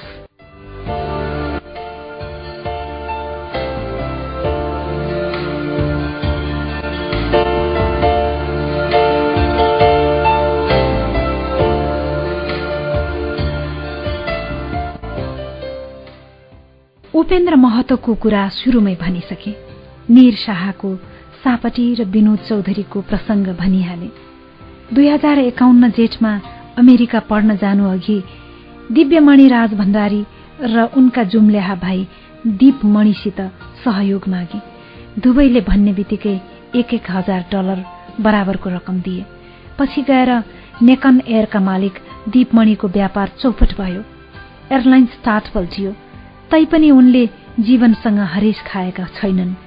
होइन भने माथिबाट तल झरेको मानिस भित्रैबाट टुट्छ। छैटौं मानिस हुन् चार्टर्ड एकाउन्टेन्ट तीर्थराज उपाध्याय। मण्डीका टारमा दाईको घर बन्दै गर्दा सिमेन्ट किन्न महिना दिनका लागि बीस हजार रुपियाँ सापटी लिएको थिएँ। बेलायतबाट दाईको पैसा आएपछि फर्काउन जाँदा तीर्थ दाईले फर्काउन पर्दैन। तिम्रो बच्चालाई चकलेट र लुगा किनिदिनु भने। सिद्धार्थ राणाले मलाई सन् दुई हजारमा निजी प्रोडक्सन कम्पनी खोल्न सहयोग गरे। यसबारे बेग्लै अध्यायमा लेखेको छु। आठौं मानिसले आठौं मानिसको नाम म यो अध्यायमा लेख्न चाहन्न किनभने उनका विषयमा मैले मित्रहरू शीर्षकमा अगाडि लेखेको छु। नवौं मानिस हुन् पर्यटन व्यवसायी पिपी प्रसाई। उनी विमान दुर्घटनामा नपरेका भए मलाई र किसुनजीलाई घर बनाइदिनेवाला थिए। भन्थे उनी तिमी म र किसुनजी सँगै बस्नुपर्छ। तिमीलाई पनि सानो घर बनाइदिन्छु पिर नगर्नु। म छु। पिपिदाई छन्जेल मलाई घरबारको पिर थिएन। म अमेरिका पढ्न जाँदा पनि सुषमाको टिकटको पैसा फर्केपछि दिए हुन्छ भनेकाले हामीलाई सजिलो भयो। हामीले त्यसै गर्यौं पिपी बितेको समाचार सुनेर म धेरै बेर एक्लै रोएँ। पिपीका भाइ विष्णु प्रसाईलाई समातेर रुँदै भने दाई मेरो त दुनियाँ नै डुब्यो। यो अध्यायबाट जाँदा जाँदै जोड्नै पर्ने हुन्छ। मैले पनि केही दुखी असहायलाई सहयोग गर्ने मौका पाएँ। म आफूले सहयोग गरेका मानिसको नाम सम्झन चाहन्न तर मलाई सहयोग गर्नेको नाम छुटाउन चाहन्न। मैले सहज भावले मानिसलाई सहयोग गरेकाले होला। आफूले माग्दा जसले पनि बिना कुनै हिचकिचाहट मलाई तत्काल सहयोग गरे। कर्म फर्कन्छ भन्छन् हो रहेछ। सहयोगको कुरा गर्दा नबिर्सौं। सहयोग आर्थिक मात्र हुँदैन। धेरै किसिमको हुन्छ। यो अध्याय पैसा सम्बन्धी भएकाले अन्यथा अर्थ नलागोस्। मलाई सहयोग गर्ने तीर्थदाई र विनोद चौधरी बाहेक कसैको पनि मैले अन्तर्वार्ता गरिन। बिसौं वर्ष अघि तीर्थ उपाध्यायको अन्तर्वार्ता मलाई नलिई नहुने भयो किनभने उनी नेपालका नामी चार्टर्ड एकाउन्टेन्ट हुन्। विनोद चौधरीको अन्तर्वार्ता नगरेको बिसौं वर्ष भयो। उपेन्द्रको चाहिँ दश वर्षमा तीनवटा अन्तर्वार्ता गरे। उनले भनेर होइन आफैले अनुरोध गरेर। उपेन्द्र र विनोदले एकपटक पनि आफ्नो अन्तर्वार्ता गर्नका लागि मलाई भनेनन्। तिनको अन्तर्वार्ता मैले नगरे कोही अरूले गर्छ। मिडिया बजारमा डिमान्ड यसै पनि हाई छ उपेन्द्र महतो र विनोद चौधरीको। जस जसले मलाई आर्थिक सहयोग गरे तिनले आत्मीयताका कारण त्यसो गरेका थिए। मिडियामा केही गरिदेला भन्ने आशले होइन। यो लेख्दासम्म जीवनमा मलाई सहयोग गर्ने दशौं तथा अन्तिम मानिस हुन् राधेश्याम सर्राफ। पैसा भन्दा प्रेम माथि हुन्छ भन्ने गफ त धेरै सुनेको थिएँ। हो रहेछ राधेश्यामजीले देखाइदिए। त्यही हयात होटल जसको पार्किङ लटमा बेहोस भएर मैले कुनै दिन चिसो रात बिताएको थिएँ। त्यही पाँचतारे होटलका मालिक राधेश्याम सर्राफ दुई हजार साठीदेखि मेरो जीवनको अविभाज्य अङ्ग बने। सर्राफजी मेरो जीवनमा धर्मपिता र आध्यात्मिक साथीको संगम बनेर आए। राधेश्यामजीसँग मेरो परिचय कुनै व्यक्ति विशेषले गराएको होइन। कुनै सांसारिक कामकाजको सिलसिलामा उनीसँग सम्बन्धको शुरूआत भएको होइन। मिडिया र प्रचारबाट उनी दश हात पर बस्छन्। म छाटा रिम्फोजेको खोजीमा थिएँ। एक सय दुई वर्षीय छाटा रिम्फोजे संसारकै महानतम गुरुमध्ये हुन्। उनको दर्शन दुर्लभ छ। वर्षौं प्रयत्न गर्दा पनि गुरुको दर्शन नभएपछि कसैले मलाई बतायो हयात र याक एन्ड यति होटलका चेयरम्यान राधेश्याम सर्राफको छाटा रिम्फोजीसँग दशकौं पुरानो सम्बन्ध छ। सायद उनले तपाईँलाई मदत गर्न सक्छन् कि? बौद्ध जगतमा किम्बदन्ती झैं चर्चित छाटा रिम्फोचेले पटक पटक गरी तीस वर्ष त अनकन्टार गुफामा तपस्या गरेर बिताए। तिब्बत नेपाल र भारत बाहेक अन्त कतै गएनन्। तीसौं वर्ष अघिको कुरा हो। गुरुका अमेरिकी भक्तले अनुरोध गरे। गुरु अमेरिका पाल्नु भए बडा कृतज्ञ हुने थियौं। म केही प्रश्न सोध्नेछु। उत्तर सुनेपछि जाने नजाने फैसला गरौंला। प्लिज सोध्नुहोस् गुरु अमेरिका भन्ने देश जहाँ तिमीहरू मलाई लैजान चाहन्छौ के त्यहाँ आकाश छ? छ गुरु अमेरिकामा पनि आकाश छ। छक्क पर्दै शिष्यहरूले जवाफ दिए। के त्यहाँ नदी छन्? छन् गुरु छन् अमेरिकामा पनि नदी छन्। के अमेरिकाका नदीमा पानी अग्लो स्थानबाट होचो स्थानतर्फ बग्छ? हो गुरु हो। अमेरिकामा पनि पानी अग्लोबाट होचोतिरै बग्छ। त्यसो भए अमेरिका पनि यहाँ जस्तै रहेछ। त्यति टाढा किन जाउँ? मस्त हाँसे छाठा रिम्पोछे ठट्टा लाग्ने यो प्रसंगभित्र पूर्वीय दर्शनको अद्वैत सिद्धान्तको उच्चतम अर्थ लुकिएको छ। अमेरिका र नेपाल तातो र चिसो दुःख र सुख रात र दिन सानो र ठूलो बीच फरक नदेख्ने छाटा रिम्फोचेको अद्वैत भावको उच्चतम अभिव्यक्ति हो यो प्रसंग त्यस्ता छाटा रिम्पोजीको खोजीमा भौतारिने क्रममा मैले राधेश्यामजीलाई भेटेको हुँ। उनले मलाई छाटा रिम्पोचेसम्म पुग्न सेतुको भूमिका खेले। राधेश्यामजी र म बीच अनौठो सम्बन्ध छ। हाम्रो पृष्ठभूमि नितान्त फरक छ। तर बौद्ध गुरूको आशीर्वादले बनेको साझा डोरीले राधेश्यामजी र मलाई एकै ठाउँमा बाँधेर राखेको छ। हामी दुवै प्रकृतिमा हिँडुल गर्न रुचाउँछौ।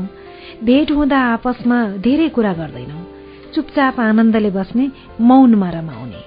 मित्रता जब एक निश्चित उचाइमा पुग्छ धेरै बोलिराख्न नपर्ने रहेछ। मौन नै सम्वादको भाषा बन्छ। एक दिन राधेश्यामजीसँग हयातको बगैँचामा डुल्दै थिएँ। अचानक मैले उनलाई भने कुनै दिन म तपाईँको यो होटलमा मदिराले बेहोस भएर पार्किङ लटमा रातभर गाडीभित्रै सुतेको थिएँ। हामी बीच लामो मौन उपस्थित भयो। त्यो रात सम्झेर मेरो मन रसायो। केही क्षणपछि आफूलाई सन्तुलित बनाउँदै भने म कुनै दिन नेपालमा अनियन्त्रित मद्यपानबाट पीडित रोगीहरूलाई चेतना जगाउने कुनै काम गर्नेछु। एकदम राम्रो कुरा। सर्राफजीले मेरो पिठ्यौँ थपथपाए उनको निम्तोमा एकपटक दिल्ली गए। नयाँ दिल्ली स्थित हयात रिजेन्सीका स्टाफ मलाई लिन एयरपोर्ट आए। होटलमा राम्रो स्वागत गरियो। म सामान्य जिन्स र सर्टमा थिएँ। एउटी सुन्दर एक्जिक्युटिभले एकपटक सोधी तपाईँ काम के गर्नुहुन्छ? खासै केही गर्दिन? त्यसो हुनै सक्दैन। किन? हामीलाई बताइएको छ तपाईँ भिआइपी हुनुहुन्छ र आदेश छ तपाईँलाई कुनै चिजको कमी नहोस्। तपाईँ यो होटलमा असीमित सुविधाहरू प्रयोग गर्न पाउनुहुन्छ। तपाईँ मन लागे जति यो होटलमा बस्न सक्नुहुन्छ। म दुई दिन बसेँ। असीमित सुविधाको त कुरै छाडौँ। मैले त्यहाँ साधारण सुविधा पनि प्रयोग गरिन। खाना समेत प्राय बाहिरै खाएँ। जनपदको फुटपाथमा खाएँ या सर्राफजीको घरमा। असीमित मद्यपानको सुविधाले मलाई जीवनमा जुन पीडा भयो त्यसले गर्दा म कुनै पनि चिज धेरै र असीमित मात्रामा चाहन्न। मौका पाए पनि सुविधा उपलब्ध भए पनि चाहन्न। I just don't want extreme things in life anymore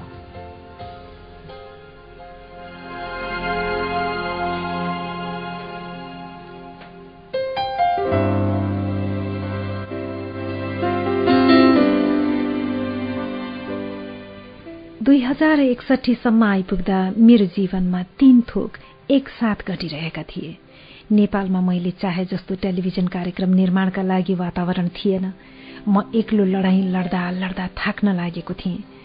एकनासे पत्रकारिता जीवनबाट बोर हुन थालिसकेको थिएँ। पारिवारिक जिम्मेवारी क्रमशः बढ्दै थिए। यी सबै कुराको संयुक्त प्रभावले गर्दा म केही वर्षका लागि नयाँ पेशामा जान चाहन्थेँ। यसै क्रममा मैले अमेरिका गएर समुद्र छेउ क्याफे खोल्ने निर्णय गरे। एक साँझ म सर्राफजीसँग चिया खाना कान्तिपथ स्थित नाइन्टिन ओ फाइभ रेस्टुराँमा थिएँ। म आफ्नो जिन्दगीमा नयाँ केही गर्न चाहन्छु। अमेरिकामा एउटा क्याफे खोल्न चाहन्छु। मलाई तपाईँले रकम मद्दत गर्नु पर्यो कति? सराफजीले सदाझै शान्त स्वरमा सोधे। एक लाख डलर जति लाग्छ होला। अमेरिका पुगेर बैंकमा खाता खोल्नु तिमीले मागेको रकम खाता खोलेको दुई दिनमा जम्मा हुनेछ। रत्तीभर असजिलो नमानेर शान्त स्वरमा सर्राफजीले भने अधिकांश पैसावाल पैसाको कुरा नाउन्जेल निकै रमाइला फरासिला कुरा गर्छन् तर पैसाको नाम सुन्ने बित्तिकै तिनको मुहारको बत्ती सयबाट अचानक जिरो वाटमा झर्छ। साथीको खल्तीको पैसालाई आफ्नो कहिल्यै नठान्नु त्यसै भनिएको होइन। राधेश्यामजीको मुहारमा चाहिँ मैले त्यस्तो कुनै फरक महसुस गर्न सकिन। कुनै दिन म हयात होटलको पार्किङ एरियामा बेहोस सुतेको थिएँ। त्यो दिन मलाई आफैमाथि दया लागेको थियो। त्यही होटलको मालिक एक वचनमा मलाई त्यत्रो रकम दिँदै थियो। मलाई आफ्नो भाग्य देखेर आफैसँग ईर्ष्या लाग्यो। मैले छाटा रिम्पोचेलाई सोधेँ राधेश्यामजी मेरो जीवनमा रिम्पोचीको आशीर्वाद भनेर आएका थिए। दन्त्य कथा झैँ लाग्ने त्यो साँझको केही हप्तापछि आफ्नै खर्चमा म सान फ्रान्सिस्को विमानस्थल ओर्लिएँ। बर्कलेमा पढेको हुनाले बे एरिया मेरा निम्ति परिचित नै थियो। सात दिन बसे। क्याफे खोल्न समुद्र छेउ मनमोहक लोकेसन छानेर नेपाल फर्किएँ। त्यसपछि बाटोमा हिँड्दा कहिलेकाहीँ म एक्लै मुस्कुराउँथे। यो सोचेर सस्तो पाइन्ट कमिज लगाएर फुटपाथमा हिँडिरहेको म जस्तो मध्यमवर्गीयसित एक लाख डलर छ भन्ने कसले सोच्न सक्छ र? चार महिना मैले खल्तीमा लाख डलर क्यास भएको अनुभूति लिएर बाँचे। काठमाडौँ फर्केर धेरै विचार गरेपछि मैले अमेरिकामा क्याफे चलाउने योजना त्यागिदिए। मलाई लाग्यो त्यहाँ बसेर मलाई खुसी मिल्ने छैन। मलाई त्यो निर्णयमा पुर्याउन नेपालका लागि पूर्व भारतीय राजदूत देव मुखर्जीको ठूलो हात थियो। पदमा रहँदा र नरहँदा उनीसित मेरो एकनाश मित्रता रह्यो। तिमी अमेरिका किन जान चाहन्छौ विजय? यता खासै काम छैन। उता गए कमसेकम केटाकेटीको भविष्य त बन्छ। त्यसो भए तिमी केटाकेटीको भविष्यका लागि जान लागेको? त्यसै भन्न पर्यो। के ग्यारेन्टी छ उता गएपछि केटाकेटीको भविष्य बन्छ? ग्यारेन्टी त केही छैन। मलाई हेर म पनि त्यस्तै सोच्थेँ। म त अझ अमेरिकाका लागि भारतको कन्सुलर जेनरल थिएँ। आजको दिन मेरी छोरी जर्मनीमा छे र छोरा अमेरिका भाषी हो। मलाई लाग्छ अमेरिका गएर मैले दुवैलाई गुमाएँ। तिमी धेरै अधैर्य नहौ। नेपालमा स्थिति सधैँ यस्तै रहने छैन। देव मुखर्जीको मुखबाट यति सुनेपछि मैले धेरै दिन सोचे। अन्तत अमेरिका गएर क्याफे खोल्ने विचार त्यागे। नेपाल फर्केर आएको चार महिनापछि सराफजीलाई आफूले क्याफे गर्ने विचार त्यागेको बताए। राम्रो निर्णय गर्यो विजय। मलाई लाग्दैन थियो कि तिमी अमेरिकामा क्याफे चलाएर खुसी हुन सक्थ्यौ। यो कुरा पहिले किन बताउनु भएन? सुरुमै यसकारण भनिन किनभने त्यस अवस्थामा तिमी सोच्न सक्थ्यौ मैले तिमीलाई पैसा दिन नचाहेर त्यसो भनेको हो। म अमेरिका पुगेपछि तपाईँसँग लाख डलर लिएर कामै नगरी ठगेर पनि त बस्न सक्थे नि। मान्छे त म पनि चिन्छु नि। यतिका वर्ष भयो बिजनेसमा। जो कोहीले माग्दैमा दिने हो र हामी दुवै मस्त हाँस्यौं। दुई हजार उनसत्तरी मङ्सिर सराफजीको आँखा अपरेसन गर्नुपर्ने भयो। म उनको साथ तिलगंगा अस्पताल गएँ। डाक्टर सन्दुक रुइतले अपरेसन गर्नुअघि अस्पतालमा राधेश्यामजीलाई सोधियो। अपरेसनका दौरानमा तपाईँको जीवनमा भइपरि आउन सक्ने भवितव्यको जिम्मेवारी अस्पतालले लिँदैन। त्यसका लागि तपाईँको तर्फबाट कसैले मञ्जुरीनामामा हस्ताक्षर गर्नुपर्ने हुन्छ। भइपरि आउने अवस्थामा निर्णय कसले गर्छ? He is fully authorize to sign for my life मेरो ज्यान सम्बन्धी भइपरि आउने सबै निर्णय उसले गर्नेछ। शान्त स्वरमा राधेश्यामजीले मलाई देखाए। राधेश्यामजीले त्यसो भन्ने बेला मेरो बैंक खातामा मुस्किलले बिस हजार रुपियाँ थियो। बिस हजार रुपियाँ भएको मानिसलाई अरबौं अर्ब सम्पत्ति भएको मानिसले आफ्नो ज्यान सम्बन्धी सबै निर्णय गर्ने अनुमति दिँदै मैले एकपटक बयासी वर्षीय राधेश्यामजीका आँखामा हेरे। छठा रिम्फोचेलाई सम्झे। अस्पतालको कागजमा चुपचाप दस्तखत गरिदिए। पैसा भन्दा प्रेम माथि छ भन्ने गफ त धेरै सुनेको थिएँ। हो रहेछ। राधेश्यामजीले देखाइदिए।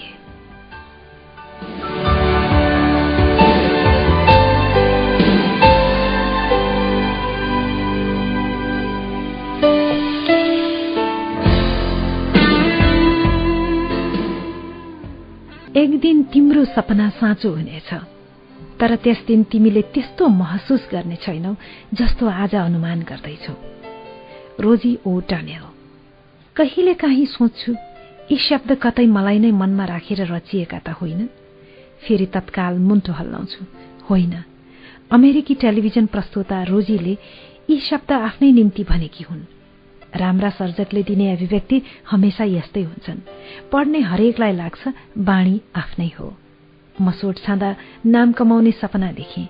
धेर थोर नाम कमाउन समय लागेन। बेला बखत यस्ता युवा भेट्छु जो भन्छन् मेरा बाजे तपाईँको फ्यान हुनुहुन्थ्यो। आजकल म छु। सुन्दा आफू कति बुढो भइएछ जस्तो लाग्छ। युवा नाट्यकर्मी सरिता गिरीको पुस्ताले जब मलाई विजयदाई भनेर बोलाउँछ आफू अझै जवान छु भन्ने भ्रममा खुसी लाग्छ। तर मेरो सचेत मनलाई थाहा छ सरिताको पुस्ताले मलाई विजय अङ्कल भनेर सम्बोधन गर्ने बेला भइसक्यो। तपाईँ त यतिका वर्षदेखि फेमस हुनुहुन्छ। कस्तो रमाइलो महसुस हुँदो होला है? म उत्तर दिन सक्दिन। विगत वर्षहरूमा कैयौं पत्रकारले मेरो अन्तर्वार्ता गर्ने समय मागे। जस जसले मसित समय मागे तिनका प्रति व्यक्तिगत आभार भाव हुँदा हुँदै आफ्नो मनको बह पोख्न चाहिन। त्यसमा सार देख्दिन। आजसम्म मैले दुईवटा छापालाई अन्तर्वार्ता दिएँ। पहिलो सिनेमासिक कामनालाई दुई हजार त्रिचालिस सालमा र दोस्रो अखिलेश उपाध्यायलाई दुई हजार उनसत्तरीमा। कामनाले कभर स्टोरी बनाएको एकमात्र पत्रकार मै हुँ क्यारे। प्रकाशक सम्पादक पुष्करलाल श्रेष्ठलाई देख्ने बित्तिकै म ठट्टा गर्छु। कामनाको कभरमा कोही अर्को पत्रकार आयो पुष्करजी? आएन। आफ्नै तस्विर त छाप्न सकिया छैन त्यसमा। नेपाल समाचार पत्रमा सकिएला कामनामा सकिन्न। किन? मुहार हुनेको दिमाग नहुने दिमाग भएको पत्रकारको पब्लिक क्रेज नहुने। त्यसैले अखिलेशको एक वचनमा म कुरा गर्न तयार भएँ। काठमाडौँ पोस्टको सम्पादक वा मेरो मित्र भएर होइन। मलाई लाग्यो अखिलेशसित सतही वार्ता होइन अन्तर्वार्ता नै गर्न सकिन्छ। अखिलेशले शीर्षक राख्यो ह्युमन डाइमेन्सन इन जर्नलिजम उसले आफ्नो आलेखमा मसित प्राय जोडेर हेरिने प्रसिद्धि ब्रान्ड भ्यालु आदि कुनै पनि कुरालाई रत्तीभर महत्व दिएन। पत्रकारिताको मानवीय पक्षमा मेरो योगदानसित सम्बन्धित सामग्रीलाई लेखनीय आधार बनायो। झुठो विनम्रताको आवरण छाडेर भन्ने हो भने मैले आफ्ना परिचित समकालीनहरूमा कुनै यस्तो पत्रकार देखिन जसको मलाई ईर्ष्या गर्नु परोस्। न टेलिभिजनमा न त छापामा। कोही राम्रो लेख्थे तर मानिसका रूपमा असल थिएनन्। कोही असल थिए तर राम्रो लेख्दैनथे। त्यसैले ईर्ष्या लागेन। युवा पुस्ताका पत्रकारमा चाहिँ मभन्दा राम्रो लेख्ने वा टेलिभिजन प्रस्तुति गर्नेहरू धेरै होलान्। मेरो उमेरमा आइपुग्दा उनीहरू मभन्दा दशौं गुणा क्षमतावान पत्रकारमा परिणत हुन सक्छन्। युवा पुस्ताका राम्रा काम र सफलतालाई म ईर्ष्यारहित भएर इन्जोय गर्न सक्छु। रवि लामिछानेले संसारको सबैभन्दा लामो टक सो रेकर्ड बनाउँदा धेरै खुसी हुनेमा म पनि थिएँ। राति बीचबीचमा उठेर हेरेँ पनि। उसको सफलताका निम्ति प्रार्थना पनि गरे। आफ्नो भन्दा पछिल्लो पुस्ताका मानिससित वैरभावयुक्त प्रतिस्पर्धा गर्ने प्रतिभावान युवाको बाटो छेक्नेहरू मलाई बिल्कुलै मन पर्दैनन्। आफू युवा छँदा घुसघुसेहरूको मारमा परेकाले कुनै पनि क्षेत्रका खुराफातीप्रति मेरो मनमा वितृष्णा छ। प्रतिस्पर्धाको आधार पेशागत दक्षता र क्षमता हुनुपर्छ न कि ईर्ष्या र षड्यन्त्र। नामको चाहना प्रसिद्धिको धेरथोर भोग प्राय मानिसलाई हुन्छ। कसैमा यो भोग सुषुप्त अवस्थामा होला कसैमा देखिने गरी मुखरित होला। मानवीय आवश्यकताको मास्लो सिद्धान्तले यो भोगलाई चौथो नम्बरमा राखेको छ। अरू मानिसले आफ्नो कामको प्रशंसा गरून् समाजमा चिन्यौं भन्ने चाहना सामान्य हो। एक कक्षामा पढ्ने भर्खरको बालकले पनि कक्षामा स्याबासी पाएको कुरा कति गर्वसाथ आफ्नै आमालाई सुनाउँछ। संसारमा तीन प्रकारका प्रसिद्धि छन्। पहिलो राजा महाराजा र तिनका सन्तान जो जन्मदै जमदार। अरबपतिका सन्तान जन्मदै मालामाल। दोस्रो थरी यस्ता जसले महत्वाकांक्षा हासिल गर्न जीवनको हरेक सास बडा गणितीय हिसाब किताब गरेर लिए। प्रत्येक पाइला डेबिट क्रेडिट हिसाब गरेर चाले। अन्तत पदमा पुगे पैसा कमाए वा प्रसिद्धि भए। धेरै जस्ता महत्वाकांक्षी नेता र व्यापारी यो श्रेणीमा पर्छन्। तेस्रो थरी जो नामी हुन्छु भन्ने कुनै योजना अनुसार चलेका नभएर निष्ठापूर्वक काम गर्दै जाने क्रममा प्रसिद्धिसित ठोक्किन पुगे। प्रसिद्धि उनीहरूको जीवनमा एज अ बाई प्रडक्ट आइलागेको हुन्छ। आनन्दका निम्ति काम गर्दै थिए गर्दै जाँदा चौतारीमा प्रसिद्धिको देवीले माला पहिर्याइदिइन्। नाम कमाउनु भन्दा टिकाउनु मुस्किल हुन्छ। नाम टिकाउन मैले पनि निकै पापड बेले। अझै बेल्दैछु। यो पापड बेल्ने शब्द मैले राजेश हमालबाट सिकेको हुँ भन्थे उनी। बाहिरबाट हेर्दा राजेश हमाल बसेको ठाउँमा कति मस्ती होला जस्तो लाग्छ। आफैलाई मात्र थाहा छ यतिका वर्षदेखि यहाँ बसिरहन मैले कस्तो कस्तो पापड बेलेको छु।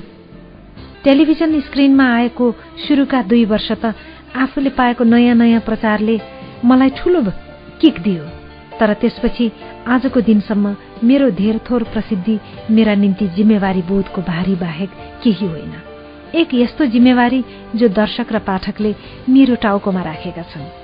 कमसेकम मलाई त्यस्तो जिम्मेवारी बोधको भ्रम छ। जीवन बढ्दै जाँदा मैले प्रचार र पहिचान बीच फरक महसुस गर्न थालेँ। मानिसले मानिस चिन्नु र मानिसले मानिसलाई इज्जत गर्नु बीच ठूलो अन्तर रहेछ। प्रचार र पहिचान एउटै कुरा होइनन्। नेपालमा कुनै पनि क्षेत्रमा चिनिने मानिस हुन खासै मुस्किल छैन। पब्लिसिटी सजिलो र सस्तोसँग पाइने हुनाले जो कोही पनि चिनिनेमा डरिन सक्छ। ऋषि धमलालाई तपाईँ के भन्नुहुन्छ? प्रचार भएको मान्छे वा पहिचान भएको मान्छे? बिचरा ऋषिलाई मात्र किन दोष दिने? राजेन्द्र दाहालले एक दिन मेरो आँखा खोलिदिए। हामी सबै ऋषि धमला हौ। हाम्रो समाजको वास्तविक हैसियत त्यही हो। हामी धमलालाई देखेर हाँस्छौं। ऊ हामीलाई देखेर मनमनै हाँसो हो। ऋषि सबैले देख्ने गरी लाज पचाएर क्यामेराको अगाडि उभिन्छ। हाम्रो समाजका अनेकौं नामी मुहार कसैले नदेख्ने बेला मिडिया म्यानुपुलेट गरेर बसेका हुन्छन्। अलि गहिरेर हेर्नुहोस् त। कुरा एउटै हो। हामी सबै ऋषि दमला हौ। राजेन्द्र दाहालको भनाइमा दम छ। तर सत्य के पनि हो भने पब्लिसिटी पाउँदैमा कोही मानिस पर्सनालिटी बन्न सक्दैन। प्रचार एक्लैले पहिचान आइडेन्टिटी दिन सक्दैन। पब्लिसिटीले कुनै गधा वा गधीलाई पुछपाछ गरेर केही बेरका लागि चम्काउन नसक्ने होइन। तर प्रचार एक्लैले कुनै गधा वा गधीलाई घोडा वा घोडीमा रूपान्तरित गर्न असम्भव छ। पछिल्ला वर्षमा मिडिया मिलाएर समाजमा चिनिने बनेकाहरूको संख्या हरेक क्षेत्रमा बढ्दो छ। नक्कलीहरूले सक्कलीहरूलाई ठोस कामको होइन प्रचारको बलले छोपेको आभास आउन थालेको छ। हरेक क्षेत्रमा कागजी बाघ र बघिनीहरू खडा भएका छन् तर यिनको धेरै पीर गर्नु पर्दैन। पानीका फोका हुन्। मिडियाको रिपोर्टर मिलाउन नसकेको दिन आफै बिलाउँछन्। एक मूल्यवान वचन छ। सूर्य चन्द्र र सक्कली प्रतिभा धेरै कालसम्म छोपेर छोपिन्न। कुनै उल्लेख्य कामै नगरी प्रचारको तानाबाना बुनेको भरले समाजमा चिनिएका मानिसलाई नामको नशा लाग्दैन। किनभने प्रचारित मानिसलाई थाहा हुन्छ उसले पाएको पब्लिसिटी म्यानुपुलेटेड हो सक्कली होइन। त्यसैले विनम्र बस्छ। कथम कदाचित प्रचारको बलमा टिकेको मानिसलाई पनि प्रसिद्धिको नशा लाग्यो भने बुझ्नुपर्छ मूर्ख हो त्यो। प्रसिद्धिमा नशा छ। तर यो नशा सबैलाई एकनाशले लाग्दैन। मेरो करियरको सुरुवाती वर्षमा मलाई नामको नशा लाग्यो। त्यसमाथि मदिराको नशा थपिएपछि स्थिति झनै खराब भयो।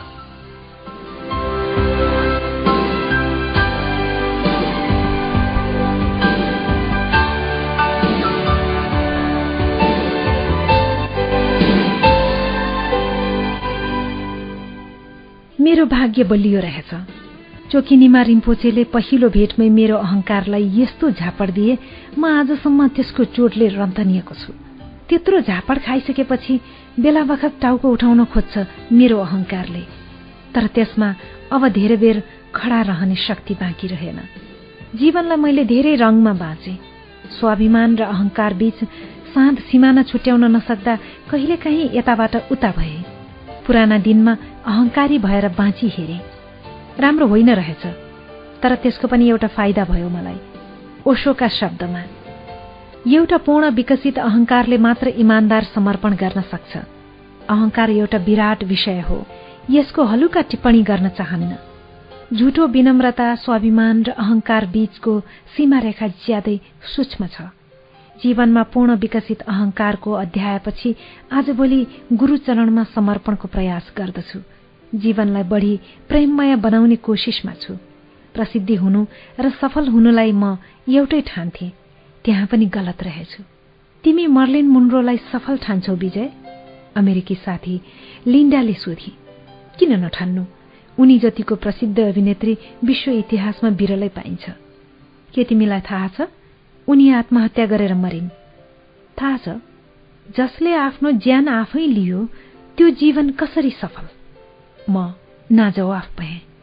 आत्महत्या गर्नुभन्दा अघिका वर्षमा मर्लिन मुन्ड्रोले नभनेकी होइनन्। म सेक्स सिम्बल मात्र होइन एक जीवित नारी हुँ। मेरा पनि भावना छन्। म चाहन्छु म जे हुँ त्यसैका निम्ति मात्र कसैले मलाई प्रेम गरोस्। मलाई लाग्दैन कुनै एकजनाले पनि सेक्सी सुपरस्टार मर्लिन मुन्ड्रोलाई मानिसका रूपमा प्रेम गर्यो। कसैले साँचो प्रेम गरेको भए उनले आत्महत्या गर्ने थिएनन् समय बित्दै जाँदा मैले प्रसिद्धिलाई सफलतासित जोडेर हेर्ने बानी छाडिदिए। गुम्बाले मलाई त्यो मौका दियो। त्यहाँ मैले कैयौं यस्ता मुहारसित भोटे चिया र थुक्पा खाने मौका पाएँ जसलाई दुनियाँले हलिउड स्टार भनेर चिन्छ।